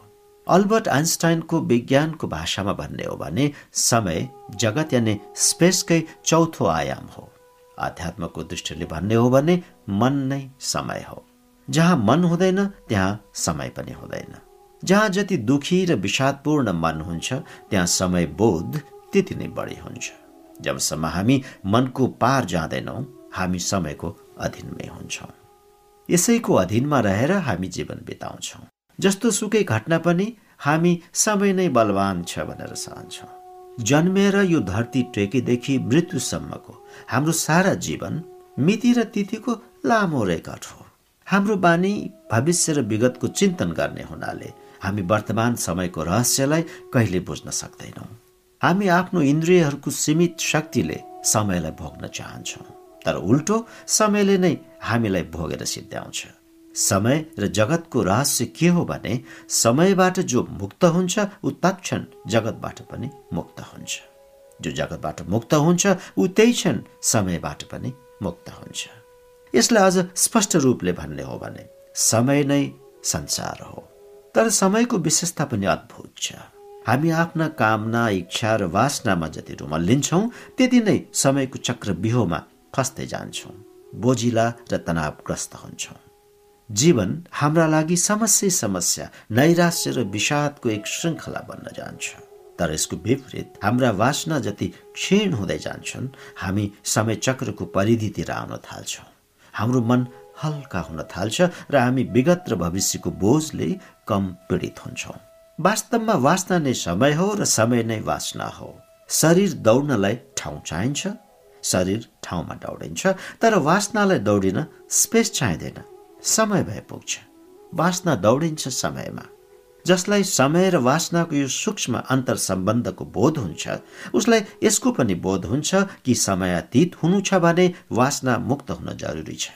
जो वासना मुक्त छ उसले मात्र समयातीत नित्यको बोध गर्न सक्छ। जब जिससलाई सोधियो तपाईँको परमात्माको राज्य कस्तो छ? उनले परमात्माको राज्यको बारेमा कुनै ठूलो भाषण गरेनन् बरु उनले परमात्माको राज्यको एक गहन लक्षण बताए। त्यहाँ समय हुँदैन। In the kingdom of God the shall be no time यो अति महत्वपूर्ण कुरा हो किनभने जबसम्म मन हुन्छ परमात्माको राज्यमा प्रवेश नै हुँदैन। र मन हराउन साथ समय त्यसै हराउँछ। त्यसै कारणले महावीरले ध्यानलाई समाएकी भने। यसको अर्थ हो समयबाट पार जाने उपाय।